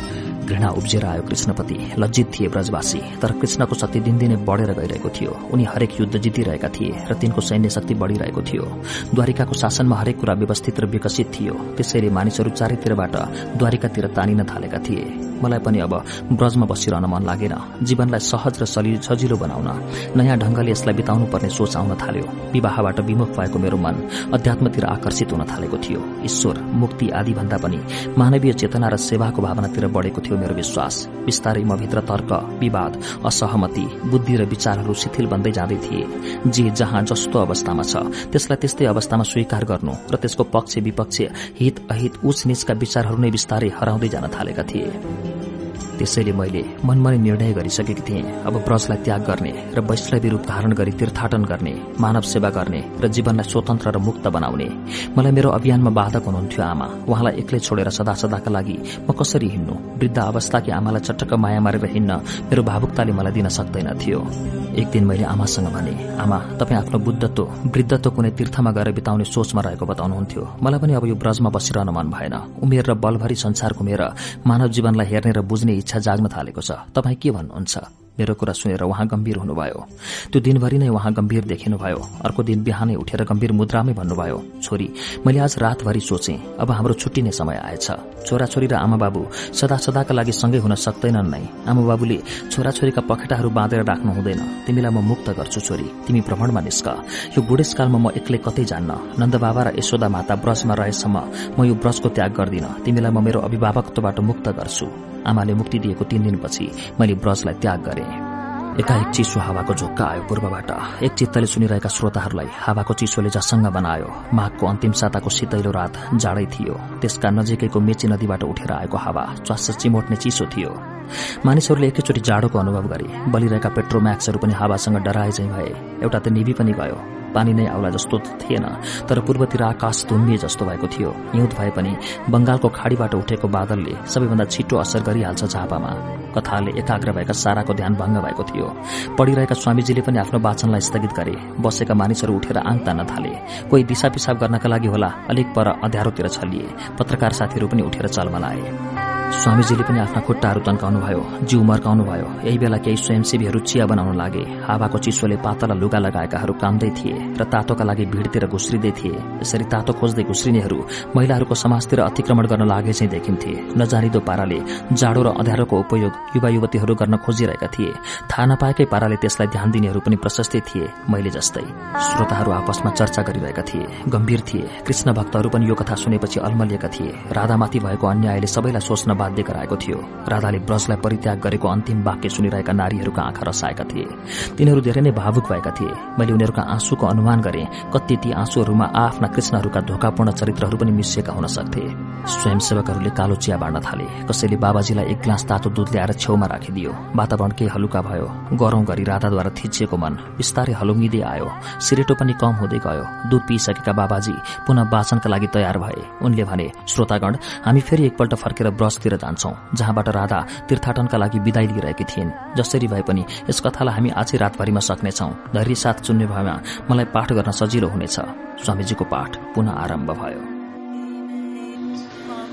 मैले आफू तीर्थाटनमा निस्कने घोषणा गर्न साथ आगो जस्तै फैलियो त्यो समाचार ब्रजभरि मलाई भेट्न आउनेहरूको भीड़ लाग्न थाल्यो। कोही मलाई यस्तो कलिलो उमेरमा किन तीर्थाटनमा जानु? बरु अहिले विवाह गर्नु घरजम गर्नु र पछि बुढो भएपछि घुम्नु भन्थे। कोही भन्थे भन्नु जस्तो सजिलो हुँदैन तीर्थाटन बडो कठिन यात्रा हुन्छ त्यो। बाटाघाटा अप्ठ्यारा हुन्छन्। वन जंगलमा हिंस्रक पशुहरूको भय हुन्छ। चोर डाकाहरूको त्यस्तै बिगबिगी। अझ तिमी जस्तै युवतीलाई त पाइलै पछि खतरा छ। तीर्थ भनेकै दुर्गम र अनकन्टारमा हुन्छ। यत्रो लामो यात्रामा एक्लै किन निस्किन्छौ नानी? सबैले भनेका कुराहरू ध्यानपूर्वक सुने। अनुभवी अभिव्यक्तिहरू थिए ती। मेरो मन बेला बेला दुधारमा पनि पर्थ्यो। कोही आएर आमाप्रतिको आफ्नो कर्तव्य बोध गराउँथे। कोही छोरीको जीवनको महत्व बुझाउँथे। एक्लै एकान्तमा म गम्भीर संशयमा परिरहन थाले। नन्द बाबाले पनि बडो गम्भीर मुद्रामा भन्नुभयो तिमीले एक्लै किन यसरी हिँड्ने विचार गर्यो बाबु? केही वर्ष पर्ख हामी पनि जानेछौ साथै जाउँला। मैले भने बाबा म पुण्य कमाउन केही कालका लागि भ्रमण गरी फर्किन वा रमाइलोका लागि यो यात्रामा निस्कन लागेकी होइन। मैले त आफूलाई एउटी वैष्णवीको रूपमा धारण गरी जीवन नै परिवर्तन गर्ने निर्णय गरेकी छु। अब शुरू हुने मेरो यात्रा एउटा यायावरको हुनेछ। म संसार भ्रमण गरी ठाउँ ठाउँमा आफ्ना अनुभवहरू बताउँदै र अरूबाट ज्ञान लिँदै जीवनलाई बिताउने सोचमा छु बाबा। यो कुरा तिमीले कलावतीलाई भनेकी छेउ त? आमालाई थाहा छ मेरो निर्णय। उहाँले मलाई विदा दिइसक्नु भएको छ। नन्द बाबा केही बोल्नु भएन। चुपचाप उठेर जानुभयो। हिँड्नुभन्दा अघिल्लो दिन साँझमा एउटा सानोतिनो भारी नै जस्तो बोकेर एकाएक विशाखा आइपुगी अनौठो थियो त्यसको अनुहार। सदाभन्दा रूपै परिवर्तन थियो। झट्ट त्यो साँझमा त्यसलाई आफ्नो अघि देखेर म अलमल्ल परे। केही सोध्नै परेन मैले। देवता उत्रेको धामीले जस्तो फर्र भन थाली। म त आएँ राधा तसँगै जाने भएर आएँ। त कहाँ जान्छेस् मसँग? त जहाँ जान्छेस् म त्यहीँ जान्छु। छक्क परे म। सरसल्लाह छैन केही छैन। ऊ त्यत्तिकै हाम फालेर आएकी थिए। अनौठो ढंगले मैले त्यसलाई कति बेरसम्म हेरिरहेँ। त्यसले भनी के ठानेकी छेस् तैँले? त मात्र यत्र यत्र निर्णयहरू गर्न सक्छेस् र हिँड्छेस्?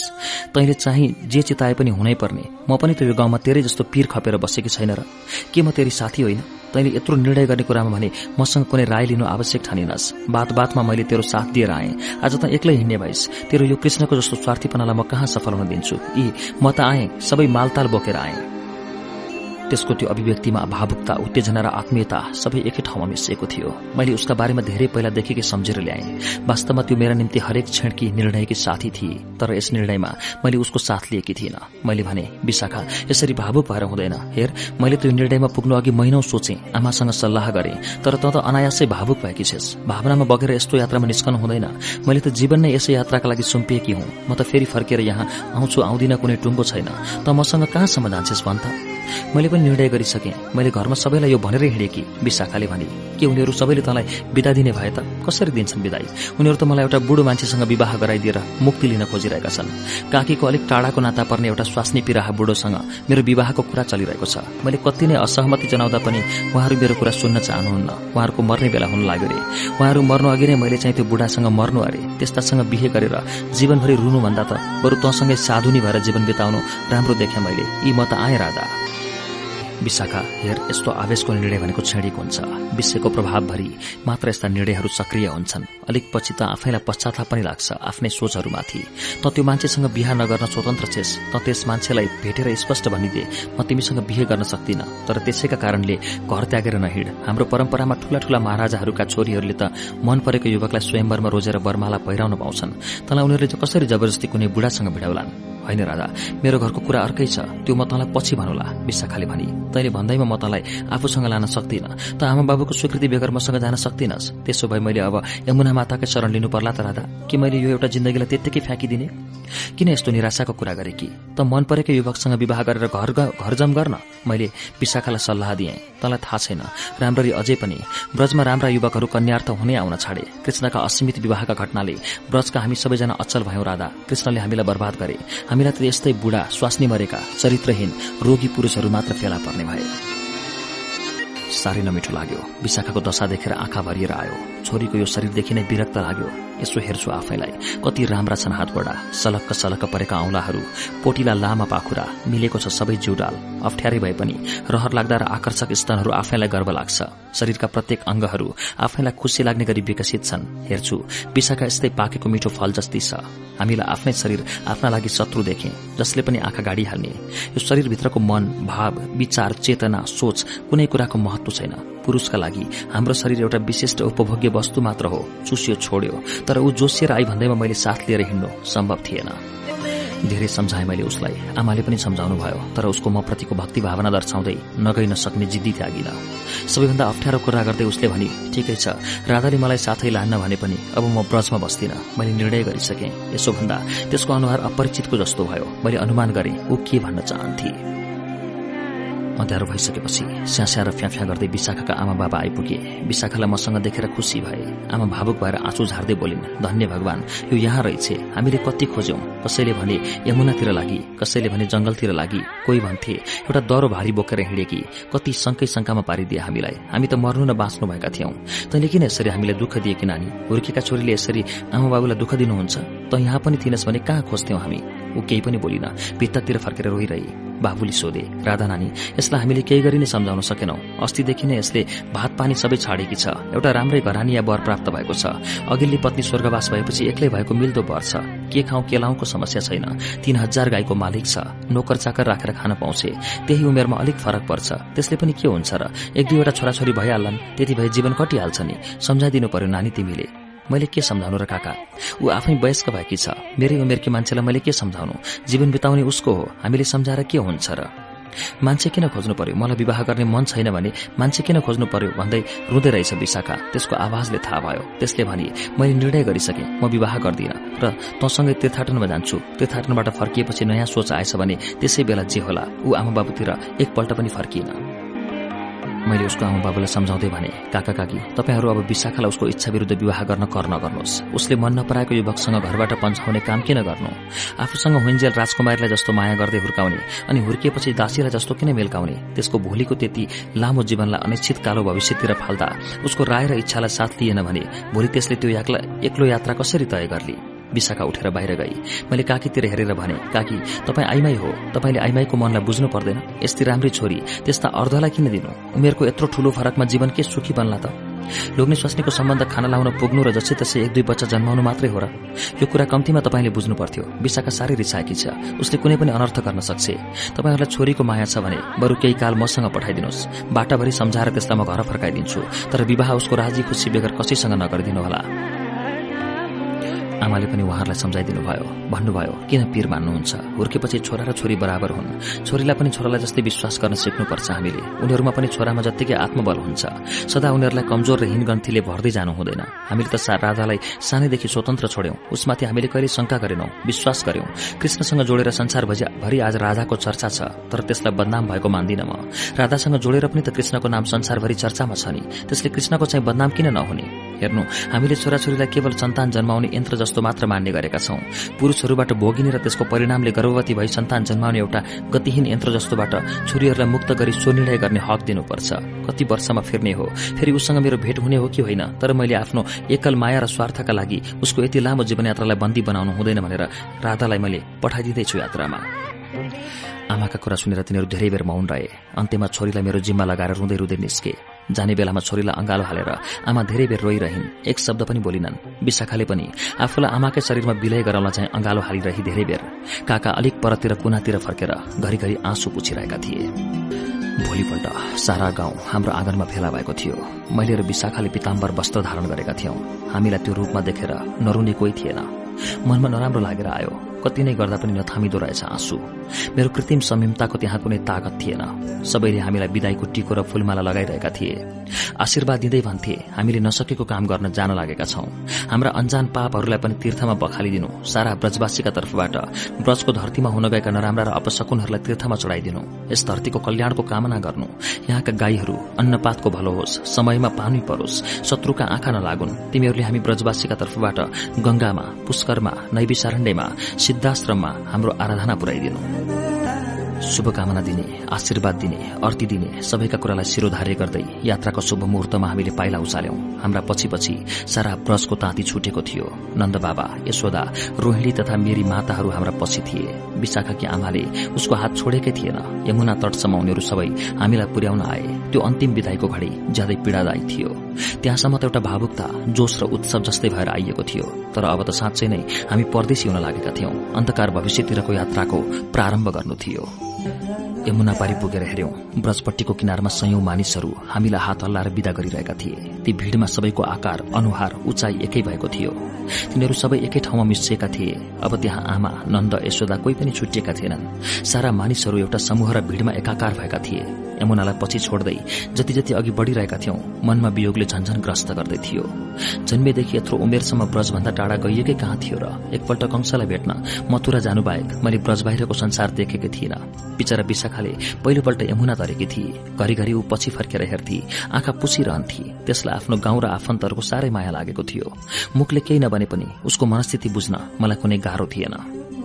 लामो यात्रामा निस्केका हामीले दरै भारी बोकेका थियौं। आइमाईको मात्रै झन्झटिलो लुगाउने लुगा भन्यो के भन्यो? यो पनि त्यो पनि गर्दा गर्दै निकै गरौं भइहालेको थियो। निकै टाढा पुगुन्जेलसम्म हामी दुवै मौन थियौं। दुवै आफ्नै मनभित्र द्वन्द्वरत थियौं सायद। पछि फर्केर हेरे पसिनै पसिना भएकी थिए अनुहार रातो भएको थियो गर्मीले। जंगलको बाटो हुन त मानिसहरू गाडाहरू गोठालाहरू र वस्तुभाव प्रशस्त थिए। तर झाडीहरू पनि डर लाग्दा नै बाघ भालुको पनि उत्तिकै डर थियो। लगातार हिँडिरह्यौं। घण्टौंसम्म मौन थियौं हामी। मैले नै सहज हुने प्रयत्न गर्दै बोले विशाखा तँलाई बित्थामा हिँडिएछ जस्तो लागेको भए फर्की। यो यात्रा तँलाई कठिन हुन सक्छ। मैले त मनैदेखि प्रतिज्ञा गरी थालेको यात्रा हो। तैँले जोसमा शुरू गरेकी होस्। उसले एकछिनसम्म मलाई हेरिरहेर भने के ममा तमा जतिको धैर्य र प्रतिबद्धता छैन जस्तो लाग्छ राधा? म पनि त जत्तिकै आँटले आएकी छु। साँच्चै भनेको मलाई मलाई पनि यो सांसारिकतासँग मोह भङ्ग भएको छ। कुनै लोग्ने मान्छेप्रति एकोहोरिनु त्यसकै स्वास्नी हुनु त्यसले गरेको जे पनि खेप्नु त्यसकै दासी झै सदा सेवारत रहनु त्यसैको नामसँग मात्र आफ्नो परिचय बन्नु आफ्नो इच्छाको कुनै अर्थ नहुनु छोराछोरी पाउनु हुर्काउनु बुढी हुनु र मर्नु मात्रको यो नारी जीवनमा मलाई पनि प्रवेश गर्न मन लागेन। हामी दुइटीले बिहे नगर्दा संसार खाली हुने पनि त होइन। साँच्चै भनेको राधा जब कृष्णले घिन लाग्ने गरी आइमेहरू भेला गरेको समाचार सुने मलाई पुरूषहरूप्रति असीमित नै घृणा पलाएर आयो। एउटा पुरूषले पनि कहीँ त्यस्तरी पत्नीहरू भेला गर्ने हो अनि संसारमा अरू पुरूषै नभए झै ती आइमेहरू चाहिँ किन मरेका त्यसरी? अस्वीकार गर्नु पर्दैन उसले हरण गर्दैमा अस्वीकार गर्नु पर्थ्यो तिनीहरूले कृष्णलाई। अनेकौं पत्नीयुक्त पुरूषलाई फेरि किन पति स्वीकार्नु? पति भनेको पनि त पत्नी व्रता हुनु पर्दैन र? कि त यौन स्वच्छन्दतावादको परम्परा चलेको हुनु पर्यो? त मलाई जसरी हेर्छेस हेर तर म कमजोर छैन त पुगेको ठाउँमा पुग्छु बाटामा अभर पर्दिन विश्वास कर विशाखाका कुरा साह्रै डरा थिए। वास्तवमा त्यसलाई कृष्णको विवाहको समाचारले गहिरो मानसिक आघात परेको रहेछ। त्यसलाई विवाह भन्ने शब्दै घृणात्मक लाग्न थालेछ। मैले भने तँलाई जाँचे कि मात्र मैले? होच्या कि नसम्झी विशाखा। वास्तवमा यत्रो अनकन्टार यात्रामा मलाई पनि त एउटा साथीको खाँचो थियो। मैले कसैलाई भन्न सकेकी थिएन त आफै आइस मनमनमा म कति खुसी छु होला तै आफै भन्। हामी त्यसपछि यस्तै अनेक दुःख चोखका कुरा गर्दै हिँडिरह्यौं अपरान्नतिर एउटा तलाउमा हातखुट्टा धोएर छेउमा बसेर चिउरा र कुराउनी ता खाजा खायौं। विशाखा अब अलिक उज्याली देखिएकी थिए त्यसले बिस्तारै घरलाई बिर्सिएर यात्रालाई स्वीकार्न थालेकी थिए पहिलो रात। हामी मथुराको एउटा गाउँमा बास बस्यौं। मलाई मेरो यात्राको प्रारम्भ मथुराबाटै गर्न मन लागेको थियो। मथुरासँग गहिरो आकर्षण थियो। मैले जीवनमा पहिलोपल्ट ब्रज बाहिर गरेको यात्रा नै मथुरा थियो। अर्थात मैले देखेको टाढा भन्नु नै मथुरा थियो। बाटोमा हामीले केही गाउँलेहरूलाई सोध्यौं। कृष्ण र कंसका सेनाका बीच युद्ध हुँदा मारिएका सुशीलाहरूको घटनास्थल कहाँ हो? निकै सोधखोज गर्दै जाँदा एउटा जंगलको छेउमा भेटियो त्यो घर तर अब त्यो घर निर्जन थियो। यसै पनि त्यत्रा मान्छे मारिएपछि त्यस घरलाई गाउँलेहरूले अपसगुन ठानेका रहेछन्। त्यसमा पनि घर धनीहरू समेत मारिएका हुँदा त्यसका हकवाला नभएको। एउटा बाँचेको बाह्र वर्षको बालक कृष्णकै संरक्षणमा द्वारिका पुगेको रहेछ। घाम पानीले मकाउँदै गइरहेको थियो त्यो घर। त्यसलाई त मुक्ति योद्धाको तीर्थस्थल बनाउनु पर्ने। सुशीलाहरूलाई सम्झाउन त त्यहीँ पो आइरहनु पर्ने बनाउनु पर्ने। तर खोलो तरे लौरो बिर्सिएको अवस्था देखे मैले। कृष्णले आफ्नो स्वार्थ पूरा भएपछि पछि फर्किन जानेकै छैनन्। अघि जान मात्र सिकेका तिनले आफ्नो विगतलाई कहिले फर्केर हेर्दैनन्। ब्रजलाई त नसम्झनेले यो सुशीला बदस्थललाई कसरी सम्झनु? हामी धेरै बेर रोयौं त्यहाँ सुशीलालाई सम्झेर एक एक अन्जुली फूल चढायौं। त्यस घरको झारै झार उम्रिएको आँगनमा यही कतै छ। सुशीला जे लागिरह्यो मनमा हाम्रो पहिलो तीर्थस्थल थियो त्यो जहाँ कि देवी थिइन्। हाम्री प्रिय सखी सुशीला। मेरो जीवनमा त उसको कति गहिरो भूमिका छ कति तर युद्धमा जिती उसले कृष्णलाई कहिले उचाल्न नसक्ने भारी बोकाई उसले। हामी त्यही घरमा बस्यौं केही दिन जति त्यसको वरिपरि सफा सुकर बनायौं आँगनको सारा झार जंगल फाल्यौं तुलसीको मठमा कतैबाट ल्याएर बिरुवा रोप्यौं मकाउन लागेका काठहरू हटाएर त्यहाँ नयाँ नयाँ काठहरू जडिदियौं। हामीले यसो गरेको देखेपछि गाउँका मान्छेहरू हाम्रो परिचय माग्न आए। हामीले उनीहरूलाई नयाँ परिचय दिँदै भन्यौं हामी तीर्थयात्रीहरू हौ। यस ठाउँमा एउटी देवीको बास रहेछ। कसैले याद नगरेको। त्यसैले यस ठाउँको उद्धार गर्न लागेका छौं हामी। तपाईँहरूले पनि सहयोग गरे कति राम्रो हुन्थ्यो। हाम्रा कुराले तिनीहरू खुसी भए। त्यहाँ उपस्थित मध्ये एउटी श्रावणी नामकी महिलाले उठेर हाम्रो कुराको मुक्त कण्ठले स्वागत गर्दै भनिन् ठिक भन्नुभयो हामी यस ठाउँलाई नारी मुक्तिको प्रतीकका रूपमा स्थापना गर्छौं। नारीमाथिको सबै प्रकारका अन्यायहरूको छल केन्द्रको छलफलको केन्द्र बनाउँछौ। हे देवीहरू तपाईँहरू जो र जहाँबाट आएको भए पनि हाम्रो आदरणीय हुनुहुन्छ। तपाईँहरूको जय होस्। त्यसपछि गाउँका नारीहरूले हामीलाई घेर्न थाले अनेक प्रश्नहरू गर्न थाले। हामीले पनि जाने बुझेका उत्तरहरू दियौं। हामीलाई आफ्नो परिचय ढाँट्नु थिएन। हाम्रो परिचय पाएर तिनीहरू साह्रै खुसी भएर सबै कृष्णका बालिलाहरूको जिज्ञासा राख्थे रासलीलाका प्रश्नहरू गर्थे। हामी बताउँदै जान्थ्यौं। महिनौसम्म त्यहीँ बस्यौं हामी। टाढा टाढासम्म पनि हाम्रो त्यहाँको उपस्थितिको हल्ला चलेछ। टाढा टाढादेखि मानिसहरूको घुइँचो लाग्न थाल्यो। खास गरी हामी दिनमा एकपल्ट प्रवचन दिन्थ्यौं। हाम्रो प्रवचनले तिनीहरू मग्न हुन्थे। पुरूषहरूभन्दा नारीहरूको भीड़ ज्यादा थियो। नारीहरूका समस्या र अवचेतनाका चर्चाहरूले तिनीहरूलाई छुँदो रहेछ। झण्डै चार महिना जस्तो हामी त्यहाँ बस्यौं। बस्दा बस्दै हामीलाई त्यो ठाउँ रमाइलो लाग्न थालेको थियो। मान सम्मान गर्ने मानिसहरू पाएर होला। झण्डै त्यहीँ पो रमाउन लागिसकेका। एक रात के भएर हो? म राम्ररी निधाउनै सकिन। आमाको साह्रै सम्झना आयो। ब्रजका एक एक कुराहरू सम्झना आए। यो कमलो मन फर्कौं कि जस्तो पनि हुन थाल्यो। ब्रजबाट खासै टाढा थिएनौं पनि हामी। हामी यहाँ छौं भन्ने कुरा ब्रजसम्म पनि हल्ला पुगिसकेको थियो। तर मैले सोचे अब हामीले यहाँ धेरै बस्नु हुँदैन। कुनै पनि कुराले बाँधिनु हुँदैन मैले। म त सांसारिक भोगमय जीवनबाट योगमय जीवनतिर लक्षित छु। मलाई वस्तुले स्थान लिएर आवश्यकताले बाँध्नु हुँदैन। यो टुङ्गोमा पुगेपछि ढुक्क भएछ क्यार निधाएछु बिहान सदाकै समयमा ब्रह्म मुहुर्तमै उठे। विशाखा पनि उठेर प्रात कार्यमा जुटी। घाम झुर्काउनु अघि नै मैले आफ्नो भारी बाँधिसकेकी थिएँ। मैले विशाखालाई भने विशाखा आफ्ना सामानहरू पोको पार अब हिँडौं। एकाएक मेरो यस्तो कुरा सुनेर त्यो ट्वाल्ल परी। मैले भने हामी त तीर्थाटनमा हिँडेका यात्रु हौ। एकै ठाउँमा घर बनाएर बस्ने गृहस्थ कहाँ हौ र? हामीले आफ्नो लक्ष्य बिर्सन लागेछौं विशाखा। यहाँ अझै बस्यौं भने यस गाउँको मायाले हामीलाई नराम्रो गरी बाँच्छ यसै गरी बस्ने भए त योभन्दा ब्रज नै हामीलाई प्रशस्त थियो नि। ऊ केही पनि बोलिन। हतार हतार आफ्नो सामान पोको पारेर पछि लागि। मेरी उज्यालोमै हामीले त्यो घरलाई छोड्यौं। बाटोमा विशाखाले भने हामीलाई नदेखेर तिनीहरू छक्क पर्छन् होला। हामीले तिनीहरूसँग विदा मागेर हिँडेको भए राम्रो हुन्थ्यो कि? विशाखा यो लोकाचारले नै मानिसलाई भुल्याउने हो। तिनीहरूसँग हामीसँग विदा माग्न थालेको भए कतिले जिद्दी गरेर हामीलाई सदाका लागि बस भन्थे कतिले उपहार दिन खोज्थे कति टाढासम्म पुर्याउन आउने थिए कति त हामीसँगै तीर्थाटनका लागि साथ लाग्ने थिए। यस्ता झमेलाहरूमा लागेर हामीले यो स्वतन्त्रता सब गुमाउनु पर्थ्यो। कहीँ पनि हामीले डेगिलो भएर बस्नु नहुने रहेछ। दुई चार दिनभन्दा बढी बस्नु हुँदैन विशाखा। लगातार चार दिनसम्म हिँडिरह्यौं। कहीँ गाउँ आउँथ्यो कहीँ जंगल कहीँ नदी बाटामा मानिसहरू भेट हुन्थे कसैसँग बोलिन्थ्यो कसैसँग मतलब गरिँदैनथ्यो। धेरै जसो चाहिँ व्यापारीसँग भेट भयो हाम्रो। व्यापारीहरूको लस्करमा लाग्दा हामीलाई यात्रा गर्न सजिलो पनि भयो। चौथो दिन साँझमा हामी मथुरा नगरीमा पुगेका थियौं। मथुरा नगरी पहिलाको जस्तो रंगीचंगी थिएन। राजधानी द्वारिका सरेपछि यो एउटा पुरानो अवशेषमा परिणत हुन लागेको थियो। ठूला ठूला दरबारहरूमा घर रोग्नेहरू मात्र बसेका थिए। राजपरिवारका सबै मान्छेहरू द्वारिका पुगेका थिए। तैपनि पुरानो नगरको सुरक्षाका लागि सेनाहरू राखिएकै रहेछन्। साँझमा हामीले एउटा नगर अतिथि गृहमा विश्राम गर्यौं त्यहाँ पहिलेदेखि बसिरहेका केही मानिसहरूसँग परिचय भयो। तिनीहरू उनको व्यापार गर्ने व्यापारीहरू रहेछन्। हिमालय खण्डतिरबाट आएका। हिम्मत खण्डका बारेमा तिनीहरूबाट धेरै कुरा ज्ञान भयो। मुक्तिनाथ मानसरोवर नागदह सालग्राम दन्तकाली बराहा क्षेत्र आदि तीर्थस्थलका बारेमा सुनेर मन प्रसन्न भयो। तीर्थाटनमा हिँडेका हामीलाई तिनीहरूले लाने भए सँगै लैजाने आश्वासन पनि दिए तर अहिले नै उत्तरतिर लाग्ने मेरो विचार थिएन। बिक्री भएर उभिएको एउटा उनीको वर्गको उपहार दिए उनीहरूले। जाडोमा साह्रै काम लाग्ने चिज रहेछ त्यो। भोलिपल्ट बिहानै उठेर हिँड्न लागेका तिनीहरूले भने हामी प्रत्येक वर्ष सामानहरू लिएर बेच्न आउँछौ। अर्को वर्ष भेट भयो र उँभोतिर जाने चाहना भयो भने हामी सहयोग गर्नेछौ। साह्रै सरिँदै लाग्यो हिमालय खण्डका मानिसहरू। राति मैले विशाखालाई भोलिको कार्यक्रम बताएकी थिएँ। बिहान उठेर हामी नगरको भ्रमण गर्नेछौ। मथुरामा हामी कृष्णको जन्म भएको ठाउँ कंशको वध भएको ठाउँ र देवकी वसुदेव बन्दी भएको ठाउँ हेर्नेछौ। यी तीनै ठाउँहरू मानव सभ्यताको इतिहासका महत्वपूर्ण तीर्थ हुनेछन् भविष्यमा। पछि कुनै कालका मानिसहरूले यी स्थानहरूको श्रद्धाले पूजा गर्नेछ। हामीले खोजेका ती ठाउँहरूको दर्शन गर्न हामीलाई खासै गाह्रो परेन। पर्यटकहरूका लागि खुला गरिएका रहेछन् ती सबै ठाउँहरू। कृष्ण जन्मेको कोठामा पुग्दा म ज्यादै भावुक भएँ। किनकिन मलाई त्यस्ता कृष्ण यहाँ जन्मेका थिए। यो राजदरबारमा भन्ने कुराले भावुक बनाएको थियो। त्यस्तै वसुदेव र देवकीले लामो बन्दी जीवन बिताएको जेल र नेल हतकडीहरू देखे। अन्त्यमा कंसको वधस्थल देखेपछि मन ढुक्क भयो। अब त्यो अत्याचारी थिएन र मानिसहरूले मुक्तिको अनुभव गरेका देखिन्थे। केही दिन हामी मथुरामा पनि बस्यौं। नगरमा दुई नयाँ योगीको भेषमा युवतीहरूलाई देखेर धेरैलाई चासो परेको थियो।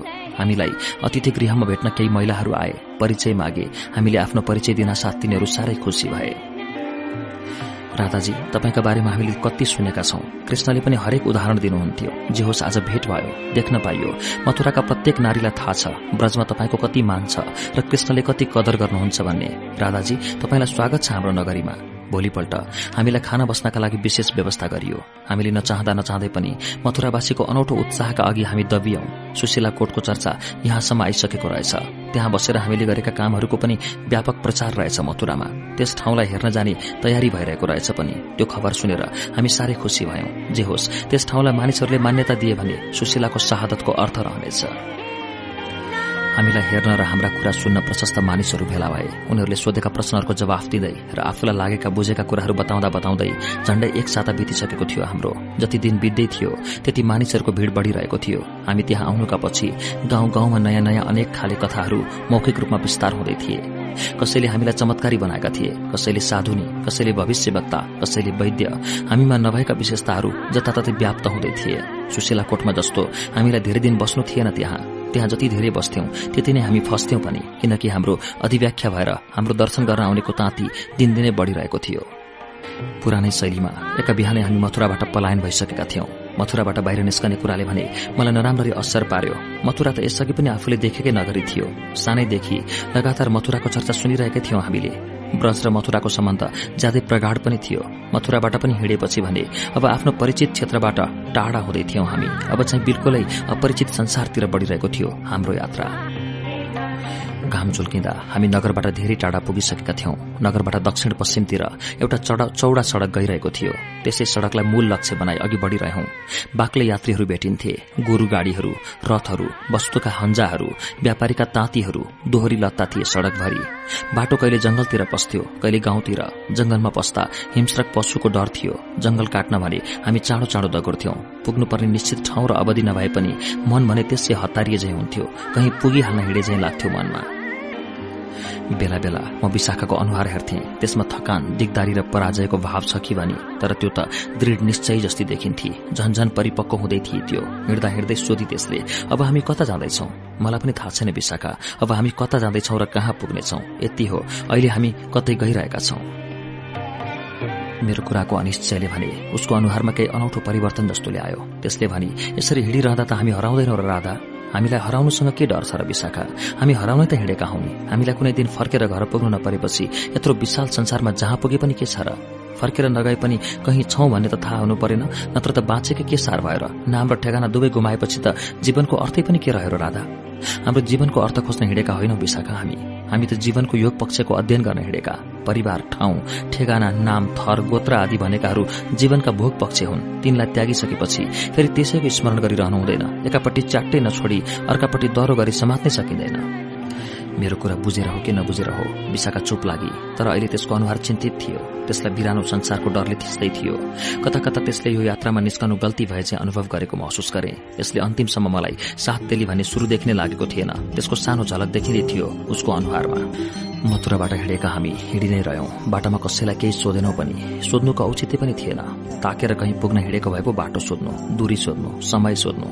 धेरैजसो यात्रा जंगल जंगलको किनार र नदी तट पर्थ्यो पातला बस्तीहरू भेटिन्थे बाटामा। कुनै अनुभव नभएका हामीले कति दिन त एकान्त जंगल किनारका रूखका फेदहरूमा पनि बितायौं। आफूसँग बोकेको खर्च र खाने सामानहरू समाप्त भइसकेको थियो। अब हामी पूर्ण रूपमा सन्यासी बनिसकेका थियौं। अब हाम्रो आहारको व्यवस्था भिक्षाटनबाट मात्र सम्भव थियो। यात्राक्रममा भेटिने पातला बस्तीहरूमा भिक्षाटन गर्दै जो मिल्छ सो खाँदै अघि बढ़दै गइरहेका थियौं। यस यात्राले मलाई भने अनौठो आनन्द दिइरहेको थियो। आफूलाई वस्तुगत रूपमा चिन्नका लागि यस्तो यात्रा ज्यादै उपयोगी लाग्यो। ठाउँ ठेगाना नाम परिचय सबैबाट टाढा पुगिसकेपछि आफ्नो अस्तित्वको यथार्थता थाहा हुँदो रहेनछ। अब बाटामा भेटिने यात्रीहरू वा बस्तीमा हाम्रो परिचयको कुनै अर्थ थिएन। उनीहरूले हामीलाई दुईवटी साधुनी देख्थे।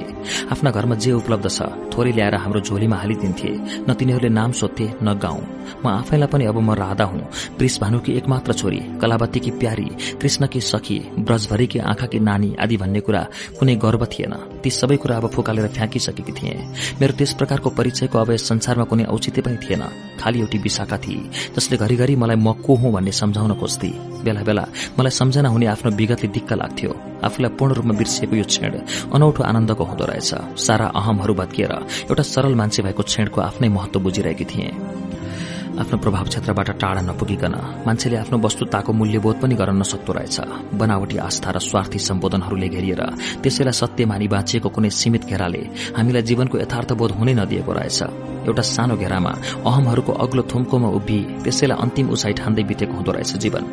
अरूले आफूलाई दिएको नाम परिचय ठेगाना र पढ़ाएका उद्देश्य लक्ष्य कर्तव्य जिम्मेदारीहरू सबैको कसिलो बन्धनले हामीलाई आफ्नो पहिचान आफैबाट खोसेर लगेको हुँदो रहेछ। आफू त कुनै पूर्ण व्यवस्थित परिवेशको एक सम्पन्न व्यक्तित्वका रूपमा चिनिएको भइदो रहेछ।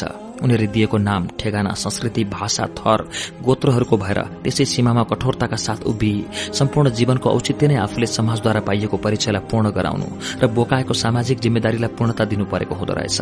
आफूले आफैलाई म को थिएँ होला भन्ने प्रश्न नै गर्न नपाई मर्दो रहेछ मान्छे। जीवनलाई साँच्चै नजिकबाट बुझ्नका लागि आफ्ना सारा अहमहरूबाट बसेरजित भएर भ्रमणमा निस्कनु पर्ने रहेछ। बिल्कुलै अपरिचित संसारमा आफ्ना सारा परिचयहरू गुमाएर यो अहम भन्ने पनि समाजले प्रदान गरेको सुरक्षा कवच रहेछ जसलाई देखाएर त्यही समाजलाई तर्साउन सकिन्छ। तर जति टाढा र अपरिचित संसारतिर प्रवेश गर्दै गइन्छ यो अहम भन्ने बिस्तारै खस्दै जाँदो रहेछ र त्यो स्वयं असुरक्षित र असहाय बनी विसर्जित हुँदो रहेछ। आफ्नो प्रभाव क्षेत्रबाट पर पुगेपछि त्यसको पनि कुनै अर्थ रहेनछ। अर्थ नै यथार्थमा आत्मपरक रहेछ।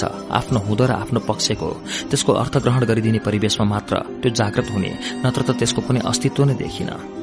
कस्तो अनौठो रमाइलो लाग्यो मलाई। जब मैले आफूलाई बुझेँ मैले त आफूलाई अरू के पनि बुझेँ भने म त ब्रजले उसको अनुसार तयार गरिएको एक उपकरण पो रहेछु। मैले हेर्ने दृष्टि बोल्ने भाषा हिँड्ने शैली खाने परिकार मन पर्दो नपर्दो वातावरण यी सबै कुरा मेरा आफ्ना होइन रहेछन्। ब्रजवादी रहेछन्।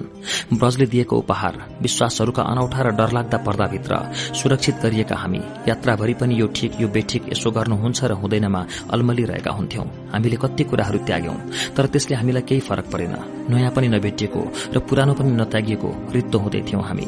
यस कुराको असर भने विशाखामा अझै पनि थियो। कतिपय कुरामा ऊ प्रश्न गर्थे जब म उसलाई उत्तर दिन्थे विचारा नाजवाफ बन्थे वास्तवमै निष्प्रियता बढ़िरहेको थियो ममा लाग्न थालेको थियो। मानव जीवन पनि अरू जीव जन्तुकै जस्तो स्वाभाविक रूपमा उत्पन्न भएको प्राकृतिक स्वरूप हो। यसले विशिष्ट रूपमा केही अतिरिक्त पाएको होइन।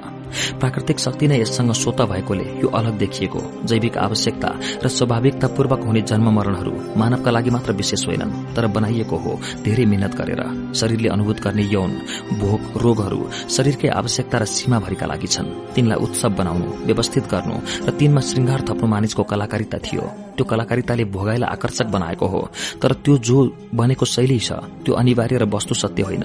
यो त मानिसले तयार गरेको एक सामाजिक श्रृंगार मात्र रहेछ। जीवन के हो यो के का लागि भन्दै यसको महत्व बनाएर सीमित घेराभित्र बाँच्ने आफ्ना शैलीहरू समाजले निर्माण गर्दो रहेछ। क्षेत्रीय र स्थानीय भिन्नताले ती जातीय संकीर्णताको रूपमा रूढ बनिसक्दा रहेछन्। यात्राले मलाई सबै पूर्वाग्रहबाट मुक्त दिइरहेको थियो। मलाई आफूलाई चिन्न सहयोग गरिरहेको थियो। जंगलहरू गाउँहरू निर्जन फाँटहरू नदी तटहरू पार गर्दै हिँडिरह्यौं हिँडिरह्यौं। यात्राले थाकेको बेला कुनै गाउँमा दुई चार दिन बस्थ्यौं पनि। गाउँलेहरूले हामीलाई आदर सत्कार गर्थे। प्राय सबैले नै हामीलाई महिलालाई विशेष सुविधा दिन खोज्थे। महिलाहरू नै हामीसँग अनेक अन्तर्वार्ताहरू लिन खोज्थे। हाम्रा कुरा सुनेर कतिजना त हामीसँगै पछि लाग्न पनि खोज्थे तर उनीहरूलाई हामी साथै लान तयार भएनौ कहिल्यै। हामी आफू आफ्नो निर्णयले हिँडेका। फेरि हामी यात्रामा पुण्य कमाउने पाप पखाल्ने चलिआएका विश्वासहरूमा थप विश्वासहरूको भारी मात्र हाल्न हिँडेका थिएनौं। हामी त हामीभित्र पत्र पत्र भएर वर्षौंदेखि संचित अनेक पूर्व स्थापनाहरूलाई भत्काइरहेका थियौं। हामीले चिनेको संस्कृति बुझेको भाषा देखेको भूगोल मानेको देवता सब कुरा कथा रहेछन् भन्दै थियौं। यस्तो यात्रामा अरू रूढ मस्तिष्कहरूलाई कसरी साथ लगाउन सकिन्थ्यो र? विशाखाले पनि बिस्तारै यो यात्रालाई स्वीकार गर्दै थिए। त्यसैले पनि जीवनलाई उसकै ढंगले केही बुझ्न लागे झै गर्दै थिए। उसको बोधलाई मैले चलाइन किनकि उसले बुझ्नु भनेको उसैले बुझ्नु मात्र थियो। मैले बुझेकै उसले बुझेको कहाँ हुनु? त्यसैले हामी दुई पनि अब नितान्त एक्ला एक्लै हुँदै थियौं। यो नितान्त एक्लोपनाले दिने आनन्द अनौठो रहेछ। कसैको कुनै भारीले उपकारको दायित्वले नथिचिएको क्षण साह्रै नै रमाइलो र शान्त हुँदो रहेछ। शारीरिक आवश्यकताहरू हाम्रा सम्वादका विषय हुन्थे आराम गर्ने खाने शौच आदिले हामीलाई जोड्थ्यो। अन्यथा एक्ला एक्लै थियौं तर सँगै हिँडिरहेका थियौं। महिनौ हिँडिसकेका थियौं हामी। ब्रजबाट कति टाढा छौं भन्ने पनि थाहा थिएन हामीलाई। अवधिको पनि ज्ञान हराएको थियो। शुक्ल पक्ष आमा बस्य बाहेक महिना गते र बारहरू पनि हामीले बिर्सिसकेका थियौं। नयाँ नयाँ ठाउँमा स्थानीय भाषाहरूका कारण हाम्रो अरू मानिसहरूसँग सम्वाद पनि हुन सक्दैनथ्यो। अनौठो अनौठो जनजातिसँग भेट हुँदै गयो हाम्रो। तिनीहरूका बस्ने घरहरू पोसाक पेसा आदिको अध्ययन गर्दै अघि बढ़िरह्यौं। दुःख र समस्याबाट कोही मुक्त थिएन। उनीहरू बीचको सबैभन्दा ठूलो समस्या भनेकै एउटा जनजातिले अर्कोमाथि आक्रमण गरी लुटपाट गर्ने र आफ्नो कब्जामा पार्ने रहेछ। आपसी झगडामा मरिरहनु पर्ने हुनाले युवकहरूको संख्या कम र युवती तथा महिलाहरूको संख्या बढ़ी देखिन्थ्यो। राम्रा युवती तथा विधवाहरूलाई अर्को जातीय पुरूषहरूले अपहरण गरेर लैजाने डरलाग्दो परम्परा रहेछ। हामीलाई त्यसरी स्वतन्त्र हिँडिरहेको देख्ने कति नारीहरू इशाराले हामीलाई खतराको संकेत गर्थे। कैयौं दिनपछि यस्तै एउटा गाउँमा पुग्दा हामी धेरै नै थकित भएका थियौं। झण्डै दुई दिनदेखि केही खान पनि पाएका थिएनौं। विशाखालाई अघिल्लो दिनदेखि ज्वरो आउन थालेको थियो। तीन दिन अघि जंगलको बीचमा हिँडिरहँदा हामीलाई नराम्रो गरी असिना पानीले चुटेको थियो। चिसो हावासँगै आएको त्यस वर्षाले हामीलाई धेरै बेरसम्म भिजायो। ओत लाग्ने कुनै राम्रो ठाउँ नभएपछि भिजेरै हिँडिरह्यौं। पानी रहेपछि शरीरका कपड़ाहरू खोलेर निचर्यौं। केही बेर हावामा सुकायौं। पोकामा बोकेका सबै लुगाहरू पनि भिजेका थिए। तिनलाई पनि धुम्मिएको हावामा केही बेर सुकायौं तर सुक्ने सम्भावना थिएन। कैयौं दिनपछि त्यस्तै एउटा गाउँमा पुग्दा हामी धेरै नै थकित भएका थियौं। झण्डै दुई दिनदेखि केही खान पाएका पनि थिएनौं। विशाखालाई अघिल्लो दिनदेखि ज्वरो आउन थालेको थियो।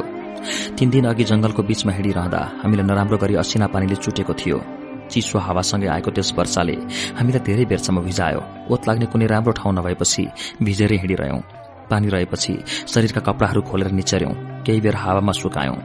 पोकामा बोकेका सबै लुगाहरू पनि भिजेका थिए। तिनलाई पनि धुम्मिएको हावामा केही बेर सुकायौं तर सुक्ने सम्भावना नै थिएन। भिजेका लुगाहरू खोल्दै गर्दा मलाई अर्को अनौठो अनुभव भयो। हामी खुरुखुरु शरीरका लुगाहरू खोलिरहेका थियौं र शरीर लुगाबाट मुक्त हुँदै थियो। एकअर्काको निर्वस्त्र शरीर देखिरहेका थियौं तर त्यहाँ लाज शर्म भन्ने कतै थिएन। नाक गाला हत्केला जस्तै सहज र स्वाभाविक रूपमा एकअर्काका गुप्ताङ्गहरू पनि देखिरहेका थियौं। सोचे एक क्षण पहिला पहिला किन लाज लाग्थ्यो यस्तरी विशाखा पनि कति सजिलै नाङ्गिँदै थिए। त्यसका छातीमा पोटिला नवयौवना स्तनहरू झुण्डिरहेका थिए। त्यसको नितम्ब कम्बर पासुला तिग्रा र योनि सबै सुहाउँदिलो र स्वाभाविक थियो। त्यसलाई देखेर म भित्र कुनै प्रतिक्रिया थिएन। उसले पनि देखिरहेकी थिए त्यसै गरी मेरो शरीर पनि। सोचे लज्जा भन्नु पनि एउटा आर्जित विषय रहेछ। बालकैदेखि गुप्ताङ्गहरू देखाएर कुरी गरेर जिस्काएर त्योसँग तर्साएर उत्पन्न गरिएको मनोभाव रहेछ लज्जा भन्ने कुरा। वास्तवमा शरीरको यो प्राकृतिक रूपसँग लजाउनुको अर्थ के छ र सबै प्राणीहरूमा यी सबै अंगहरू पूर्ण हुन्छन्? सन्तान जन्माउन आवश्यक यौनपूरक अंगहरू प्रत्येक प्राणीहरूसँग छ। त्यो लज्जाको घृणाको वा रहस्यको विषय किन हुनु? र अघि सोचे यो श्लीलता र अश्लीलता वा लाज भन्ने कुरा पनि समाजले विकसित गरेको मनोभाव भएकाले त्यसको अर्थको सम्प्रेषण पनि समाजमै मात्र हुने रहेछ। समाजबाट पृथक र एकान्तमा त्यसको कुनै अर्थ छैन। त्यो त्यहाँ छ बस त्यति हो। यौनपूरक अंगहरू भनेका पनि विपरीत लिङ्गको उपस्थितिमा जागृत हुने हुन्। समलिङ्गीहरूका बीच त्यसको केही अर्थ रहेनछ पनि। त्यसै भएर होला विशाखा कति सहजै आफ्नो शरीरलाई नाङ्गै हावामा सुकाइरहेकी थिए भावनात्मक रूपमै भए पनि त्यो नाङ्गोसँग कुनै पुरूषको चर्चा उठ्नासाथ लाज लागिहाल्दो रहेछ। कताबाट मैले झट्ट कृष्णलाई सम्झेछु। आफ्नै शरीर श्रृङ्ग भयो। मैले विशाखालाई राम्ररी हेर्नै सकिनँ। भिजेका कपडाहरू लगाएर हिँडिरह्यौं र ती सबै कपडाहरू शरीरमै सुके। त्यसैले चिसो गाडिएर होला। हामी दुवैलाई रुघाले समात्यो तर विशाखालाई त ज्वरो नै आयो। ज्वरोले हिँड्न नसक्ने भएपछि एउटा घरमा हामीले बास माग्यौं। बस्ती पातलो थियो। मानिसहरू पनि त्यति देखिँदैनथे। त्यस घरमा एकजना वृद्ध र एउटी विधवा बुहारी रहेछन् तर तिनीहरूसँग हाम्रो भाषा मिलेन। कता कता अलिअलि शब्दहरू मिले जस्तो लाग्थ्यो। धेरै कुरा इसारामै भए। विशाखाको ज्वरोलाई छामेर आमै निकै बेरपछि केही झारपातहरू लिएर आइन्। रूखको बोक्रा पनि थियो। भित्र पसेर निकै बेरसम्म ढुङ्गाले पिँधे जस्तो लाग्यो। एउटा माटाको बटुकामा तातो झोल आमैले दिइन्। बिस्तारै विशाखाले त्यो पिए उनले मलाई पनि दिइन् र आफूले पनि खाइन्। मिठो थिएन त्यो। मेरो अनुहार बिग्रेको देखेर हाँस्दै तिनले इसारासँग बोलिन् खानु खानु सञ्च हुन्छ यस्तै बुझे। बुहारीको अनुहार साह्रै गम्भीर थियो रूपौली बुहारी तर चुपचाप र एकान्त रोदनकी प्रिया जस्तै थिइन् तिनी। केही दिनसम्म हामी त्यहीँ बस्यौं। खानेकुराको ठूलो समस्या थियो तिनीहरूलाई। उनीहरूसँगै म पनि जंगलमा तरूल खोज्न जान्थे विशाखा घर रुँगेर बस्थे उनीहरूसँगको वस्त्र सम्पर्कले बिस्तारै उनीहरूको भाषा बुझ्न थाले म। अलिअलि बोल्न पनि थाले। मैले उनीहरूको भाषा बोल्न खोजेको देखेर उनीहरू खुसी पनि भए अचम्बित पनि। बिस्तारै हामी एकअर्काका कुरा भन्ने र सुन्ने गर्न थाल्यौं। विशाखालाई ज्वरोले धेरै दिनसम्म लडायो। त्यो साह्रै कमजोर भएकी थिए। उसलाई जाति बनाएर लिएर हिँड्न मलाई अझ निकै दिन लाग्ने देखे। जानु नै कहाँ थियो र अचम्म लाग्छ अहिले सम्झँदा। मनमा कुनै पीर थिएन हतार थिएन विद्युत थिएन कसैको सम्झना थिएन भोलिको कल्पना थिएन मात्र वर्तमान थियो र उपस्थिति। एक दिन विशाखा रोई। त्यसले नराम्रो गरी मलाई च्याप्प समातेर अंगालो हाली र सानी बच्ची जस्तै भएर रोई। म अलमल्ल परे। त्यस्तै दरी विशाखा किन रोई? मैले त्यसलाई धेरै बेर कपाल मुसारेर थपथपाइरहे तर त्यसले रुन छोडिन। मैले बिस्तारै उसको टाउको उठाएर आफ्नो अगाडि पारेर सोधे विशाखा मेरी बहिनी किन रोइस् त? आज के भयो तँलाई? ठूला ठूला आँखाले नचिने झै मलाई हेरेर झन साह्रो साह्रो रुन थाली। त्यसको त्यो रुवाईले मलाई बडा कठिन बनायो। उसले केही नभनेसम्म त्यो रुनाको कारण मैले बुझ्ने सम्भावना थिएन। मैले फकाएँ त्यसलाई। आश्वासन दिएँ म छु। जे परे पनि म गर्छु भनेर उसलाई आँट दिएँ। त्यो घरका सासू बुहारी पनि उसलाई रोएको देखेर मसँग सोधिरहेका थिए। निकै बेरपछि त्यसले मलाई ठूलो ठूलो हेरेर साह्रै नै असहाय र निराश जस्तै भएर भनी राधा मलाई साह्रै घरको सम्झना आउन थाल्यो। मलाई आमाको मुख हेर्न मन लाग्यो। म ब्रजमा पुग्न चाहन्छु राधा। त्यसले अनुनय विनयका साथ हात जोडेर भनी हेर साथी मैले भावुकतामा बहकेर तसँग यो यात्रा निस्कनु ठूलो भूल गरेछु। यो महाअन्धकारमा म बाँच्न सक्दिन। दुई चार दिन होइन सिंगो जिन्दगी। कसरी यस्तो अज्ञात भएर बिताउनु? तीर्थ हिँडेको भनेका हामी आजसम्म कुनै तीर्थ पुगेका छैनौं। रातो दिन हिँडिरहेछौं। हाम्रो यात्राको कुनै टुङ्गो छैन। कहीँ त पुगेर विश्राम लिनुपर्छ हामीले। हामीले घर छोडेर हिँडेको कति दिन भयो तँलाई थाहा छ? वास्तवमा मलाई थाहा थिएन। बिर्सेकी थिएँ मैले। समयको गणना नै हराइसकेको थियो। उसले भनी राधा जीवनको एउटा न एउटा अर्थ त होला नि। यस्तो निरुद्देश्य किरा फट्याङ्ग्रा जस्तो जीवन पनि बाँच्नु हामी मान्छेले। एउटा निश्चित अवधिसम्मका लागि त व्रत बस्न पनि सकिन्छ यात्रा गर्न पनि सकिन्छ परीक्षा दिन पनि सकिन्छ तर सारा जीवन अज्ञात अन्धकार र अपरिचित बनेर कसरी बिताउन सकिन्छ? मैले भने विशाखा जीवन भनेको एउटा वस्तु हो। यसलाई जसरी प्रयोग गरे पनि हुन्छ। आज हामीले यसलाई यसै गर्दैछौ। यसको प्रयोगको रूप परिवर्तन गर्न नसकिने होइन। त भन हामी के गरौं? उसले भने हेर साथी जति दुःख गर्यौं गर्यौं अब यो यात्रालाई यही स्थगन गरौं। फर्कौं हामी घर। सम्झे त हामीलाई के दुःख थियो र ब्रजमा? आमा बाबु थिए साथी संगी थिए धन सम्पत्ति थियो भाषा शैली थियो गीत गजल थियो सबै त थियो नि। पूर्णता भित्रबाट उत्पन्न भएको विद्रोहको यात्रा हिँडेथ्यौं हामी। जीवनलाई यति नजिकबाट देखि भोगिसकेपछि अब अघि के का लागि जाने? राधा म त यस्तो जीवनभन्दा दुखी भए पनि गृहस्थी नै रोज्छु। त हेर त यी दुई सासू बुहारी यो एकान्तमा दुःख गरेर भए पनि एउटा निश्चित जीवन भोग्दैछन्। यिनीहरूले एउटा सीमा तोकेर त्यसैको आकारमा बदलेका छन् यो जीवनशैलीलाई बाँच्न र बढ़नलाई एउटा सीमा त चाहिने रहेछ। म त भन्छु अब हामीले गृहस्थी रोज्नुपर्छ। सदाकालको यो असुरक्षित जीवन विसर्जन गरौं हामी। मैले विशाखाका कुरामा केही तर्क देखेँ। सोचे म पो एउटा विरहबाट मुक्तिको यात्रामा छु। म आफै भित्रको द्वन्दमा मग्न छु। मैले कृष्णले मलाई दिएको पीड़ाको दमनमा आफूलाई शास्ति दिइरहेको छु। उसलाई त के को दमन गर्नु छ र? आमा बाबुलाई एक क्षण घुर्काएको यात्रा मात्र थियो उसको।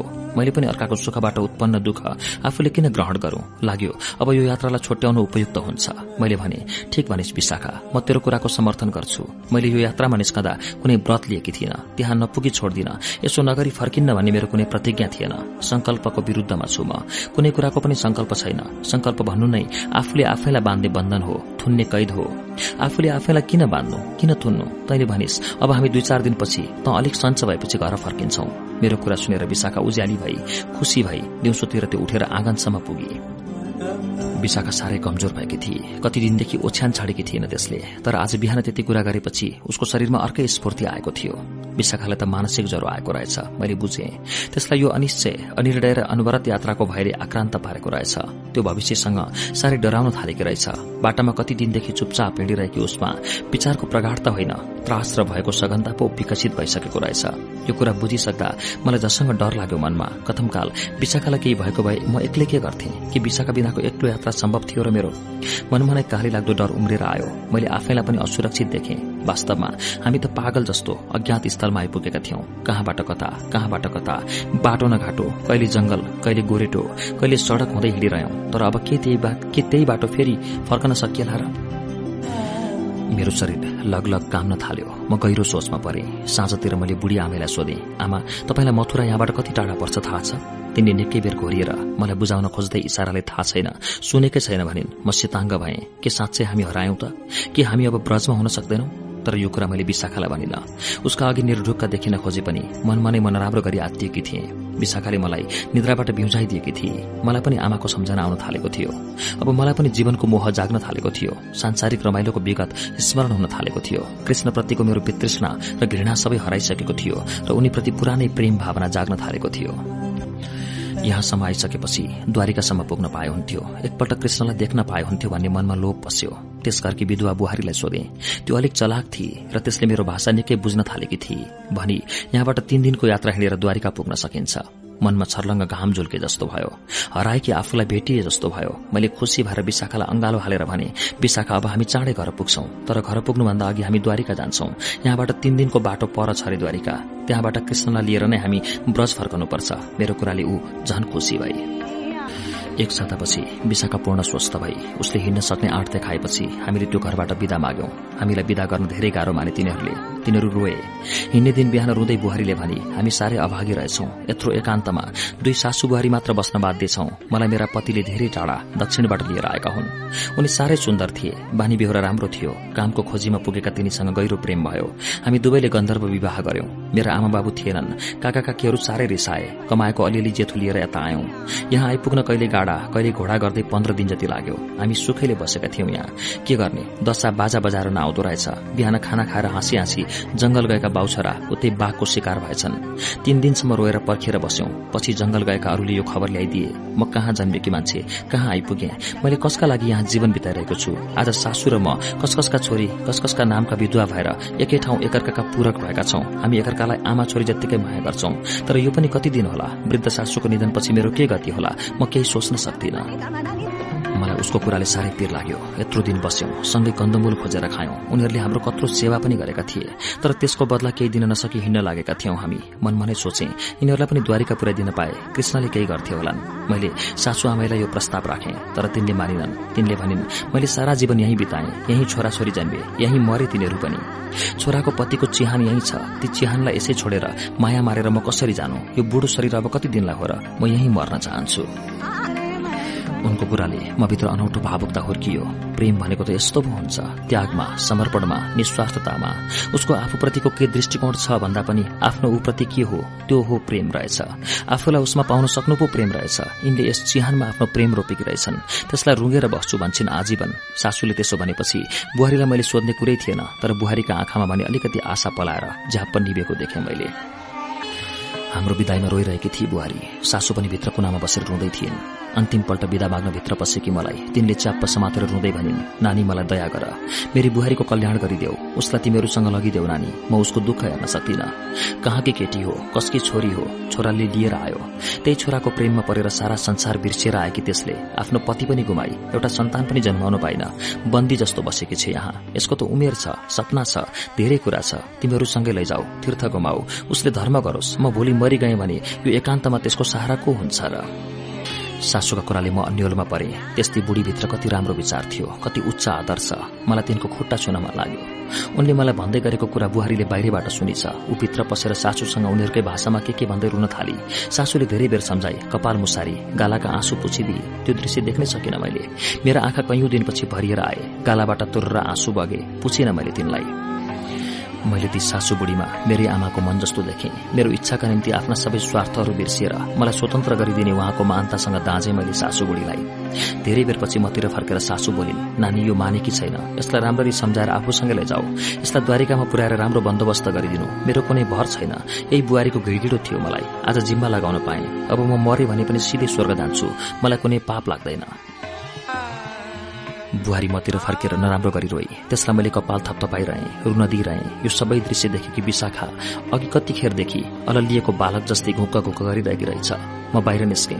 मेरो पछि पछि बुहारी त्यसपछि सासू हिँड्ने बेलामा आमैले हामी तिनैजनाको टाउकोमा एक एक ठुङ्गा फूल राखिदिएर आशीर्वाद दिँदै आँखा पुस्दै उनकै भाषामा के के फलाकिरहन् हामी तीनजनाले तिनको गोडामा ढोग्यौं पर पुगुन्जेलसम्म पनि तिनी आँगनमा उभिएर हात हल्लाइरहेकी थिइन्। अन्तिमपल्ट हामीले फर्केर हेर्दा उनी आँगनमा थिएनन्। हामी तीनैजनाका आँखा आँसुले टालिएका थिए बाटै देख्न नसक्ने गरी। हामीलाई देखेर गाउँका लोग्ने मान्छेहरू आश्चर्यचकित भएका थिए। हाम्रो परिचय विस्तारपूर्वक पिल्लीले दिए। पिल्ली चुप भएपछि उनीहरूले पनि केही बोले। उनीहरू कुरा गर्दा गर्दै आपसमा हाँसे पनि। भरि सुत्ने बेलामा पिल्लीले भनी यस घरमा सबैलाई अट्ने ठाउँ रहेनछ। एकै ठाउँमा आइमाई लोग्ने मान्छे सुत्नु अशिष्ट हुने भएकाले यस घरका बाबु छोरा छिमेकीकोमा सुत्न जाने भए हामी यस घरका आइमाईहरूसँग मिलेर सुत्नुपर्ने भयो। पिल्लीको कुरा सुनेर मनमा खुशी पनि दुःख पनि सँगसँगै लाग्यो। एउटा पाहुना आउँदा पाहुनाका लागि घरै छोड्नुपर्ने कति गरिबी र दुःखपूर्ण थियो जीवन र कति शिष्ट सभ्य र इमान्दार थिए ती पुरूषहरू जो नारीको सम्मान र कदर गर्न राम्ररी जान्दथे। बिहान अँध्यारैमा उठे तिनीहरू। हाम्रो पनि निद्रा खोल्यो। पिल्लीले भनी यो गाउँका धेरै आइमेहरू तीर्थ गर्नका लागि सिद्धाश्रमतिर जान लागेका रहेछन्। गाउँ ठूलो अनिकालमा परेकाले त्यो तीर्थमा गएर सबैजनाले वर माग्ने विचार रहेछ। पिल्लीको कुरा सुन्दा मलाई निकै खुसी लाग्यो उत्साह पनि। तर झट्ट विशाखालाई सम्झे बिचरा त्यो हिँड्न सक्दिन। फेरि सिद्धाश्रम कता हो? कति टाढा छ त्यो? मैले यो कुरा सोध्न लगाएँ पिल्लीलाई। भनी त्यसले सिद्धाश्रम यो देशको एउटा महातीर्थ रहेछ। मनका इच्छाहरू पूरा होस् भन्ने कामना गर्दै मानिसहरू हरेक वर्ष त्यहाँ भेला भएर स्नान तथा पूजा गर्दा रहेछन्। खास गरी नारीहरूको भीड़ लाग्छ रे त्यहाँ। देश विदेशदेखिका राजा रानीहरू र जनताको ठूलो भीड़ लाग्छ रे। अनि उसले तिनीहरूसँग दोहोऱ्याएर सोध्दै भनी त्यो तीर्थस्थलको धेरै नजिक रहेछौँ हामी। यिनीहरू भन्छन् अहिले गएर भरे बेलुकै फर्केर आउने अरे त्यो सुनेपछि खुसी लाग्यो। मैले विशाखासँग भने विशाखा त के भन्छस्? बाटैमा यत्रो ठूलो तीर्थ हुँदा हुँदा यसलाई नागेर हामी द्वारिका कसरी जानु? तेरो स्वास्थ्यले के भन्छ उसले भनी जतै भए पनि एका तीर्थ हिँड्नै परेको छ। बिस्तारै बिस्तारै तीर्थ हुँदै द्वारिका जाउँ। हेरौं त्यहाँको रमाइलो पनि। हामीलाई केही सिद्ध्याउन गराउनु छैन। तैपनि हेरौं न अरूका सिद्धि प्रक्रियाहरू। अनि हामी पनि तिनीहरूसँगै सिद्धाश्रम जाने भयौं। पिलीले यो कुरा तिनीहरूलाई सुनाउँदा खुसी भए उनीहरू पनि। सारा गाउँ जागिसकेको र नबिउजिने भाकामा गीत भजन केही गाइरहेका पुरूषहरू पनि उठिसकेका थिए। भुइँमा उज्यालो खचिसक्दा एउटा सानो सानो लर्को गाउँबाट बाटो लागिसकेको थियो। यस यात्रामा केही बलिया युवकहरू पनि साथै थिए। पिल्लीले भनी त्यो तीर्थमा राम्रा राम्रा अविवाहिता युवतीहरूको हरण पनि हुन्छ रे। त्यसैले आफ्ना छोरी बहिनीहरूको सुरक्षाका लागि तिनीहरू साथै हिँडेका।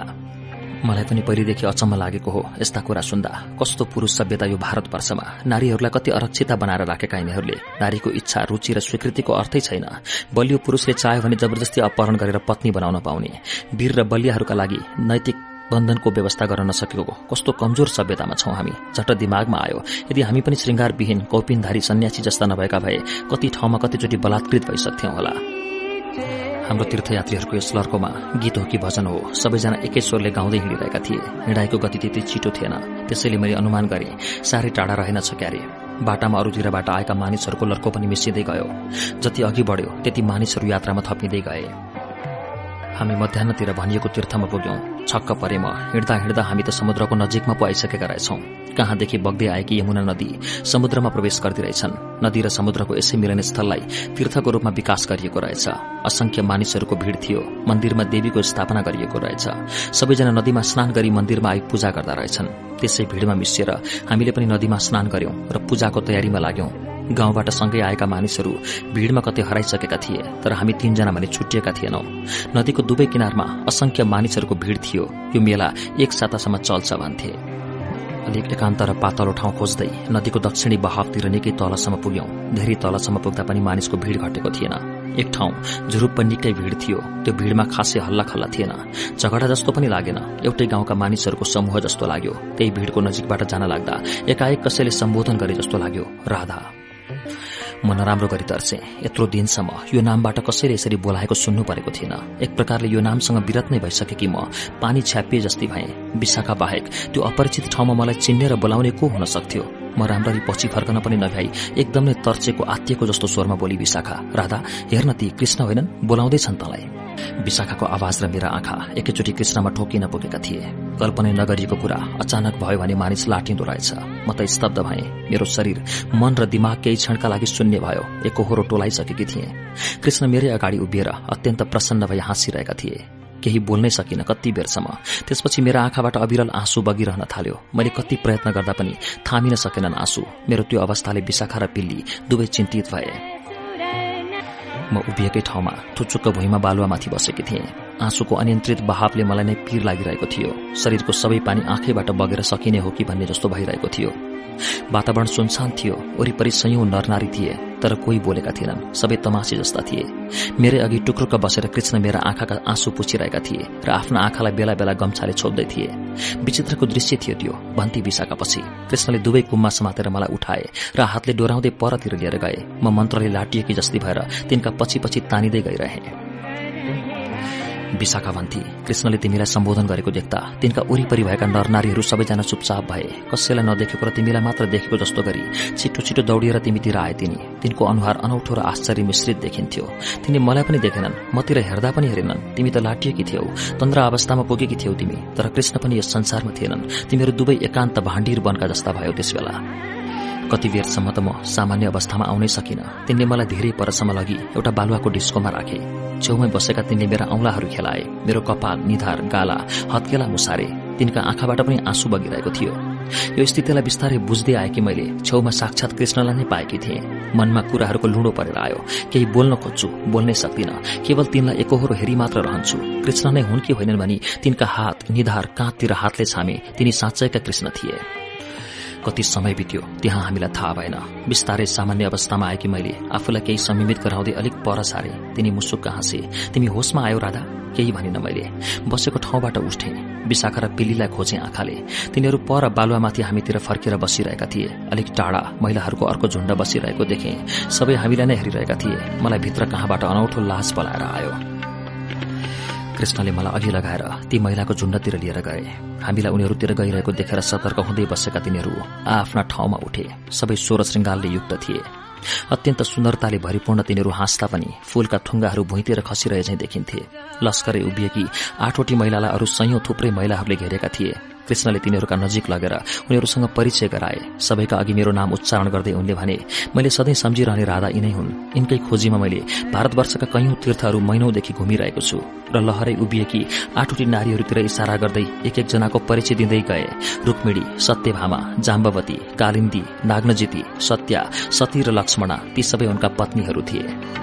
तिनीहरू सबैले पालै पालो मलाई नमस्कार गर्दै अंगालो हाले। म तिनीहरूको व्यवहारले अलमल्ल परे। मैले पनि विशाखा र पिल्लीलाई बोलाएर तिनीहरूसँग परिचय गराएँ। कृष्णले विशाखालाई पनि हातमा समातेर केही पर लगी निकै बेर कुरा गरे। विशाखा खुशीले पागल जस्तै भएकी थिए। एकाएक त्यसको शरीरमा अमृत वर्षा भए झै स्वस्थता र सुन्दरता थपिएर आयो। मलाई त्यसै विश्वास बढ़ेर आयो। त्यो तीर्थ साँच्चैको सिद्धाश्रम नै रहेछ जस्तो लाग्यो। चिताएको कुरा त्यसै तीर्थमा प्राप्त भएको थियो। धेरै बेर लगाएर स्नान पूजापाठ गरियो। स्नान गर्न लुगा खोलिरहेका बेला मैले मुसुक्क हाँसेर कृष्णलाई भने आज त लुगा लुकाउँदैन होला नि? तिनी पनि ब्रजकै कृष्ण जस्तो मोहित पार्ने हाँसो मुस्कुराए। ओठले तर बोलेनन् बरु हामीले स्नान गरून्जेल पर अघि मलाई बसाएकै बालुवाको थुम्कोमाथि बसेर मुरली बजाइरहे कृष्णको यो मुरलीको धुनले सारा वातावरण नै संगीतमय भएको थियो। स्नान गर्न लागेका सबैजना साह्रै खुशी देखिन्थे। तिनको प्रसन्नता अनौठो लागेको थियो मलाई। तिनीहरूकै अघि कृष्णले मसँग त्यस्तो अनौठो व्यवहार गर्दा पनि तिनीहरूमा ईर्ष्या वा डाह जस्तो केही थिएन बरु अनौठो आत्मीयता उब्जिएको थियो। सबैजना मेरै वरिपरि मेरै समीप हुन चाहन्थे। फर्किँदा कृष्ण म र रुक्मिणी एउटा रथमा थियौं। विशाखा पिल्ली र अरू कृष्ण पत्नीहरू अरू विभिन्न रथमा थिए। त्यस तीर्थमा द्वारिकाबाट ठूलै भीड़ आएको रहेछ। फर्किँदा रथै रथको ताँती जस्तो देखिन्थ्यो धेरै टाढासम्म। रथले उडाएको धुलोले आकाशै कुरी मण्डल भएको थियो। टाढै रहेछ द्वारिका त्यहाँबाट। दिनभरि जस्तै दगुरी रह्यो रथ। बीच बाटामा केही समय विश्राम गरी घोडालाई दाना पानी खुवाइयो। हामीले पनि केही केही फलफूल आदि खायौं। मन हर्कले भरिएको थियो। कैयौं वर्षपछि आज तिनलाई भेटेकी थिए। तिनी त उस्तै थिए। राम्रा लुगा कपड़ा र गहनाले अझ सुन्दर देखेका। कृष्ण रूप र उमेरले खासै फरक थिएनन्। तिनका अनुहारको हाँसो यति मोहक थियो जसले मलाई कैयौं वर्ष अघि भाण्डीर वनको एकान्तमा शिथिल र लाचार बनाएको थियो र तिनले मलाई बोक्नु परेको थियो। साँझ पर्दा हाम्रो रथ एउटा ठूलो स्वागतद्वारबाट नगरमा प्रवेश गर्यो। अग्ला अग्ला भवनहरू चौडा सड़क सफा वातावरण शान्त र सुन्दर परिवेश घोडामा गाडामा रथमा मानिसहरू हिँडिरहेका असंख्य पैदलीहरू कामबाट फर्किरहेका थिए। सबै व्यस्त देखिन्थे। अनुहारमा थकान मिसिएको प्रसन्नता र खुशी देखिन्थ्यो। ठूला ठूला पसलहरू थिए। व्यापारीहरू साँझमा पनि व्यस्त देखिन्थे। नगरमा साँझमा रमणीहरू भ्रमणमा निस्केका थिए झुण्ड झुण्ड। कृष्ण मलाई नगरको विशेषता बताइरहेका थिए। द्वारिकाको चर्चा सुनेर टाढा टाढा देश विदेशदेखि मानिसहरू आएर बस्न थालेका थिए। भारतभरिमा द्वारिका नै सबैभन्दा अनौठो राजधानी बनेको चर्चा थियो। कतिले त यो नगरी मानिसले बनाएकै होइन। तान्त्रिक साधना गरेका कृष्णले जिन्नको प्रयोग गरी एकै रातमा खड़ा गरेका हुन् भन्थे। कतिले भन्थे यो नगर निर्माण गर्न वर्षौं लागेको छ। देश विदेशका एक भन्दा एक महान कलाकारहरूले आफ्नो कलाको निखार दिएका छन्। जे होस् अर्बौं खर्च भएको अनुमान हुन्छ नगरलाई देख्दा। द्वारिकालाई देखेपछि हिजो अस्ति हामीले बाटोमा भोगेका दुःख र समस्याहरू सबै मिथ्या जस्तो लाग्यो। कि त द्वारिका सपना हो कि त गाउँको दुःख सपना हो सोचे मैले। देश एउटै भए पनि राजधानी मात्र सुरक्षित र सुविधा सम्पन्न बनाई गाउँको विकासको कुनै धारणा नै नबनेको समय थियो।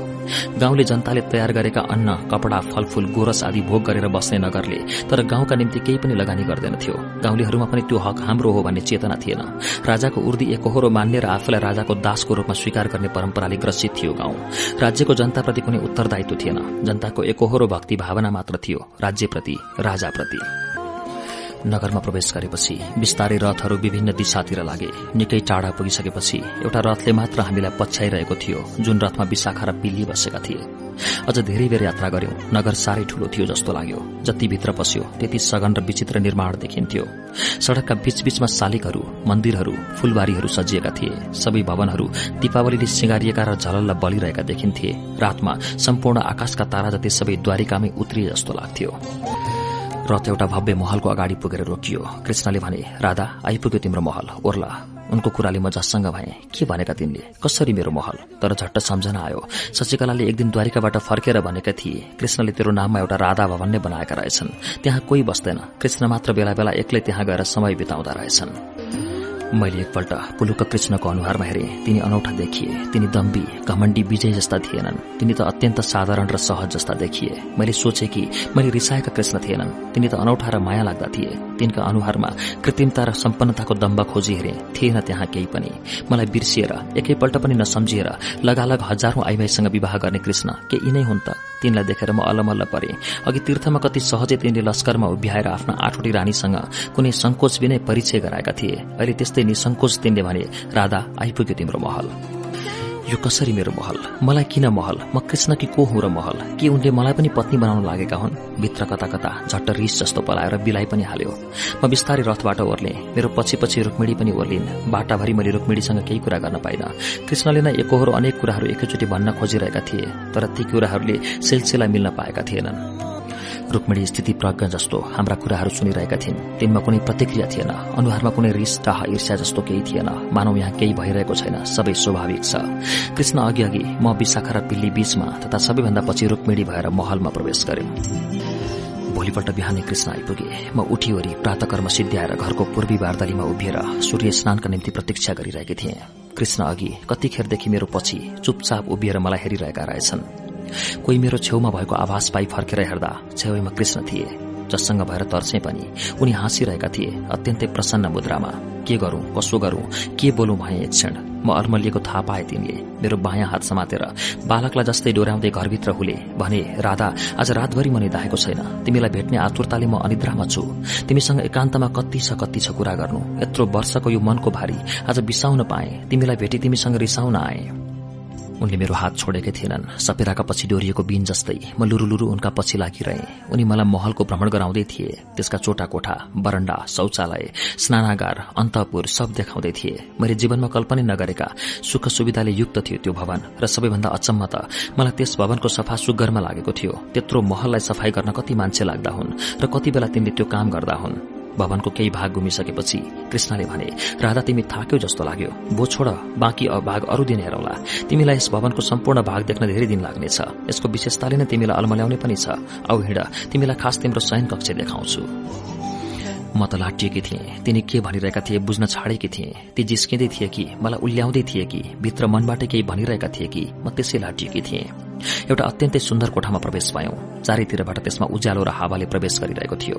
सारा भवनभन्दा अलग्गै कतै आकाशमा छुट्टै भए झै भान हुन्थ्यो त्यो। कोठा अत्यन्त राम्ररी सिँगारिएको थियो। ताजा फूलहरू थिए फूलदानीमा पलङ अत्यन्त कलात्मक थियो। त्यसमाथि बिछाइएका कपड़ा तन्नाहरू सुन झै चम्किला थिए। श्रृंगारका लागि चाहिने अनेकौं सामग्रीहरू थिए। कोठा अनौठो सुगन्धले व्याप्त थियो। त्यो कोठामा प्रवेश गरेपछि मन त्यसै त्यसै उमङ्ग र जोशले भरिए जस्तो भयो। मनका कैयौं दिनदेखिका बोझहरू उत्रेका थिए। कृष्णलाई छेउमा देखेर त्यस्तै रमाउनु नाच्नु गाउनु जस्तो लागेको थियो। उनले नभनी खुसीले उफ्रिँदै म पलङमाथि बसे। एक क्षण शरीरलाई छोडिदिए पलङमा। बालक रमाए जस्तै रमाइछु एकाएक त्यहाँ त्यो कोठामा प्रवेश गरेपछि वास्तवमा मैले आफूलाई नै बिर्सिएकी थिएँ तर त्यहाँ मलाई कृष्णले धेरै बेर राखेनन्। उनले भने राधा हिँड अब।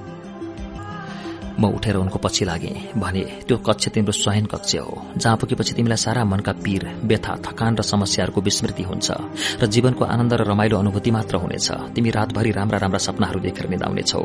वास्तुशास्त्रको सबै विधि प्रयोग गरी निर्माण गरिएको छ त्यो कक्ष। त्यसैले त्यहाँ पसिसक्दा मान्छेको मन नै अर्को जस्तो हुन पुग्छ। हामी अर्को एउटा यस्तो कक्षमा पुग्यौं जहाँ दुईजना मात्र आरामले बस्न सक्ने तर खुला र फैलिएको थियो। कसैले कुनै प्रकारले बाधा पुर्याउन नसक्ने र दुईजना भन्दा बढ़ीलाई बस्ने फर्निचरको प्रबन्ध त्यहाँ थिएन। त्यहाँ प्रवेश गरेपछि उनले भने राधा तिमी थाक्यो होला। यहाँ बस। तिनी पनि बसे अर्को आसनमा। उनी मेरो अगाडि पर्ने गरी बसेका थिए। जतैपट्टि आफ्नो टाउको घुमाउन खोजे पनि उनी आफ्नो अघिबाट ओझेल पर्दैनथे। मलाई अचम्म लागिरहेको थियो। कसरी बनेको होला त्यो कोठा पनि? कसै गर्दा पनि आफू अघि बसेको मान्छे आँखाको ओझेल नपर्ने गरी कस्तो गणितीय आसन थियो होला त्यो। उनी एकहोरो मलाई नै हेरिरहेका थिए। केही क्षण पछिदेखि म पनि पूरै लाटिएछु। कति बेरसम्म हो। हामी दुवै एकअर्कामा हराइसकेछौँ। म बिउजे जस्ती भए। कृष्ण लाटिएकै थिए। अनौठो थियो तिनको अनुहार। उनको रूप सौन्दर्य सम्पन्नता नाम ख्याति शक्ति सबै कुरा त्यहाँ अनुपस्थित थिए। त्यहाँ त एउटा लाचार साधारण युवकको दयनीय अनुहार पो उपस्थित थियो। कृष्णको त्यो अवस्था साह्रै दयालाग्दो थियो। मनमा नमिठो तितो पलाएर आयो कतैबाट। तिनको शिर आफ्नो काखमा राखेर माया गरौं। फकाउँ जस्तो लाग्यो। फेरि एकछिनमा तिनीसँग जनक रिस उठ्यो किन तिनले आज यस्तो अनुहार बनाउनु पर्यो? किन तिनले आज मेरो अघि एउटा दयनीय पुरूष भएर प्रस्तुत हुनु पर्यो? यी सबै कुराको रचना उनीले गरेका होइनन् र म त तिनीलाई प्रतीक्षा गरेर बसेकै थिएँ नि। मनमा पलाएको दया पनि झर्को जस्तो भनेर कतै बिलायो कृष्णको एकहोर्याईलाई झस्काउँदै भने कृष्ण तिमी त केही बोल्नै छोड्यौ। यति लामो मौनता दिगदार लाग्दो भएन? तिनी झस्के झै सतर्क भए मुसुक्क हाँसे तर केही बोलेनन्। जति जति उनलाई देख्थे मलाई पूर्व स्मृतिहरूले थिच्दै ल्याउँथे। कृष्णको मेरा प्रति अझै पनि भावना उस्तै पाएर मनमा पहिला खुशी र त्यसपछि भयानक दुःख लाग्यो। रिस पनि उठ्यो भने कृष्ण तिमीले भाण्डीर वनको एकान्त वृक्षका फेदमा जुनेली रातको मधुर प्रकाश ताद्दै मेरो शिर आफ्नो छातीमा टाँसेर भनेका थिएनौ। एकअर्कामा भर गर्न सिक्नुपर्छ। एउटाका निम्ति अर्कोले मर्न सक्नुपर्छ। प्रेम भन्नु नै आफूले आफैलाई बिर्सी आफूलाई अरूमा पाउनु हो। कृष्णले सरल जवाफ फर्काए हो भनेको थिएँ। तर के तिमीले आफ्नो भनाइको सम्मान गर्यौ त? आफ्नो विचारको इज्जत गर्यौ त? यो प्रश्न गरिसक्दा म भावुक भइसकेकी थिएँ। पूरा वाक्य पनि निस्कन पाएन राम्ररी। म बोल्न थालेपछि कृष्ण पनि गम्भीर भएका थिए तर ती बोलेका थिएनन्।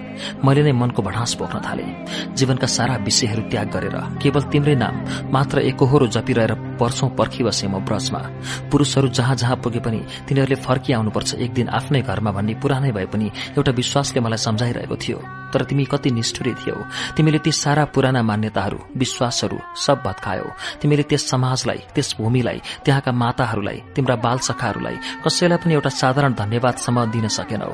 तिम्रो स्वार्थी र आत्मकेन्द्री सोचले व्यक्तिगत उन्नति त गरेछौ खुशी लाग्यो। तर के तिमी सुखी छौ? अह मैले देखिन तिमीलाई सुखी। तिमी त एकदम खाली छौ कृष्ण। एकदम खाली। मेरा कुराले तिनी झन भावुक र मौन बने भने बुझौ मैले आफूलाई यस जीवनमा यस शरीरका माध्यमबाट तिमीलाई बोकी हिँडेकी थिएँ। मलाई आफ्नै शरीरका कोष कोषमा तिम्रो अनुभूति हुन्थ्यो। तिम्रो प्रतीक्षा गरेर बसिरहँदा पनि ममा त्यस्तो छटपटी थिएन। तिमी कहीँ टाढा नपुगेको र मैसँग भइरहेको भान हुन्थ्यो। हिँड्ने बेलामा तिमीले वचन दिएका थियौ। कम्तीमा महिनाको एकपल्ट भेट्नेछु। त्यो सकेनौ। केही पत्रहरू लेख्यौ। क्रान्तिकाल थियो। सधैँ युद्धमा व्यस्त भयो। तर जब तिमीले युद्ध जित्यौ त्यही क्षणदेखि मैले तिमीलाई हारेछु कृष्ण। तिम्रो जितमा मलाई भएको खुशी आफै हारेको उत्सव रहेछ।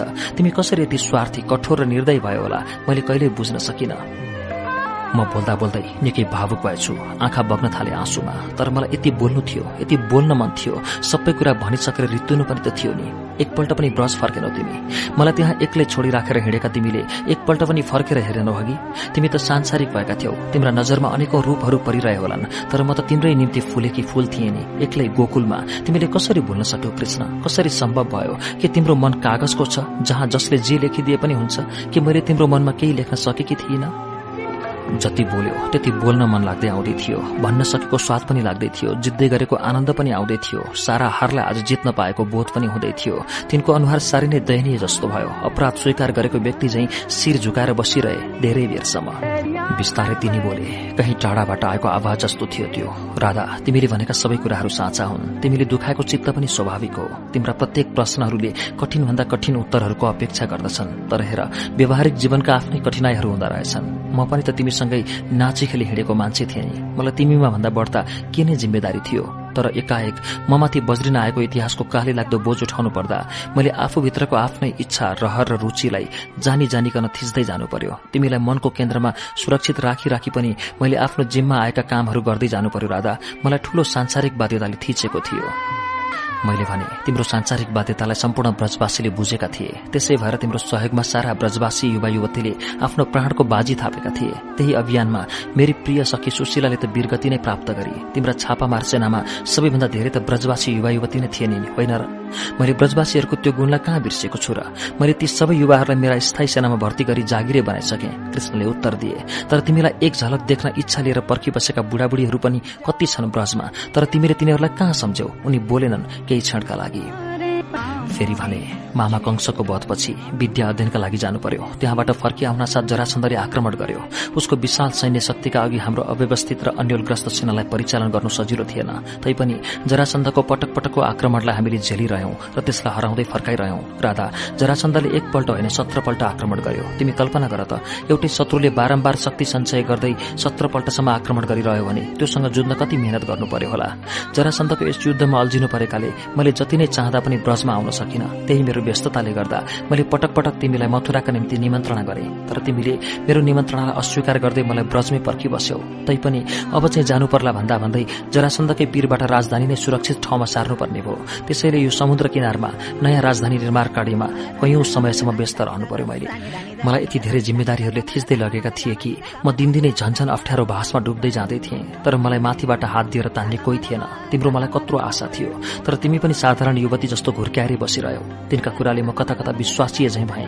तिनी भन्दै थिए यत्रो ठूलो संकटका बेला मलाई पनि त आफ्नै मनको साथीको खाँचो थियो नि। जन्मैदेखि युद्ध शिरमा बोकेर आएको र मृत्युको करलतासँग तर्किँदै बचाइएको म। तिमी जस्तो सजिलो र शान्त जीवनमा हुनै कहाँ पाएर राधा? जुन दिन थाहा भयो कि म नन्द बाबा र यशोदा माताको छोरो होइन तिमी कल्पना गर्न सक्छौ त्यो दिन म भित्र के भयो होला? कुनै पनि हुर्केको युवाले आफूले सबैभन्दा अन्तिम चिनेका आमा बाबु मानिएकाहरू आमा बाबु होइनन् मात्र पालनकर्ता हुन्। दयाका सागर भन्ने थाहा पायो भने त्यसलाई कस्तो होला? यो कुरा संसारका कुनै पनि सनाथहरूले बुझ्न सक्दैनन् जसले मलाई आफ्नो स्तनपान गरायो पाता कस्यो मै खायो सजायो नचायो।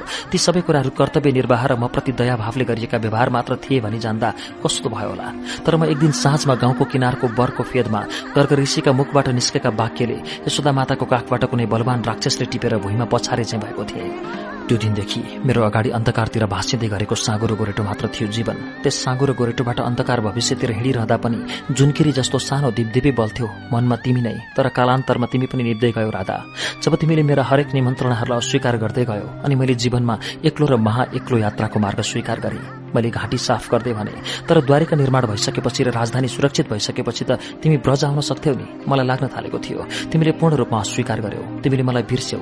तिमी एउटा गाउँको सानो घेराभित्र अल्मलियौ सोचे केटाकेटी उमेरको हाम्रो प्रेमलाई वयस्क हुँदै गएपछि तिमीले सामान्य ठान्यौ र बिर्सियौ। तर म भित्र त तिम्रो यति गहिरो छाप थियो कि त्यसलाई म कहिले बिर्सन सकिरहेको थिइनँ। झन् ती युद्धहरूले म भित्र तिम्रो यो निश्चल प्रेम र अनुहारलाई ऐनाले झैं छर्लङ्ग उभ्याइदिएको थियो। सोच्ने गर्थे राधाले जे सोचुन् मेरो त आत्माको अमर छाप नै तिनी हुन्। राधालाई हृदयमा प्रेमको सिरानी लगाएर अब यात्रा गर्नेछु सांसारिक जीवनमा। कृष्ण भन्दै गए साँच्चै भनेको राधा तिमीभित्र रहेको रूपको त्यो दिव्यता लज्जा मुस्कान धैर्य हिँडाइको चाल आँखा शरीरको सुगठन र आवाजहरूले सदा एकान्ततिर बोलाइरहन्थ्यो। म टोलाइरहन्छु। अझै पनि यिनै कुराहरूमा सांसारिकता र बुद्धि सक्रिय रहेका बेला बाहेक म त यिनै कपोल कल्पनामा हुन्थे जहिले पनि।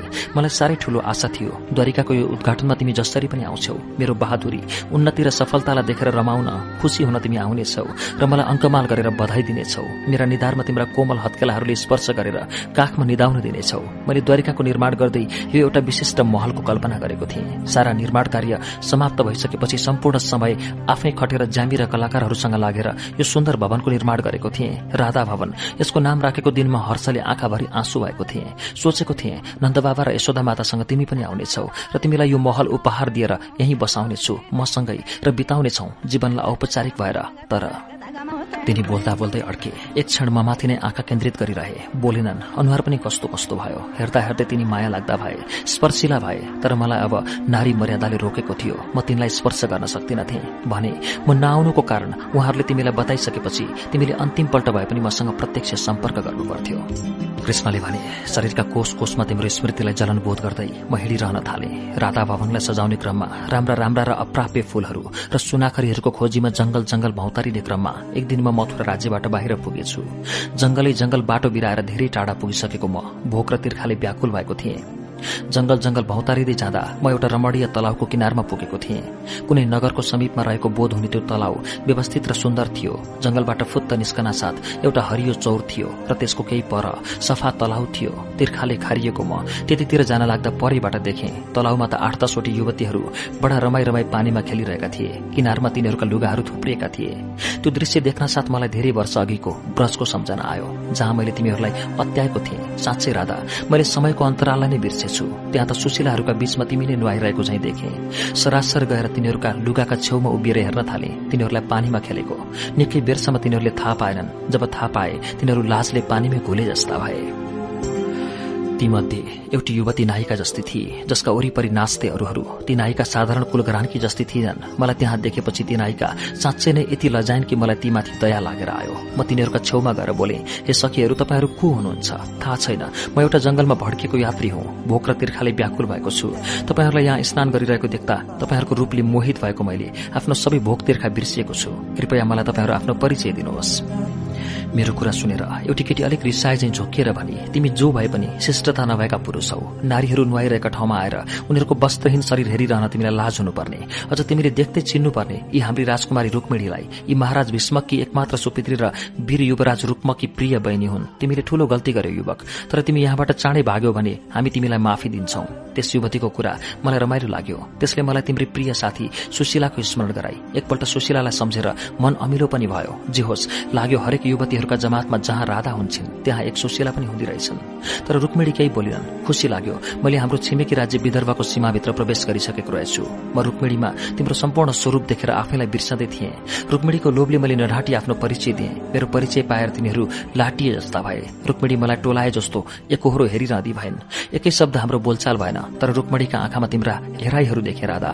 मैले तिम्रो जब सब कुरा रुक्मिणीमा देखेँ उनीबाट छुट्टिएर आएपछि मेरो मनमा रुक्मिणीको अनुहार मात्र नाच्न थाल्यो। मैले बिस्तारै तिमीलाई भुल्दै गएँ। तिमी क्रमशः मेरा लागि अप्राप्य हुँदै गएका बेला रुक्मिणी मेरा नजिक नजिकै आउँदै थिए। मैले जंगलमा भेटेका अनेक थरीका सुनाखरीहरू ल्याएर राधा भवन सजाए। राधा भवनमा प्रवेश गरेपछि भने फेरि तिनीहरू मेरो स्मरणबाट उजेल परे। राधा यो भवनका प्रत्येक इटा इटा मैले तिम्रो स्मृति घोलेको छु। यहाँभित्र पसेपछि तिमी बाहेक अरू कुनै कुराको सम्झना आउँदैन तर यहाँबाट निस्केपछि फेरि अरू बाह्य सांसारिक कुराहरूले मलाई तानिसक्छ। द्वारिकाको उद्घाटन भयो। देश देशाभरका राजा महाराजाहरूलाई निमन्त्रणा गरियो। विदर्भ देशका महाराज भीष्मक पनि आफ्ना राजकुमार रुक्मका साथमा आएका थिए। यस नगरीलाई देखेर आश्चर्यचकित नहुने कोही थिएन। यसको सम्पन्नताको पनि चारैतिर चर्चा थियो तर रूपमालाई यो सम्पन्नता मन परेनछ त्यसले अरूहरूसँग गरेको आलोचना मैले सुने। तिनीहरू पाहुना थिए र ऊ रुक्मिणीको दाजु पनि थियो। त्यसैले मैले त्यति गम्भीर रूपमा लिइन। पछि थाहा पाएँ रूपमा जरासन्द र कालायवनको घनिष्ठ मित्र रहेछ। त्यो थाहा पाएपछि उसको आलोचना मलाई स्वाभाविक लाग्यो। द्वारिकाबाट फर्केपछि विदर्भ राजमा बाबु छोराको ठूलो विवाद भएछ। बाबु भीष्मकले आफ्नै छोरी रुक्मिणीको विवाह मसँग गरिदिने इच्छा गरेछन् र त्यसको प्रतिवाद गर्दै रुक्मले बाबुसँग गहिरो मतभेद राखेछ। त्यसले मेरा बारेमा साह्रै नै घिनलाग्दो आलोचना पनि गरेछ। उसले आलोचना गरेको कुरा सुने। रुक्मका कुराले बाबु नाजवाफ भएपछि रुक्मिणीको विवाह शिशुपालसँगै हुन लागेछ। त्यो थाहा पाएर साह्रै नै रुँदै विलाप गर्दै रुक्मिणीले मलाई पत्र लेखेकी थिइन्। तिनले पत्रमा मसँग तलाउमा भेट भएको दिनको स्मरण गर्दै लेखेकी थिइन्। अनि मैले पनि विवाहको दिन एकाएक विदर्भ पर्वमा प्रवेश गरी रूपमा सालु आदिहरूसँग युद्ध गर्दै रुक्मिणीलाई आफ्नो रथमा हाली लिएर आए। हाम्रो यो काण्डमा बिचरा सालुवाको मृत्यु भएको थियो। प्रतिष्ठाको लड़ाई लड्ने धुनमा मैले ठूलो गल्ती गरिसकेको थिएँ। तिम्रा निम्ति भनी यत्रो वर्षदेखि साँचेर राखेको यो मन र शरीर झोक झोकमा मैले त रुक्मिणीलाई पो दिइहालेछु। द्वारिका फर्केपछि ठूलो उत्सवका साथ रुक्मिणी र मेरो विवाह भयो। विवाह पछिको पहिलो रात म साह्रै नै दुखी भएँ। म धेरै रोएँ राधा। त्यो रातभरि नै म यही भवनमा एक्लै बसेर बिताएको थिएँ। त्यो रात मैले तिमीलाई पनि धेरै गाली गरेँ मनमा नै मैले बोलाएका बेला तिमी आइदिएकी भए त्यो घटना हुने नै थिएन भन्ने मेरो मत अहिले पनि यथावत छ। तर भो छोडौं यो कुरा बितिसक्यो सबै। अब त हामी भाग्य र नियतिका विवश पात्र मात्र छौं। हामी एकअर्कालाई हेरेर रुन सक्छौ तर छुन सक्दैनौ। कृष्णको यो लामो कथनले कुनै बेला उनको माया लाग्थ्यो कुनै बेला रिस उठ्थ्यो। तर कृष्णमा जुन गम्भीरता थियो त्यो अभिनय थिएन। सायद त्यसैले म उनीद्वारा प्रभावित भएकी थिएँ। कृष्णको लामो गम्भीरतालाई तोड्दै मैले भने आँखा अघि जो पर्छ त्यति तानिने तिम्रो सानैदेखिको बानी कहिले गएनछ होइन कृष्ण? खै राधा यसलाई तिमीले कसरी बुझ्यौ? तर रुक्मिणी हरणका पछि प्रेम र आकर्षण भन्दा पनि अहमले काम गर्यो। रुक्मले साह्रै नै होच्याएकाले त्यसका विरूद्धमा मैले यो काम गरे। सहज र स्वाभाविक रूपमा विवाहको प्रस्ताव पाएको भए त्यसलाई म अर्कै ढंगले सोच्ने होला। मैले भने अब छाड यी रुक्मिणीका कुरा। यस विवाहका भित्र तिम्रै मोहले काम गरेको छ। तर रुक्माको तत्कालीन प्रस्तुति तिम्रो सुरक्षा कवच बन्यो। जे भए पनि अब उनी तिमी धर्मपत्नी हुन्। उसले तिम्रो प्रथम पत्नी बन्ने सौभाग्य पाइन्। मेरो उनीप्रति कुनै गुनासो छैन। ती एउटी अविवाहिता नारी थिइन् जसले कसै न कसैसँग विवाह गर्नु पर्थ्यो तिमीलाई देखेकी थिइन् मोहित भएकी थिइन् तिनले अनुरोध गरिन् तिमीले मान्यौ तिनलाई सन्तुष्टिको स्वर्ग प्राप्त भयो तर तिमीले आफूलाई पत्नी प्रथा किन बनाउन सकेनौ कृष्ण? यसमा मेरो तिमीसँग वैरभाव छ। कृष्ण अघिदेखि नै गम्भीर थिए र उनमा झन् गम्भीरता थपिएको थियो। मैले पुनः थपे तिमीले प्रेमको पनि मान राख्न सकेनौ विवाहको पनि। तिमीले प्रेमिकाको पनि मर्यादा राखेनौ पत्नीको पनि। तिमीसँग बिहे गर्न त्यत्रो खतरासँग खेलेको रुक्मिणीले के पाइन्? आज उनका माइतीले के रुक्मिणीले राम्रो वर रोजेको जस देलान् उनलाई? तिमीले कसरी साहस गर्यौ? मसँग लस्करै आठवटी पत्नीको परिचय गराउने। कि म तिम्री प्रथम मानस पत्नी थिइन र? कृष्ण झन्झन नाजवाफ हुँदै मेरो अघि बसेका थिए र ठूलो ठूलो मलाई नै हेरिरहेका थिए। यो प्रश्न गरिसक्दा एकाएक मेरा आँखा भरिएर आएका थिए। तीर्थमा उनले परिचय गराउँदा गराउँदै झर्न नसकेका मर्यादाले थिचिएका आँसु अहिले झर्न लागेका थिए। तिमीले मसँग नराम्रो गरी खेल्यौ कृष्ण। तिमीले साह्रै ठूलो व्यङ्ग्य गर्यौ मलाई। तिमीले मलाई त जस्ता त लस्कर लगाइदिन्छु भने चाहिँ गर्यौ। मैले तिमीसँग के मागेकी थिएँ र मबाट यति साह्रो विरत हुनुपर्ने के बिगार गरेको थिएँ मैले? कृष्ण लोग्ने मान्छेहरूको मन कस्तो हुन्छ? एकैछिनको घाम पानी जस्तो जे अगाडि छ त्यतै बहकिने जस्तो। त्यस्तो अस्थिर हुन्छ लोग्ने मान्छेको मन मलाई लाग्छ तिमीले यत्र धेरै पत्नीहरू बिहे गरेर पुरूष जातिको समेत अपमान गर्यौ। तिमी कालान्तरसम्म तिम्रो यो वैवाहिक चरित्रले मिथक भन्नेछौ कृष्ण। बोल्दा बोल्दै म पनि अडिएँ। कहिले परक्क मन बटारिएर आउने कहिले झनक्क रिस उठेर आउने कहिले हुरुक्क हुने गरी माया लागेर आउने साह्रै नै अनौठो मनोदशामा थिएँ म। म आफैलाई थाहा थिएन म के बोलिरहेकी छु। निकै बेरसम्म दुवै मौन थियौं र एकअर्कालाई हेरिरहेका थियौं। उनी आँखाबाटै आफ्ना कति स्पष्टीकरणहरू दिन खोजिरहेका थिए। म बुझ्थे तिनका आँखाको भाषा र अनुहारको रंग तर अब मलाई कृष्णका कुनै कुराहरू बुझिरहनु थिएन। सबै बुझ्नुहरू सकिएको स्थिति थियो त्यो। निकै बेरसम्म दुवै मौन थियौं र एकअर्कालाई हेरिरहेका थियौं हामी। उनी आँखाबाटै आफ्ना कति स्पष्टीकरणहरू दिन खोजिरहेका थिए। म बुझ्थे तिनको आँखाको भाषा र अनुहारको रंग तर अब मलाई कृष्णको कुनै कुराहरू बुझिरहनु थिएन। सबै बुझ्नुहरू सकिएको स्थिति थियो त्यो। तिनले भने राधा मलाई थाहा थियो तिम्रो सामु पर्न मलाई सजिलो छैन। तिम्रा प्रश्नहरूका उत्तर दिन म आसक्त छु। मैले के गरेँ किन गरेँ किन गरिरहेको छु भन्ने कुरा अझै मलाई थाहा छैन। म कहाँबाट बहकेँ? मलाई केले यसरी बहकाएको हो? म कहाँ पुगुला पनि थाहा छैन। साँच्चै भन्दैछु राधा मैले आफूलाई के बनाउनु पर्थ्यो के बनाए? म आफै आफूदेखि विरक्त छु। यी सबै तिम्रा जाली कुरा हुन्। आफूलाई बचाउने शाब्दिक अस्त्र। यथार्थमा तिमी आवश्यकताभन्दा ज्यादा ढोगी भएछौ कृष्ण। तिमीले आफूभित्रको हिंताबोधबाट मुक्ति लिन कृत्रिम अहम खड़ा गर्दै त्यसका पुष्टिका निम्ति आफूलाई दलदलमा हाल्दै गएछौ। तिमीलाई गोपालको सन्तान गोपहरूको जुटो खाने गोपिनीहरूको संगी भन्ने शब्द सबैभन्दा प्रिय लाग्नु पर्थ्यो तर ती शब्दले त तिमीलाई व्यङ्ग भएछ।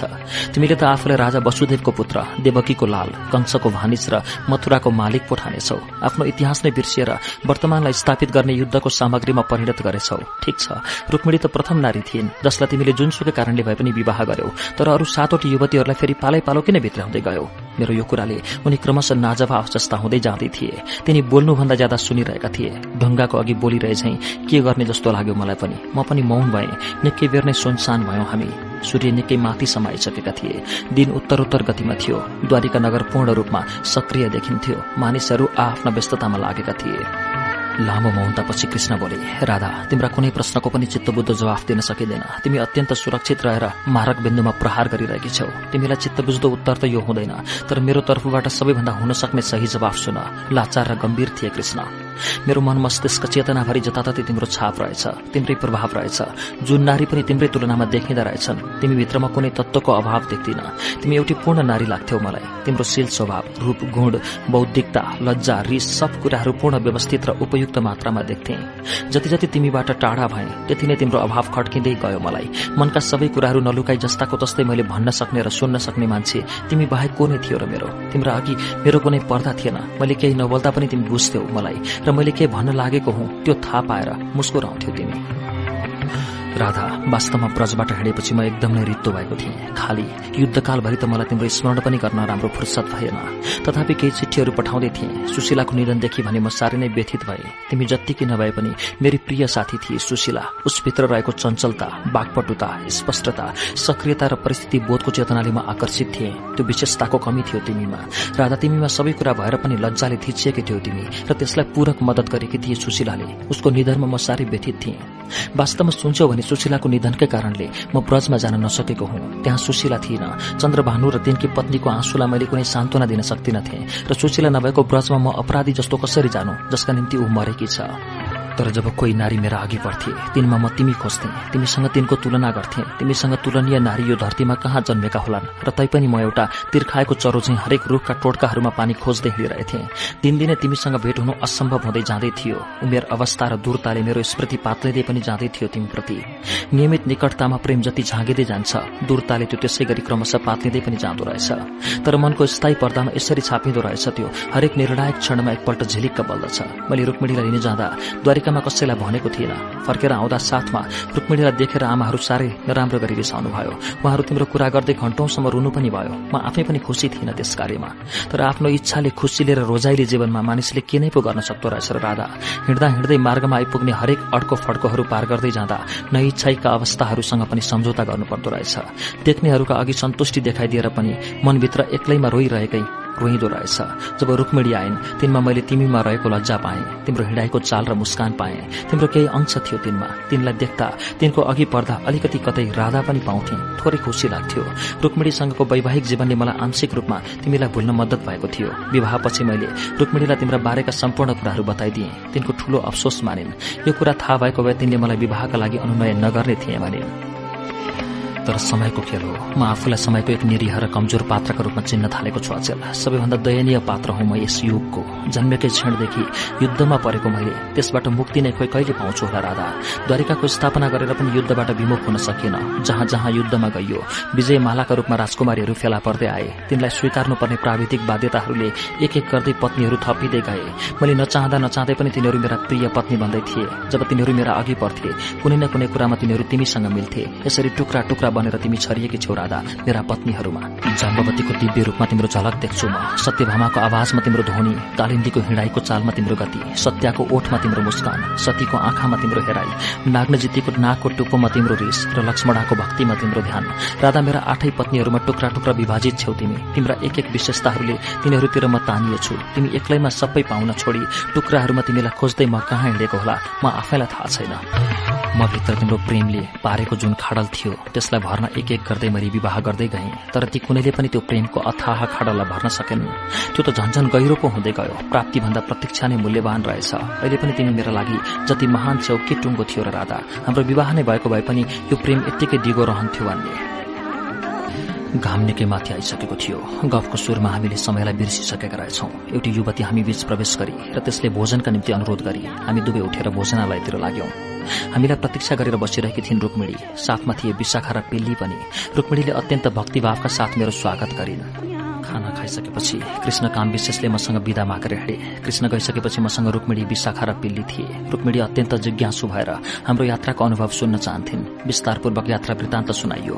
पिल्लीको विषयमा सुनेर तिनी निकै भावुक भइन् र भनिन् पिल्लीलाई म राख्छु मेरी सकी बनाउँछु सहयोगी पार्छु। तिनको सरलता देखेर मन भरिएर आयो। विशाखाले पनि लामो यात्रा अनुभव सुनाउँदै अब त्यसलाई स्थगित गर्ने र घर फर्किने विचार व्यक्त गरी भावुकतावश ब्रजलाई त्याग्नु परेकोमा एक प्रकारको पश्चाताप पनि थियो उसलाई। विशाखाको कुरा सुनेर रुक्मिणी रुक्मिणीले भनिन् अब तपाईँले पनि ब्रजमा फर्किनु पर्दैन। त्यो सबको व्यवस्था भइसकेको छ। रहस्यमय बोलिन् रुक्मिणीले तर मैले ठाने सम्पन्नताको अहम थियो त्यो। धेरै बेर लगाएर तिनले हाम्रो बारेमा जानकारी दिइन् तिनले राजमण्डल र भाण्डीर वनका बारेमा पनि सोधिन्। रासलीलाका बारेमा पनि सोधिन्। जिज्ञासु थिइन् तिनी। उनले सोधेका सबै कुराको जवाफ दिइसकेपछि केही भावुक भएर तिनले भनिन् दिदी मेरो विवाहभन्दा अघि मलाई हजुरका बारेमा ज्ञान भएको भए म कृष्णसँग विवाह गर्ने थिएन। मैले एउटा चिठी लेख्दैमा तिनी युद्धरत बनेर पुगेका थिए विदर्भमा। केही छिन मौन भएर बोलिन् भावुक हुँदै विवाहको पहिलो रात नै कृष्ण मसँग थिएनन्। मलाई एउटा अत्यन्त सजी सजाउ कक्षमा पुर्याई सुनको पलङमा बसाएर मेरा हातका औंलाहरू खेलाउँदै अत्यन्त मायाका साथ त्यही राखेर तिनी निस्के।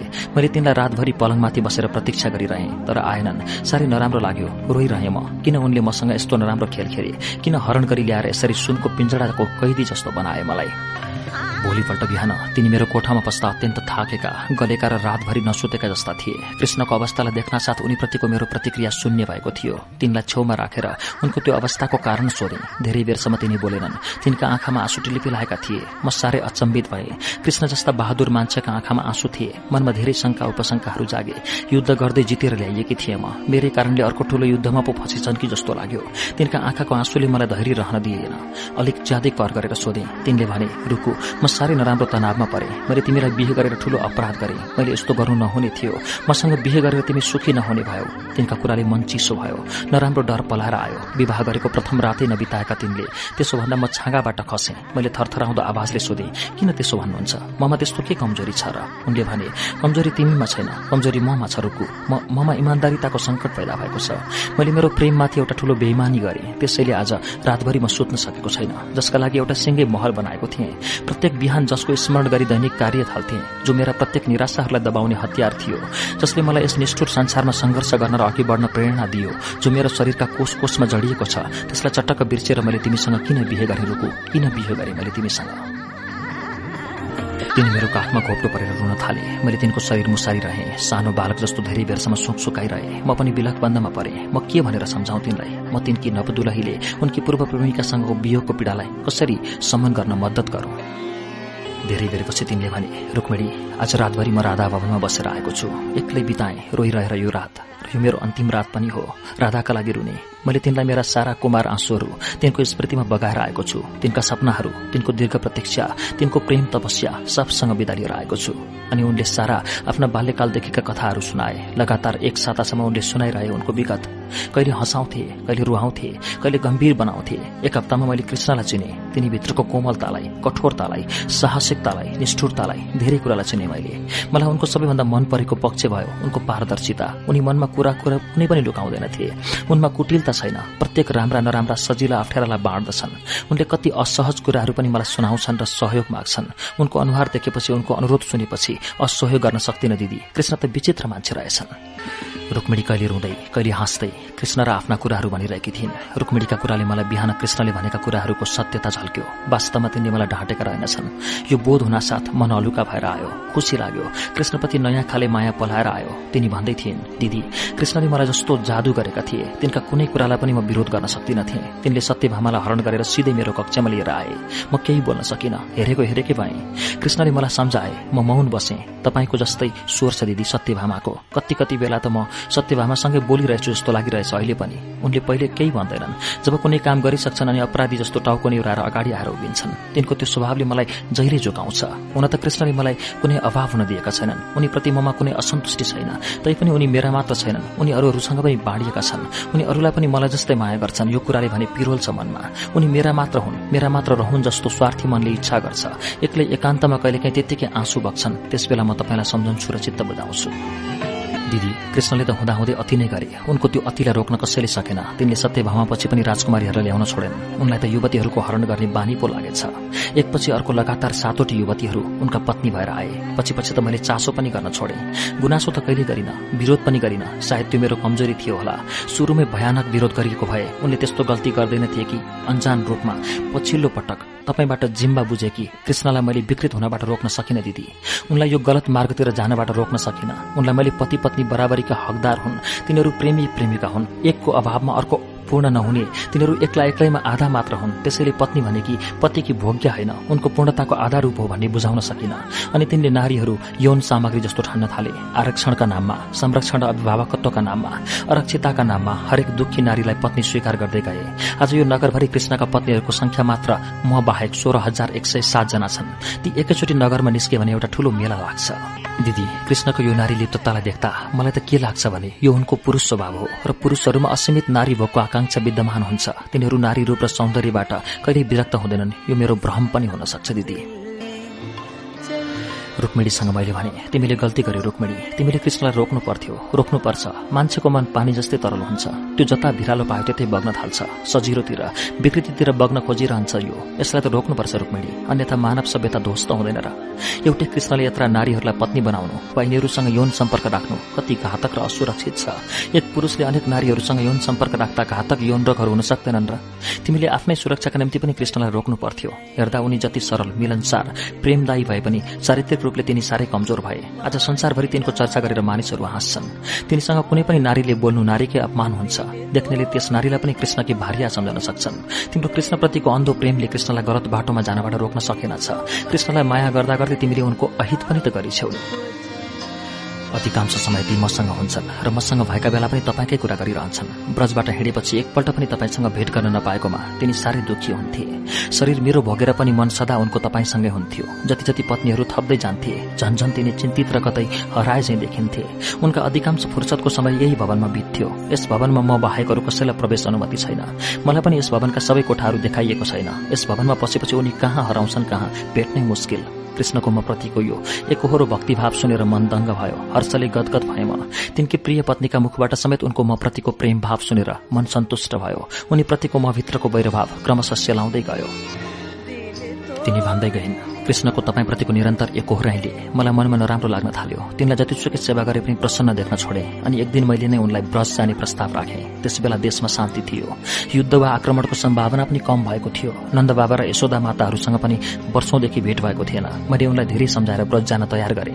सुरुमा तिनले जान चाहेनन्। भने म राधाका अघि कुन मुख लिएर उभिनु? तिनले के भनिन् मैले नै सम्झाउँदै भने म पनि तिम्रो साथमा जान्छु। उनले जे भन्छन् त्यसको चित्त बुझ्दो जवाफ मै दिन्छु। म पनि जाने भनेको सुनेपछि ती केही सामान्य भए। पहिला त मानेका थिएनन्। धेरै सम्झाएपछि तयार भए। हिँड्ने बेलामा पिता वसुदेव र माता देवकीले नन्दबाबा यशोदा र रोहिणी माताहरूलाई पनि अब सदाका लागि यतै लिएर आउनु भन्नुभएको थियो।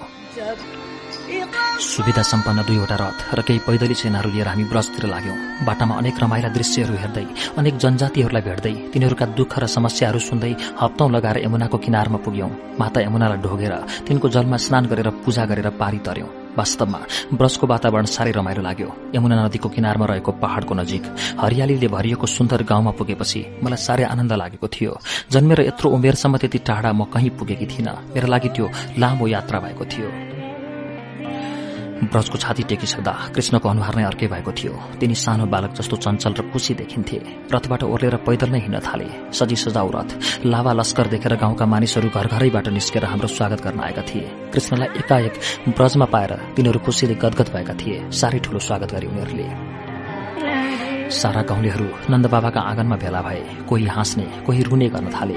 यत्रो वर्षसम्म कृष्णले बिर्सेकोमा धेरै माताहरूले आँसु पुस्दै कृष्णलाई सुमसुमाए। कृष्णलाई मनपर्ने खानेकुरा घर घरबाट ल्याएर माताहरू खुवाउँथे। कृष्ण पनि हर्षित हुँदै सानो बालक जस्तो खाइरहन्थे। ब्रजवासीले कृष्णलाई माया गरेको देखेर कैयौंपल्ट मेरा आँखा रसाएर आए। ब्रज पुगेको भोलिपल्ट हामी डुल्न निस्क्यौं।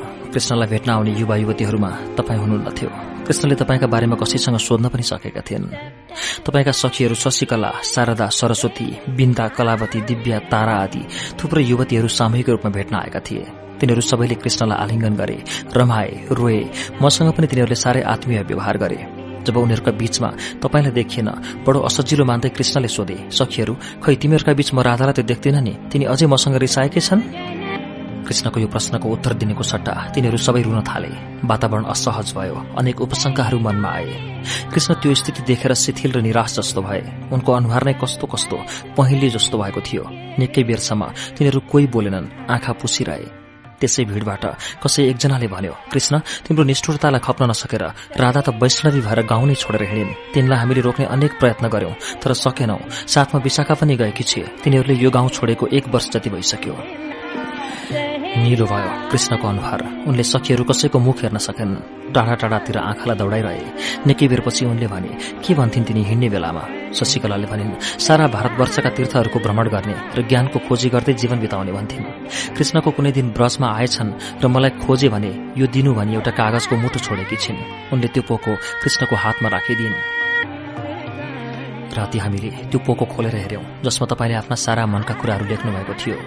त्यो पत्रको मुठो पढेपछि त झन् तपाईँप्रति मेरो सम्मान र आदरभाव बढेर आयो। त्यसमा तपाईँले मसँग उनले गर्नुपर्ने व्यवहारका बारेमा पनि राम्रो सल्लाह दिनुभएको थियो। देख्दै नदेखे कि मलाई कृष्णबाट कस्तो व्यवहार होस् भन्ने तपाईँको चिन्ता देखेर म साह्रै गम्भीर भएकी थिएँ। कृष्ण पनि त्यो पत्र पढेर साह्रै गम्भीर भए। केही बोलेनन्। निदाय जे गरे पनि त्यो रातभरि उनी जागै थिए। तपाईँ ब्रजमा हुनुहुन्न भन्ने थाहा पाएपछि भोलिपल्टै फर्किने तयारीमा जुटे उनी तर मैले मानिन। यत्रो लामो यात्रा गरी आइपुगेको भोलिपल्ट किन फर्किनु? केही दिन आराम गर्ने घुम्ने बुजुर्गहरूसँग भेट्ने फेरि मातापिताको इच्छा अनुसार नन्दबाबा यशोदा र रोहिणी मातापिताहरूलाई पनि लिइजानु थियो।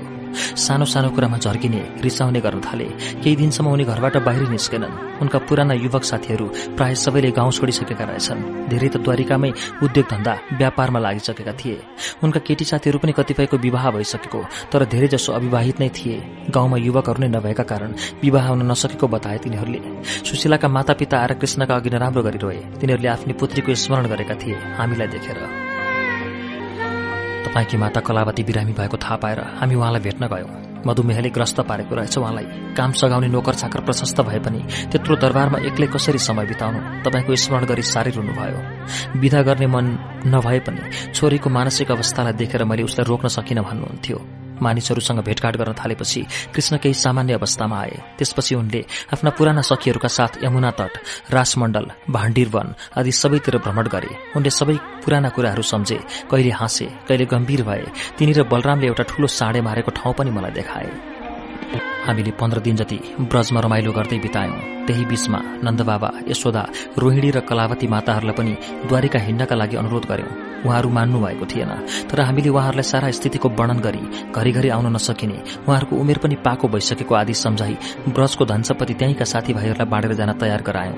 माता कलावतीले मान्नु भएको थिएन कुनै दिन छोरी आउने छिन् म उसैलाई पर्खिबस्छु भन्ने जोड गर्नुभएको थियो तर हामीले तपाईँलाई जहाँबाट भए पनि खोजेर ल्याउने कबुल गरेपछि उहाँ पनि तयार हुनुभयो। हिँड्ने बेलामा सारा गाउँलेहरू डाको छोडेर रोए। आउँदै जाँदै गर्दा समेत विदाईको पीड़ा नखप्ने तिनीहरू सदाका लागि ब्रज त्यागेको कसरी खप्थे? बाबा नन्द र यशोदाका खुट्टै समाते कतिले कृष्णले तिनीहरूलाई सम्झाउँदै भने अब तपाईँहरू सबैले यो ब्रज खाली गरिदिनु। यहाँ ठूलो जंगल बनोस्। तपाईँहरू सबै आफ्नो सुविधा मिलाएर द्वारिका आउनु। तपाईँहरू सबैका लागि म व्यवस्था मिलाउँछु कृष्णका कुरा सुनेर तिनीहरू खुसी भए। तिनीहरूले आफ्नो अनुकूलता मिलाई ब्रज आउने वचन दिए। रुक्मिणीको कुरा सुन्दा सुन्दै म त ब्रजमै पुगिसकेकी रहेछु। ब्रजको सम्झनाले भावुक भइसकेकी थिएँ। तर तिनको अन्तिम कुराले म झन अचम्बित भएँ। बिचैमा सोधेँ रुक्मिणी के तिमीहरूसँगै साँच्चै नन्दबाबाहरू आउनु नै भयो त? हो दिदी उहाँहरू सबैलाई लिएर हामी द्वारिका आयौं। कहिले? कहाँ हुनुहुन्छ त उहाँहरू? उहाँहरू सबैले आज तपाईँसँग तपाईँको भेट हुन्छ। कृष्ण त्यसैको तयारीका लागि गएका छन्। खबर आएपछि हामी त्यता जानेछौं मैले खुसीले गदगद भएर रुक्मिणीलाई अंगालो हाले। म खुसी भएको देखेर विशाखा र पिल्ली पनि रमाए। तर एकैछिनमा विशाखा भने गम्भीर भई त्यो केही बोलिन तर त्यसका आँखा रसाएका थिए। मैले बुझे विशाखाले पनि आफ्नो आमा बाबुको स्मरण गरेकी थिए। मैले सान्त्वना दिनका लागि सोधे रुक्मिणी के ब्रजवासीहरू तिमीहरूको तिम्तो स्वीकार गरेर द्वारिका आए त? दिदी ब्रज त अब पुरै खाली भएको छ। त्यहाँका सबै मानिसहरू द्वारिका आए। तपाईँले सम्पूर्ण ब्रजवासीलाई आज भेट्नुहुनेछ। यो सुनेर विशाखा सुनेको गुडिया जस्तै भई। केही बोल्न सकिन त्यो तर त्यसको शरीरका कोष कोषमा खुसी चम्केको थियो।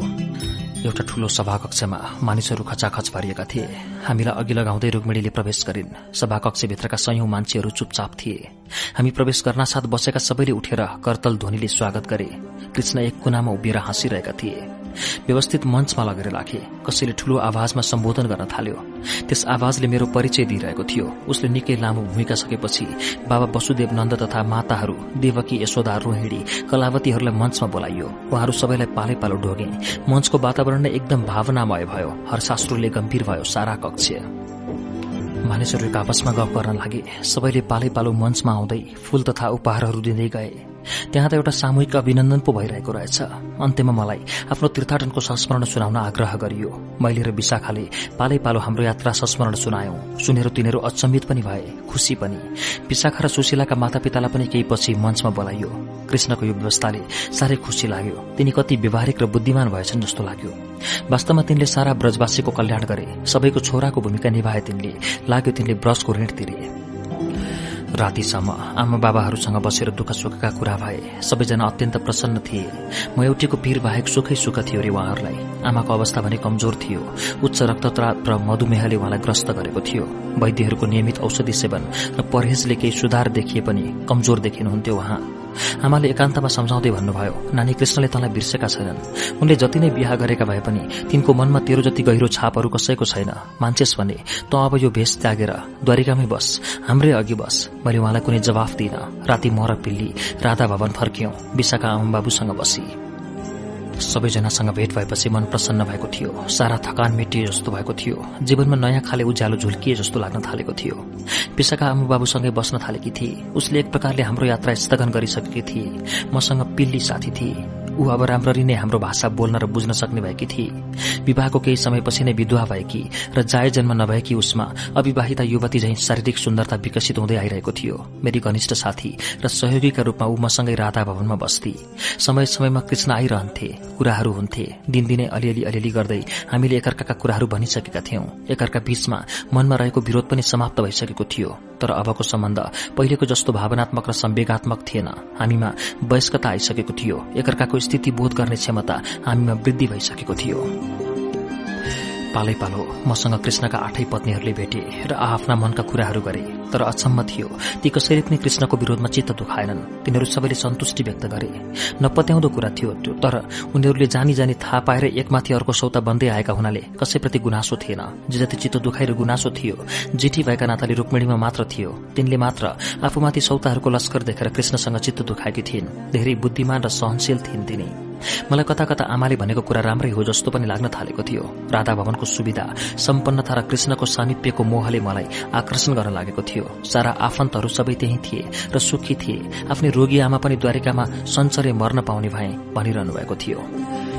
माता देवकीले एक दिन मलाई एकान्तमा भन्नुभयो नानी राधा कृष्णकी अन्तिम प्राप्ति भनेकी तिमी नै हौ। तिम्रै खोजीमा तिम्रै तिर्सनामा कृष्णले यात्रा गर्यो। आइमाईहरू भेला गर्दै गयो। उसभित्रको तिम्रो उपस्थितिले ऊ एक प्रकार मानसिक रोगी जस्तो भयो। त्यसले प्रत्येक युवतीमा तिम्रो विशेषताका अंशहरू देख्यो र तिनीहरूलाई हरण गरिरह्यो। तर त्यो ती कुनै पत्नीहरूबाट सन्तुष्ट छैन। तिमीले कृष्णलाई स्वीकार गर नानी। कृष्णभित्रको पीड़ालाई शान्त पारिदेऊ। देवकी माताका कुराले भने म जसङ्ग भए। म कसरी कृष्णलाई स्वीकार गर्न सक्थे? म कसरी कृष्णकी सोह्र हजार एक सय नौ पत्नी बन्न सक्थे? कृष्णले जति नै मान सम्मान गरे पनि म भित्र उनको जति नै प्रेम भए पनि तर म उनलाई पति मान्न कसरी सक्छु? उनले गरेका सबै गल्तीहरूलाई म कसरी अनुमोदन गर्न सक्छु। मैले देवकी मातालाई कुनै जवाफ दिइन। तर मैले कता कता द्वारिकामा बस्ने बारे गर्न लागेको। कल्पनाको सम्भाव्यताले तर्से। मैले द्वारिकामा स्थायी बस्नु भनेको। कृष्णकी नयाँ रखेल्नी हुनुभन्दा बढ़ी हुँदैन। सारा समाजलाई थाहा छ। उनको र मेरो पूर्व सम्बन्ध। त्यस सम्बन्धलाई अझ विकसित रूपमा मानिसहरू हेर्नेछन् र त्यो हेर्नु स्वाभाविक पनि हुनेछ।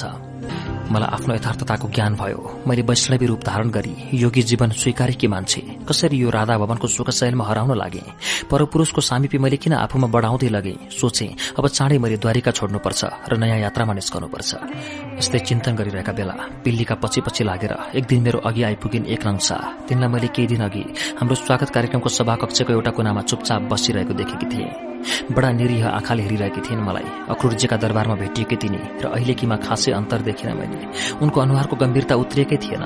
मैले उठेर तिनलाई स्वागत गरे। मलाई तिनी एक महान नारी हुन् भन्ने लाग्छ। इतिहासले अनौठो पात्रको रूपमा स्थापित गरेको थियो तिनलाई। छेउमा आएर उभिन् हातमा समातेर डोर्याउँदै आराम कुर्सीमा लगी बसाए। पिल्ली हामीलाई एकान्त दिन फर्केर गई। धेरै बेरसम्म एकअर्कालाई हेराहेर मात्र गरिरह्यौं। मैले नै कुरा शुरू गरेँ। के छ बहिनी दिनचर्या? कसरी बितिरहेछ समय? ठिकै छ। बितिरहेछ बिस्तारै बिस्तारै। उनको छोटो उत्तर थियो। फेरि मौनता छायो धेरै बेर मैले नै कुराको शुरूआत गरेँ। आफ्नो तीर्थयात्राको वर्णनबाट कुरा गर्दा गर्दै कृष्णका कुरा आए। तिनले आफूलाई व्यवस्था गरेका कुराहरू आए। मनका धेरै भडासहरू पोखे तिनका अघि। किन किन ज्यादै कम बोल्ने भए पनि तिनले मनको मर्म बुझ्न सक्छिन् जस्तो लाग्यो भेटेपछि। चुपचाप सुनिरहन् मेरा कुरा। मैले लगभग आफ्नो कथा सकेपछि बोलिन् बिस्तारै राधा हामी नारीहरूको कुनै मूल्य छैन पुरूषहरूको समाजमा। तिनीहरू हामीलाई उपभोग्य वस्तु ठान्दछन् पदार्थ जस्तो। आफ्नो स्वार्थमा प्रयोग गर्छन् तिनीहरू। नारीलाई नर्तकी बनाएर नगरवधु बनाएर पत्नी बनाएर प्रेमिका बनाएर जसरी पनि आफ्नो हितमा प्रयोग गर्छन्। उनीहरूको स्वार्थको पूर्ति भएन भने कहिले नै फालिसक्छन् तिनीहरूले। तिनीहरूबाट भिन्न रहन पनि सक्दैनौ हामी। तिनीसँग लडेर हक लिन पनि सक्दैनौ। हुन त तिमीलाई मेरो कुरा राम्रो लागेन होला तर मैले समाजमा नारीको अवस्थालाई अत्यन्त कमजोर देखेकी छु। हामी केवल सहन मात्र जन्मेका सहन मात्र सिकेका तिनीहरूले स्थापना गरेका आदर्शहरूका हामी उपभोग्या तिनकै हितमा। एक नम्साका कुरा एकदम नै निराशाजनक थिए। तिनको बोलीमा पनि त्यस्तै भाव थियो। मैले भने एक नम्सा त्यति साह्रो उदासीन किन हुनु? पुरूष बेगरको संसार पनि त हुन सक्दैन। पुरूष र नारीलाई समान अवसर र हैसियतको बनाउनतिर लाग्नु राम्रो होइन र किन होइन? तर हाम्रो कुरा कसले बुझ्छ यहाँ? पतिप्रताको नाममा पुरूषका गोडा धोएर पानी पिइरहने यी नारीहरू कसरी हाम्रा कुरा मान्छन्? एउटा पुरूषले जति पनि स्त्रीसँग विवाह गर्नु जायज हुने तर नारीले एक पतिव्रता धर्मपरायण हुनुपर्ने कसले बनायो यस्तो रीति? देख्दिनौ प्रत्येक बिहान कृष्णको गोडा धोएर पानी खान्छन् रुक्मिणी जसले सारा भारतवर्षका राम्रा युवतीहरूलाई पत्नी बनाएका छन्। रुक्मिणीको पतिभक्तिको के अर्थ छ यहाँ? उनका कुराले मेरो दिमागमा प्रभाव पार्न थालिसक्यो भइसकेको थियो। उनी भन्दै थिइन् तिमी पनि प्रेमका कुरा गर्दै संसार गाउन निस्केकी छौ। कृष्णसँगको प्रेमको असफलताले तिमीलाई विरक्त पारेको छ। तिमी आफ्नै जीवन कृष्णकै नाममा उनीलाई सम्झँदै बिताउन हिँडेकी छौ। तर तिम्रो यो व्रतलाई कृष्णले कसरी हेरेका छन्? एक सामान्य विषयभन्दा बढी तिम्रो यो अवस्थाले तिमीलाई छोएको छ र अन्त पत्नी संकलक कृष्णको प्रेममा तिमीले आफूलाई चढाउनु हामी नारीको कमजोरी होइन र तिनी भित्रभित्रै कृष्णसँग नराम्रो गरी रिसाएकी रहेछन् भन्ने मैले बुझेँ। कृष्णको विवाह अभियानले तिनलाई नराम्रो असर पारेको रहेछ। मैले भने सखी एक नंसा मैले प्रेमलाई अब एउटा सृजनशील ऊर्जा तत्वको रूपमा बुझ्न लागेकी छु। यो कसैलाई प्राप्त गर्नु र शरीरको भोग गर्दै बित्ने मनोभाव मात्र नभएर जीवनलाई नजिकबाट चिन्ने र त्यसलाई रचनात्मकतामा परिवर्तन गर्ने विषय ठानेकी छु अचेल। मेरा कुराले तिनको चित्त बुझाउन नसकेको मैले देखेँ। तिनको गम्भीरतामा कति पनि परिवर्तन आएको थिएन तर त्यो गम्भीरता पनि सुन्दर र आकर्षणयुक्त थियो। त्यो तिम्रो कुरा हो राधा। तिमी त्यसैमा सफल बन मेरो शुभकामना। तर मैले त छोरीको अवस्थालाई मानव सभ्यताले साह्रै नै नाजुक बनाएर सजाएको देखेकी छु। मैले बोली नबोली नारीको जीवनको नारकीयतालाई नजिकबाट देखेकी छु। राधा तिमी त एउटा वात्सल्यपूर्ण समाजमा हुर्कियो। ब्रजको समाजले छोरा र छोरीहरूमा कुनै भेद राखेनछ त्यसैले त तिमी र कृष्णको प्रेमको चर्चा संसारभरि फैलिएको र आदरणीय छ। तिमीलाई मथुरामा भेट्दै पनि मैले ती सब कुरा सुनेकी थिएँ। तर मथुरामा नारीको अवस्था कति दयनीय थियो त्यसको तिमी कल्पना पनि गर्न सक्दिनौ। यता कृष्णको द्वारिकामा पनि नारीको इज्जत कहाँ छ भन त? कि एउटा पुरुषले यत्र हजारौं नारीहरूको इच्छा पूरा गर्न सक्ला तर तिनीहरू बाँधिएका छन् बाध्यताले? राधा प्रत्येक नारीले कृष्णसँग एक रात पाउनु पर्दा पनि उसले चौवालिस वर्षको पालो पर्खिनुपर्छ। के यो सम्भव छ? कृष्णले मन पर्दा केही नारीको भोग गरी अरूलाई विद्वा जस्तो पारी सुनको पिंजडामा थुनेर किन राख्छन्? आफूले पनि सुख दिन नसक्ने अरूलाई पनि बाटो छेक्ने उनको यो व्यवहार के क्रूर कंशको जस्तै तर दयालु क्रूरता भएन र? एक मंशका कुराहरू धेरै गम्भीर थिए। तिनी विषयको चुरुमा पस्न चाहन्थिन्। पुरूषहरूले निकृष्टताकी एक सबल नमूना हुँ म तिमी मलाई नै हेर मेरो जीवनलाई हेर। म ब्रजमा जन्मिएकी रहेछु यशोदा माताको कोखमा। त्यही हुर्केकी भए तिम्री प्रिय सखी भन्ने थिए होला। तर मलाई जन्मना साथ नन्द बाबाले छोरासँग साटे तिनलाई छोराको रहर रहेछ। अर्काको नवजात छोरो देख्न साथ तिनको पुत्र मोहले फणा उठायो। कति सजिलै बिचरा प्रसव पछिको पीड़ाले अजाक फल्टिएकी मेरी आमा जसले मेरो अनुहार पनि देख्न पाएकी थिएनन्। तिनलाई समेत थाहै नदिई कृष्णसँग साटिदिए त्यो पनि यो जान्दा जान्दै कि मलाई कंसले कृष्ण सम्झेर मार्नेछ वा देवकीको आठौं गर्भको बालक दण्डका रूपमा म मारिँदैछु। नन्दबाबालाई अलिकति पनि त्यो बालिकाको माया भएको भए किन तिनका ती अपराधी हातहरू कामले थिएनन् र कसरी सक्थे तिनले? यशोदा माताको छेउबाट मलाई उठाएर वसुदेवका पोल्टामा हाल्न अनि ती वसुदेव जसले आफ्नो पुत्रलाई सुरक्षित गरिसकेपछि म परपुत्रीलाई कति सजिलै कंशको हातमा सुम्पेका थिए हत्या गर्नका लागि। बरु त्यो दुष्ट कंशभित्र सानो विवेक रहेछ जसले आठौं गर्भमा पुत्र जन्मनु पर्ने जो उसको शत्रु हुन्थ्यो यो पुत्रीको किन वध गर्नु भनी छोडिदिएछ? म दरबारका दासी र धाईहरूको न्यानो माया पाएर हुर्किएँ। एक नंसा भन्दै गइन् राधा हाम्रा आमाहरू यशोदा र देवकी दुवै कति दयनीय रहेछन् जसले दस दस महिनासम्म गर्भमा बोकेर जन्माइएका बालकहरू एकैछिनको पनि पीड़ादायी लगानी नभएका बाबुहरूले साटिदिएको थाहा पाउँदैनन्। अर्काको सन्तानलाई आफ्नो भनी चाटिरहेका हुन्छन् दुध चुसाइरहेका हुन्छन्। आज जो म तिम्रो अघि बोलिरहेको छु त्यो त सन्की कंशको पुरूष दम्भको प्रतिफल हुँ। त्यसले मलाई दया गरेको थिएन छोरी सम्झेर छोडिदिएको थियो। हामी त मार्न लायकका पनि छैनौ राधा। हामीलाई त दुष्टहरूले पनि मार्दैनन्। कति निकृष्ट ठान्छन् हामीलाई। उनीहरू छोराहरू मात्र बहादुर हुन्छन् शत्रु हुन्छन् राजा हुन्छन् मार्नुपर्ने लायक हुन्छन् छोरीहरू भनेका त दासी हुन्छन् भोग्या हुन्छन् सन्तान जन्माइदिने प्राविधिक यन्त्र हुन्छन् त्यति हो। म त प्रत्येकमा पुरूषमा। वसुदेव र नन्दको अनुहारभित्र पनि कंशवृत्ति देख्छु। नारीका विरूद्धको घिनलाग्दो षड्यन्त्रकारी नङ्ग्रा देख्छु। तिनीहरू माया लाग्दा दया लाग्दा प्रेम लाग्दा भएर पनि भित्रभित्रै कुटुकुटु खाइरहने किरा देख्छु। राधा पुरूष र नारी बेगर सृष्टि र समाज दुवै चल्दैन। तर चलिरहेको यो एकल पुरूष दम्भको संशोधन गर्नु पर्दैन। हामीमा त्यस्तो चेतना र शक्ति कहिले आउला? जबसम्म तिमी एकहोरो कृष्णका लागि रोइरहन्छौ। कृष्णलाई त्यहाँभन्दा सुख केमा हुन्छ? तिमी त उनकी सुरक्षित विकल्प भएनौ र? कतै अर्को प्राप्ति नभएका क्षण छँदैछौ प्रत्यक्षित। भन त तिमी किन कसैकी एक पक्षीय सुरक्षित विकल्प भन्ने? प्रेम भन्ने कुरा दुवैजनाभित्र एकअर्का प्रति उत्पन्न हुने समान आकर्षण होइन र? कि तिमीले एक्लै आफ्ना लागि मात्र कृष्णसँग त्यसको माग गरेकी हौ? तिम्रा निम्ति कृष्ण रुन सक्दैनन् पर्खिन सक्दैनन् व्रत लिन सक्दैनन् भने तिमी मात्र किन उनका निम्ति जीवन कुनै बारमा सुकाउँछौ? तिनी बोल्दा बोल्दै चुप लागिन्। तिनको अनुहारमा अनौठो परिवर्तन देखिएको थियो। तिनी मसँग धेरै कुरा भन्नलाई नै आएकी हुन् भन्ने बुझे। तिनले भनिन् मेरो विवाहका लागि मलाई कुनै राय लिइएन। मेरा अघि म भन्दा कैयौं वर्ष ज्येष्ठ पुरूष। लामो लामो दारी हातले मुसार्दै दुलाहा बनेर उभिएको थियो। सारा समाजको अघि मैले त्यसलाई माला लगाइदिएँ। मलाई कसैले सोधेन प्रश्न गरेन। मैले पनि आफ्नो मत कसैसँग राखिन। बेला बेला आमाहरूले आपसमा कुरा गरेको सुन्थे। कृष्णले आफ्नै बहिनीलाई कुभलो गर्दैनन्। उनले विचारेका मान्छेमा हामीले खोट खोज्नु हुँदैन। आमाहरू नै आत्मसमर्पण गरिरहनु भएको थियो। आफ्ना पति र पुत्र पुत्रहरूमाथिको उहाँहरूको विश्वास अझै अडेकै थियो। यत्रो ठूलो षड्यन्त्रपछि पनि उहाँहरूमा एकल भक्ति भक्ति कायमै थियो। मैले ऋषि दुर्वासाका बारेमा धेरै पहिले सुनेकी थिएँ। तिनी ज्यादै रिसाह छन्। ज्ञानी भए पनि ससाना कुरालाई प्रतिष्ठा बनाएर तुरन्तै जुझ्न खडा हुन्छन्। लडभिड गर्ने तिनको बानी चर्चित थियो। तिनी कति बेला केमा खुसी हुन्छन् र केमा रिसाउँछन् भन्ने उनीहरूले पनि थाहा पाउँदैनन् भन्दै मानिसहरू हाँस्ने गरेको म सुन्थे। तर कालान्तरमा उनै मेरा पति हुन आइपुगे। ती पनि त्यस्तो पति जसले यसअघि नै आफ्नी अत्यन्त रूपवती ज्ञानी तार्किक विदुषी पत्नी कन्दलीलाई उनको तर्कसँग हार्नु परेको रिसले घिउ खनाएर कालो लगाएर भस्म गराएका थिए। स्वास्नी मारा त्यस्ता स्वाठ बुढालाई बिना मेरो प्रतिक्रिया स्वयंवर गर्न लगाएका थिए। म विरोध गर्न सक्थे तर त्यसलाई खुसी खुसी स्वीकार गरिदिनु पनि एउटा विरोध नै हो मेरो। म जति बेला पनि त्रसित छु आतंकित छु असुरक्षित छु कुनै बेला पनि मेरो वध हुन सक्छ मेरो धर्मपतिका हातबाट। त्यस्तो मूड बुद्धिलाई स्वामी स्वीकार गरी त्यसकी दासी भएर उसको यौन साधन बनेकी छु म। के मलाई चाहिँ रूपको सुन्दरताको बलिष्ठताको यौवनको रहर हुँदैन? हजारौं पत्नी ल्याएर पनि सुन्दरताको भोकले ग्रस्त कृष्णलाई कि मेरो आकांक्षाको बोध हुनु पर्दैन। कृष्णको कालको बलि चढेकी मलाई आज कृष्णले फेरि अर्को बलि चढाइदिएका छन्। हामी छोरीहरू जन्मैदेखि परित्यक्ता हामीलाई बाँच्न रोज्न बढ्न र हुर्कन कहाँ दिएको छ यो सभ्यताले? राधा कि तिमीले मेरो कुरा बुझ्यौ? मैले के भने? एउटी अत्यन्त दरो आत्मबल भएकी नारी मेरो अगाडि विराजमान देखे साह्रै कम बोल्ने सोझी ठानिएकी तिनी आज मेरी शिक्षिका भएर प्रस्तुत भएकी थिइन्। तिनले म भित्र एउटा हुलमाल खड़ा गरिन्। आन्दोलित भए म। हाम्रो व्यवहारमा पुरूष र नारीको बीचमा यति गहिरो खाडललाई त मैले देखेकै रहेनछु। प्रेमको एकपक्षीय समर्पण भागको त्यहाँ अर्थ विचलन भएको थियो। मैले छर्लङ्ग देखेँ। आफू अघिको बाटो मैले हिँड्ने बाटो। एउटा खतरा देखेर आए म तिमीलाई भेट्न। तिम्रा बारेमा सारा नगरभरि चर्चा छ। साराले तिम्रो आदर गर्छन्। तर द्वारिकामा तिम्रो यस उपस्थितिलाई मानिसले अर्कै अर्थ लगाइरहेका छन्। अर्थात् तिनीहरू भन्दैछन् अब तिमी कृष्णसँगै बस्दैछौ। उनीकी प्रिया भएर? आमाहरूले कुरा गरेको पनि सुने। उनीहरू तिमीलाई कृष्णसँग बस्न प्रेरित गरिरहेका छन्। तर मलाई यो राम्रो लागेन यो कुरा। सोध्न आए कि म तिमीलाई। कृष्ण पनि पहिलाभन्दा ज्यादै प्रसन्न छन्। तिनले पनि आमाहरूलाई प्रभावित गरिरहेको बुझेकी छु मैले। इच्छा त तिम्रो हो। तर मेरो राय मान्छेौ भने अब तिमी कृष्णकी रखेल वा पछिल्ली कान्छी पत्नी किन भन्छौ राधा तिमी वैष्णवी भएर हिँडिसकेकी मान्छे। अब यस घिनलाग्दो संसारमा नफर्क सके म जसङ्ग भए एक लंसाको कुरा मलाई कठोर ढुङ्गा प्रहार जस्तो भयो। मैले कृष्णकी रखेल हुने वा उनकी पछिल्ली पत्नी हुने त कल्पनै गरेकी थिएन नगरमा चलिरहेका अनेक हल्लाहरूको यो सूचनाले म निकै उत्तेजित पनि भए। कृष्णसँग पनि मलाई रिस उठ्यो। तिनले किन त्यस्तो वातावरण तयार गर्न खोज्दैछन्? मैले तिनीप्रतिको प्रेमलाई विसर्जन गरेकी छैन। त्यो गरिँदैन पनि तर मलाई नसोधी तिनले कसरी यो कल्पना गरे होलान्? जाने बेलामा पनि तिनले भनिन् राधा मान्छे भने तिमी द्वारिकालाई त्याग। यत्रो ठूलो संसार छ। भारतवर्षमा तीर्थै तीर्थ छन् कतै गएर बस। उनी निस्केर गइन्। म अलमल्ल परेर बसिरहे। विशाखा मलाई भेट्न आई। एक नंसाले मेरो चेतनाको पर्दा उगारिदिएकी थिइन्। तिनीभित्र विकसित भएको पुरूषवादी समाजको स्वरूपको चित्रण स्वाभाविक थियो। गम्भीर भए म पनि मैले द्वारिकामा यसै बसिरहनु उपयुक्त थिएन। मैले आमा बाबाहरूलाई भेटी आफ्नो तीर्थाटनको यात्रा फेरि प्रारम्भ हुन लागेको बताए। मेरो कुरा सुनेर उहाँहरू अलमल्ल पर्नुभयो। उहाँहरूको सोचाइमा अब मेरो यात्रा समाप्त भएको र द्वारिकामा सदाका लागि बस्न लागे कि सम्झनु भएको रहेछ।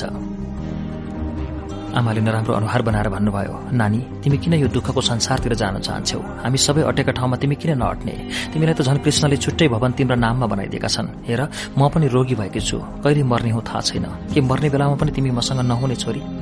आमाका कुरा मार्मिक थिए मनलाई हल्लाउने खालका थिए। भावुक बने म धेरै बेर। मैले मेरो बाल्यकाल सम्झे ब्रज सम्झे पिताको रजगज सम्झे ब्रजको त्यो सुख र सम्पन्नता सम्झे। लाग्यो ती सबैबाट छुटाएर आज आमालाई यो ठाउँमा आइपुग्ने बनाएको मैले नै हो। कृष्णसँगको मेरो संगतको परिणामले नै क्रमशः हुँदै आएका हुन् यी सबै कुरा। तर मैले भावुकताको बसमा परेर अब द्वारिकामा बस्नु पटक्कै ठिक थिएन। मैले भने आमा साह्रै नै नराम्रो हालतमा छु म। म यो द्वारिकामा कुनै पनि हातमा बस्न सक्दिनँ। मैले कृष्णका समीप बस्नु नै आफूलाई समाप्त गर्नु हो। म यहाँ बस्नु भनेको कृष्णकी रखेलका रूपमा रहनुपर्छ अब। तिनले मलाई शारीरिक दुरूपयोग गर्न नसक्लान् तर समाजको नजरमा म कृष्णकी पछिल्ली पत्नीका रूपमा विस्तारै प्रचारित हुँदै जानेछु र यो मलाई सहन हुँदैन। म राधा कृष्णकी सोह्र हजार एक सय नौ पत्नी हुन सक्दिन। मेरा कुरा सुनेर उहाँ केही बोल्नु भएन। गम्भीर हुनुभयो। मैले भने म त वृष भानुकी छोरी। के म त्यसो गर्न सक्ने माता? अत्यन्त अनिर्णित अनुहारले आमाले मलाई हेर्नुभयो भन्नुभयो छोरी कति संकटहरू हामीलाई उदास देखिनुभयो। मैले नन्द वसुदेव बाबाहरू यशोदा रोहिणी देवकी माताहरू शशिकला सरस्वती माधवी आदि सबै साथीहरूसँग भेटेर आफ्नो नयाँ यात्राको कुरा बताए। तिनीहरू सबै उदास भए। तिनीहरू कसैले पनि दह्रो गरी मलाई यात्रामा ननिस्की भन्न सकेनन्। सबैसँग विदा मागिसकेपछि यात्राको तयारीमा लागे। देखेको कतै थिएन। यात्राको अनकन्टार अनुभूति छँदै थियो। भौगोलिकताको राम्रो ज्ञान नभएकी मलाई यात्रा सजिलो थिएन। तर यसपालिको यात्रा हिमालय क्षेत्रतिर गर्न मन थियो। मथुरामा भेटिएका हिमालय क्षेत्रका व्यापारीहरूले त्यस क्षेत्रको आकर्षक व्याख्या गरेका थिए। विशाखा मलाई भेट्न आई। त्यो रुँदै आएकी थिए रिसाएकी पनि थिए बोली राधा त साह्रै चाम्री रहेछस्। कसैले भनेको सुन्दिनस्। त एक्लै यस्तो दुःखको संसारमा किन जान चाहन्छस्? तैँले घरिघरि मलाई किन दुःख दिन लाग्यो कि तैँले नभने पनि कि म तँलाई एक्लै हिँड्न दिएर यो द्वारिकामा बस्नुला भने कि? धुरु धुरु रुँदै थिए विशाखा। भन्दै थिए राधा हेर हामीले यो एउटा यस्तो राम्रो जीवनलाई किन त्यसै बर्बाद गर्नु? यहाँको यस्तो सुखलाई त्यागेर अज्ञान दुःखको संसारतिर किन लाग्नु? म त तँलाई रोक्न आए कि? तैँले अब यही द्वारिकामा बसेर ज्ञानको प्रचार गर्नुपर्छ। मैले भने विशाखा मेरी साथी तेरो विचारको म कदर गर्छु। वास्तवमा मैले यसरी नहिँड्नु पर्ने तर हेर तिमीहरू कसैले पनि मेरो मनोदशा बुझ्दैनौ। द्वारिकामा म कुन हैसियतले बस्नु? यो राधा भवनमा मेरो उपस्थिति कुन रूपमा रहन्छ? विशाखासँग धेरै बेरसम्म कुराहरू भए मेरा सारा कुरा सुनेपछि ऊ केही बोलिन। मैले उसलाई सम्झाउँदै भने त अब मसँग किन जान्छस् विशाखा? तेरो यात्रा अब पूरा भएको छ। तैँले अब एक राम्रो युवकसँग विवाह गरी जीवन सुरु गर्नु। आमा बाबाहरूलाई सन्तुष्टि दिनु।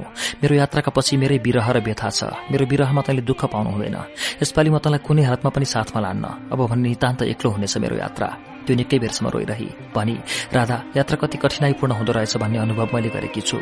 यात्रामा साथीको कति खाँचो पर्छ भन्ने पनि मैले बुझेँ। तँलाई त्यस्तो कठोर यात्रामा कसरी एक्लै जा भनौँ? जीवन एउटा यात्रा नै हो मैले उत्तर दिएँ। जीवनमा आउने सबै दुःख सुखलाई आत्मसात गर्दै अघि बढ्नुपर्छ हामीले। विशाखा यात्रामा सधैँ सबैको साथ पाइँदैन। त्यसैलाई त एक्लैले पूरा गर्नुपर्छ। केही दिनभित्रै म द्वारिकाबाट हिँड्दैछु भन्ने समाचार चारैतिर व्याप्त भयो। यो कुरा सुनेर सबैभन्दा अचम्मित भएका थिए कृष्ण। तिनले अब म त्यहाँबाट हिँड्नेछु भन्ने सोचेकै रहेनछन्। म जाने कुराले रुक्मिणी पनि दुखी भइन्। कृष्णका प्राय धेरै पत्नीहरूले मलाई भेटे। कतिले त्यहीँ बस्न अनुरोध गरे। कतिले यात्राका लागि शुभकामना दिए। एक दिन साँझमा मेरो एकान्ततालाई भङ्ग गर्दै पिल्ली मेरो छेउमा आई। त्यसको अनुहार साह्रै उदास थियो। अनुहारमा अनाथियता व्याप्त थियो। छेउमा बसाएँ त्यसका हात समाते सोधेँ त्यसले साह्रै नराम्रो अनुहार बनाएर रोई। धेरै बेरसम्म त्यो बोल्नै सकिन। म पनि भावुक भएछु। मलाई पनि त्यसको असाध्यै माया लाग्न थालिसकेको थियो। कम बोल्ने गम्भीर प्रकृतिकी त्यो मेरा हरेक काममा सहयोगी थिए। साह्रै ख्याल गर्थे त्यसले। त्यसले मेरो केही बानी पनि बिगारेकी थिए। अरूसँग भर पर्ने हुन लागेकी थिएँ म कति कुरामा। यात्रामा मलाई यस्ता बानीहरू दुःखदायी हुने थिए। मैले त्यसलाई धेरै बेर सुमसुमाएर थपथपाएर माया गरेर उसको व्यथा सोधेँ। टुटेफुटे भाषामा त्यसले आफ्ना कुरा भने म कहाँ कि मान्छे? आज कहाँ आइपुगेकी छु? म एक्लै अब मेरो गाउँमा पुग्न पनि सक्दिनँ। मेरा आफन्तहरूसँग भेट हुने त झन् सम्भावनै छैन। तपाईँसँग भेट भएपछि मेरा आमा बाबु साथी सबै तपाईँ नै हुनुभएको थियो। तपाईँको मायाले मैले मेरी बुढी सासूलाई पनि एक्लै छाडिदिएर आएँ। तपाईँमा मैले आत्मीयताको गहिरो दह देखेकी थिएँ। यो सुखपूर्ण संसारमा ल्याइपुर्याउनु भयो। यहाँ आइपुगेपछि म झन् अचम्मित भएकी थिएँ। कृष्ण जस्ता महान मान्छे तपाईँका प्रेमी रहेछन्। तिनले अझै पनि तपाईँलाई यत्रो माया गर्दा रहेछन्। तर आज तपाईँ फेरि यी सारा सुख शैलीलाई चटक्क बिर्सिएर तीर्थाटनमा जान लाग्नु भएको छ। मैले तपाईँको मनको सबै पीड़ा बुझेँ दिदी। तपाईँलाई आफ्नो यात्रा रोक्नुहोस् भन्दिनँ तर मेरो एउटा अनुरोध स्वीकार गरिदिनुहोस्। त्यो अनौठो अनुहारसँग चुप लागि। मैले भने भन बहिनी तिम्रो के कुरा हो? त्यसले भने तपाईँको यात्रामा मलाई पनि सामेल गराउनुहोस्। म तपाईँ बेगर एक्लै यहाँ कोसँग बस्छु म जसँग भएँ? त्यसले त्यसो भन्ने भन्ने मैले सोचेकी पनि थिइनँ। म निकै बेर अन्तर्द्वन्दमा परेँ। एक प्रकारले कता कता मनमा खुसी पनि लाग्यो। यात्रामा एउटा साथी त चाहिन्छ नै तर यसपालिको यात्रा अनिश्चित थियो। फेरि यता फर्किएर नआउने र एकहोरो गइरहने नदीको पानी जस्तो थियो यो यात्रा। मैले त्यसलाई त्यस्तो लामो यात्रामा कसरी लानु? मैले भने पिल्ली तिमीले भनेको कुरा महान हो। तिमीले मेरा बारेमा यति धेरै सोचिदिनु पनि ठूलो कुरा हो। तर म तिमीलाई यस्तो यात्रामा कसरी लान सक्छु? म अब यहाँ कहिले फर्कन्न? कहाँ पुग्छु? के हुन्छु? कहाँ मर्छु? बाँच्छु? ठेगान छैन।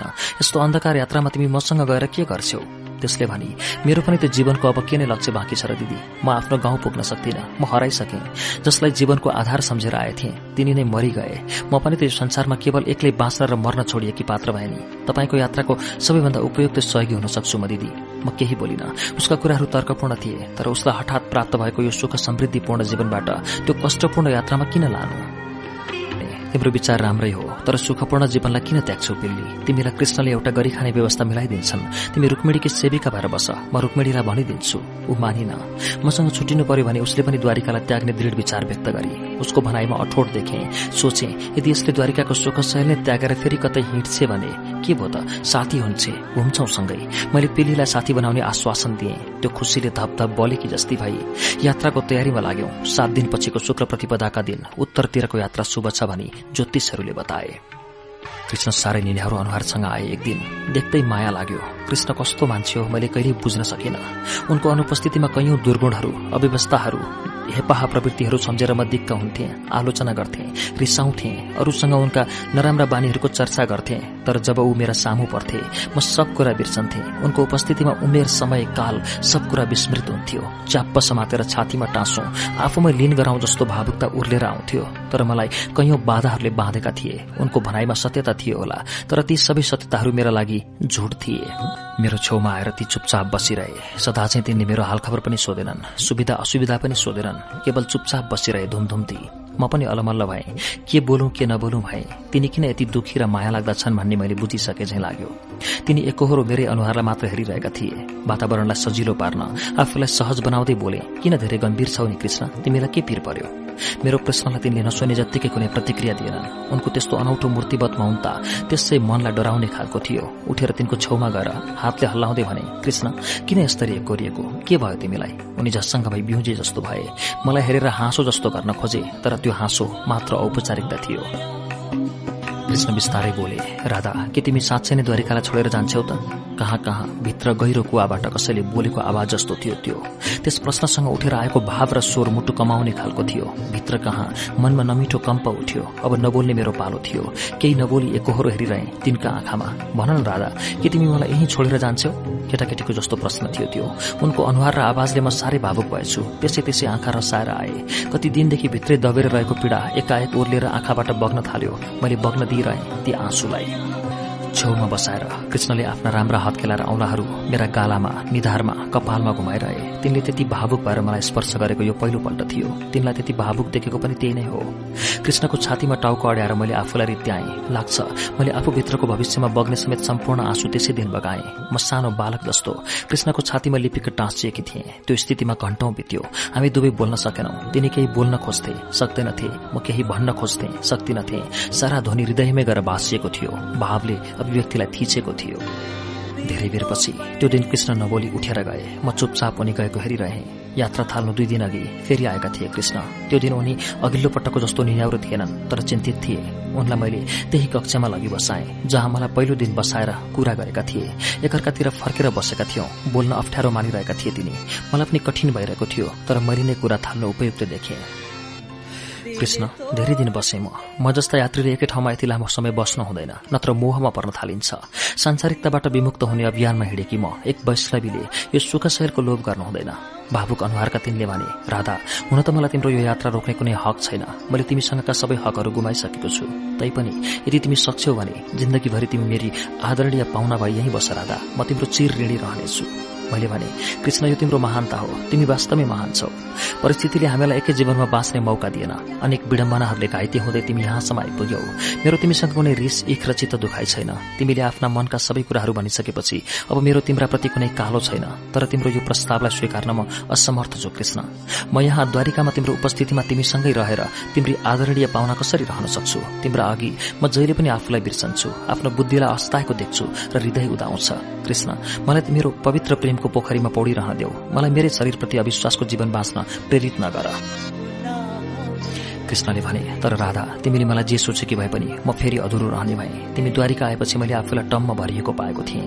मेरा मनमा शरीरमा कहीँ पनि अभाव भन्ने थिएन। मैले जीवनमा पाउनुपर्ने सम्पूर्ण कुरा पाएको बोध गरेको थिएँ। तिमीलाई यो भवन उपहार दिएर म हर्कले गदगद भएको थिएँ। तर अब फेरि यो भवन रित्तो हुने भयो यो सुनसान भवन जहाँ तिम्रो उपस्थितिको स्मृति मात्र लिएर मैले मेरो पीडा र द्वन्दका क्षणहरू बिताउनु पर्ने भयो राधा यो भवन भनेको तिम्रो हृदय हो जहाँ मैले आफूलाई राख्ने गरेको छु।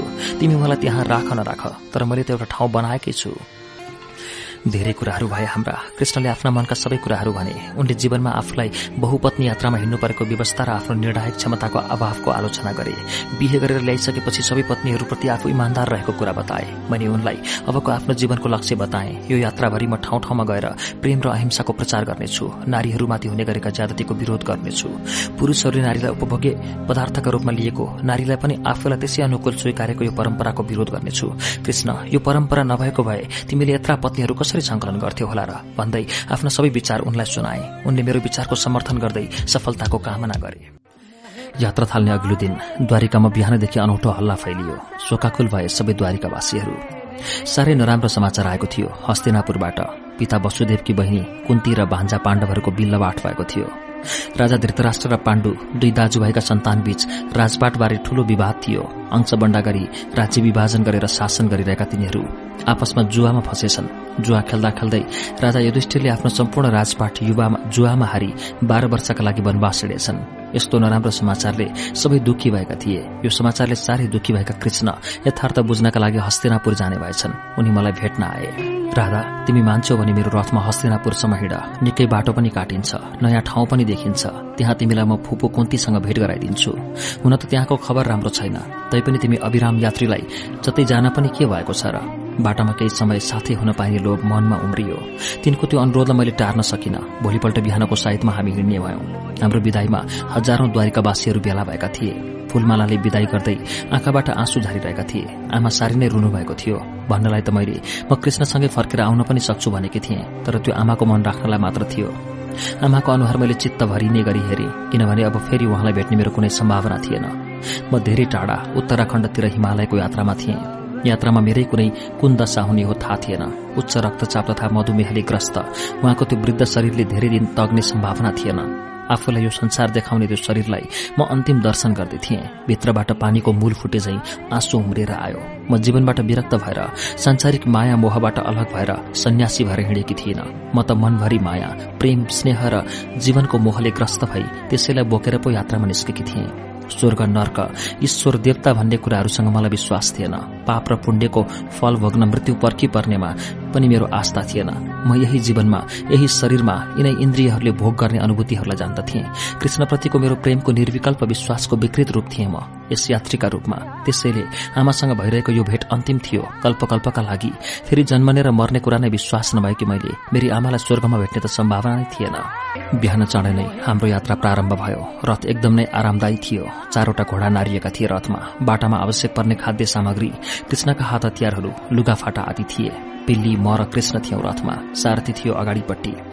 बाटाभरि धेरै कुराहरू भए। पिल्ली पनि साथै भएकाले हाम्रा व्यक्तिगत कुराहरू भएनन्। कृष्णले यस यात्रामा पाण्डव र कौरवका बारेमा विस्तृत चर्चा गरे। तिनीहरूको जन्मकथादेखि लिएर बाल्यकाल र वर्तमानसम्मको चर्चा गरे। कौरवहरूमा जालझेल र षड्यन्त्र ज्यादा रहेको र पाण्डवहरू सोझा र इमान्दार भएको चर्चा गरे। त्यसअघि मैले कौरव र पाण्डवका बारेमा केही पनि सुनेकी थिइनँ। कृष्णले भनिरहँदा मलाई पाण्डवहरूको विवाहको कुरा भने नराम्रो लाग्यो। जस्तै भए पनि एउटी नारीलाई पाँच पाँचवटा लोग्नेले भोग्नु कति नराम्रो कुरा हो। पाँच पाँच बलवान पुरूषकी एक साझा पत्नीका रूपमा द्रौपदीलाई के आनन्द होला र पुरूषहरूले नारीलाई किन यसरी जसो मन लाग्यो त्यसै गरेका होलान्? एउटा कृष्णले त्यत्रा नारीहरू एक्लै भोग्छन् कहीँ? कहीँ पाँच पाँच पतिले एउटी नारी भोग्छन्? कृष्णले द्रौपदीको रूप शील स्वभाव आदिको अत्यन्तै प्रशंसा गरे। भन्थे म पनि द्रौपदी स्वयंवरमा भाग लिन पाञ्चाल दरबारमा पुगेको थिएँ। त्यसबेला विभिन्न देशका वीर वीर राजकुमारहरू द्रौपदीका अघि पुगेका थिए तर स्वयंवरका लागि राखिएको कठोर शर्त पूरा गर्न कसैले पनि सकेनन्। सभाका बीचमा एउटा धनुष राखिएको थियो जसले तल पानीमा हेरी शिरमाथि चक्रमा घुमिरहेको माछाका आँखामा निशाना लगाउनु पर्थ्यो। त्यहाँ उपस्थित राजकुमारहरू कतिले धनुषै उठाउन सकेनन् कतिले ताँदो चढाउन सकेनन्। निशाना त कसैले लगाउँदै लगाएन। बर्माला हातमा लिएर उभिएकी अत्यन्त सुन्दरी द्रौपदी निराश हुन लागेकी थिइन्। राजाले अन्त्यमा उपस्थित मध्ये जसले पनि त्यो शर्त पूरा गरे स्वीकार गरिने दोस्रो प्रस्ताव राखे। मलाई आँट थियो तर म चाहन्थे सबैभन्दा अन्तिम प्रतिस्पर्धी बन्न। राजाको पछिल्लो उर्दी पनि खाली जान्छ र अन्त्यमा म जाउँला भनी सोच्दै थिएँ यस्तैमा एउटा ब्राह्मण युवक उठेर धनुषका छेउमा पुग्यो। ब्राह्मणले स्वयंवरमा भाग लिन पाउँदैन भनी केही राजकुमारहरूले विरोध गरे तर राजाले खुला प्रतिस्पर्धामा छोडिएको पुनः घोषणा गरेपछि त्यो ब्राह्मण युवकले सजिलै धनुष उचाली दाँतो चढाएर माछाको आँखामा बाण अल्झाइदियो। सारा सभाकक्षमा तालीको गडगाहाट भरियो। म आश्चर्यचकित भए को हुन सक्छ त्यो ब्राह्मण? कुनै ऋषि पुत्र हुनुपर्छ भन्ने सोचे। केही राजकुमारहरू युवकसँग युद्ध गर्न तम्से तर बाजी जित्न नसक्ने लुम्दाहरू के युद्ध गर्छौ भनी द्रौपदीले ठाडो आक्षेप लगाएपछि तिनीहरू शान्त बने र हिँड्न लागे। त्यस स्वयंवरमा कर्ण दुर्योधन र अरू कौरव भाइहरू पनि थिए। दुर्योधनले पनि त्यो प्रतिस्पर्धा जित्न सकेको थिएन। मेरो कौतूहल शान्त गर्न भोलिपल्ट द्रौपदीलाई भित्राइएको घर खोज्दै जाँदा एउटा झुप्रोमा पो थिए तिनीहरू। त्यसै झुप्रोबाट निस्कनु भयो। फुपू कुन्ती परिचय भयो। ती युवक अर्जुन रहेछन् मेरै फुपूका छोरा। पाँचै भाइहरूसँग परिचय भयो। तिनीहरू त्यस्तो झुप्रोमा केही दिनदेखि बसेका रहेछन्। राजा धृतराष्ट्रले उनीहरूलाई एउटा लाहाको दरबार बनाएर त्यहाँ राखेका रहेछन् र षड्यन्त्रपूर्वक मार्न आगो लगाएछन्। कसो कसो निस्की भागेर बाँचेका र नचिनिने रूप धारण गरी हिँडिरहेका रहेछन्। तर अचम्म भइसकेको थियो। ती पाँचैजनालाई द्रौपदीसँग विवाह गर्नु भनी फुपूले आदेश दिइसकेको रहेछ। मलाई देखेर र कृष्ण हुँ भनी चिनेर द्रौपदी साह्रै रोइन्। एकान्तमा ल्याएर सम्झाए तिनले भनिन् सबैले हारिसकेका थिए। तपाईँ मात्र एकजना बाँकी बचेपछि तपाईँले भाग लिनुपर्ने थियो। म शुरूदेखि नै तपाईँलाई हेरिरहेकी थिएँ तर एकाएक यी युवकले शर्त पूरा गरिदिए। तिनी आफ्नो भाग्यमा रोइरहन्। यत्र यत्र जवान पाँच पाँच युवककी साझा पत्नी कसरी हुनु? मलाई जितेर लिएर आउने अर्जुन मेरा पति हुनु स्वाभाविक छ तर तिनका दाजुभाइ सबैलाई कसरी पति मानौ? के म बारीको काँक्रा फर्सी हुँ र? मैले तिमीलाई सम्झाएँ तिनी धेरै रोइन्। मैले भने मैले आफ्नो तागतको घमण्डले गर्दा यस्तो घटना भयो द्रौपदी। मैले आफ्नो प्रतिस्पर्धी खोजेर गल्ती गरेँ। तिमी मेरै भाइहरूकी पत्नी भएकी छौ। तर यो तिम्रो ऋण मलाई जीवनभरि भयो। तिम्रो प्रत्येक आपत र अप्ठ्यारामा म सहयोगी हुनेछु। तिमी आफ्ना पाँच पतिहरूका साथ छैठौं एउटा मित्र पनि मलाई थप। म तिम्रो मित्रका रूपमा सदा साथ रहनेछु। मेरा कुराले तिनी केही आश्वस्त भरिन् आज तिनै द्रौपदीलाई पनि युधिष्ठिरले जुवामा दाउ थापेर हारे भनेको सुन्दा मलाई कस्तो नराम्रो लागेको छ राधा। म कृष्णका कुरा पटक्कै बुझ्न छाडेकी थिएँ। वास्तवमा तिनी के हुन्? तिनीभित्र के छ? अचम्म लाग्छ। तिनी त्यत्रा पत्तेका पति थिए र म उनकी सबैभन्दा प्यारी राधाका अघि द्रौपदीलाई स्वयंवरमा जित्न नसकेको पीर पोख्दै थिए र आज पनि मानसिक रूपमा उनी द्रौपदीलाई प्रेमिकाकै दर्जामा राखिरहेका थिए। म छक्क पर्थे उनीभित्र कत्रो खाली छ जो कहिल्यै भरिँदैन। मैले केही भनिन तर तिनी द्रौपदीप्रति निकै नै भावुक भएका थिए। तिनले द्रौपदीको कुरा गरिरहँदा म राधालाई बिर्सिएका थिए अर्थात् तिनी केवल आफैसँग मात्र कुरा गरिरहेका थिए सायद। तिनका कुराले लाग्थ्यो द्रौपदी पनि उनीसँग मात्र प्रेम गर्छिन्। पतिहरूसँग उनको भौतिक र नैतिक जिम्मेदारी मात्र थियो र आत्मा चाहिँ सबै समय कृष्णसँग थियो। कृष्णको त्यो कुराले मलाई द्रौपदीसँग पनि भेट गर्न मन लाग्यो। मैले भने के तिमी यसपालि द्रौपदीसँग भेट गर्छौ? जसरी भए पनि जहाँ भए पनि भेट्छु। त्यसो भए मलाई पनि भेटाइदेऊ तिनीसँग। उनले स्वीकार गरे। दुई तीन दिनको लामो यात्रामा कृष्णले मलाई सारा भारतभरिका राजा रजौटाका बारेमा बताए संसारभरि चलिरहेको द्वन्द संघर्षका बारेमा बताए प्राय सबै युद्धहरू छोरी बुहारीका कारणबाट हुने गरेका कुरा पनि बताए। कृष्णसँग त्यो यात्रा मलाई ज्यादै नै फलदायी भयो। पछिको मेरो यात्रामा ती कुराहरूले साह्रै नै मद्दत गरे मलाई। हस्तिनापुर पुग्दा त्यहाँको दरबार अत्यन्त तनावको अवस्थामा थियो। जनता पनि निराश र त्रस्त थिए। द्रौपदी सहित पाँच पाण्डव बाह्र वर्षको वनवास र एक वर्षको गुप्तवासमा हिँडिसकेका थिए। माता कुन्ती विदुरका घरमा बसेकी रहेछन्। हामी सिधै त्यहीँ गयौं। कृष्णलाई देखेर माता कुन्तीले साह्रै विलाप गरिन्। आफ्ना त्यस्ता वीर छोराहरूलाई अनेक षड्यन्त्र गरी कप्टी पासामा फसाएर जुवामा सर्वस्व जिती दुर्योधनले जंगल पठाएको सम्झँदै तिनी रोइन्। कृष्णको काँधमा आफ्नो शिर अडाएर फुपू रोएको कृष्णलाई असह्य भइसकेको थियो। फुपूले धेरै बेरपछि सोधिन् द्वारिकाका कुरा वसुदेव र देवकीका कुरा नन्दबाबा र यशोदा रोहिणीका कुरा। दादा बलरामको खूब सम्झना गरिन् कुन्तीले। कृष्णले फुपूसँग मेरो परिचय गराए। तिनले मलाई एकहोरो हेरिरहन् कैयौं बेरसम्म? केही भनिनन् मात्र आशीर्वाद दिइन्। दुई दिनपछि कृष्ण पाण्डवहरूसँग भेट गर्नका लागि वनतिर जान लागे। मैले पनि द्रौपदीलाई भेट्ने इच्छा दोहोऱ्याए। उनले भने पहिला तिनीहरू कहाँ छन् पत्ता लगाउँछु? त्यसपछि तिमी पनि जाउली। कृष्ण एक्लै जंगलतिर लागे। म माता कुन्तीसँगै विदुरको दरबारमा बसे। कृष्णसँग छुट्टिए पनि म माता कुन्तीकी साथी जस्तै हुन पुगे। उनले मलाई यस्तो कलिलो उमेरमा किन वैष्णवी रूप धारण गरी हिँडेकी भनी प्रश्न गरिन्। साथै उनले मेरा र कृष्णका बारेमा यसअघि नै सुनेको चर्चा बारे पनि प्रश्न गरिन्। मैले उनका अघि सम्पूर्ण बेली विस्तार लगाइदिए। किनकिन माता कुन्तीलाई देख्दा आफ्नै आमा कलावतीसँग भेट भए जस्तो लाग्यो। मेरा सबै कुरा सुनिसकेपछि उनी साह्रै भावुक भइन्। कृष्णसँग पनि उनी रिसाइन्। त्यस्तो कृष्णसँग आज पनि उही विश्वासका साथ यहाँसम्म यात्रामा आउन सकेको मेरो सौहार्द्रतालाई उनले प्रशंसा गरिन्। पिल्लीको कथाले पनि भावुक बनायो मातालाई। खास गरी मेरा कुराले माता कुन्ती आफ्नो युवाकालीन स्मृतिमा पुगिन्। सम्भवतः तिनलाई मेरो प्रेमको यो रूपले ज्यादै प्रभाव पारेको थियो। चिन्तित अनुहारले मलाई हेर्थिन् र आँखा सजल हुन्थे तिनका। दिनभरि अरू अरू नै कुरा भए हाम्रा। राति सुत्नु अघि माता कुन्ती मेरै कोठामा आइन्। मेरै पलङमा मैसँग बसेर भावुक हुँदै बोलिन् राधा तिमी मेरी छोरी हौ। तिमीलाई देखेर मलाई वर्षौंदेखि लागेको छोरीको रहर पूरा भएको छ। मैले कल्पना गरेकी छोरी तिमी नै हौ राधा। तर आजको तिम्रो यो रूपले म ज्यादै दुखी भएकी छु। तिमी भित्र रहेको प्रेमको यो रूपको म पूजा गर्छु राधा। तिमीमा रहेको प्रेमको सम्मान गर्ने क्षमताको म कदर गर्छु। बिस्तारै माता कुन्तीले आफ्ना मनका कुरा खोल्दै गइन्। भनिन् मैले आफ्नै मुखले यी कुरा कहिले अरूलाई भनेकी थिइन। तर आज तिमीलाई देख्दा किन किन यो मनलाई बुझ्ने वास्तविक पात्र भेटेको अनुभव भएको छ। राधा तिम्रो प्रेमको यो पवित्र त्यागले मलाई तिमीप्रति भक्ति भावना उत्पन्न भएको छ। उनले आफ्नो युवा काललाई साह्रै लोभलाग्दो पाराले सम्झिन् साह्रै चञ्चले थिए म त्यसबेला। बाबुआमाकी एक्लै छोरी दरबारको अथाह शोक शैलमा हुर्किएकी दाजु वसुदेवको मायाले म लाडिएकी मेरा सबै मागहरू छिनछिनमै पूरा हुन्थे। सम्पन्नताको सीमा थिएन। साथीहरूलाई उपहार दिएर म कहिले नथाक्ने तिनीहरूसँग घुम्न टाढा टाढासम्म बगैँचाहरूमा पुग्थे। युवा अवस्थाले प्रवेश गरेको यो शरीर रूप र यौवनले सम्पन्न हुँदै थियो। सुन्दर र बलवान युवकको इच्छा जागृत हुन थालेको थियो मनमा। देखिएका राम्रा साधारण परिवारका युवाहरू पनि मन पर्न थालेका थिए। यस्तै अल्लारे उमेरमा दाजु वसुदेवका एकजना मित्र थिए सूर्यनारायण। तिनी साधारण परिवारकै युवक थिए। दाजुको शिकारको रुचि भएकाले शिकार खेल्ने क्रममा तिनी दाजुका घनिष्ठ भएछन् र बिस्तारै हाम्रो दरबारमा आउन थाले। दाजुको कारण तिनलाई दरबारमा आउन रोकटोक थिएन। दाजु सँगसँगै तिनको मसँग पनि परिचय बढ्यो र घनिष्ठ भए। मेरा पनि। दाजु नभएका बेला तिनी मसँग घण्टौं बसेर कुरा गरेर खेलेर जान्थे। बिस्तारै मेरो मन तिनीतिर आकर्षित हुँदै गएछ। तिनका लागि म पर्खिन थाले। नभन्दै हामी बीच गहिरै मित्रता स्थापना भयो र पछि त्यो मित्रता प्रेममा परिणत भयो। दाजुले यो कुरा थाहा पाएर पनि खासै महत्व दिनु भएन हुँदा हुँदा रात दिन म सूर्यकै स्मरण गर्न लागे। तिनी नआएका दिन मलाई विरह चल्न थाल्यो। हाम्रो प्रेमको प्रगाढता गहिरिँदै गएर एक दिन शारीरिक संसर्गमा पुग्यो। राधा त्यो दिन मैले सुखको जुन चरम आनन्द भोग गरेकी थिएँ त्यो प्रथम र अन्तिम पनि थियो। त्यही एक प्रथम चरम सन्तुष्टिका लागि युवतीहरूले सारा जीवनको अथाह दुःखलाई पनि स्वीकार गर्छन्। सुखको त्यो क्षण तर कस्तै मूल्य र भौतिकताले पनि साट्न सकिँदैन। मैले आज भोगिरहेको यो पीड़ासँग त्यो सुखपूर्ण क्षणको पनि गहिरो सम्बन्ध छ राधा।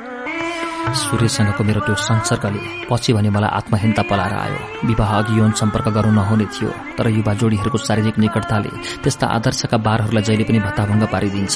यो संसर्गको केही दिनपछि नै दाजु वसुदेवको कंसकी काकाकी छोरी देवकीसँग धुमधामसँग बिहे भयो। कंसले पनि आफ्नै प्यारी बहिनी आफ्नै मित्र वसुदेवलाई दिएका थिए। तर विवाहको जन्तीबाटै कंसले बेहुला बेहुलीलाई मथुरामा महल दिएर उठे राखे। भित्रभित्र हल्ला थियो कंसले बन्दी बनाएको भन्ने। तर हामी जान्थ्यौं भेट्थ्यौं कुनै रोकटोक थिएन। कंस पनि राम्रो बलवान युवक थियो। उसले मलाई धेरै मन पराएको बुझेकी थिए। तर म भने सूर्यको प्रेमले भरिएकी हुँदा कंसतिर ध्यान गएन मेरो। बिस्तारै थाहा हुँदै गयो। वास्तवमा कंसले बन्दी बनाएकै रहेछ दाजुलाई। यो कुराले आमा बाबुलाई ठूलो पीर पर्यो। मथुरा ठूलो राज्य थियो र त्यसका अधीनमा थिए वरिपरिका साना राज्यहरू। मथुरासँग सम्बन्ध बिगारेर यी साना राज्यहरू टिक्नु सम्भव थिएन। आफ्नो युवराज मथुरामा अड्किएको ठूलो पीर थियो आमा बाबुलाई। दाजु मथुरामा हड्केपछि दाजु बिनाको यस दरबारमा आइरहन पनि सूर्यलाई शोभा दिएन। यी अप्ठ्यारालाई कसरी पार गर्ने भन्ने कुनै टुङ्गोमा नपुग्दै एक दिन जंगलबाट खबर आयो। सूर्य त जंगलमा शिकारका क्रममा बाघका आक्रमणमा परेर मरे। यो खबरले म साह्रै व्यथित भए। जीवनको प्रारम्भको प्रथम पुरूष साथीको निधन भएको थियो। तर मैले सूर्यको मृत्युको पीड़ालाई बिर्सनै पाइन। समय बित्दै जाँदा एक दिन हठात मलाई ज्ञान भयो म त गर्भवती भइसकेछु। कति डरलाग्दो र ग्लानीपूर्ण अवस्था थियो त्यो। त्यसलाई अब कसो गर्ने भन्ने ठूलो संकट पर्यो। त्यसका बारे उपाय सोच्दा सोच्दै दिनहरू बित्दै गए।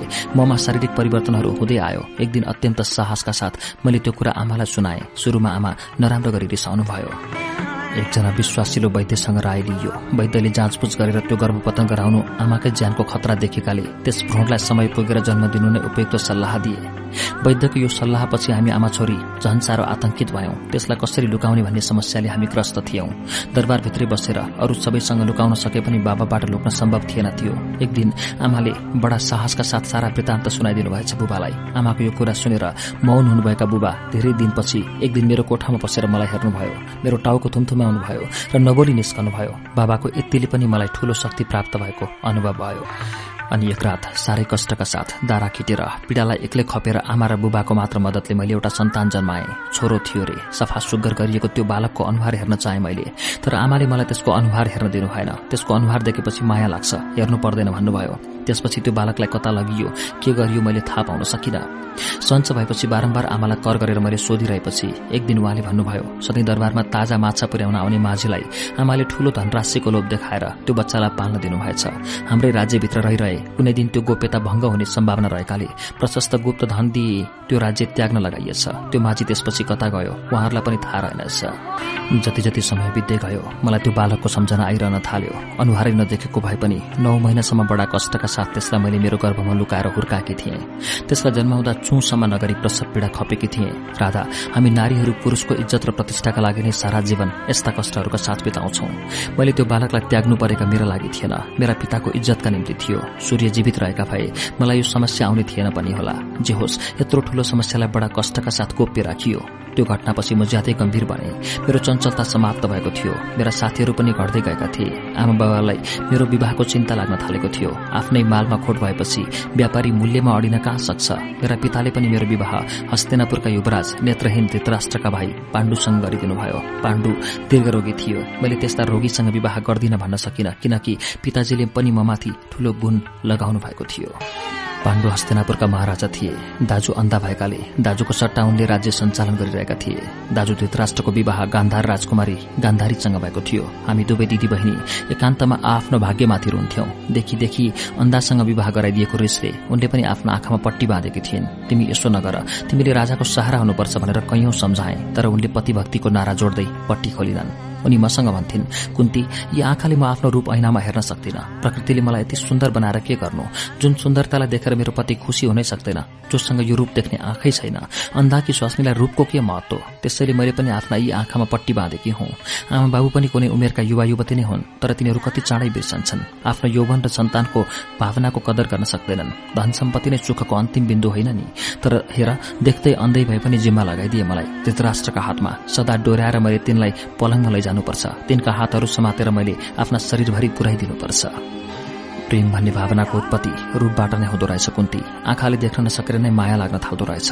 अन्तै भए पनि तिनलाई देखेकीले उनीप्रति बिस्तारै माया पलाउँदै गयो मेरो। तर तिनले मलाई कहिले त्यस्तो माया गरेनन्। जस्तो माया पतिले पत्नीसँग गर्नुपर्छ होला। साह्रै औपचारिक र काम चलाउ सम्बन्ध मात्र रहन्छ मेरो तिनीसँग। नियमअनुसार म तिनकी पत्नी बनिदिन्छु। त्यति हो। दिदी गान्धारीका कुराले म कति निराश हुन्थे। हामी दुवै एकअर्कालाई समातेर रुन्थ्यौं अनि भाग्यलाई सराप्दै सहन्थ्यौं। विवाह गरेको निकै पछिसम्म हामी दुवैले सन्तान जन्माउन सकेनौं। त्यसको पीड़ा थियो हामीलाई। मलाई त मनमनमा यस्तो पनि लाग्थ्यो। मैले आफ्नो प्रथम गर्भकै सम्मान गर्न नसकेकाले प्रकृतिले दण्डित गरिरहेकी होलिन् मबाट सन्तान हुन नसकेको ठानी पाण्डुले कान्छी पत्नी भित्राए पाण्डुको आरोप मलाई असह्य थियो। मबाट सन्तान हुन सक्छ भन्ने म प्रमाणित भइसकेकी थिएँ तर त्यो भन्नु नहुने भएकाले खपिरहन बाध्य थिएँ। कान्छी मारीप्रति मलाई ठूलो दया लाग्थ्यो किनभने त्यो समेत एउटा कमजोर यौन क्षमताको पुरुषकी लाचार पत्नी बन्न आएकी थिए। नारीलाई उसको पति राजा हुँदैमा धनी हुँदैमा पुग्दैन। एउटा सबल पुरूष चाहिन्छ पति जसबाट शारीरिक तथा गर्वको सन्तुष्टि प्राप्त होस्। कान्छीबाट पनि लामो समयसम्म सन्तान नभएपछि वैद्यहरूको सहारा लिँदा थाहा भयो पाण्डुसँगै सन्तान दिन सक्ने क्षमता थिएन। तिनको वीर्य पातलो थियो र तिनी शीघ्र स्खलित थिए। आफ्नो यस्तो कमजोरी थाहा पाएका पाण्डु साह्रै गम्भीर र चिन्तित हुँदै गए। उनको गम्भीरता र चिन्ताको हामीसँग कुनै उपचार थिएन। अब उनी हाम्रो संसर्गमा पनि थिएनन्। भित्रभित्र मसान घाट जस्तो थियो हाम्रो दरबार। कान्छीबाट पनि लामो समयसम्म सन्तान नभएपछि वैद्यहरूको सहारा लिँदा थाहा भयो पाण्डुसँगै सन्तान दिन सक्ने क्षमता थिएन। एक दिन साह्रै नै भावुक र गम्भीर हुँदै तिनले मलाई भने कुन्ती म अपुत्र कहलिने भए सन्तानहीन रहने भयो तिमी पनि। मसँग सन्तान दिने क्षमता नभए पनि तिमीसँग सन्तान जन्माउने क्षमता छ।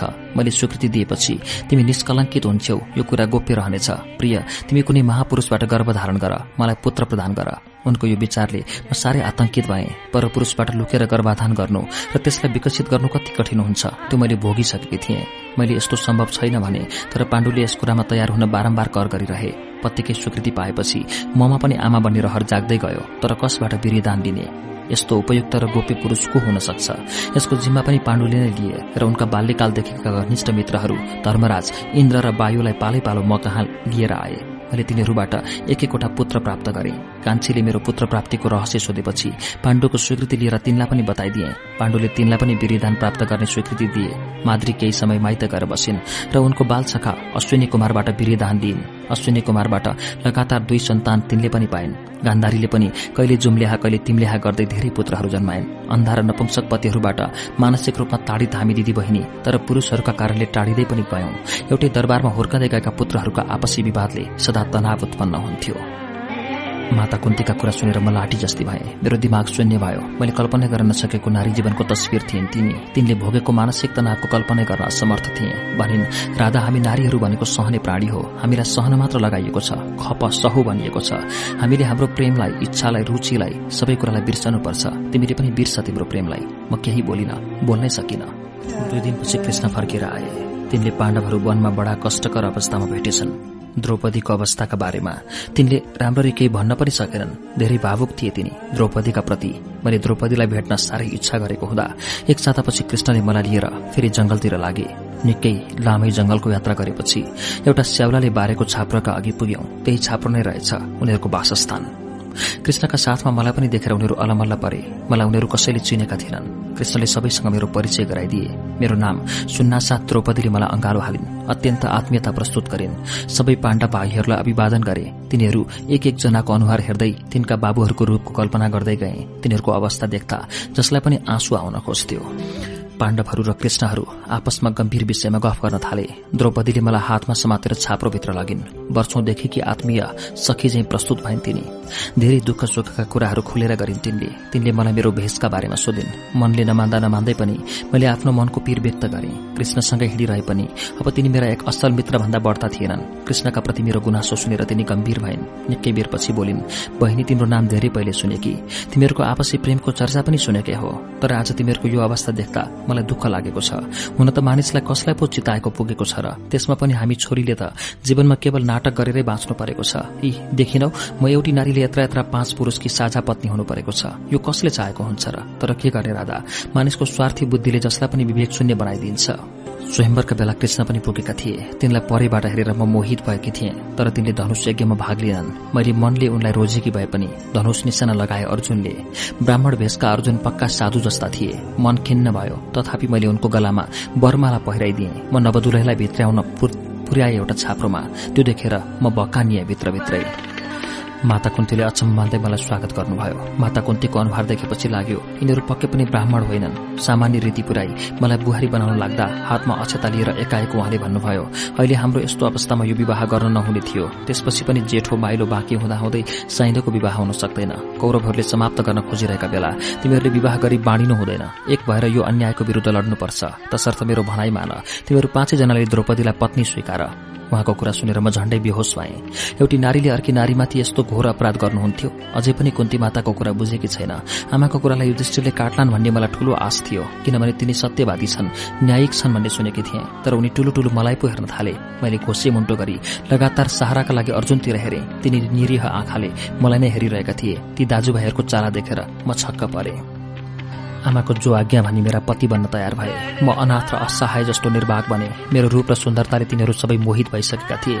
त्यसबेला मात्र मलाई आफ्नो रूपप्रति घृणा पलाएर आयो। आफ्नै विरूद्ध अरूलाई उभ्याउँदो रहेछ यो सुन्दरताले।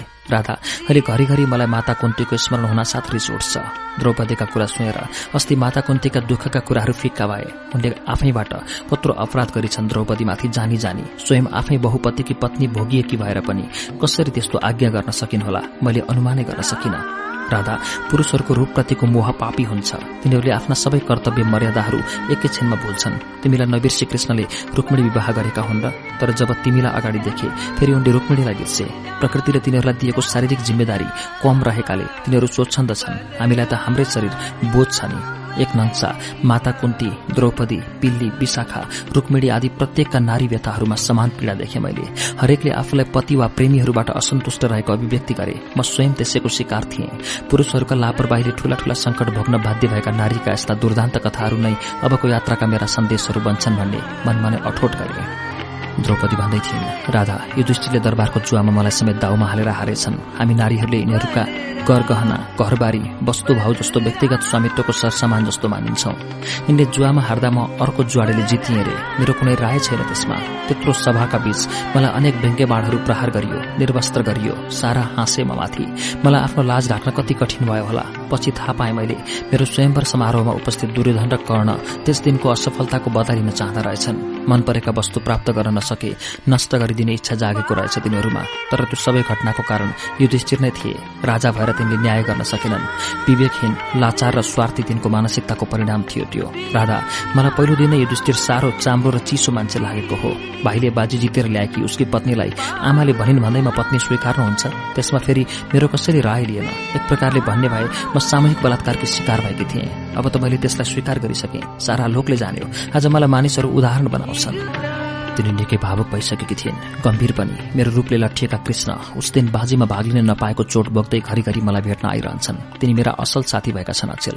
मनका सब पीर पोख्छु म तिनीसँग। तिनी मेरो कुरा सुन्छन् भावुक हुन्छन् तर तिनको भावुकता उखुको खोस्टो जस्तो अर्थहीन छ।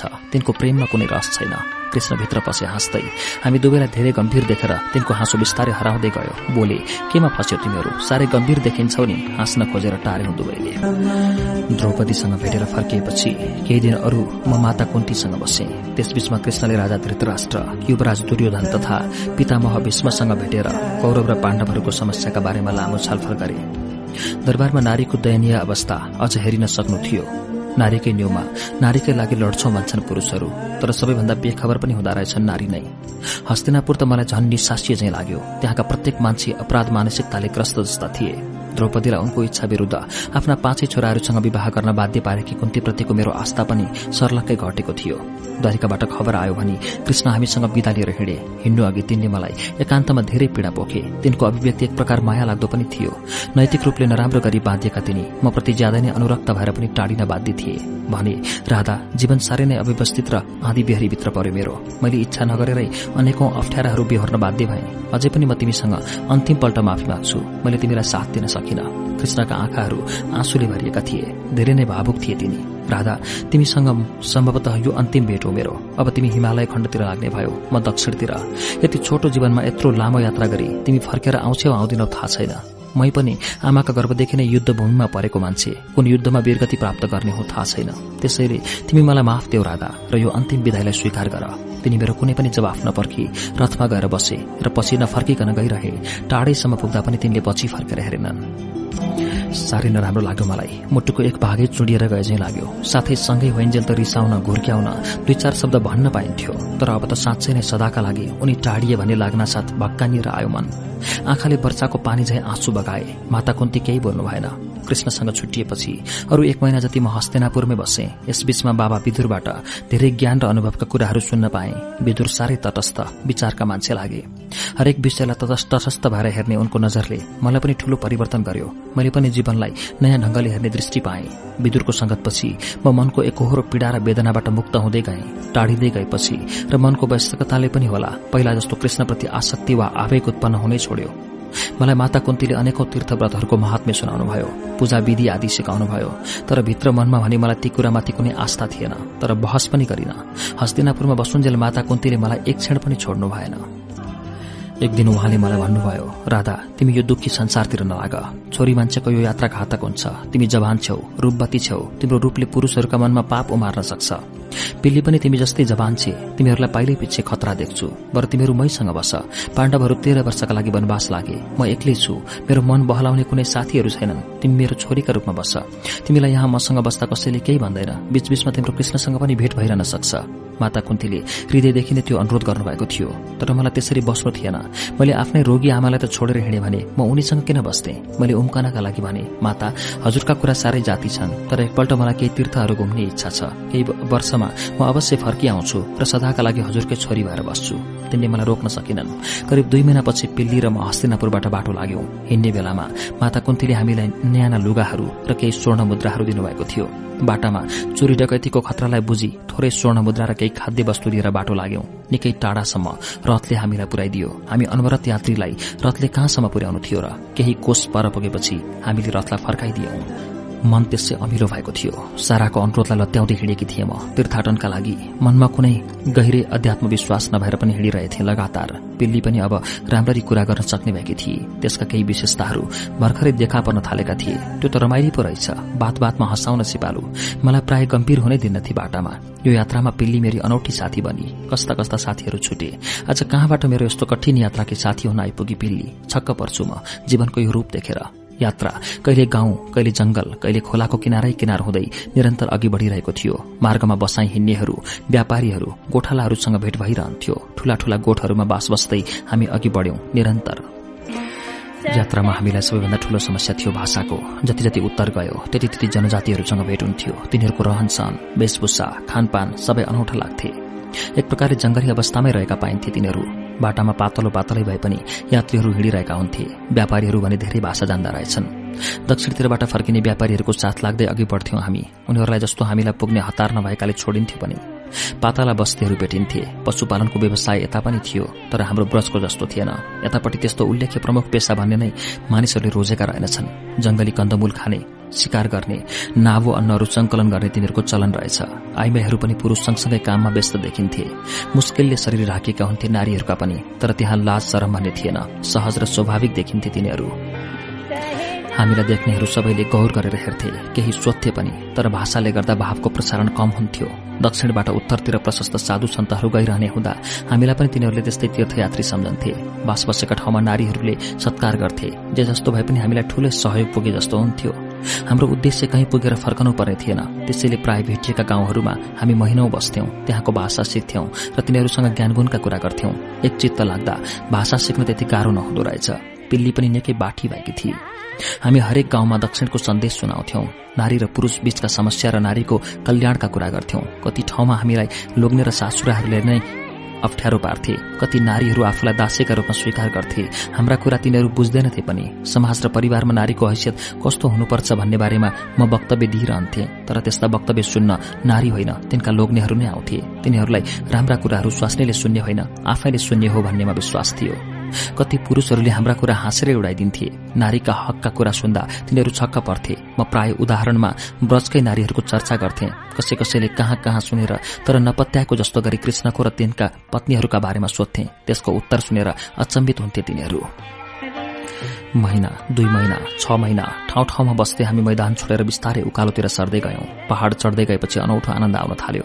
कहिले यस्तो पहाड़ी जीवन नदेखेका हामीलाई हिँड्न कठिन पनि थियो। काली लाग्दा भिरहरू नदीका किनारहरू अप्ठ्यारा चट्टानहरू पार गर्दै उभै गइरह्यौं। बाटामा हामीलाई खानेकुराको ठूलो समस्या पर्थ्यो। धेरैजसो अवस्थामा हामीले जंगली केरा तरूल र चिउराहरू खायौं। जति जति अघि बढ्दै गयो उचाइ र चिसो पनि बढ्दै जान्थ्यो। हामीलाई माता कुन्तीले दिएका न्याना लुगाहरू पनि पुराना हुँदै गइरहेका थिए।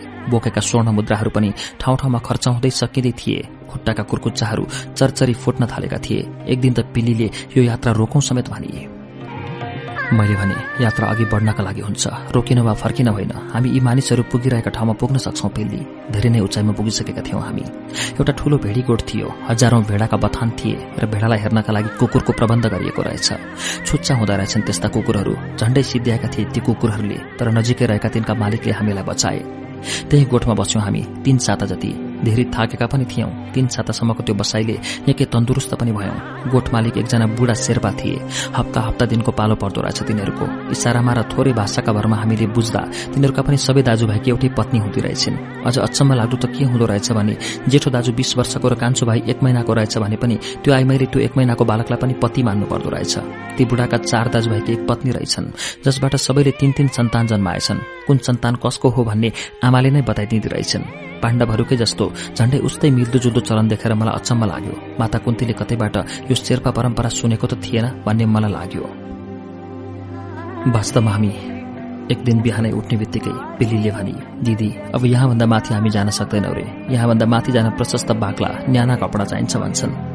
हामी वस्त्रविहीन हुन लागेका थियौं। शेर्पा बाबैसँग इसारामा र भाषामा केही कुराहरू भए। हाम्रो समस्यालाई तिनले बुझेछन्। भोलिपल्ट उनलाई भेट्न आएका कान्छा भाइलाई तिनले केही भने दुई दिनपछि लेकबाट हाम्रा लागि भनी उनीका बाक्ला ओढ्ने बर्कीहरू ल्याइदिए। अझ माथितिर हिउँ पर्ने र लेक लाग्ने सास फेर्नै गाह्रो हुने हुँदा भरिसके अझै केही दिन तलै बसेर शरीरलाई बानी पारेर मात्र उँभो चढ्नु राम्रो हुन्छ भने तिनले। हामीलाई ती कुकुरहरूले पनि चिने टाढा टाढासम्म घाँसे थुम्कीहरू थिए। ठूला ठूला रूखका जंगलहरू सकिएर पोथ्रा पोथ्री र घाँसे पाखाहरू शुरू भएका थिए। भालुको निकै डर हुँदो रहेछ। एक्लै दोक्लै हिँड्न। शेर्पा बाबाईले शेर्पा भाषामा के के भनेर एउटा कुकुर खोलेर ल्याई हामी दुवैलाई छुन लगाए। त्यसपछि हामी जता गए पनि त्यो कुकुर हाम्रो अघि अघि हुन्थ्यो। ठूलो शब्द गरी बोक्थ्यो। टाढा टाढासम्म उसको आवाज थर्किएको सुन्थ्यौं। एक दिन लेकबाट एउटी आइमाई आइन्। तिनी शेर्पा बाबाईकी पत्नी रहेछन्। तिनले हामीलाई अनौठो र रिसाएका आँखाले हेरिन् र शेर्पा बासँग निकै ठूलो ठूलो स्वरमा कराइन्। शेर्पा भने हाँसिरहे। केही बुझेनौ हामीले।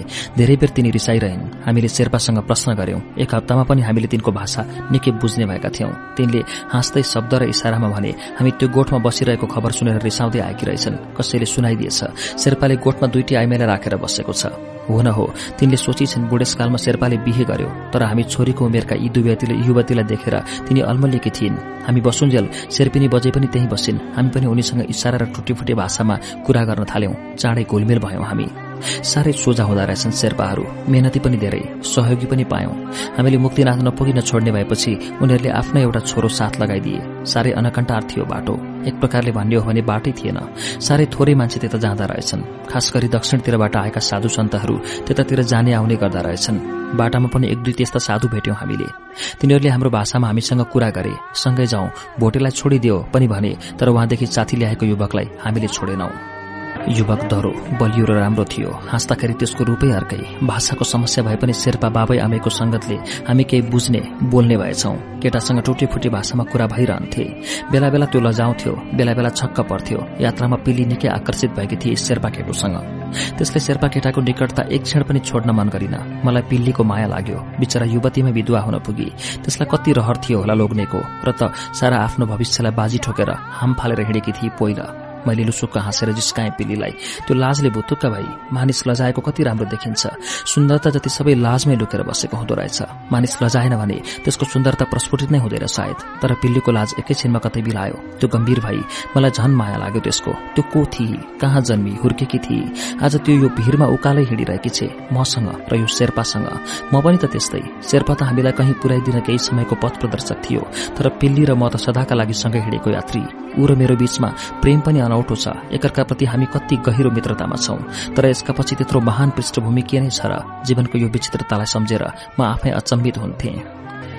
धेरै कठिन उकालो नाग्दै हामी मुक्तिनाथ पुग्यौं। नाम ठूलो तर हेर्दा खासै केही थिएन त्यहाँ। एउटा पालबाट आगोको ज्वाला निस्किरहेको थियो। त्यो कहिल्यै निप्दैन र युगौंदेखि त्यो त्यस्तै छ भन्ने किम्बदन्ती थियो। मानिसहरूले ध्वजा पताका घण्टा चढाएका थिए। पुजारीले त्यसको महात्म्य बताए। सबै दुःखहरूबाट मुक्ति पाइने ठाउँका रूपमा लिँदो रहेछ त्यस तीर्थलाई। हिउँ जम्ने उचाइमा रहेको त्यस ठाउँमा ठूला ठूला भोटे पिपलका रुखहरू थिए। मलाई पनि सबैभन्दा अचम्म लागेको कुरा चाहिँ एउटै थियो। त्यो हो एउटै पालबाट आगो पनि र पानी पनि निश्रित भएको देखिन्थ्यो। तलबाट छङछङ पानी बगिरहेको र माथि आगोको ज्वालो बलिरहेको दृश्य नै चमत्कार जस्तो लाग्थ्यो। त्यसको त्यही अनौठोपनालाई नै मानिसहरूले ईश्वरको शक्तिको नाम दिएका रहेछन्। शेर्पाहरू त्यहाँका पुजारी थिए। त्यसैले शेर्पा युवकको सहयोग हामीलाई सजिलो बन्यो। प्रकृतिमा रहेका अनौठा अनौठा क्षमता हामीले देख्न कति छ बाँकी? हाम्रो साधारण बुद्धिले बुझ्न नसकेको कुरा हामीलाई ईश्वरीय लाग्छ। बुझिसकेपछि त्यो भौतिक बुझिन्छ।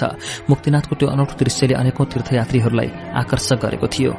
अत्यन्त जाडो थियो त्यहाँ। हामीसँग प्रशस्त लुगा कपडा थिएनन्। हावा चलिरहन्थ्यो सिरेटो मुटु कमाउने। दर्शन गरिसकेपछि उसै दिन तल झरिहाल्यौं। त्यहाँ रात कटाउनु सम्भव देखेनौं हामीले। जानभन्दा फर्किन कठिन भयो हामीलाई। ओह्रालो झर्न धेरै गाह्रो पर्दो रहेछ। आधा बाटोसम्म त शेर्पा युवक साथी थियो हाम्रो। आधा बाटादेखि हामीले झर्नु थियो आफ्नै भरमा लगातार सात दिनको यात्राले शेर्पा युवकसँग हाम्रो गहिरो मित्रता भइसकेछ। छुट्टिने बेलामा कता कता त्यसको माया लागेर आयो।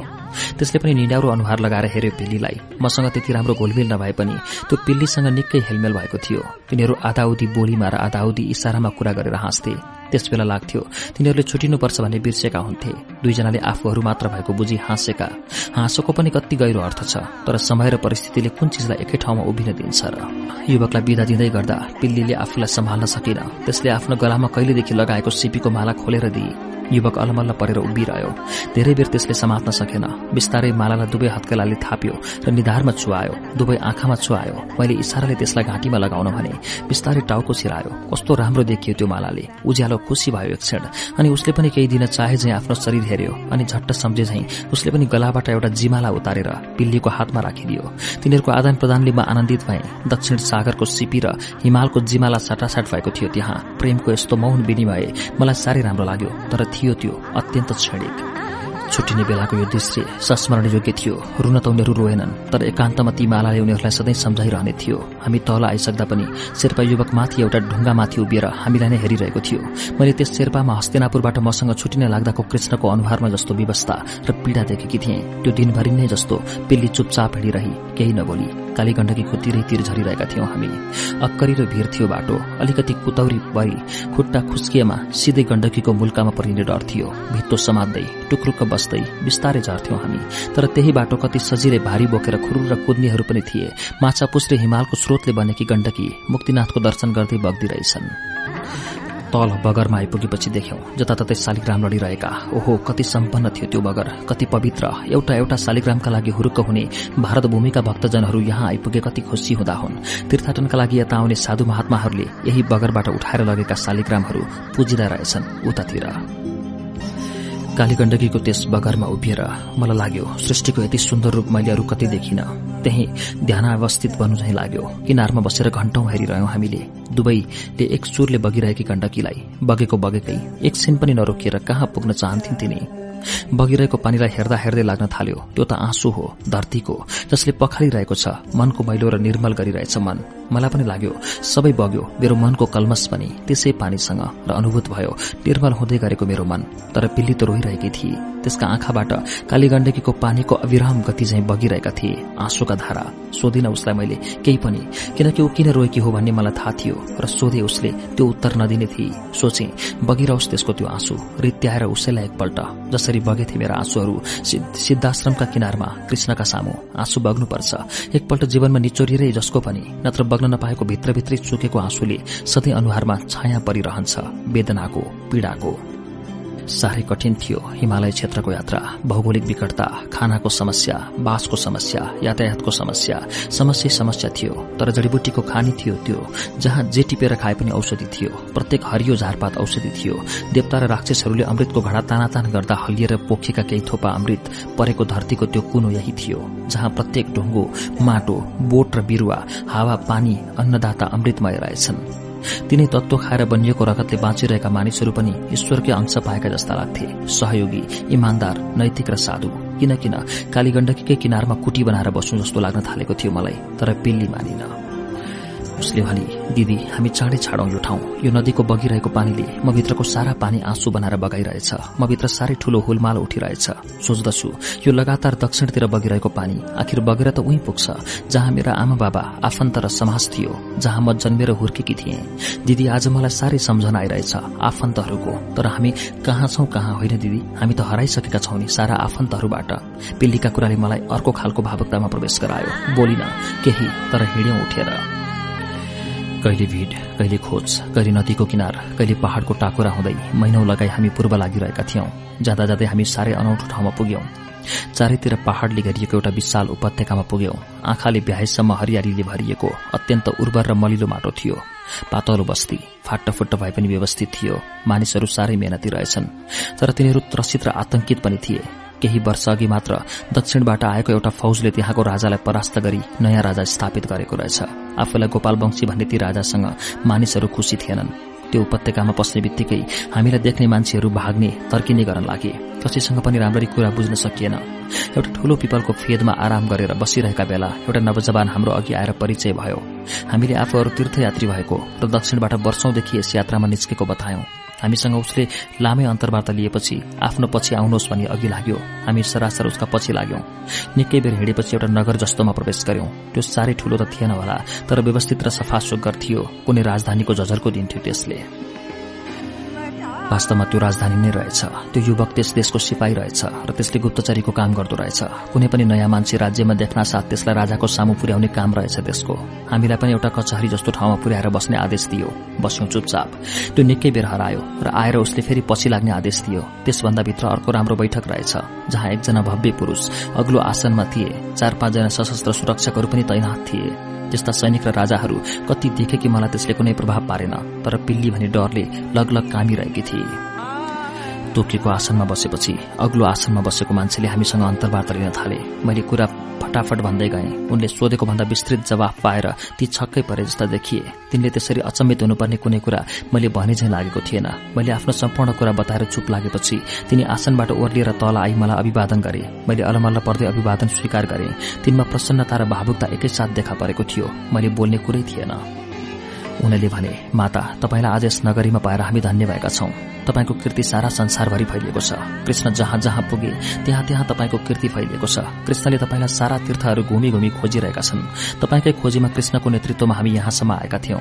बाबा पशुपतिनाथ र माता गुहेश्वरी यस उत्तराखण्डका सबैभन्दा ठूला शक्तिपीठ मानिन्छन्। तपाईँ तीर्थाटनमा हिमालय क्षेत्रतिर लाग्नु भएकाले सारा उत्तर तीर्थहरू घुम्दै पाँच वर्ष अघि हामी यहाँ आइपुगेका थियौं। पूर्वमा कामाक्षदेखि उत्तरमा मानव सरोवरसम्मको यात्रा तय गरी यहाँ आइपुग्दा एकाएक यहाँको राजाले हामीलाई शत्रु ठानी आक्रमण गरे। हामीले तीर्थयात्री हौं समेत भन्न पाएनौं। बिना कारण युद्धमा फँसेका हामीले एकै दिनमा यो राज्यलाई नियन्त्रणमा लियौं। राजाको मृत्यु भइसकेको थियो। त्यसपछि कृष्णले मलाई राज्यारोहण गराई यहाँबाट फर्किए। राजाको कुरा सुनेर म स्तम्भित भएँ। कृष्ण हामीलाई खोज्न यहाँसम्म आइपुगेका थिए भन्ने सुनेपछि एकाएक मन यति पग्लिएर आयो कि मैले आफूलाई थाम्नै सकिन। वर्षौंदेखि कठोर बनाउँदै ल्याइएको मन एकाएक पग्लिएर पानी पानी भयो। मलाई ठूलो पश्चाताप लागेर आयो।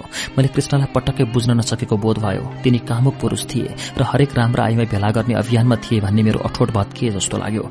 तिनका मनभित्र बसेको मेरो छाप कति डरो थियो भन्ने मैले वास्तवमा अनुमानै गर्न नसकेकी रहेछु। गोपाल वंशका ती राजा जयगुप्तले हामीलाई साह्रै ठूलो सत्कार गरे। वास्तवमा द्वारिकामा कृष्णले गरेकै जस्तो खातिरदारी गरे। मन ज्यादै अस्थिर भयो। यत्रो वर्ष बिर्सेको कुरा झलझली सम्झनामा आयो। हामीले त यात्राको क्रममा तिथिमिति सबै भुलिसकेका थियौं। यतिसम्म कि आफ्नै उमेर पनि अब हामीलाई थाहा थिएन। एक दिन मैले राजालाई सोधेँ हामी द्वारिकाबाट हिँडेको कति वर्ष भयो? भन्थे कृष्ण त्यस बेला उनले भने तपाईँहरू द्वारिकाबाट हस्तिनापुरसम्म सँगै हुनुहुन्थ्यो अरे यो उत्तराखण्ड लाग्दा तपाईँ हस्तिनापुरबाट हिँडेको पाँच वर्ष भइसकेको थियो। पहिलो एक वर्ष हामीले पुष्कर नैविसारण्य सतपथ कामाक्ष विश्वनाथ आदि तीर्थहरूको भ्रमण गर्यौं। तर त्यतातिर तपाईँ पुगेको कसैले पनि बताउन सकेनन्। विश्वनाथको दर्शन गरी गंगा स्नान गरेर कृष्णले तपाईँका नाममा ठूलो दान दक्षिणा गर्नुभयो। काशीमा एक वर्षपछि हामी फेरि द्वारिका फर्कियौं। कृष्णको साह्रै खोजी भइरहेको रहेछ। दादा बलराम पनि त्यसै बेला तीर्थाटनमा निस्कन लागेका रहेछन्। कृष्ण पुगेपछि अब पालो गर्नुपर्छ भन्ने कुरा चलेछ। बलराम तीर्थाटनबाट फर्किएपछि फेरि अर्को वर्ष हामी यता लाग्यौं। उनका कुराका हिसाबले हामी तीर्थाटनमा निस्केको बाह्र वर्ष जति भइसकेको थियो। यो बाह्र वर्षले मलाई झल्यास पाण्डवहरूको वनवासको स्मरण गरायो। उनीहरूको पनि अब गुप्तवासको समय आइसकेको हुनुपर्थ्यो। मलाई झलझली कृष्णको सम्झना आउन थाल्यो। तिनको म प्रतिको निष्ठाले म पग्लिसकेकी थिएँ। मैले पिलीलाई भने बहिनी अब हामीले यो यात्रालाई स्थगन गर्नुपर्छ। बहुत घुम्यौं हामी। जीवनको बाह्र वर्ष हामीले यो भ्रमणमा बिताइदियौं। अब बाँकी वर्षहरू कुनै एक ठाउँमा पीठको स्थापना गरी त्यही बसेर लोक कल्याणको कामना गर्नुपर्छ हामीले। झण्डै तीन महिनाको यात्रापछि हामीले कोशी नदी तरेका थियौं। हामीसँग आएका युवकहरूलाई पन्ध्र दिनपछि फर्काइदिएका थियौं। पहाडै पहाड उकाली ओह्राली नदी जंगार हुँदै कोशी किनारमा आइपुग्दा हामी ज्यादै थकित पनि थियौं। यसपालिको यात्रा भने हाम्रो दिगदार लाग्दो भयो। उद्देश्यमूलक यात्राले दिगदारी पैदा गर्दो रहेछ। यसपालिको यात्रामा हामीलाई चाँडै द्वारिका पुग्ने इच्छा प्रबल भएको थियो। इच्छा मात्र प्रबल थियो शरीर प्रबल थिएन त्यसैले। एक एकवटा स्वर्ण मुद्रा तिरी नाउबाट हामी पारी गरेका थियौं। माझीले नै हामीलाई विष्णु पादुका र दन्तकालीको महात्म्य बताएर त्यसको एकपल्ट दर्शन गर्ने सल्लाह दिएका थिए। दुवै तीर्थहरू नजिक नजिक नै रहनेकाले हामी उत्साही भएका थियौं। विष्णु पादुकामा मानिसहरू आफ्ना मृत पुर्खाहरूको उद्धार गर्नका निम्ति आउँदा रहेछन्। त्यहाँ आएर श्राद्ध गरेपछि पितृहरू पार तर्छन् भन्ने विश्वास रहेछ। हरेक वर्ष पौषी औँसीमा ठूलो भीड़ लाग्दो रहेछ। सत्ययुगमा भगवान विष्णुले टेकेको पाइला हुन् भनी ढुङ्गा पुजिँदा रहेछन् जसमा मानिसका पाइलाको छाप जस्तो देखिने आकृति रहेछ। विश्वासलाई जेमा लगेर अल्झाए पनि कति सजिलै अल्झिन सकेको जस्तो लाग्यो मलाई। हामीले पनि सङ्लो र चिसो पानीमा स्नान गर्यौं पूजा गर्यौं पार तरे पनि नतरे पनि दिवंगत पिता वृषभानुको स्मरण गरी जल चढाए मैले। फिल्लीलाई पनि भने उसले पनि आफ्ना पति र ससुराका नाममा जल चढाई। खुसी लाग्यो। कमसेकम तीर्थकै विश्वासमा भए पनि आफ्ना दिवंगत पितृहरूको स्मरण त गरियो कैयौं वर्षपछि। यस्तो पवित्र तीर्थस्थलमा टाढा टाढादेखि मानिसहरू आफ्ना पितृहरूलाई तर्पण दिन आउने गर्दा रहेछन्। हामी त्यहाँ पुग्दा एउटा ठूलो लावा लस्कर थियो। कुनै महाराजको सवारी जस्तो थियो त्यहाँ। हामीले पनि दर्शन गर्यौं त्यस शिलाको जसमा भगवान विष्णुका पाइलाका डाम हो भन्थे। त्यस भीड़मा अलग्गै देखिएका हामी दुईको परिचय मागिने एक नारीले हामीले पनि सहजै आफ्नो परिचय दियौं। हाम्रो परिचय पाएपछि खुशी हुँदै पाखुरामा समातेर ताने जस्तै गरी तिनले एकजना प्रौढ पुरूषका अघि पुर्याइन् र तिनले हाम्रो परिचय तिनका अघि दोहोऱ्याइन्। ती पुरूष अलमल्ल परेर हेरेका हेरे भए उनीहरूको परिचय पायौं हामीले पनि। उनीहरू मेची नदीको पश्चिम दक्षिणमा अवस्थित एक अग्लो भूभागमा राजा भवन निर्माण गरी बसेका कोचवंशी राजा वीरसिंह र तिनका तीन रानी तथा सुरक्षा सेनाहरू रहेछन्। उनीहरू पनि आफ्ना दिवंगत पितृहरूका तरन तारणका लागि आएका रहेछन्। मेरो परिचय पाएपछि राजा वीरसिंहले आदरभाव प्रकट गर्दै भने तपाईँले वैष्णवी रूप धारण गरी द्वारिकाबाट हिँडेको बाह्र वर्ष जति भइसकेको कुरा हामीले थाहा पाएका थियौं। तपाईँको खोजीमा श्रीकृष्ण म कहाँ समेत आइपुगेका थिए? एकाएक आज भेट हुँदा साह्रै खुशी लागेको छ। उनीहरूकै रथमा चढाएर पुर्याए हामीलाई दन्तकाली पनि। माथिसम्म पुग्न सक्ने बाटो थिएन। तलैदेखि हिँडेर गयौं। शिवपत्नी सतीदेवीले आत्मदाह गरेपछि प्रेमले पागल भएका शिवजीले मृत सतीदेवीको लास काँधमा हाली विश्व निस्केका बेला सतीदेवीको कुहेको लासबाट दाँत झरेकाले त्यस तीर्थको नाम दन्तकाली रहेको भन्ने किम्बदन्ती रहेछ। त्यहाँ पनि पूजा आजा गरियो।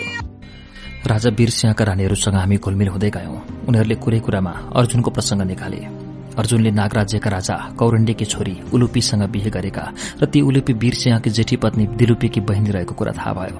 अर्जुनसँगको नाताले कृष्णसँग पनि उनीहरूको राम्रो सम्बन्ध रहेछ र कृष्णको कारणले हामीले स्वागत पाइरहेका थियौं। दन्तकालीको पूजा आज सकेर राजा वीरसिंहको सवारी चल्यो विराटनगरतिर। विराटनगरबाट पूर्व लाग्दा सिधै पुग्न सकिँदो रहेछ कोचनगरमा रानीहरूले कुरा गरे विराट राजासँग उनीहरूको पारिवारिक सम्बन्ध छ। विराट राजाले वीरसिंहका बुढा बाबुकी छोरी विवाह गरेका थिए र आफ्नो सालो किचकलाई मन्त्री नियुक्त गरेका थिए। किचकले जे भन्छ राजा त्यो मान्न विवश थिए अरे किचकको ठूलो दबाव छ विराटनगरमा भन्थे। तर हामी विराटनगर नपुग्दै बाटैमा थाहा पायौं अघिल्लो दिन राति कुनै गन्धर्वले किचकको वध गरिदिएछ। गन्धर्व पत्नीलाई हातपात गरे बापत उसले पाएको दण्ड रहेछ त्यो। किचकको वधका कारणले सारा नगर बन्द थियो। मानिसहरू घरबाट बाहिर निस्कन सकेका थिएनन्।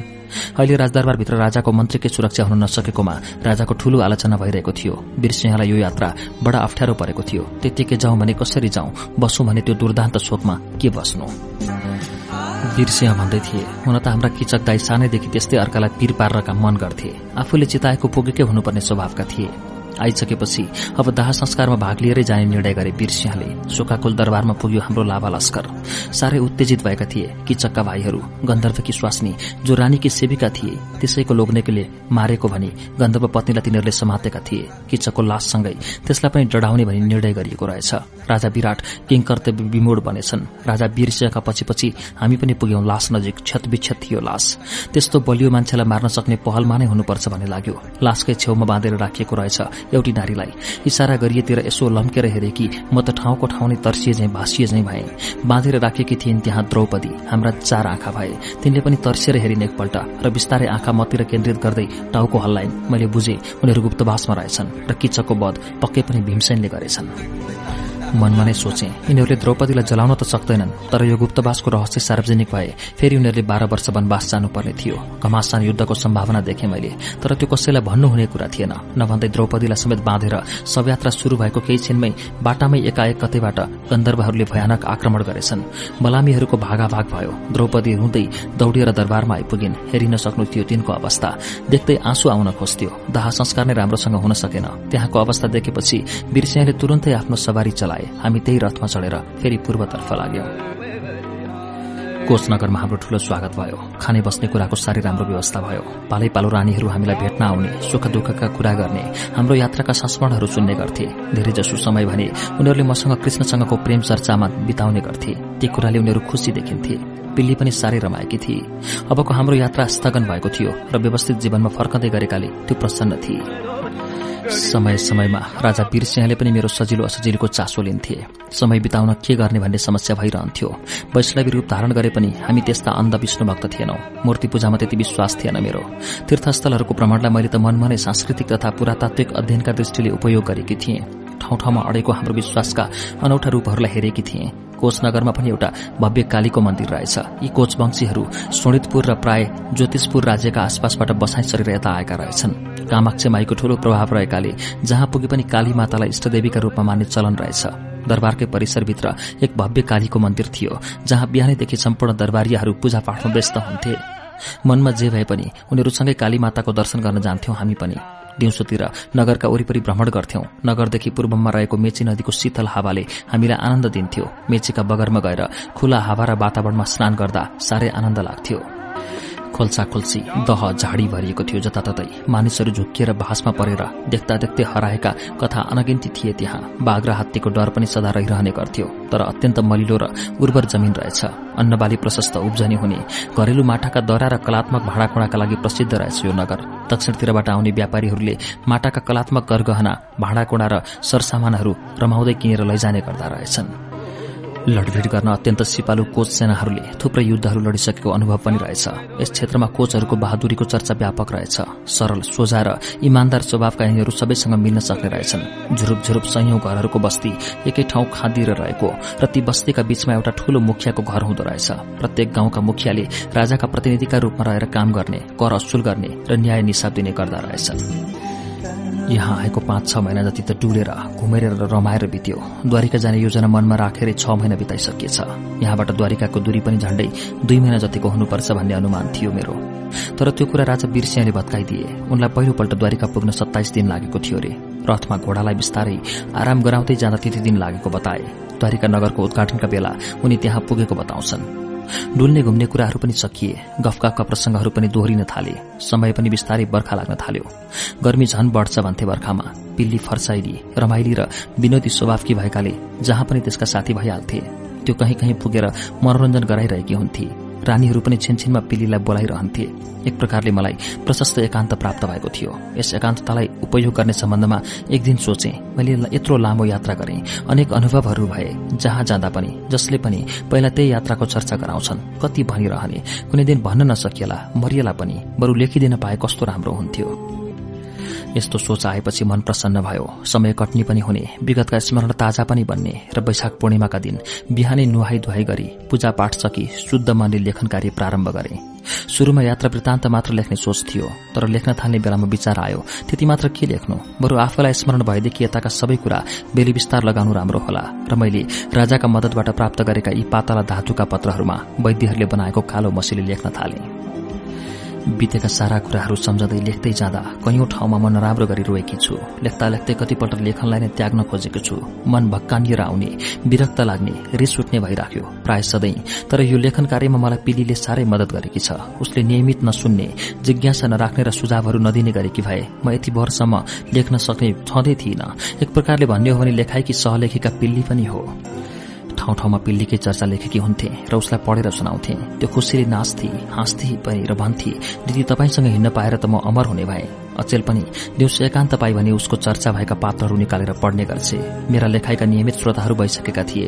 रानी तथा तिनका सुसारेहरू कहिलेकाहीँ राजा वीरसिंह पनि जिज्ञासा राख्थे र सुन्ने गर्थे। तर रानीहरू मेरा स्थायी श्रोता हुन्। तिनीहरूको रुचिले नै मलाई लेख्न प्रेरित गरिरहेको पनि हो।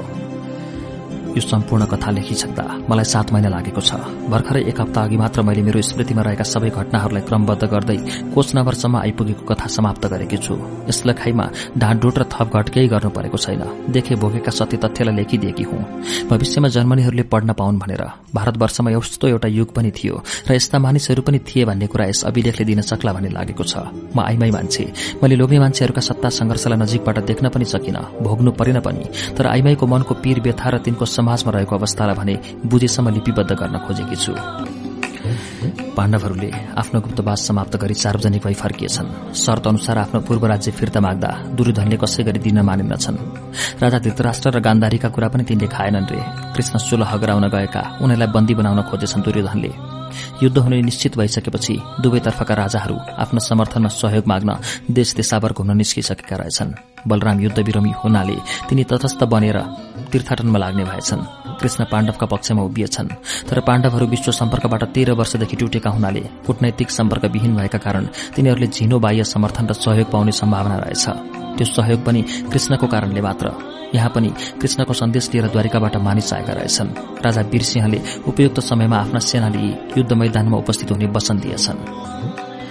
यो कुरा सुनेर रानीहरू डराए तर राजालाई युद्धबाट रोक्नु नहुने र राजाले युद्धबाट भाग्नु पनि नहुने हुनाले रानीहरूले त्यो भाव व्यक्त गरेनन्। मसँग भने तिनीहरू पिरो लिन थालेका छन्। किचकको हत्या र भीमसेन नै थिए भन्ने कुरा पनि तिनै मानिसहरूले सुनाए। त्यो सुनेर सबैजनाले विराटनगरको स्मरण गरेका थिए। युद्ध प्रारम्भ हुने तिथिमिति सहित फेरि हिजो साँझमा द्वारिकाबाट कृष्णको सन्देश लिई मानिसहरू आइपुगेका छन्। अघिल्लो सन्देश वाहकहरूले म यहाँ आइपुगेको खबर लगेकाले यसपालि मेरा निम्ति पनि कृष्णले सन्देश पठाएका रहेछन्। राजाले कृष्णको अनुरोध पत्र पढी। जोसका साथ आफ्ना सेनापतिलाई कुरूक्षेत्रतिर कूच गर्नका लागि सेना तैनात गर्ने आदेश दिए। सुतेर आइरहेका विदामा घर गएका सबै सेनाहरूलाई खबर गर्ने र हप्ता दिनको पुनर्ताजगी तालिम दिने आदेश दिएका छन् वीरसिंहले। मेरा नाममा कृष्णले पठाएको पत्र बडा संक्षिप्त छ। त्यसमा उनले लेखेका छन् तिमी जसरी भए पनि अब द्वारिका फर्क। तिम्रो रिस मरिसक्यो होला। माता कलावती साह्रै कमजोर हुनुभएको छ तर तिम्रो समाचारले प्रसन्न पनि। हामी चाँडै कुरूक्षेत्रतर्फ जाँदैछौ। भयानक विश्वयुद्धको तयारी भइरहेको छ। युद्धमा बाँचिएछ भने तिमीसँग मेरो द्वारिकामा भेट हुनेछ। कृष्णको यो पत्रले साह्रै पोल्यो मन। एकपल्ट मात्र तिमीलाई देख्न पाए हुने भन्ने इच्छा बटारिएर आयो। मैले द्वारिका गएर के गर्नु? जहाँ कृष्ण हुँदैनन् सोचे म पनि राजा वीरसिंहसँगै कुरूक्षेत्र जान्छु जहाँ कृष्णसँग भेट हुन सक्छ। यो कुरा मैले राजा वीरसिंहसँग अनुरोध गरेँ। उनले गम्भीर भएर लामो मौनतापछि स्वीकृति दिएका छन्। मन प्रसन्न भएको छ। अब चाँडै हामी कुरूक्षेत्रमा पुग्नेछौ जहाँ कृष्ण र पाण्डवहरूसँग भेट हुनेछ। युद्धको दृश्य पनि देखिने भयो यात्राको तयारीमा जुट्यौं हामी पनि। पिल्ली साह्रै फुर्तिली भएकी छ। उसले यात्राका लागि आवश्यक तयारी गर्न थाली। यसपालि उसले यात्रालाई बढी व्यवस्थित गर्न खोजिरहेकी छे रानीहरूले उसलाई उपहारका रूपमा दिएका गरगहना लुगा कपडाहरूलाई पनि जतन साथ पोको पारिरहेकी छ। पिल्लीमा नयाँ जीवनको संचार भइरहेको देखिरहेछु म। रानीहरू मलाई भेटेर गम्भीर हुन थालेका छन्। तिनीहरूको गम्भीरतामा मसँगको वियोग तथा युद्धमा पतिको संलग्नता दुवै छन्। युद्धमा गएको पुरूष फर्किन पनि सक्छ नफर्किन पनि।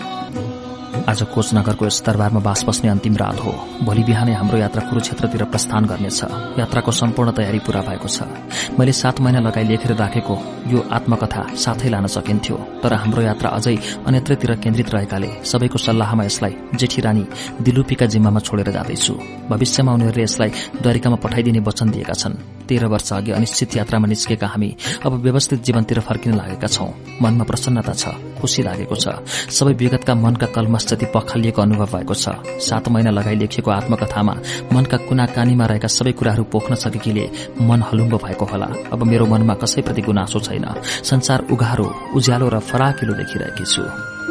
बाबाजीले अन्तिम पत्र पनि पढी सिद्ध्याए। मानिसहरू कथा सुन्दा सुन्दा एकहोरो र भावुक भइसकेका थिए। राताजीका हस्ताक्षरका अन्तिम वाक्य सिद्ध्याएर बाबा मौन भएपछि पो सबैजना छ्याङ्ग भए चाहिँ भएछन्। हामी पनि कथाकै संसारमा घुमिरहेका रहेछौं। आफ्नो वरिपरिको परिवेश नै बिर्सिने गरी कति राम्ररी डुबिएछ सपनामै पुगे जस्तो। मानिसहरू बसेका ठाउँमै कोही आङ तान्न थाले कोही उठेर जिउ मर्काउन थाले कोही झाडी जंगलतिर लाग्न थाले। पूर्वमा रिमरिम उज्यालो जस्तो देखियो कुखुरा पनि बाँच्न थाल्यो। उज्यालो हुन लागेको संकेत पूरै रातै बितेछ कथामा तर कोही चटपट आएनछन्। राति कथा वाचन भइरहेकै बेला कति कतिखेर स्वयंसेवकहरूले प्लास्टिकका कपमा रातो चिया बाँडिरहेको सम्झना छ। दुईपल्ट जति पेट्रोम्याक्समा हावा भरिएको थियो। शुरू शुरूमा बाबा पनि अड्किँदै थिए तर कथाले आफ्नो गति लिएपछि बाबा पनि कथाभित्र लिन भएछन्। पानाहरू पल्टिएकै सायद तिनलाई पनि थाहा भएन होला। कथा सुनिरहेका बेला हाम्रा पछाडि बसेका महिलाहरू कति ठाउँमा रिसाउँथे कति ठाउँमा रमाउँथे। खास गरी एकनंशाले राधालाई भनिरहेका कुराले तिनीहरू जोसिएका थिए खुसी पनि भएका थिए। गुनगुन गर्दै एउटी बोलेकी थिए बिस्तारै। हेर त कस्तो गरेका रहेछन्। उति बेलेदेखि हेपिएका हामी। अर्की छेउकीले चुप लागन भनेको पनि सुनिएको थियो। अब कथा समापन भएको सम्झी मानिसहरू आफ्ना घरतिर जाने प्रात कार्यमा लाग्ने सोच्न लागेका बेला माइकमा फेरि आवाज आयो। बाबाजी कथा वाचनकै धुनमा बोलिरहेका थिए। भोलिपल्ट बिहानै कोचनगरबाट उनीहरूको यात्रा प्रारम्भ भएको थियो। राजा वीर सिंह तिनका सेनापति र हात हतियारहरू एउटा रथमा थिए। राधा पिल्ली उनीहरूका सामानहरू अर्को रथमा थिए। सेनाहरू अघिपछि घोडा तथा पैदलमा थिए। निकै दिनको यात्रा हुनाले शान्त र धीमा गतिमा थियो हिँडाई ठाउँ ठाउँमा आराम गर्दै घोडाहरूलाई दाना खुवाउँदै खाना पकाउँदै खाँदै यात्रा अघि बढ़िरहेको थियो। बाटामा सिपाहीहरूले मृगहरूको शिकार गर्दै बोक्दै पनि गर्थे। यात्राभरि वनभोजका रूपमा मृगको मासुसँग खाना खाइरहे तिनीहरूले जंगल झाडी फाँटिलो मैदान नदीको किनार आदि अनेक प्रकारका ठाउँहरू नाग्दै अघि बढ़िरहे तिनीहरू। कति ठाउँमा बाघ चितुवासँग अलिक टाढा टाढैबाट जम्का भेट पनि भए। हाहा र हो गर्दै जंगलले थर्काउँथे सिपाहीहरू। सुरु सुरुमा बाबा पनि अड्किँदै थिए तर कथाले आफ्नो गति लिएपछि बाबा पनि कथाभित्र लिनुभएछन् पानाहरू पल्टिएकै सायद तिनलाई पनि थाहा भएन होला।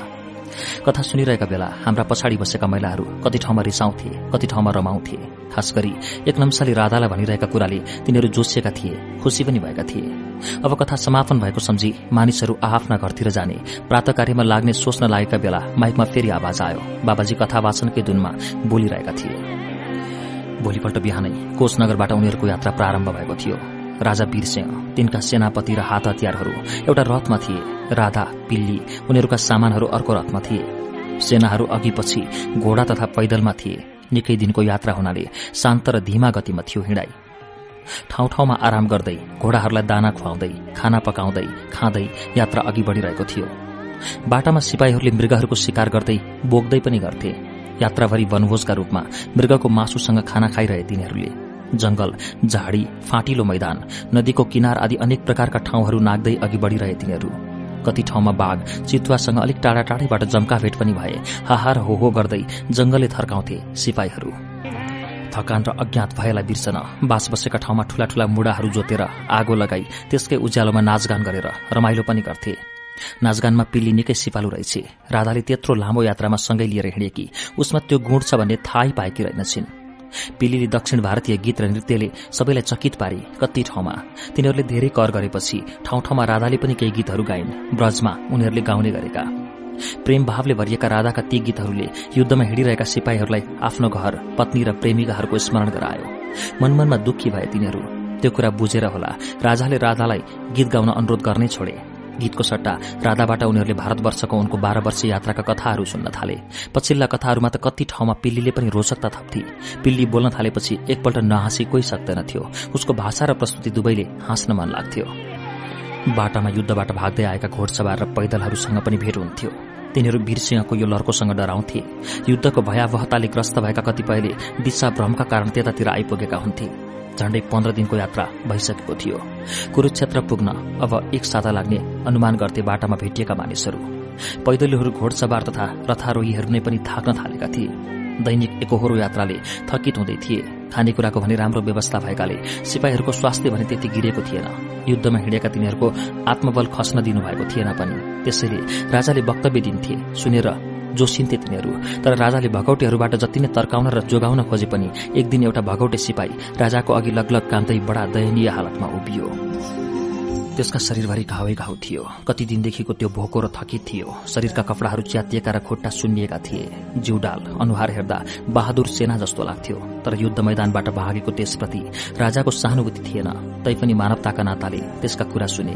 त्यसले भन्यो महाराज म विदर्भ देशको सेना थिएँ। हामी पाण्डवका पक्षबाट कुरुक्षेत्रमा लडिरहेका थियौं। युद्ध साह्रै भयानक र विध्वंसकारी छ। सबै वीरहरूले आफ्ना घातक अस्त्रहरूको प्रयोग गरिरहेका छन्। एउटै बाणले हजारौंलाई सखाप पार्ने विस्फोट गर्छन्। सबैभन्दा बिजोग छ पैदलीहरूको। युद्ध मैदानमा हजारौं हात्ती घोडाहरू मरिरहेका छन्। सिपाहीको लास त कसले गन्ला? ठूला ठूला व्यक्तिहरूको व्यवस्थित दाह संस्कार हुन्छ। सामान्यहरूका लागि पहिले नै खनेर तयार राखेका बडा बडा खाडलहरूमा सामूहिक गाड्ने काम हुन्छ। एउटा कुरा व्यवस्थित र अनुशासित छ। त्यो हो युद्ध अवधि। बिहान सूर्योदयदेखि शुरू भएको युद्ध सूर्यास्तमा स्थगित हुन्छ। युद्ध स्थगित भएपछि सबै दाजुभाइ जस्ता मित्र जस्ता एकअर्कालाई भेट्ने एकअर्काको स्वास्थ्यको ख्याल गर्ने मारिएकाहरूका सम्झनामा शोक मनाउने आदि काम हुन्छ। भीष्म पितामह ढलेपछि मैले खप्न सकिन। त्यसलाई वीर र वृद्धले पनि ढल्नु पर्यो। त्यो पनि अर्जुनका बाणले। हुन त युद्ध भनेपछि युद्धै हो तर पनि म कमजोर रहेछु। सकिन खप्न। युद्धको त्यो विभीषिका। म त आफ्नो घोडा लिएर भागेँ राति। दुई दिनपछि घोडा हिँड्न सकेन। त्यसलाई त्यत्तिकै छोडिराखेर हिँडे। म कहाँ आइपुगे? कता जाँदैछु केही थाहा छैन।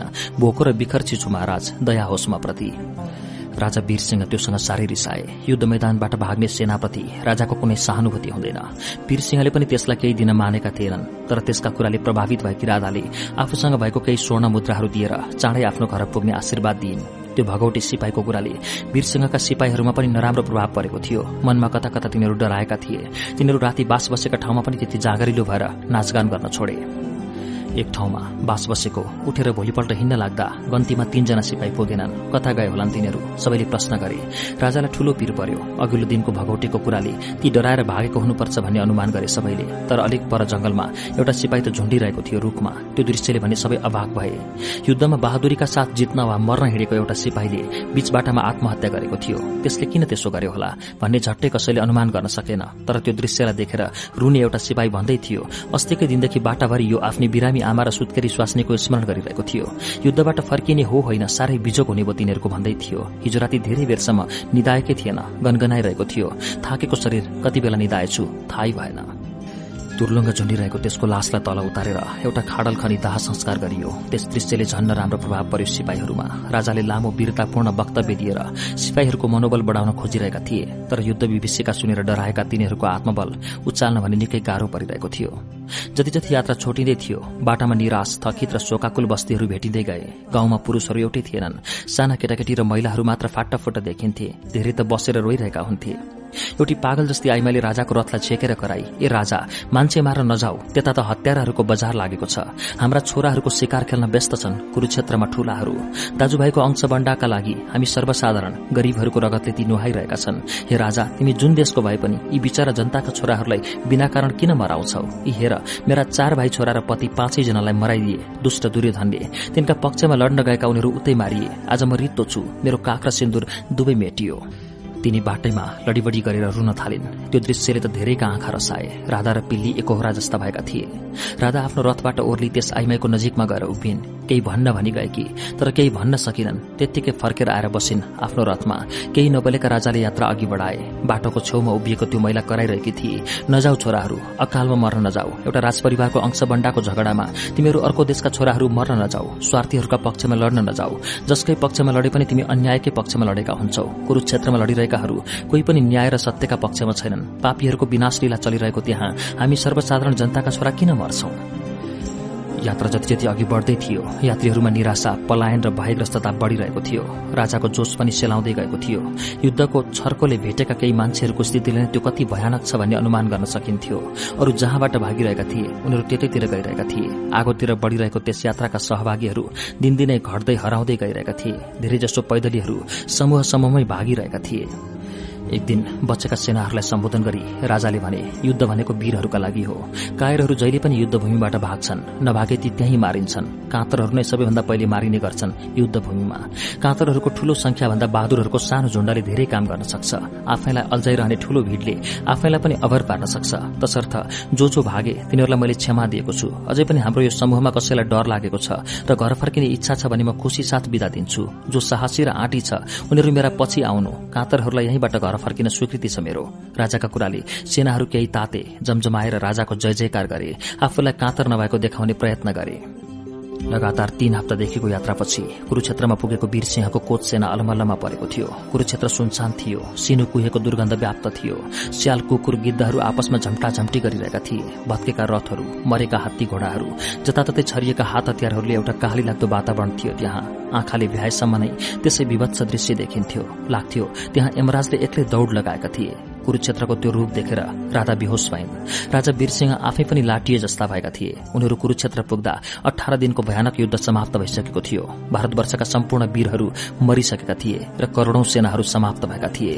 कौरव र पाण्डवको गृह कलहले सम्पूर्ण भारतवर्षलाई अग्निमा होमेको थियो र कृष्णले खाण्डव वनमा लगाएको आगोमा परिमरेका वन्य जन्तु झैं मारिएका थिए। सम्पूर्ण पुरूषहरू बाबाजीका कुरा सुनेर श्रोताहरू अलमल्ल परिरहेका थिए। अहिले बाबाजीका अघि कुनै पाठ्य सामग्री थिएन। तिनी केही नपढी आफ्नै मनले फटाफट कथा भनिरहेका थिए। तर कथाको सिलसिला व्यवस्थित र पत्यारिलो थियो। तिनको अनुहार पहिलाको कथा वाचनमा भन्दा अहिले बढी गम्भीर र दुःखद जस्तो थियो। यो कथा भनिरहेका बाबा अघिको कथा भनिरहेका भन्दा एकदम नै अर्कै जस्ता भएका थिए। घर घर जान हतार गर्दै उठेर अलिक परसम्म पुगिसकेकाहरू पनि बाबाले फेरि कथा वाचन शुरू गरेपछि फर्किएर आएका थिए। बाबाको यो पछिल्लो कथा वाचन भने श्रोताहरूलाई हाउडी जस्तो लाग्यो। बाबाले हामीलाई त्यसै उडाउँदैछन् भन्ने सोचे कतिले। कतिले चाहिँ त्यसका पछि पनि कुनै रहस्य हुनुपर्छ भन्ने ठाने। बाबा कथा भनिरहेका थिए। बीचैमा उहाँलाई रोकेर कृष्ण हुमागाईले सोधे बाबाजी तपाईँ त मुखैले कथा भन्न थाल्नुभयो। राजादेवीले लेखेको कथा त अन्त्य भइसकेको छ। फेरि यो कुरा तपाईँ के का आधारमा बताउँदै हुनुहुन्छ? हुमागाईको प्रश्नले सारा वातावरण सुनसान भयो। बोल्दा बोल्दै बाबा चुप भए। श्रोताहरू पनि चुपचाप भए। धेरैजनाले हुमागाईको प्रश्नको समर्थन गरे। हो हो कृष्णजीले ठिक प्रश्न उठाउनुभयो। माधव विद्रोहीले थपे। प्रश्न गर्न पत्रकारहरू जमजमाएका देखिए। लेखनाथ म चुपचाप थियौं। हामीलाई पनि अनौठो लागिरहेकै थियो त्यो। पत्रकारहरूको प्रश्नले बाबा एकदम नै गम्भीर र भावुक जस्ता देखिए। तिनको अनुहारको रंग नै परिवर्तन भयो। गला अवरूद्ध भए चाहिँ धेरै दुखी जस्ता पनि देखिए तिनी। निकै बेर घोरिए। सबका आँखा र कान बाबामै केन्द्रित भएका थिए र वातावरण शान्त थियो। निकै लामो मौनतापछि बाबा बोले अहिलेको बाबाको आवाज पहिलाको जस्तो थिएन। त्यो त कहाँ कहाँ एकान्त गुफाभित्रबाट डोलिएर निस्के जस्तो थियो। बाबा कुनै हजारौं वर्ष अघिको युगतिर फर्किए जस्तो लाग्थे। तिनले भने यी कुरा म जान्दछु र भनिरहेको छु। किनकि त्यसबेला म पनि कुरुक्षेत्रमै थिएँ। सबै अलमल्ल भए। टुवा परेर बाबालाई हेर्न थाले। लेखनाथले कोट्याएर मलाई भन्यो म भन्थे नि यी साधारण साधु होइनन्। त्यो त साबित भइसकेको छ तर यिनी हुन्छै को? मैले आफैसँग प्रश्न गरे। त्यति भनेर बाबा फेरि चुप भएका थिए। बाबाको मौनता अधैर्य भयो मानिसहरूलाई। लीला बरालले सोधिहाले बाबा तपाईँ त्यहाँ कसरी हुनुहुन्थ्यो? तपाईँ को हो? फेरि निकै बेर बोलेनन् तिनी। मानिसहरूको धैर्यको बाँध टुट्न लागेको थियो। लामो सास तानेर आफू बसेको आसनमा स्थिति बदलेर निकै कठिन जस्तो अनुभव गरी तिनी बोल्न थाले। कौरव र पाण्डवहरूको पारिवारिक युद्धको ज्वालाले जलेर भस्म हुन नसकेको कालो ठुटो हुँ म म सम्पूर्ण युद्धको अन्तिम पात्र अन्तिम योद्धा र अन्तिम श्रापित व्यक्ति हुँ। मैले त्यहाँ सबै प्रकारका युद्ध अपराधहरू देखेँ। सबै अनुशासनको बलात्कार भएको देखेँ। जित्ने लेप्साले ग्रस्त मानवीय अहमको घिनलाग्दो दृश्य देखेँ। म त्यो सबैभन्दा अभागी र निर्दोष दण्डित व्यक्ति हुँ जसले कुरूक्षेत्रको त्यस युद्धको सम्पूर्ण दोष आफ्नो टाउकोमा बोकेर बाँचिरहनु परेको छ। म श्रीकृष्णबाट दण्डित र श्रापित पापिष्ट घोषित महाअभागी अश्वत्थामा हुँ बाबु हो। म युगौंदेखि मर्न नसकी घुमिरहेको एक अभागी द्रोणपुत्र अश्वत्थामा हुँ। सुनसान भयो जनसमूह बाहिरको सास बाहिरै भित्रको सास भित्रै भयो मानिसहरूको। आँखा झिम्किएनन् कसैका पनि। कतिका अनुहार पहेँला भए।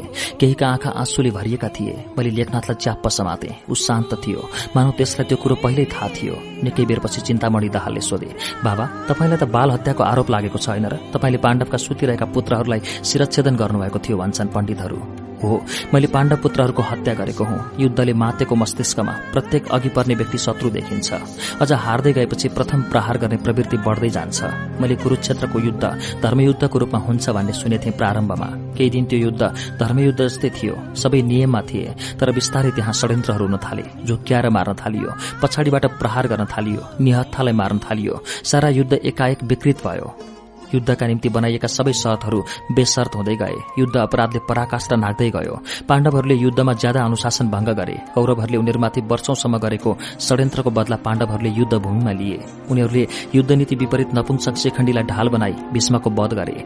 मर्दै नमरेको मलाई मरेको प्रचार गरी पुत्र शोकले ग्रस्त मेरा पितालाई निशस्त्र अवस्थामा शिरच्छेदन गरे युद्ध स्थगित भएका बेला जयद्रथको वध गरे भाष्यको रथको पाङ्रो ठेल्दै गर्दा कर्णको हत्या गरे गदा युद्धको नियम विपरीत सन्नीमा प्रहार गरी दुर्योधनको हत्या गरे एकपछि अर्को नियम विरोधी युद्ध खेलबाट पाण्डवहरूले कुरूक्षेत्रलाई रंगाए म पाण्डवहरूका ती सब कृत्यहरूबाट विक्षिप्त भइसकेको थिएँ। खास मेरा पिता द्रोणलाई मेरो मृत्युको हल्ला फैलाई पुत्र शोकको भ्रम उत्पन्न गराई मराएको कुराले म साह्रै नै व्यथित थिएँ। मलाई गहिरो बदलाको भावना उठेको थियो। तिनीहरूमा पनि पुत्र शोकको भयानक पीड़ा दिलाउने मेरो इच्छाका कारण मैले निधाएका पाण्डव पुत्रहरूको वध गरेको हुँ। पाण्डव पुत्रहरूलाई बदलाको भावनाले हत्या गरे पनि उत्तराको गर्भमा त प्रहार गर्नु नहुने नि तपाईँले। गर्भवती स्त्रीको सम्मान गर्नुपर्ने ज्ञान ऋषिपुत्र तपाईँमा थिएन? पछाडिबाट आएको प्रश्न थियो यो। बाबा बोले ज्ञानको कुरा शान्त अवस्थामा मात्र हो। युद्ध अवस्थामा बुद्धि विवेक सबै लुप्त हुन्छ। ज्ञान वृद्धि विवेक सक्रिय रहेसम्म युद्धै हुँदैन। जब अहंकार बढ्छ घमण्ड बढ्छ अहमले जित्छ अनि जायज नाजायज सबै एकै हुन्छ म पनि युद्धले मातेको थिएँ। मेरो दिमागमा एउटै पूर्वाग्रह थियो कि पाण्डवहरू निसन्तान हुनुपर्छ। जन्मन लागेको अभिमन्युको वंशलाई पनि सखाप गर्नुपर्छ। पर्छ भन्ने मूड बुद्धि सक्रिय भएको थियो। मैले त्यत्रो युद्धमा गर्न नहुने गरेको अपराध त्यही एउटा थियो। उत्तराको गर्भमाथि प्रहार गर्नु मेरो सबैभन्दा ठूलो अपराध थियो। बाबा रूपी अश्वत्थामा भन्दै गए त्यही अपराधलाई आधार बनाई कृष्णले मलाई निशस्त्र गरी छोडिदिए। उनले त्यसबेला मेरो निधारमा गरेको प्रहारको यो घाउ गाडी पल्टियो। कस्तै जडीबुटीले पनि निको भएन। विषाक्त हतियारको प्रयोग गरेछन् तिनले।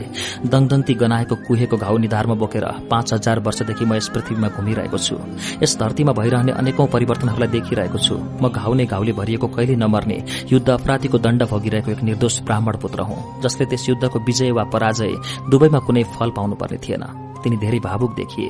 आज कैयौं वर्षपछि तिनले कुरूक्षेत्रलाई आलो स्मरण गरेको भान हुन्थ्यो। एकजनाले भन्यो पछाडिबाट तर कौरवहरूले पाण्डवहरूमाथि साह्रै नै अत्याचार गरेका थिए बाबा। उनीहरूले कम अन्याय खपेका थिए र त्यसबेला बिचरा पाण्डवहरूलाई एउटा विदुरले पनि तटस्थ रहेर भन्दा बढ़ी साथ दिएनन्। कृष्णले सक्रिय साथ नदिएको भए पाण्डवको के गति हुँदो? हो हामीले सब कुरा जानेका छौं। महाभारत पढेर। बाबाले बसेकै ठाउँबाट आवाज आएतिर तन्केर हेरे। त्यो मानिसलाई देखौंला चाहिँ गरेर पूरा उज्यालो भइसकेको थिएन। निकै परसम्मका अनुहारहरू प्रष्ट देख्न सकिन्थ्यो। त्यसपछि लामो सास तानेर बाबा बोले तपाईँहरूको भनाइ जाहेज छ। हजारौं वर्षदेखि पढ्दै आउनुभएको कथालाई नपत्याए। केलाई पत्याउनु तपाईँहरूले? मैले पनि पढेको छु त्यो पुस्तक। तर साह्रै रिसोड्दो र हाँसोड्दो लाग्छ मलाई त्यो। कैयौं वर्ष अघि एक दिन व्यासजीसँग अनायासै भेट भएको थियो। मैले त्यस कृतिको चर्चा गर्दा त्यसबेला त्यस्तै लेखियो। पछि संशोधन गर्नुपर्ने मिलाउनेछु भन्नुहुन्थ्यो। सायद त्यसको संशोधन हुन बाँकी छ। त्यो पुस्तक त एक पक्षीय छ। पाण्डवहरूको पक्षमा जित्नेहरूको पक्षमा। लेखकहरू मुक्त र स्वतन्त्र भएनन् भने साहित्यको अवस्था यस्तै हुन्छ। व्यास जस्ता लेखक त मुक्त रहन सकेनन्। जसले यत्रो लामो युगलाई नै अन्धकारमा राखेको छ। तत्कालीन प्रभावपरक लेखन पनि कहिलेकाहीँ परिस्थितिले दीर्घकालीन बन्न पुग्यो भने सुन्दरताको पनि साह्रै बिजोग हुँदो रहेछ। बाबु हो तपाईँहरू धैर्य गर्न सक्नुहुन्छ भने सुन्नुहोस्। अब मैले देखेको महाभारत। मानिसहरू अलमल्ल परेर बाबातिर हेरिरहेका थिए। हामी पत्रकारहरू भने जर्याक जुरुक उठ्यौं। राधाका लेखक कृष्ण धरावासीले राधाको प्रतिक्रिया कस्तो पाउनुभयो? यो पहिला पनि एकपल्ट यो यहाँले नि वाचन गरिदिनु भएको थियो। केही वर्ष पहिला। र त्यति बेला म झापामै थिएँ। र अन्तिम श्रृङ्खला यहाँ वाचन भइसकेछ किनभने उहाँ चाहिँ सुनिँदैन थियो त्यो। अनि राति के अरे दस बजेपछि राति बाह्र एक बजेसम्म पनि म्यासेजहरू आइरह्यो यो मोबाइलमा है बजेको बजे। अनि त्यहाँ विभिन्न खालका चाहिँ प्रतिक्रियाहरू थिए तर राम्रा खालका थिए खुसी भएका है। अनि कति साना साना केटाकेटीहरूका पनि थिए। नचिनेका मान्छेहरूका पनि थिए। सबैको मैले अब जवाब फर्काउन त सकिनँ। तर मैले निकै दिनसम्म ती प्रतिक्रियाहरू राखेको थिएँ। अहिले पनि के छ भने अहिले त म यहीँ काठमाडौँमै छु है। त्यसो हुनाले अहिले पनि जब यो श्रृङ्खला एउटा सकिन्छ त्यसपछि आइहाल्छन्। यो म्यासेजहरू आउँछन् मोबाइलमा। फोन चाहिँ होइन के अरे यो म्यासेजहरू आउँछ र त्यहाँ चाहिँ धेरै कुराहरू लेखेका हुन्छन् प्रभावित भएका कति कुराहरू जिज्ञासाहरू पनि आउँछन्। जे होस् यो प्रसारण भइसकेपछि मलाई चाहिँ एक डेढ घन्टा पुग्छ। बैसठी सालमा मदन पुरस्कार पायो राधाले। त्यस पछाडि यता टुणाल उपन्यास अहिले निकै चर्चामा छ बजारमा हामीसँगै पनि श्रुति सम्वेक युनिटसँग पनि श्रोताहरूले कुराकानी गर्दाखेरि राधा सँगसँगै टुणालको प्रसङ्गहरू आइरहेको हुन्छ। यति पछाडि आएर पनि राधा चाहिँ उत्ति नै लोकप्रिय हुनुको पछाडि के कारण हुन सक्छ अब मलाई चाहिँ के लाग्छ भने राधाले जुन कुरा बोकेको छ यो राधा आफै यति चर्चित भएको छैन कि? राधाको जुन लेखनको पृष्ठभूमि हो त्यो नै तपाईँको पाँच हजार वर्ष पुरानो पृष्ठभूमि छ। होइन? पूर्वीय आध्यात्म साहित्यका पुराणहरू। यो राधाले समातेको पृष्ठभूमि पनि त्यही पुराणबाट लिएर आएको हुनाले। र अहिले यो देशमा मलाई लाग्छ पन्ध्र बिस हजार ठाउँमा पुराण भइरहेको छ। श्रुतिपूरक रूपमा यो आउँछ। त्यसले गर्दा मान्छे यो राधा पढ्दा त्यही पुराणकै पात्रसँग भेट्छन् पुराणका घटनाहरूका छेउछाउमा भेट्छन् पुराणमा जिज्ञासा उठेको तर पुराणले जवाब नदिएका कुराहरू यहाँ जवाब पाए जस्तो लाग्छ। यिनै जिज्ञासाहरूले गर्दा यो आएको होला। कृष्ण धरावासी अन्तिम श्रृङ्खलामा आउने भनिसकेपछि राख्न नछुटाउनु पर्ने प्रश्न भन्दै पठाइएको प्रश्न चाहिँ लीला लेखन र नेपाली साहित्यमा यसको प्रयोगबारे छोटकरीमा उहाँसँग सोधिदिनुहोस् भन्ने खालका प्रश्नहरू पनि निकै श्रोताले पठाउनु भएको छ। अब लीला लेखनका त अब प्राविधिक कुराहरू धेरै छन्। अब ती धेरै प्राविधिक कुराहरूलाई हामीले यो छोटो समयमा भन्न सक्दैनौँ। तर खास गरी के हो भने लीला लेखनमा चाहिँ हामीले के गर्छौँ भन्दाखेरि लीला लेखनले जुन रूढ मान्यताहरू छ नि त्यो रूढ मान्यताहरूमा यसले विश्वास गर्दैन। है? र यसले चाहिँ के भने सत्यको निर्विकल्पतालाई पनि यसले स्वीकार गर्दैन। सत्य वैयक्तिक हुन्छन् भन्छ यसले। यही कुरा उत्तराधिकताले पनि त भन्छ भन्ने प्रश्नहरू पनि सँगसँगै आएका छन्। है? तर त्यसको जवाबमा हामीले के भन्छौँ भने जुन कुरा अहिले उत्तराधिकताले भन्छ उत्तराधिकताले जे कुरा भनेको छ त्यो कुरा चाहिँ हाम्रो पुराणमा छ। है? त्यस यथार्थ र भ्रमको एउटा खेल त्यहाँ भएको छ कि? किन पात्रहरू यथार्थ छन्? घटनाहरू काल्पनिक भए पनि पात्र र घटनासँग जोडिँदा यथार्थ जस्तो पनि लाग्छ कल्पना जस्तो पनि लाग्छ। र यथार्थ र कल्पनामा कति फरक भन्ने एउटा जिज्ञासा हुँदा त्यो हेर्ने दृष्टिकोणले फरक र यथार्थ जस्तो लाग्ने हुन्छ कि? राधाको प्रसारण भइरहँदाखेरि हामीलाई धेरै प्रतिक्रियाहरू प्राप्त भए। जसमध्ये हाम्रो साथी मन्टेश्वरी राजभण्डारीले एउटा प्रश्न लिएर आउनुभएको छ यहाँनिर। राधा चाहिँ एकदमै विनिर्माण गर्दा भनौँ न अब राधालाई चाहिँ तपाईँले विनिर्माण गर्दा चाहिँ राधा चाहिँ एकदम सशक्त पात्रको रूपमा ल्याएँ भन्नुभयो। तर लास्टमा क्लोजिङमा इनमा पुगेपछि चाहिँ राधा एकदम कमजोर भएर फेरि कृष्णकै पछाडि गएको देखिन्छ। अनि मलाई त कस्तो लाग्यो भने सबै पढिसकेपछि जुन सशक्त पात्र थियो नि त्यसलाई लास्टमा किन यति कमजोर बनाउनु भयो भन्ने चाहिँ मलाई सधैँ सोध्न मन लाग्ने क्वेसन यो त अब सबैले सोध्ने क्वेसनै होइन? पाठकहरू र लेखकको र पाठकका समस्या चाहिँ बेग्ला बेग्लै हुँदा त्यो कस्तो भने लेख्न बस्दाखेरि लेखनकालमा चाहिँ एउटा निरपेक्ष चिन्तनबाट लेख्नुपर्छ भनेको कस्तो भने निरपेक्षता भनेको कस्तो भने विचारै बिनाको निरपेक्षता चाहिँ होइन। तर म अब म भट्टराईको छोरो म लोग्ने मान्छे म बाहुन म हिन्दू म अब राजनीतिक पनि कुनै के के यस्ता विभिन्न हाम्रो दिमागमा हुन्छ नि त्यो चिजहरू सबै सबैलाई सँगै राखेर लेख्न बस्यो भने कलम नै नचल्ने त्यसो भएपछि त्यो सबै चिजलाई फालेर लेख्न बसेपछि चाहिँ अब मैले यो पात्रलाई कमजोर बनाउँछु यसलाई बलियो बनाउँछु यसलाई यता लग्छु उता लग्छु भन्ने कुरा पनि हुँदो रहेछ क्या। नभएपछि त्यो कथा कसरी जाँदै हुन्छ? अब यसमा चाहिँ के भने लेख्दा लेख्दै यो पा राधा चाहिँ एकदम एउटा के भने सशक्त नारी चेतना बोकेको अहिलेको फेमिनिस्ट मुभमेन्टमा पनि निकै सशक्त भए जस्तो अहिलेको चाहिँ एउटा त्यो त्यो शक्तिशाली शक्ति पनि राधामा देखियो होइन। तर त्यो जम्मैको पछाडिको राधाको चाहिँ र कृष्णको सम्बन्धको बिचमा जुन प्रेम तत्त्वको कुरा छ नि यो प्रेम तत्त्व चाहिँ जुन हो त्यो प्रेम तत्त्व चाहिँ नितान्त व्यक्तिगत हो। होइन? व्यक्तिगत र मनोवैज्ञानिक हो त्यो। त्यसले पारेको प्रभाव जुन हुन्छ त्यो प्रभाव चाहिँ कुनै पनि विचारले सिद्धान्तले अथवा रिसले झगडाले कुनै चिजले पनि त्यो त्यो त्यसलाई चाहिँ अन्त्य गर्न सक्दैन। अब कस्तो हुन्छ भन्दा जस्तो यही राधा किताबमा के छ भन्दाखेरि कृष्णले त्यत्रो महिलाहरूलाई उनले भेला गरेको छ कथामा। यसमा भन्दा पुराणमै भेला गरेको छ र पनि उसले चाहिँ के गरिरहेछ भने राधालाई पछ्याइरहेको छ। है? शारीरिक रूपमा त उसले शारीरिक रूपमा त उसको उसले धेरै सन्तुष्टि प्राप्त गरेको होला। तर मानसिक सन्तुष्टि भन्ने कुरा चाहिँ राधाकै पछि छ ऊ होइन? हुँदा हुँदा त काठमाडौँसम्म पनि आएको देखिन्छ। राधालाई खोज्दै होइन गोपाल वंशीहरूलाई स्थापित गरेर फर्केको देखिन्छ। त्यो त धेरै पछि जस्तै छ भनेपछि अब राधा पनि के गरिरहेछ भने यत्रो भ्रमण गर्दै जाँदा पनि उसलाई त्यो घुमाउने तत्त्व पनि त्यही प्रेम तत्त्व छ कि उसलाई घुमाउने। त्यो खुसीले रहरले होइन कि उसलाई त्यो घुमिरहनुको पछाडि रिसाएर हो कि घुर्क्याएर हो कि मायाले हो कि त्यो कहीँ स्थिर भएर बस्न दिएको छैन। त राधालाई चाहिँ अप्सन थियो। दुई ठाउँमा जाने। एउटा चाहिँ द्वारिका जाने।